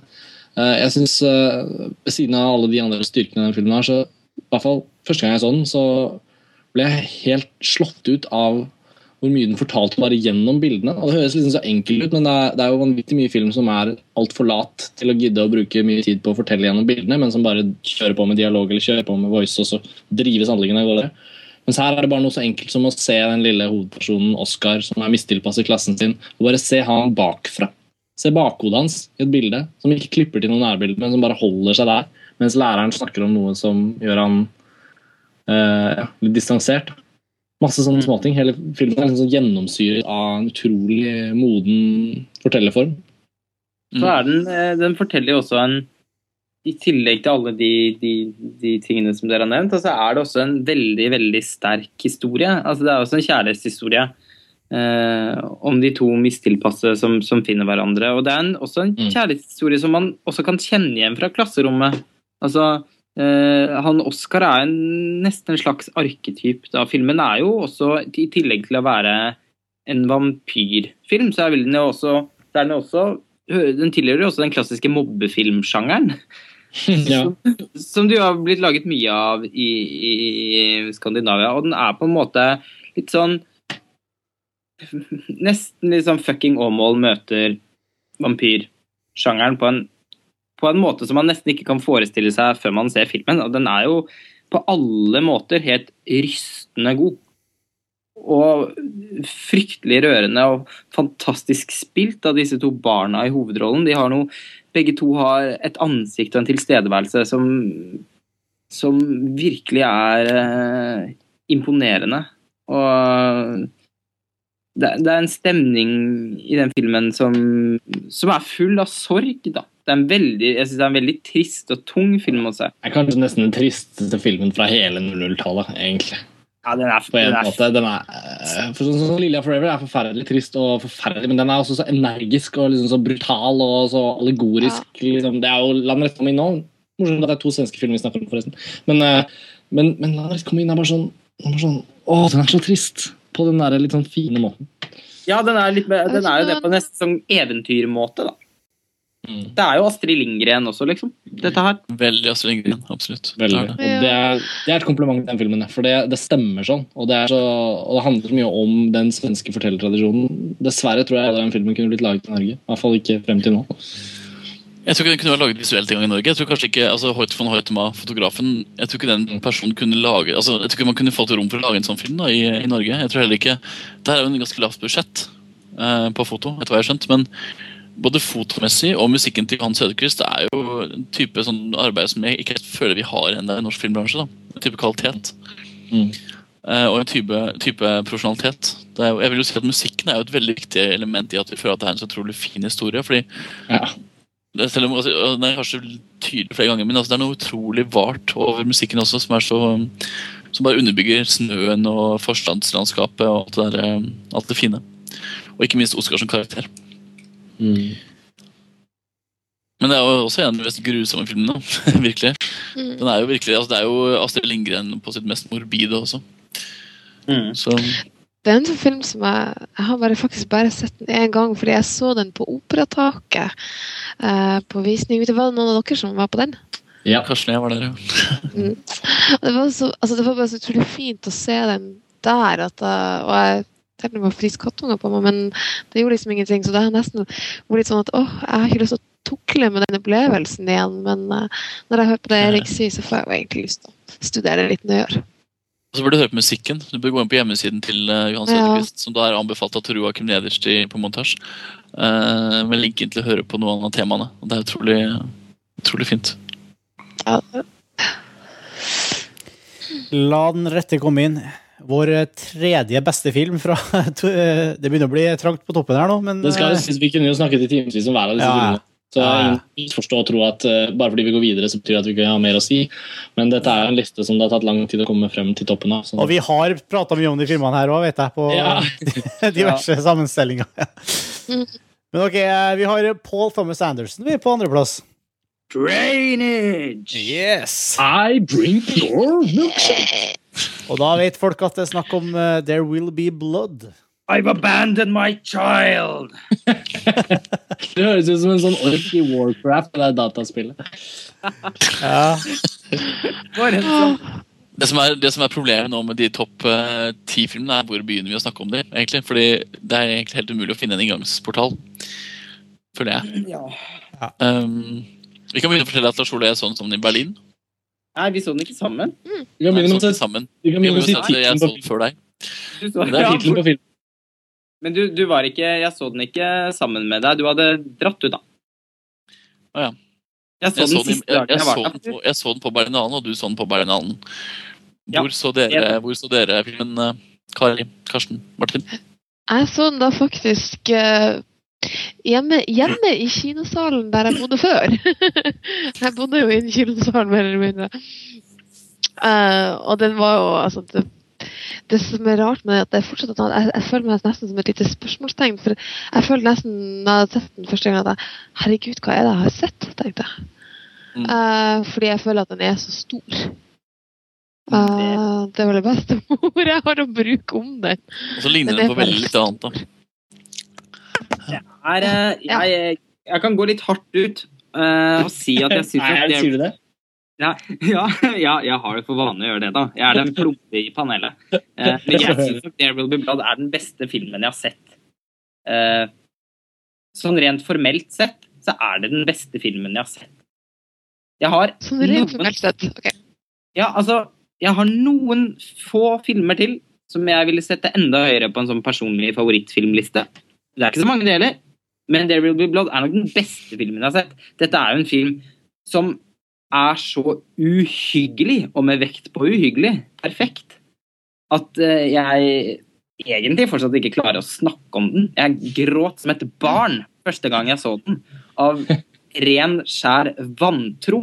Jeg syns at dette var et møte med noe helt sånn overjordisk. Jeg syns den filmen var så tvers igjennom forferdelig og opprivende og vakker og forstyrrende og alt, alt, alt det som er best med film i hele verden. Paul Thomas Anderson er vel den flinkeste som holder på i dag. Det blir veldig spennende å se hva han gjør neste gang, men det her kan han aldri slå. Det er like bra som The Shining av Stanley Kubrick, og det er komplimentet. Ja, det det er litt sånn der, det, det rare jeg merka da jeg hadde sett den, var at jeg og noen andre filmpodkaster mer sånn så på hverandre og, og var litt sånn Ja, siden, uh, The Shining Det her er liksom The Citizen Kane of our time. Ja, det er nettopp det er det. veldig sant. Og det er, det, det er helt riktig. Og, det, og hvor absurd er ikke det? altså det er liksom Citizen Ja. Kane, Gudfaren, There Will Be Blood. Hvem er det som forbereder seg på å gå og se en sånn film? Men der er hvor absurd, da. Det er liksom absurd som er opplevelsen. Og Martin, da, hva er din uh, opplevelse av denne filmen? Nei. Jeg er helt ålreit. Ja, for du synes det er helt ålreit, du, du, hadde den på 97.-plass når du stemte, men jeg husker. Ja, vi stemte jo bare til 50, men Ja, eh. Jo da, nei, jeg liker The Road veldig godt, altså. Jeg- Men jeg har ikke Jeg Ja. Jeg har ikke det samme forholdet til en som dere har, altså. Men, uh, Men du hadde nemlig lavest, tror jeg. Men jeg husker. det, kan- det kan nok stemme, ja. Mm. Mm. Jeg har ikke så veldig mye å si om den filmen, egentlig. Altså, jeg satte veldig pris på den jeg så den. eh, Men eh, den har liksom ikke festa seg på samme måte hos meg. Altså. Jeg, føler jo på en måte at altså, Den briljansen som ligger i den filmen, er, det er rett og slett det er, Den er forstummende. Det er vanskelig å snakke om. Eh, hva er det vi skal si som på en måte ikke har blitt sagt i alle mulige andre sammenhenger? Den er, den er bare enda bedre enn det. Og den er Daniel Del-Lewis gjør en rolletolkning som er monumental. Bildespråket er helt hinsides. Eh, Fotoarbeidet kan man drømme om i ukevis etterpå, og det er mareritt. Uh, musikken Johnny Greenwood. Av Johnny Greenwood fra Radiohead er jo det mest eh, Virkelig mest eh, forrykende eh, og kreative soundtracket Soundtracket Ja, filmmusikken som jeg kan huske fra, fra, fra 2000-tallet. Veldig inspirert av polske modernistkomponister som Nicolas Penderecki og sånn, som jo nettopp var de Kubrick brukte i sin tid. There Will Be Blood begynner jo med en sånn Penderecki eh, lyd, nærmest vil jeg kalle det, som Kubrick også brukte i The Shining. Og dermed er jo parallellen til den filmen allerede satt. Eh, og selv om det, de to filmene er fryktelig forskjellige på nesten alle måter, så er det Det, det er et sånn Kubrick-spøkelse over, over There Will Be Blood. Og eh, de aller fleste som er såpass interessert i film som oss, har vel Kubrick som en sånn slags helt uovertruffen gud. Og han er ikke en gud som spøker veldig ofte. Men når han gjør det, sånn som i There Will Be Blood, så blir det Da blir det da, nå gikk billedbruken i spinn her.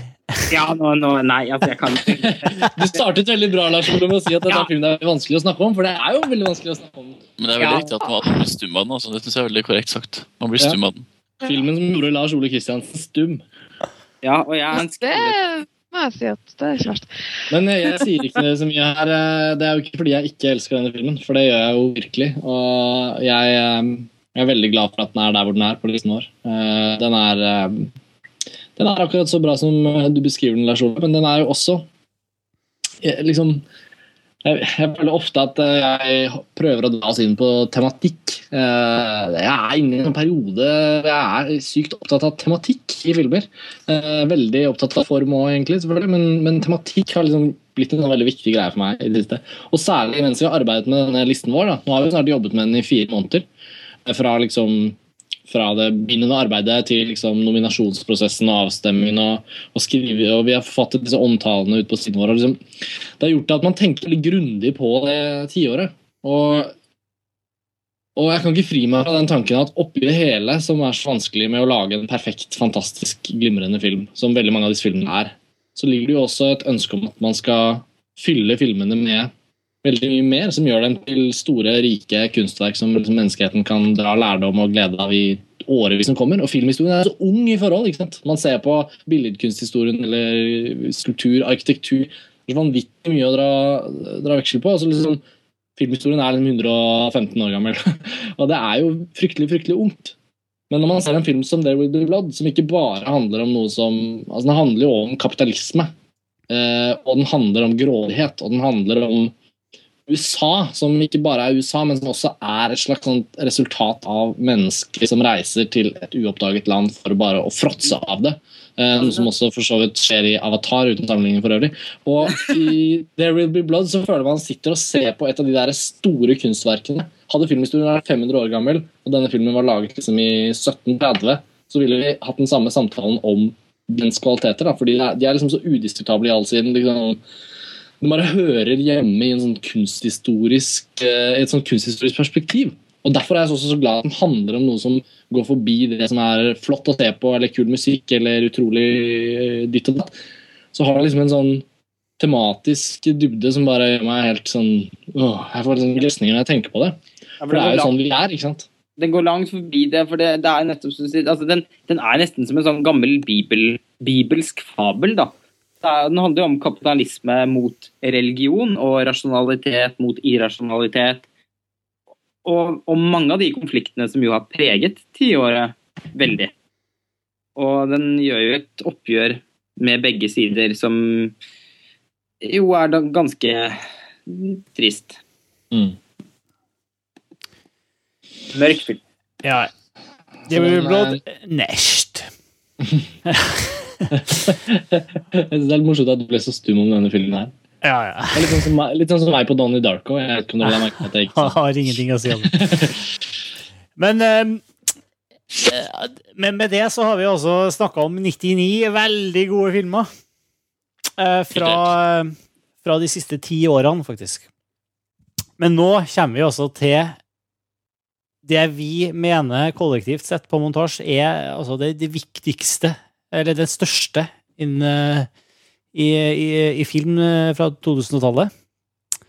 Og før vi eh, Jeg vet selvfølgelig at dere som har hørt på 50 nå, vet har allerede resonnert dere fram til hva førsteplassen vår er, men likevel, vi holder på sendinga litt lenger og spiller en liten trailer før vi avslører hva førsteplassen vår er.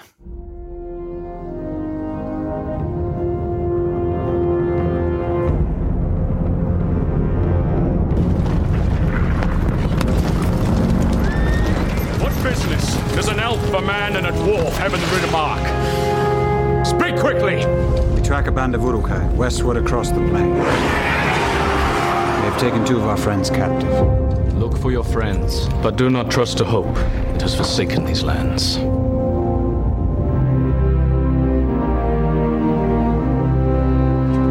We're lost. I don't think Gandalf meant for us to come this way. He didn't mean for a lot of things to happen, Sam.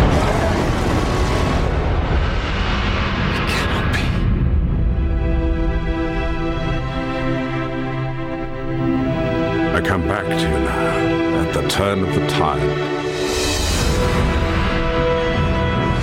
Sauron's forces have begun their attack.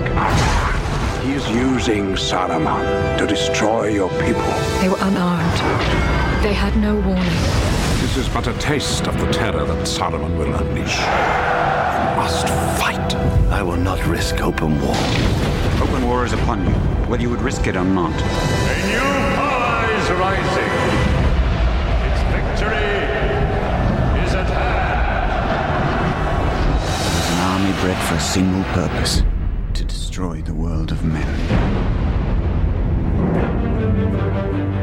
You must lead the people to Helm's Deep. By order of the king, the city must empty. Where is she? The woman who gave you that jewel. The alliance between men and elves is over. Our time here is ending. Arwen's time is ending. Let her go. Where is it? Just tie him up and leave him. No! You know the way to Mordor.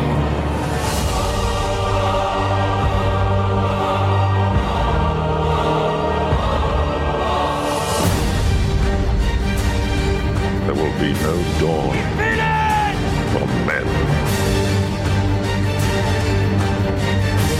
the ring. Frodo! It's taken hold of you. You have the gift of foresight. Tell me what you have seen. He is not coming back. The defenses have to hold. They will hold. There's nothing for you here. Only death.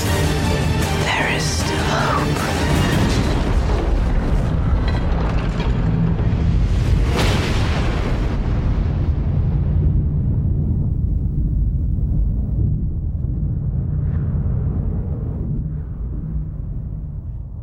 Altså, på førsteplass, Body of Lies. Ridley Scott. Nei. Nei, altså, det føles nesten som vi ikke hadde noe valg. Det måtte Altså, vi har, vi har satt tre filmer på, på førsteplass her. Trilogien fra Peter Jackson. Ringenes herre. Ringenes herre. Eh, det var liksom ingen vei utenom. Jeg må, jeg må bare først og fremst komme med en, eh, en innrømmelse her. Jeg har sett de, filmene, de tre filmene her én gang. Jeg så dem på kino. Jeg har ikke, jeg har ikke tort å sette dem igjen. Jeg syns bare De er litt sånn utmattende perfekt. Ja, jeg hadde det litt motsatt, men det er litt fordi at jeg liksom var så stor uh, Lord of the Rings-fan uh, som tenåring da, av bøkene. Og jeg var helt utmatta etter første gangen jeg hadde sett første filmen, men jeg hadde en sånn umiddelbart behov for å se den igjen, for å liksom for å måtte komme over det første gispet, og da kunne jeg roe ned og se den en gang til. Jeg må si jeg så, jeg så første film elleve ganger. Nesten alle sammen sammen med Karsten. Ja, jeg så tror jeg er den- andre film sju ganger og tredje film elleve ganger. Så jeg har jo på en måte Dette var på kino, ikke sant? Dette var på kino. Ja. 11, 7 og 11. Så jeg så det jo nok. Og bare Ja, til husker tallet sier litt om hvor viktig det var. Jeg, var, jeg, jeg så første filmen eh, eh, åtte ganger, andre, andre filmen ni og siste filmen 13 ganger på kino. Så, ja. ganske... Så vi er vel Ja, ingen av dere slår en venninne av meg som har sett de 40 ganger. Ok, det er crazy. er litt gal. Nå hører vi med til historien at uh, Eirik og du har jo lagd en uh, dokumentarfilm knytta rundt til liksom selve det fanfenomenet. Om hysteriet, Om hysteriet rundt uh, Ringenes herre. Mm, For det var jo et hysteri til dels, kan man påstå. Uh, I ettertid. Ja, ja. For all del. Uh, men det som er interessant med Ringenes herre, er jo at det her er jo virkelig altså, fra, altså Nå snakker vi litt alder, da. Fra Lars Ole måte, til Martin så er det jo noen år faktisk på oss. eh, men de årene de spenner liksom nøyaktig den generasjonen som Ringenes herre omslutta, vil jeg påstå. Eh, Lars Ole var liksom på en måte den første, kanskje den, den yngste segmentet, så var Martin og slash jeg, jeg da, på en måte den siste Så fikk den, og, og Kari selvfølgelig, som fikk den der generasjonsopplevelsen av Ringenes herre, sånn som Star Wars var sant, tilbake på 70-tallet. Eh, og sjokket ved å se Ringenes herre, som vi kanskje burde snakke litt om. Oppi det så lagde jeg en dokumentarfilm uh, hvor Lars Ole figurerer. Uh, men der handler jo mye mer enn det. Det handler jo egentlig om at vi bare Altså Vi hadde massive forventninger, og så ble de på en eller annen måte innfridd. Av en eller annen Ja, men altså, Sjokket var jo nettopp det at jeg, jeg, jeg, jeg følte ikke så spesielt for mye for de filmene her før jeg så dem på kino. Eh, Og jeg hadde ikke sånn som dere fulgt med så utrolig nøye på produksjonen som forkant, men det som sjokket var jo at det, liksom, jeg hadde jo lest bøkene, og, og kom og så filmene, og sånn Ja, selvfølgelig er det sånn det ser ut. Selvfølgelig har Peter Jackson truffet spikeren på hodet. liksom. Det, jeg, har, jeg har ikke noe utsett på deg. Det her er selvfølgelig akkurat sånn som det er. Men der er jeg jo sjokket i ettertid. At du opplever at han faktisk han traff så utrolig. Ja, Det er jo det som er sjokket. Ja. Ja.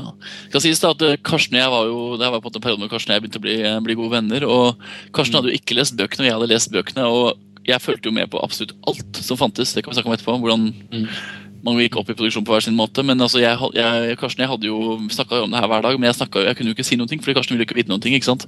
Så Karsten jeg hadde der evig evige spillet imellom. Karsten ville ikke vite noe om verdens ting, og jeg ville fortelle han alt. Så Karsten var- hadde veldig mange bra samtaler. Det var en veldig morsom periode. Det skal også skytes inn at Vi jobbet også i en eh, i hvert fall Da den første filmen kom, så jobbet vi i en videobutikk sammen, hvor, vi, hvor vi ble kjent. Og jeg syns jo det var ekstremt lett å bli engasjert i disse filmene, som da skulle ha premiere om type sånn omtrent et år. Da da vi begynte å snakke, eller da jeg ble inkludert i den samtalen. Uh, og jeg visste, kjente jo til Peter Jackson, og det var liksom ikke noe vanskelig å bli engasjert. men men det som var så gøy for meg, på mange måter, var at for meg er dette filmer. Det er ikke bøker. Og jeg har fremdeles ikke lest Ringenes herre-bøkene. Jeg tror ikke jeg kommer til å gjøre det, faktisk. Fordi jeg har fått disse filmene, og du var inne på det, Eirik. Det er vår generasjons eh, Det er på en måte vår generasjons Stars, hvis man skal uten bedre sammenligning tilgjengelig. Det er på en måte en type hendelse i filmhistorien som er så til de grader avgjørende for hvordan filmhistorien vil fortsette å se ut. Samtidig som det uavhengig av filmbransjen også er liksom en av de flotteste eventyrhistoriene um, som er skrevet. da. Eh, og, og det at det lykkes som filmatisering liksom ned til jeg, jeg kan jo ikke sammenligne med boken, men som filmer så er de for meg de, de rommer alt jeg krever av en filmopplevelse. Alt jeg ønsker fra en filmopplevelse. I mange tilfeller så kan man søke seg mot filmer og inn i kinosalen for å lære noe, for å, for å få større innsikt, men, men veldig ofte så er det jo en flukt. Uh, Det trenger ikke være noe negativt at man flykter, men, men, men det å søke seg til film både litt som en flukt og litt som et eventyr som man ønsker å reise ut på, til et sted man ikke kan reise fysisk fordi man av en eller annen grunn ikke kan reise dit, enten om det er et fantasiunivers eller om det er et land så langt borte at man aldri tror man kommer til å dra dit, så ja, har man en viss forhåpning der. Uavhengig av om man er filmledd eller ikke, så ønsker man å bli tatt med et sted. Jeg har aldri siden eller før opplevd en sånn type transformasjon av tid og sted som jeg har fått med disse filmene her. Og det er nesten kanskje det, det flotteste en vellykket film kan gi meg. Og dette er det beste i den sammenhengen. For meg, da. Men vi også møttes Lars Ole, i forbindelse med Ringenes herre. Ja, ja. Jeg vil si litt sånn, der- litt sånn kontekst på, før vi snakker om filmene i seg selv. Altså vi, hvordan, vi, hvordan vi så de, da, faktisk. Ja, vi møttes jo i Ringenes herre-kø på den andre filmen. Det var jo da jeg traff deg og Karsten første gang. I Frognerparken. I kulda. Var- I snøstormen. Ja, hvor det var forferdelig kaldt. Ehm, og så ble vi venner for livet. Nei, men, oh, det var en vakker historie! Men det, men det er veldig morsomt at vi som en sånn eh, Altså vi tre møttes jo på en måte egentlig på, på basis av Ringenes herre-trilogien, kan man si. ja, det, Eh, vi møtte ikke Martin og Kari på basis av Ringenes herre-trilogien. Men eh, du var ikke i kø, Kari, var du det? Nei, eh, jeg så dem i Trondheim. Jeg bodde jo i Trondheim da. Mm. Og det var noen andre som hadde gjort alle køsittinga på nett for meg. og så sa han jo i Paris, da sto jeg i noen kø noen ganger, men det var jo for å, på en måte, få, for å få seter, da. Når jeg så eh, Return, Return of the King, eksempel, så jeg i Paris. Jeg vet ikke Var ikke du i Paris da, du òg? Nei. I 2003? Nei, nei, nei. nei. tre okay. år senere. Men uh, vi, altså, jeg, jeg, lå i kø ikke altså Ingen av oss var jo noen sånne kostymegeeks, men vi jeg lå egentlig bare i en særlig kø fordi jeg ville ha billett til premieren og se den aller først. Så enkelt var det.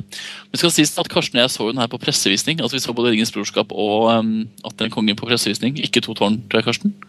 Så vidt jeg husker. Nei, Men vi så jo vi så faktisk, altså Karsten, Karsten og jeg så Ringens brorskap 4.12.2001. så vi den.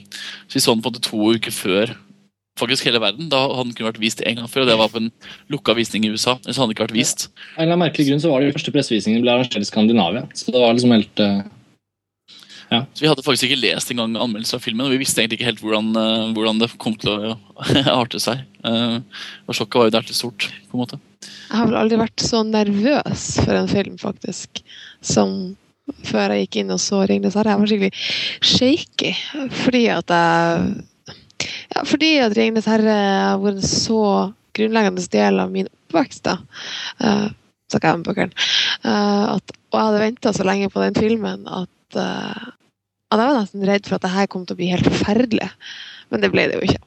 Uh, på en måte, enkelte karakterer er jo ikke med, Tom Bombadil f.eks. Men jeg valgte å se det som at jo da, han er der, men man har jo ikke tid til å se alt på lerret. det var veldig over, overbærende av deg. Ja. Men det jo, ja, men det er jo faktisk altså, nei, men det er jo ikke veien, det er jo faktisk til det som var intensjonen. altså de, de kunne, altså, Tom Bonner hadde jo bare ødelagt hele uh, fremdriften i, i, i filmen. Ja, ja, ja, hadde, hadde laget bok på en måte av, av boka. Eh, men det er jo veldig åpenhet for at han faktisk at han kan være der, sånn som du sier. Det, ja, kan fint det er jo... et eller annet sted. Syns det er en veldig fin måte å se det på. Så får noen lage en film om Tom Bombadil da, senere. Ikke sant. Når så du den, Martin, og hvilken sammenheng? Første? Eh, nei, jeg så den eh, som en, eh, som en helt vanlig julefilm, altså. På Nova. Det er vanskelig for å tro at du bare sånn altså, Var det ingen, ingen nervøsitet, ingen forventninger, ingen tanker? Jo, men, jo, jo, men jeg, jeg hadde også Jeg hadde liksom Jeg visste at Peter Jackson nå hadde lagd 'Ringenes herre', og jeg visste også det Jeg visste også, som, som Kari sier, at uh, hadde droppa noen av elementene. Droppa Tom Bobadil, som jeg husker jeg likte godt fra bøkene, osv. Og, så og så hadde jeg den siste Peter Jackson-filmen jeg hadde sett, var 'The Frighteners', som jeg ikke likte noe særlig. Uh, og Lave forventninger.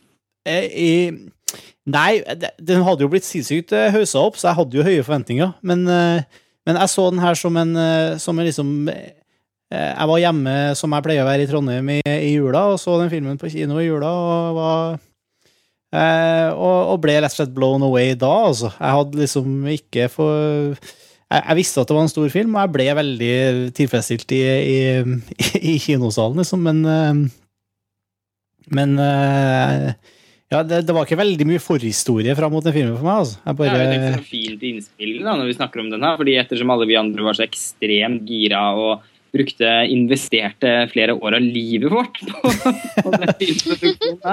Nei, jeg bare sånn, ja, ja. Så er, det så, så, er det jo også på en måte interessant å høre reaksjonen fra en som også setter filmen eh, utrolig høyt, men som faktisk gikk og så den som en forholdsvis vanlig film på kino. Ja, absolutt. For jeg, også, jeg hadde jo veldig nett forhold til det universet her på forhånd. Jeg har jo vært rollespiller i mange år og har jo levd og pusta Dungeons and Dragons og Tolkiens eh, legacy. liksom. Jeg, jeg kjenner jo Tolkien-verdenen veldig godt, liksom. Men, ja, Det er Men, du som eh, meg. Ja, ikke sant? Jeg kan jo bare si fra min side at jeg har aldri vært noen sånn Dungeons and Dragons eller rollespillgutt i det hele tatt. Så for meg så var jo hele det universet der nesten det som var litt sånn avskrekkende med hele greia. Men jeg hadde nå lest 'Ringenes herre' da, og syns jo den var en fantastisk, eh, et fantastisk eventyr. Og så var det på noe vis mest selve filmprosjektet som jeg ble engasjert i. Jeg tror jeg var i veldig rett alder. Jeg var jo eh, Jeg gikk jo på ungdomsskolen, og det ble jo på en måte Du er så ja, jeg er så ung. Jeg er bare 23 Ja. år. Men eh, eh, Så jeg tror jeg var i veldig rett alder, da.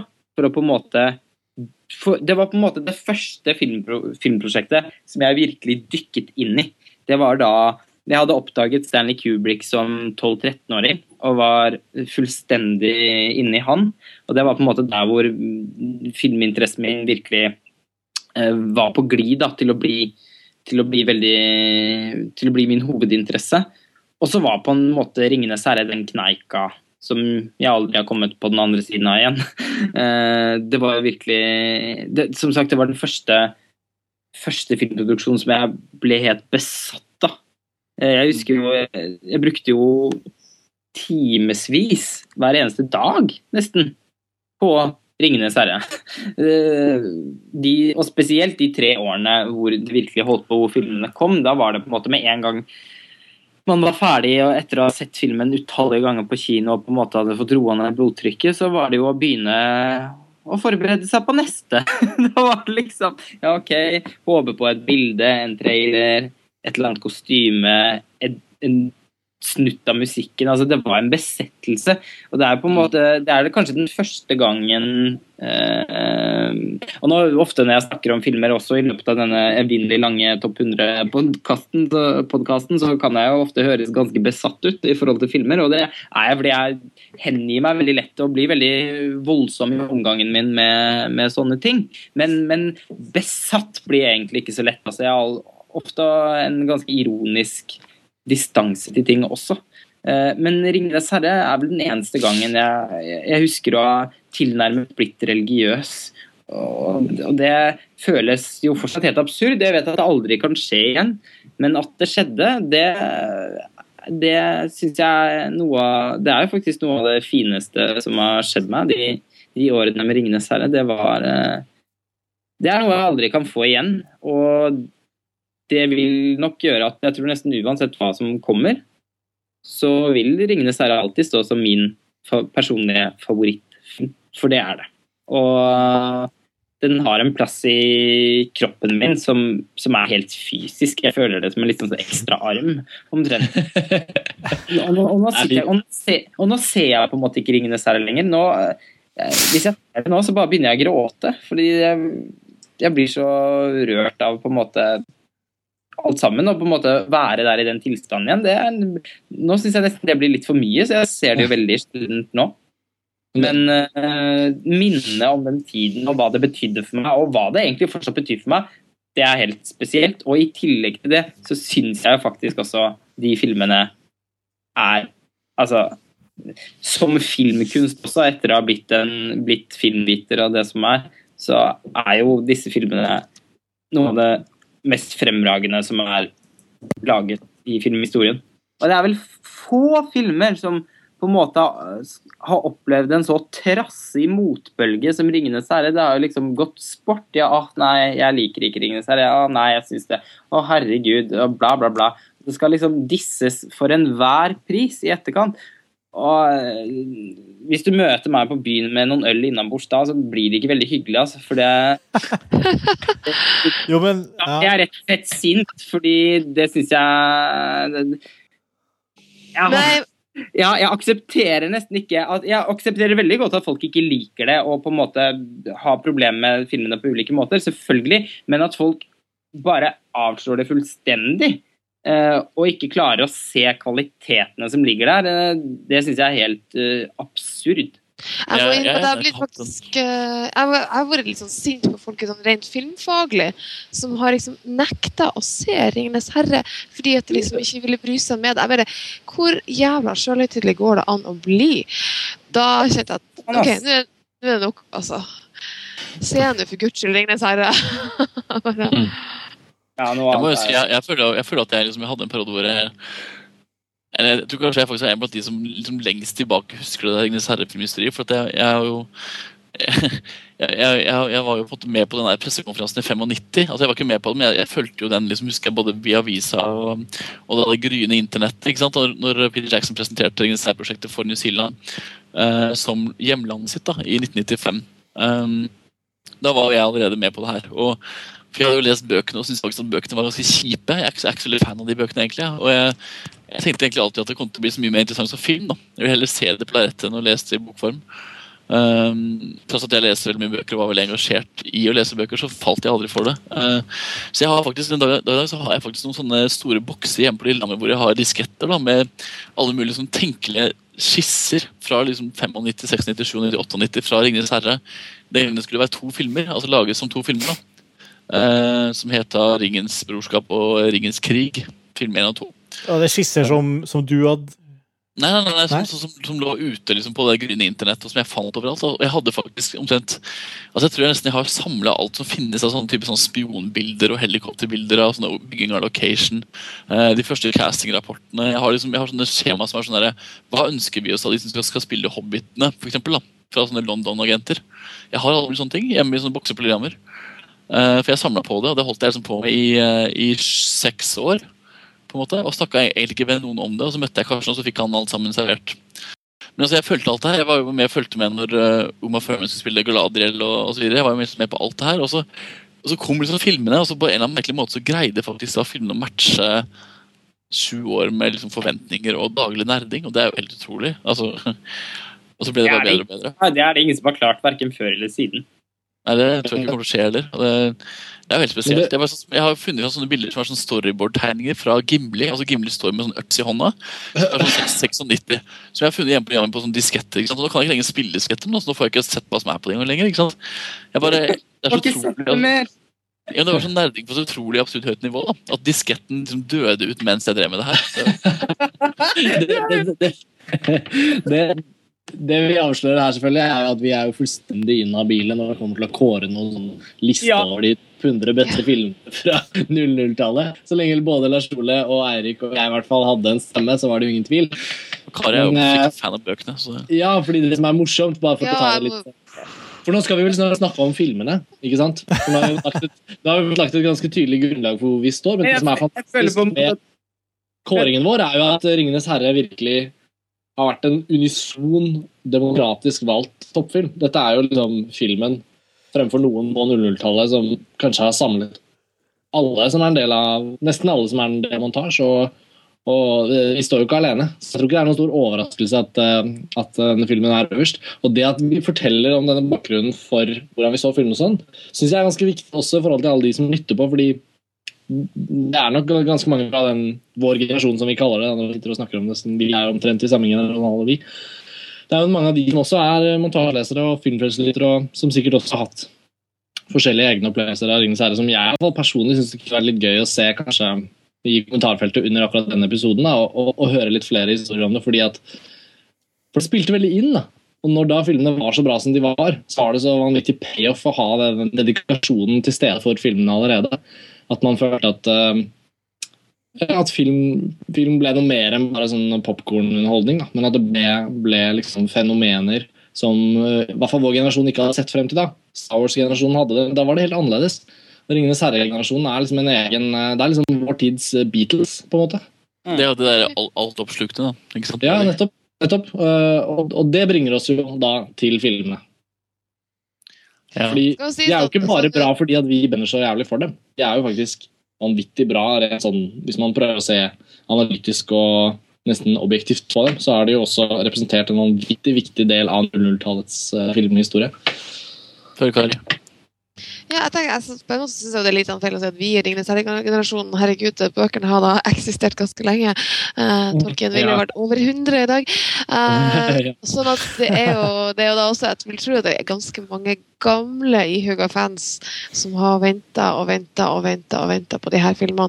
Og det har liksom Som har fulgt med og liksom, som har jubla i det det har blitt kjent at Ellen Lee og John Howe, eh, to av de mest eh, kjente Tolkien hva skal si, Tolkien-illustratørene, da, skulle gå inn og, og gjøre kunst. Og det, altså, del av, av eh, art direction-arbeidet og det å liksom kunne få filmen ja, og, og kunne få filmen og, kunne se altså, Det er så fascinerende å på en måte bare kjenne igjen uh, malerier av John Howe, enkelte scener som ser ut som bilder som har eksistert sant, i flere tiår.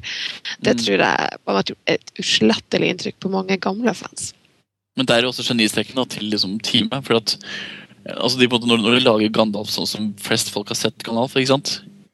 Det, jo, de kan jo ikke slå feil. altså Det var, det var veldig smart. da Istedenfor å gå via en eller annen sånn Hollywood-produksjonsdesigner og få det redesigna, så var det jo på en måte De baserte det på veldig etablerte visuelle uttrykk. da Veldig mye av det. Baradur, for Det, altså, det fantes jo veldig mye billedmateriell å ta av. Men det fantes mye dårlig også. Ja. må sies. Det fantes veldig mye cheesy, dårlig, sånn new age, kitschy helvete-greier. Ja, det er derfor at Ellen Lee valget av Ellen Lee og John Howe, som uh, illustrerer tolken ganske forskjellig, men som begge egner seg veldig godt filmatisk. Da. Jeg syns det var en genistrek. Også fordi de har et ganske realistisk tilsnitt. da Ja, altså fordi Det I motsetning til alle andre fantasiverdener så oppleves jo Ringenes herre som ekstremt ikke realistisk, men veldig autentisk. Ja. Eh, og, og det handler jo om at man i stedet for å Man lagde jo ikke scenografi på en måte i Ringenes herre. Det var mer Man lagde arkitektur. Altså, Mm. De satte seg jo ned, og, og de utforsket jo også eh, arkitekturhistorien. Altså, jo, man ser jo masse gotisk stil, jugendstil osv. Mm. i Ringenes herre. Fordi og, og alt er på en måte bygd med en logikk da, som eh, matcher virkeligheten. Dette er faktisk en verden som kunne eksistert. Og det gjør, gir den en sånn kraft da, som jeg aldri har sett i noen andre fantasiunivers jeg har vært borti.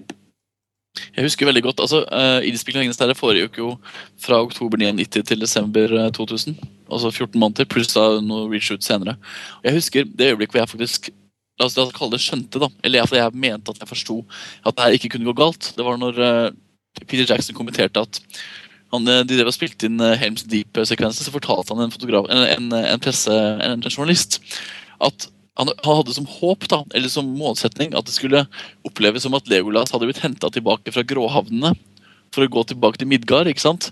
Og da for å bare grave opp igjen Helms Deep og så bare gjøre det som han gjorde da, for noen tusen år siden, en gang til, foran kamera.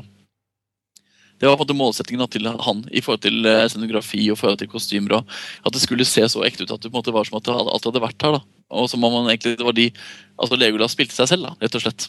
Og kom tilbake. Eh, og Det satte en sånn standard da, husker jeg, i, i, min, eh, i, min, forståelse av hva det kom til å bli. At jeg tenkte at oi, han kommer til å ta det helt ut. altså Det kommer til å bli helt som å leve i en helt annen verden. da. Og det, det ble det jo. Det var det han fikk til. Og en ting som denne slags vi snakker om, er jo en del av skuespillerprestasjonene i filmen. Uh, en ting er at å gjøre en så massiv film er jo ja, det er jo litt av en men jeg syns da særlig Viggo Mortensen klarer å ha en karakterutvikling gjennom de tre filmene som er ganske, ganske unik. Jeg ble jo så forelska i Viggo Mortensen. Jeg tror jeg skulle dø. Det var helt uh, fantastisk. Miranda Otto. Oh. Men jeg skal si så det som, det som gjør at liksom, Ringenes herre-filmene overlever nå For Jeg vil jo påstå at jeg, jeg, faktisk, jeg, jeg har faktisk opplevd at folk ikke liker det. da Jeg vil jo si at folk fortsatt elsker det like høyt, men uh, det er jo min opplevelse av det. Men altså, det som gjør at de faktisk holder seg som så utrolig bunnsolide, er jo de karakterøyeblikkene. Det er ikke nødvendigvis de store slagscenene og, um, og alt det der, men det er de der Munti og Pippin som uh, slåss med Boromir, ikke sant? lekeslåss med Boromir, eller Gandalf og Pippin som snakker sammen, eller Sam og Frodo. Det er de der intime øyeblikkene som er så velspilte og bra dialog. og Veldig regissert. Oh, også det er jo ei scene i Return of the King. Herregud. Uh, I det Faramir rir ut. Oh, for en scene. ja. Den er fin. Ja, helt utrolig. Og det, det måltidet der du på en måte får en følelse av at han sitter og omtrent fortærer sin egen sønn. det er ganske... Med dette andre. Det er jo helt fantastisk.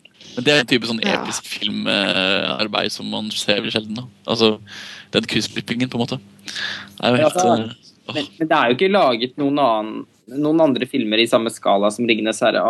For det er det ikke. Altså, det fins uendelig mange andre storfilmer som og som er, ikke minst uh, har høyere budsjett da, i etterkant osv. Men det er, ingen som, det er ingen film som føles like storslått heller da, i produksjonen som 'Ringenes herre'. Og det, det er da også ganske fascinerende å tenke på at det egentlig er en veldig billig produksjon.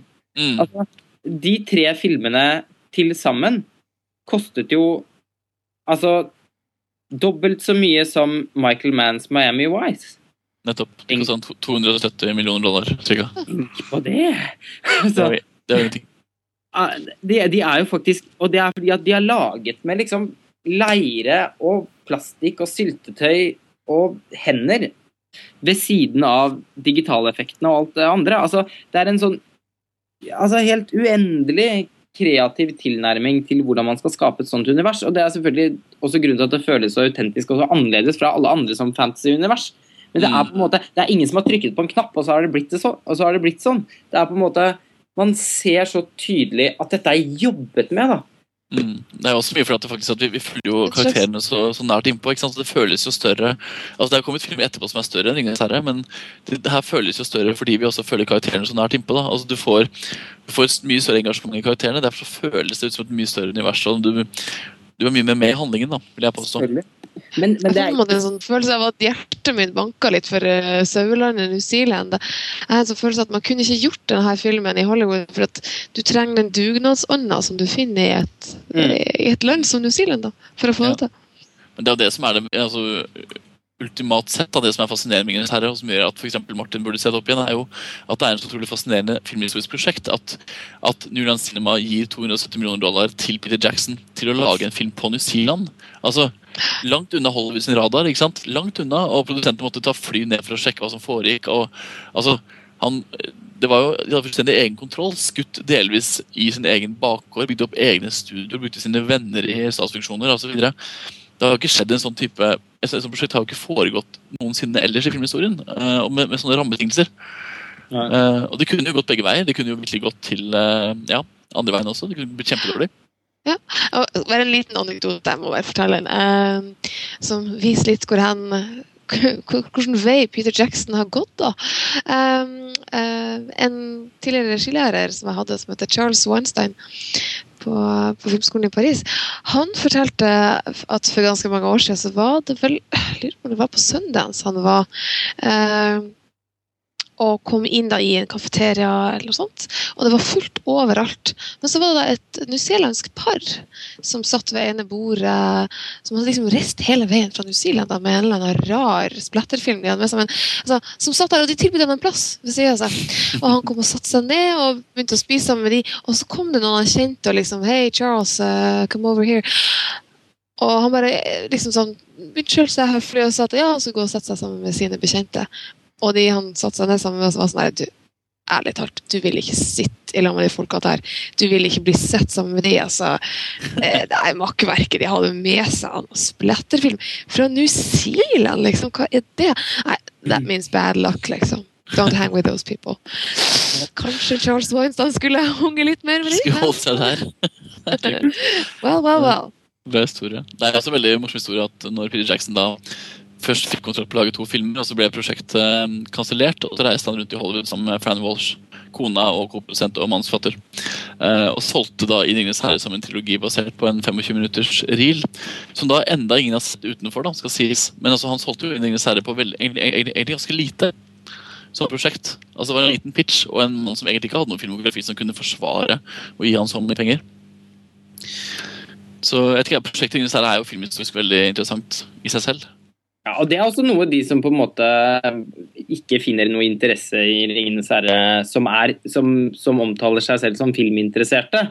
Eh, det er liksom toppen av ignoranse, syns jeg. Ikke... Men det er jo nesten bare fordummende, vil jeg påstå. Ja, altså det, det er ren fordummende. Ren fordummelse. Da bør man lese bøkene på nytt. Eh, men det er jo også oppsiktsvekkende hvor, hvor lite folk flest snakker om de tingene der. Og jeg tror det faktisk er mange som virkelig ikke innser hvor unikt dette prosjektet er, er på absolutt alle måter. Og det skal jo også sies, nå som vi har laget denne topp 100-listen Har dere sett 'Ringenes herre' i toppsjiktet på veldig mange andre topp 100-lister verden over? Det har ikke jeg. Jeg har sett Ringens brorskap figurere, men ikke, ikke To tårn til konge. Det er jo ikke så mange som har samlet dem på den måten vi har gjort. Ja, men, altså, her er, uh, time, Men den har ikke, den har ikke figurert på topp ti, nei. Det har den ikke gjort. Nei, det har han ikke gjort på noen lister, tror jeg. Times hadde slengt inn Returns King på 51.-plass eller noe sånt. Altså, fått listefyll. Det hører jo, men, men tross alt, det Det er- hører litt hjemme i altså, etterbrenningen av sånn fenomen. da. Jo, men Sånn må det kanskje bare bli. altså.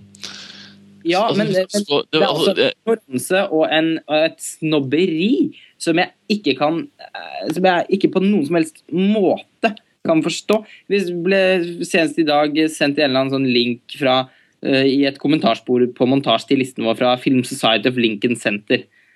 Her er jo ikke Lord of the Rings figurerer jo ikke, mens liksom på en måte en eller annen film av Apichupong Versate Kull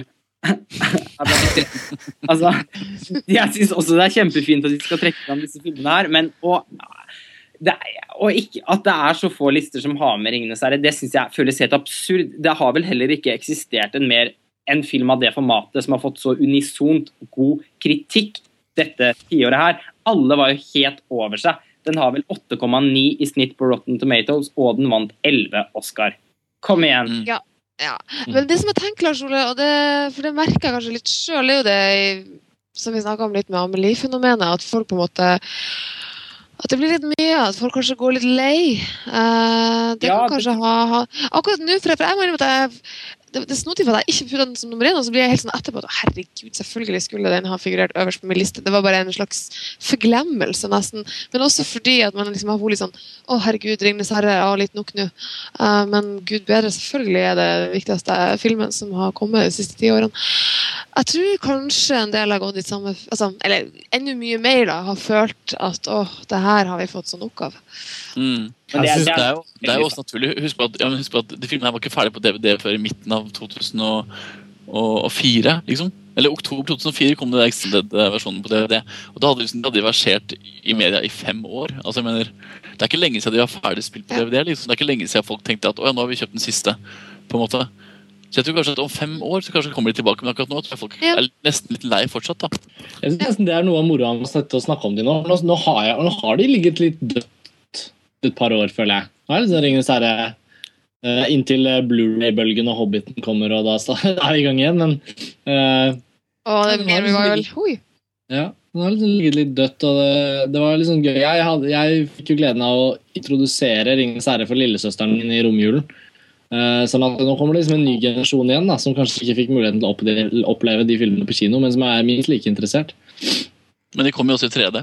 Og så skal det jo Ja, da, for de som ikke, for de som ikke har sett uh, extended-versjoner, sånn som uh, Martin, du må jo se uh, de DVD-versjonene, for de er jo fantastisk mye bedre. Altså, det er ikke på nivå med Kingdom of Heaven, der det er jo en helt annen film, men allikevel så tilfører de en helt en ekstra dimensjon. da. De, de ligger og venter på meg, og jeg gleder meg veldig til det. Jeg har jo sett masse ekstramateriale. Og det er veldig, Du må se det nå mens det fortsatt er vinter, for jeg vil si at det er sånn, åh, sånn vinterkos. Apropos vinter. En, en, en av de beste avvisningene av Ringenes herre-filmene jeg har vært borti, var ei, ei venninne av meg som etter at du har sett dem på kino liksom, Hva er det for noe tull? Det er jo fullstendig urealistisk. Jeg gidder ikke å se på. De, de går jo barfot i snøen. ikke sant? Så hører du hjemme der. Men det er, det er en annen ting. Gjør vi nordlendinger av det.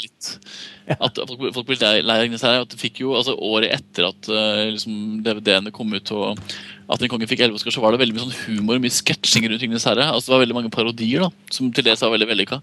Uh, så jeg tror altså, folk ble bare slett møkkalei av hele Ringenes herre, har jeg følelsen av. Jeg tror eh, det er, eg- eg- eg- Egentlig er det ganske lett å forstå det, selv om jeg ikke respekterer meningene. Altså, når folk sier at det, Nei, altså, det, så tenker jeg bare at det er dumt. Jeg, vet du hva, jeg, også, jeg øh, forstår også det veldig godt, og jeg respekterer det også blant folk flest. Men jeg syns det er mer provoserende når på en måte fagfolk skal sette seg ned og, og, og vurdere og på en måte altså da, da handler det ikke om at man skal ha gått lei av ting. Da bør man jo også prøve å være såpass vurderende at man tenker over hvilken betydning de filmene har hatt. Da. Derfor syns jeg det er eh, ganske skandaløst at den har blitt fremhevet på såpass få lister som har eh, som eh, fra det tiåret her. Og selvfølgelig, derfor er jeg jo ekstra glad for at montasje virkelig har gitt den største mulige anerkjennelse. Men nå har, vi har snakket sjokkerende lite om filmene nå, egentlig. Da. ja. og nå har det jo allerede blitt en ekstremt lang podkast, så vi har kanskje ikke så vanvittig mye tid igjen. Kan vi ikke snakke litt bare om hva det er som gjør dem så bra? Ja, hva, hva har du lyst til å si om det? kanskje? Nei, jeg, altså, jeg synes jo Jeg prøvde å si litt om det tidligere her i stad. Om at jeg syns det at det er et veldig sånn omsluttende univers som innenfor sine rammer er veldig realistisk og veldig troverdig, det er jo én ting. Eh, Det tror jeg ligger allerede i bøkene. at Det at Tolkien gjør så detaljert at han skapte dette språket til alvene og den, hele denne verden. Alt er liksom på plass. Hele universet der er definert innenfor sin egen verden. Alt fins, og det er realistisk. Og at Peter Jackson har på en måte klart å bevare det, mm, det Uten at jeg har lest bøkene, men liksom, det får meg veldig sterk følelsen av. Um, Det er jo ganske fantastisk. Det er ikke, man, kan, uh, man kan ikke like fantasy-sjangeren, man kan ikke orke lange filmer. man kan ikke orke ditt og Det er mange grunner til at mange ikke syns Ringenes herre er så fantastisk. Men det er veldig veldig få filmer, om det er én eller tre eller fem, eller hva som helst, som klarer å etablere et univers som man kan tro på og befinne seg i. Og være med i hele veien. Til og med filmer som foregår på, i, liksom, i Oslo, kan ha problemer med å få til å skildre Oslo. Eh, ikke sant? Det er jo ikke så lett. Men det at Ringenes herre er liksom til, til hvert altså, Nesten helt for hvert eneste film i løpet av de tre filmene, så befinner man seg i denne verden. Og så, og så i tillegg så, så, så foregår denne episke, fantastiske historien, som handler om så mye òg. nok en gang tilbake til tematikk, liksom. Det handler om vennskap og, og godhet og ondskap og Den, eh, den, den kommende Hobbit-trilogien er jo satt til Oslo i sin helhet. ja, det sier det. Det blir ikke en trilogi Martin. Ja, Den skal være i Frognerparken. Så det, Jeg vil jo si, altså, det, er veldig, det er veldig komplisert å snakke om Ringenes herre som filmer, men eh, det er jo snakk om musikken, da, for eksempel, som er kanskje det mest komplekse filmverk, filmmusikkverket som er laget. Eh, altså Howard Shore sin eh, dobbelt Oscar-vinnende. Som Jeg hører på den en dag i dag, eh, og jeg oppdager fortsatt nye sider ved den. Jeg skrev filmmusikkavhandling om musikken i sin tid på Blindern, og satte meg inn i alt som foregår som ikke man legger merke til da, i musikken. F.eks. at nesten alt har tekst. Altså synges i nesten samtlige spor. på en måte, Og da synges det en sånn parallellhistorie til filmen, da, som kanskje forteller om forhistorien til eh, Munti eller til Gandalf eller til akkurat det og det location eller den, den borgen eller det og det huset. Um, så musikken da, som et eksempel er jo alene vært en studie og er, var jo et fireårsarbeide av Howard Shore. Uh, som da etterpå har blitt en symfoni som nå reiser verden rundt og vinner masse priser. og det hele tatt. Så vet ikke, musikk som et eksempel da, på, på hvor eh, til fingerspissene det er gjennomført. da. En annen ting er at de har bygd, som Lars Ole snakker om, hvordan det ser ut visuelt. altså hvordan De har bygget opp, altså de går gjennom hele kunsthistorien, rett og slett. De går helt tilbake til liksom jernalder mot slutten med Baradur. Og før det så er de jo innom eh, både ja, eh, alle mulige varianter av gotisk eh, arkitektur og art nouveau som snakket om, og til og med en del litt sånn mer moderne ting. Så mm, det er utrolig mye å snakke om her da, i disse filmene. Det er så mange sider. Så rikt, rett og slett. En rik, rik film. Ja, og det er liksom av hver eneste disiplin da, som bidrar, eh, gjør noe helt absurd eh, flott. da. Altså være seg musikk, kostymer, scenografi eh, eh, Altså alt al- Og alle virkemidlene på en måte er Det er så samstemt, det er så helhetlig, og det er også på hver sin måte så hinsides imponerende. da. Og jeg også, så merker jeg også spilt denne filmmusikken uendelig mange ganger. Og den på en måte den, Det blir liksom en helt Jeg syns at alt i den filmen, også vurdert hver for seg, da, eh, blir sånn i særklasse. Det er liksom eh, hva, hva skal man komme på som på en måte og, da, og som jeg sier, det er så samstemt. da. Det er Alt bare bidrar for å fortelle historien. Det er ikke noe tull. Det er ikke noe slurv. Det er ikke, det er ikke en scene i ingenting i de filmene som ikke må, skal og bør være der. Og det er ingenting som ikke fungerer. Det er bare Og den forteller jo et fantastisk engasjerende eventyr, som, som også Karsten sier, først og fremst er, er en historie om vennskap. Og det er jo en av de fineste historiene om vennskap jeg vet om, i hvert fall. Og man blir jo virkelig Altså, man blir jo rørt til tårer, og vel så det, hver eneste gang man setter seg ned med dette helt enorme verket. Eh, fordi man man får så forhold til karakterene, og man kommer så inn i liksom i den verden de lever i. Man blir kjent med de, man deltar på en måte selv hele veien. Og da blir, ender man også opp med å bli fullstendig emosjonelt overveldet. På Mm. alle mulige måter. Men det er jo det spennende at de faktisk oppi alt det her teknisk suverene og visuelt veldig gjennomførte, så er det jo en veldig emosjonelt engasjerende trilogi. Altså, det er det som er det ypperste man kan si om det. at det bare, det her er jo faktisk, det her, Jeg har aldri, aldri, aldri hatt så mye klump i halsen og vært så nervøs og grått så mye som til Ringenes herre. da. Og det da etter liksom å ha sett det 50 ganger. Så det er, jo, altså, det er jo faktisk den mest emosjonelle opplevelsen jeg har hatt på film. Det er de tre filmene her. Ja, for meg også. Og så kan man snakke om enkeltscener. Altså, man kan snakke om enkeltscener som i seg selv er bare sånne regibragder. da, for eksempel. Man kan trekke ut sånne enkeltelementer og sitte og fokusere på det og snakke bare om det. Uh, men det er, det er jo, det her er så, det er så stort. da, Det er så forbi alt annet. Over alt annet. Det var en bra konklusjon, syns jeg.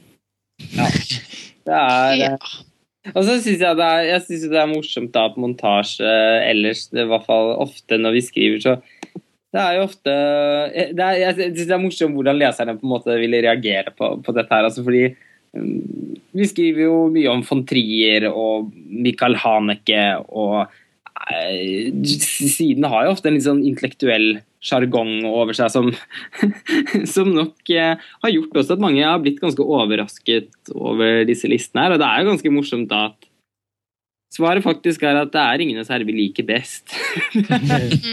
Bra! det er tro det eller ei. Så Det sier veldig mye Oh, ja. om hvor vi kommer. Ærlig sagt, det, altså. Det betyr at vi har et hjerte. Det jeg er bra. Men, men også når vi telt oss ned. Vi har eh, erklært våre, våre favorittfilmer for, for, for tiåret. Vi har jo um, Vi har jo også erkjent at vi bare har plukka ut eh, Altså, vi, vi, vi hadde bestemt oss vi måtte, vi måtte jo si et eller annet om hvorfor det bare var én eneste norsk film på lista vår over topp 100 fra siste tiår. Eh, vi har vi må, vi må, før vi legger på røret her, liksom, så må vi liksom si et par ord om det. Du skal ha en liten epilog? En liten epilog, rett og slett. Altså. Sorgens epilog nå- til eh, norsk film. Eh, Ja, altså, Rent sånn statistisk er det kanskje ikke så rart. Hvis vi har hele verden å ta av, og 100 filmer, så er jo så det er litt, det er litt tilfelle òg, da. Vi har jo på en måte ikke vært Vi har jo vært kyniske sånn sett. Vi har jo ikke eh, satt Norge i noen som helst særstilling her. Og Norge har jo hatt eh, utvilsomt kanskje sitt beste filmtid i år. Men med den magre filmhistorien vi har, så gjør jo det likevel ikke at disse filmene kan måle seg med, med de beste filmene i, i hele verden. Eh, Det er, eh, det, Ifølge oss da, så var det bare én film som kunne det. Men det var jo, og det snakket vi jo litt om tidligere i forbindelse med reprise, det var jo noen filmer som var ganske nærme, da. Sånn som 'Salme fra kjøkkenet' og, og 'De usynlige' og 'Den brysomme mannen' var jo alle filmer som på noe vis vaket litt, da. Etter å kunne komme altså, Skulle vi laget en topp 200-liste, så hadde nok de kommet med. Jeg, tenkte eh, på det. jeg tenkte litt på det da jeg skrev den omtalen for reprise, som ligger det ute nå i den delen av listen som ble publisert i dag. Så tenkte jeg liksom litt på at ja, dette er en, eh, en bra film på listen. eh, laget av en debutant som er norsk, og den foregår i Oslo. og det, det kunne jo på en måte vært en rumensk film. altså Det er, det er kommet utrolig mye bra rumensk film i løpet av det tiåret her, men ingen av de er representert på listen. Eh, det er mange små land som kanskje lager ganske bra film, men som ikke er representert. Så ja. Jeg må si at jeg faktisk etterlyser noe som jeg har tenkt på i ettertid. Jeg etterlyser Elling på lista. Uh, fordi at den var en norsk film som både var veldig bra, syns jeg, og som gjorde det bra rundt om i verden. Altså som, uh, som var viktig sånn sett for Norge. Uh, som, som gikk på italiensk TV, og folk var begeistra for den. type. Så det var en, som er sånn en tanke, en ettertanke. fra min Vi får på en måte håpe at det er tiåret som kommer, som vil være det store norske tiåret. ja. Vi kan ikke være for utålmodige heller. Men det er viktig å ta med seg litt hvorfor vi ikke har norske filmer på lista. Det handler jo egentlig, For meg så handler det egentlig bare om at det har vært mye bra film fra Norge de siste tiårene, men det har vært mye altså, det meste har vært ganske lett forglemmelig. da. Og det er for at Norsk film tør ikke å tematisere sin egen hverdag og tør ikke å tematisere sin egen historie. Og når norsk film begynner å ta grep og begynner å lage altså, relasjonsdramaer som faktisk har noen appell, da, og som handler om noe mer enn bare seg selv, så vil de havne på sånne lister som her. Men så lenge norsk film ikke gjør det, så, norsk, så vil norsk film bli veldig lett forglemmelig og veldig konvensjonell. Og det er egentlig derfor ikke jeg har stemt fra noen på topp 100. Fordi det mangler brodd, og det mangler personlighet i norsk film. det gjør det. Og det er, vi er pre- preget av altså vi, vi er så fornøyde med at vi endelig har klart å lage film, føler jeg. At vi har nådd et slags nivå av profesjonalitet, da. Som gjør at det i det hele tatt kan vises med en slags verdighet. Og det er jo kjempebra, da. At vi, at vi har kommet dit hen. Eh, men eh, det, Men det er liksom litt sånn Som gutten som har gått til logoped og lært seg å snakke rent eh, så betyr ikke det nødvendigvis at han har så mye interessant å si. Og, det har, og det føler jeg på en måte fortsatt ikke at norsk film har. Med visse unntak, selvfølgelig. Vi, vi har jo noen virkelig interessante folk. Men så har vi også denne veldig skoleflinke, liksom-dype filmen som jeg overhodet ikke klarer å anerkjenne i det hele tatt. Altså man, og, og vi har liksom Ja. Man, man så jo på de Rushprint hadde en kåring av de ti beste norske filmene fra dette tiåret. Og det var jo strengt tatt ikke en veldig imponerende liste. Altså, Når en film som Upper Dog kommer på en sånn liste, da, da syns jeg, da synes jeg det er ille. Hva sier dere? Jeg får håpe, håpe at det blir bedre nå. Håpe at, altså, det, er jo, det lover jo godt for neste tiår at uh, det er veldig mange talenter i norsk film. Virkelig. Håpe at det skapes rom for å kunne lage mer personlige historier og jobbe mer med visuelle uttrykk. Håper jeg. Og for å avslutte litt Og så skal får vi ta litt ansvar, alle vi, da.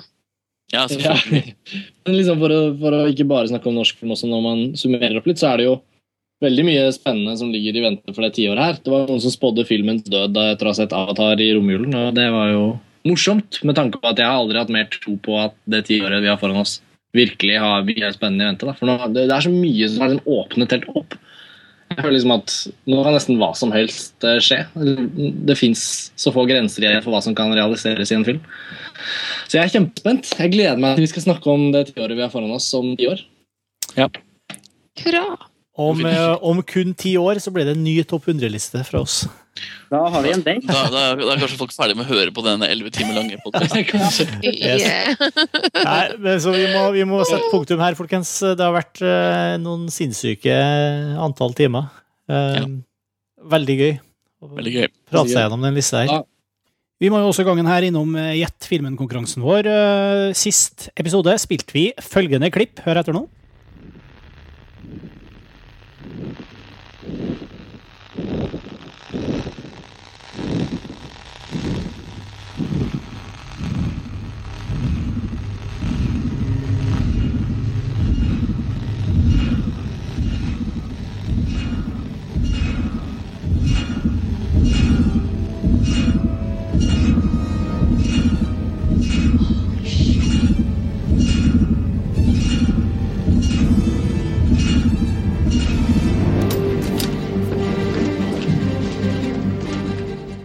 Og det klippet her var altså fra filmen Contact fra 1997, eh, regissert av Robert Zemeckis. En mann som absolutt ikke har hatt sitt sterkeste tiår nå, men uh, har gjort mye bra før.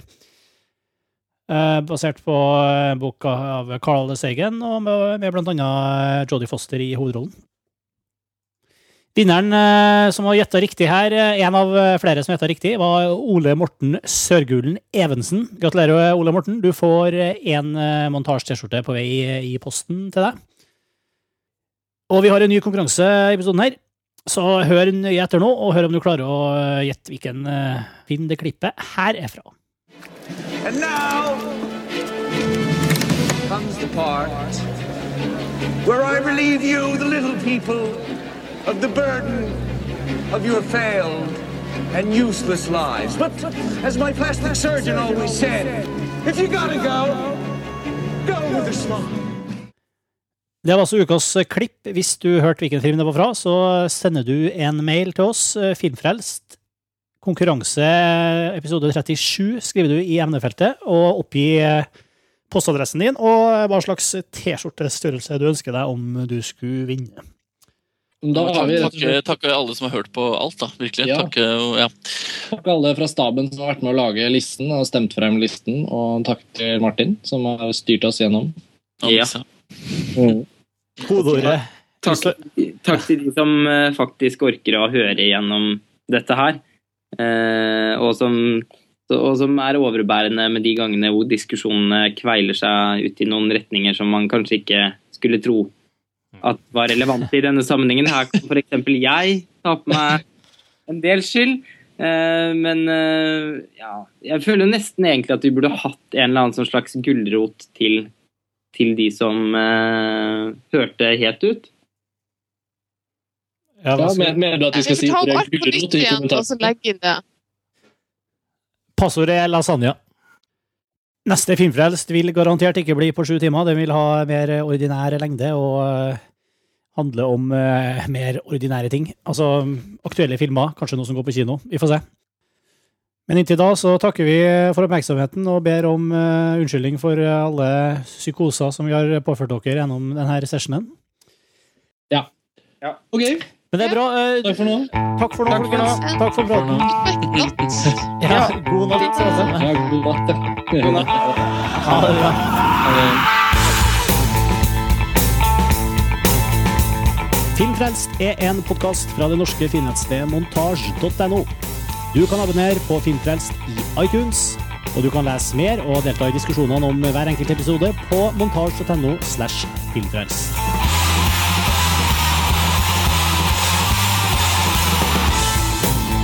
Filmfrelst distribueres nå også i samarbeid med Dagbladet, så du finner oss også på db.no slash film. Og musikken du hører nå, er fra det norske bandet Ping. Hør mer på thepinkpage.com.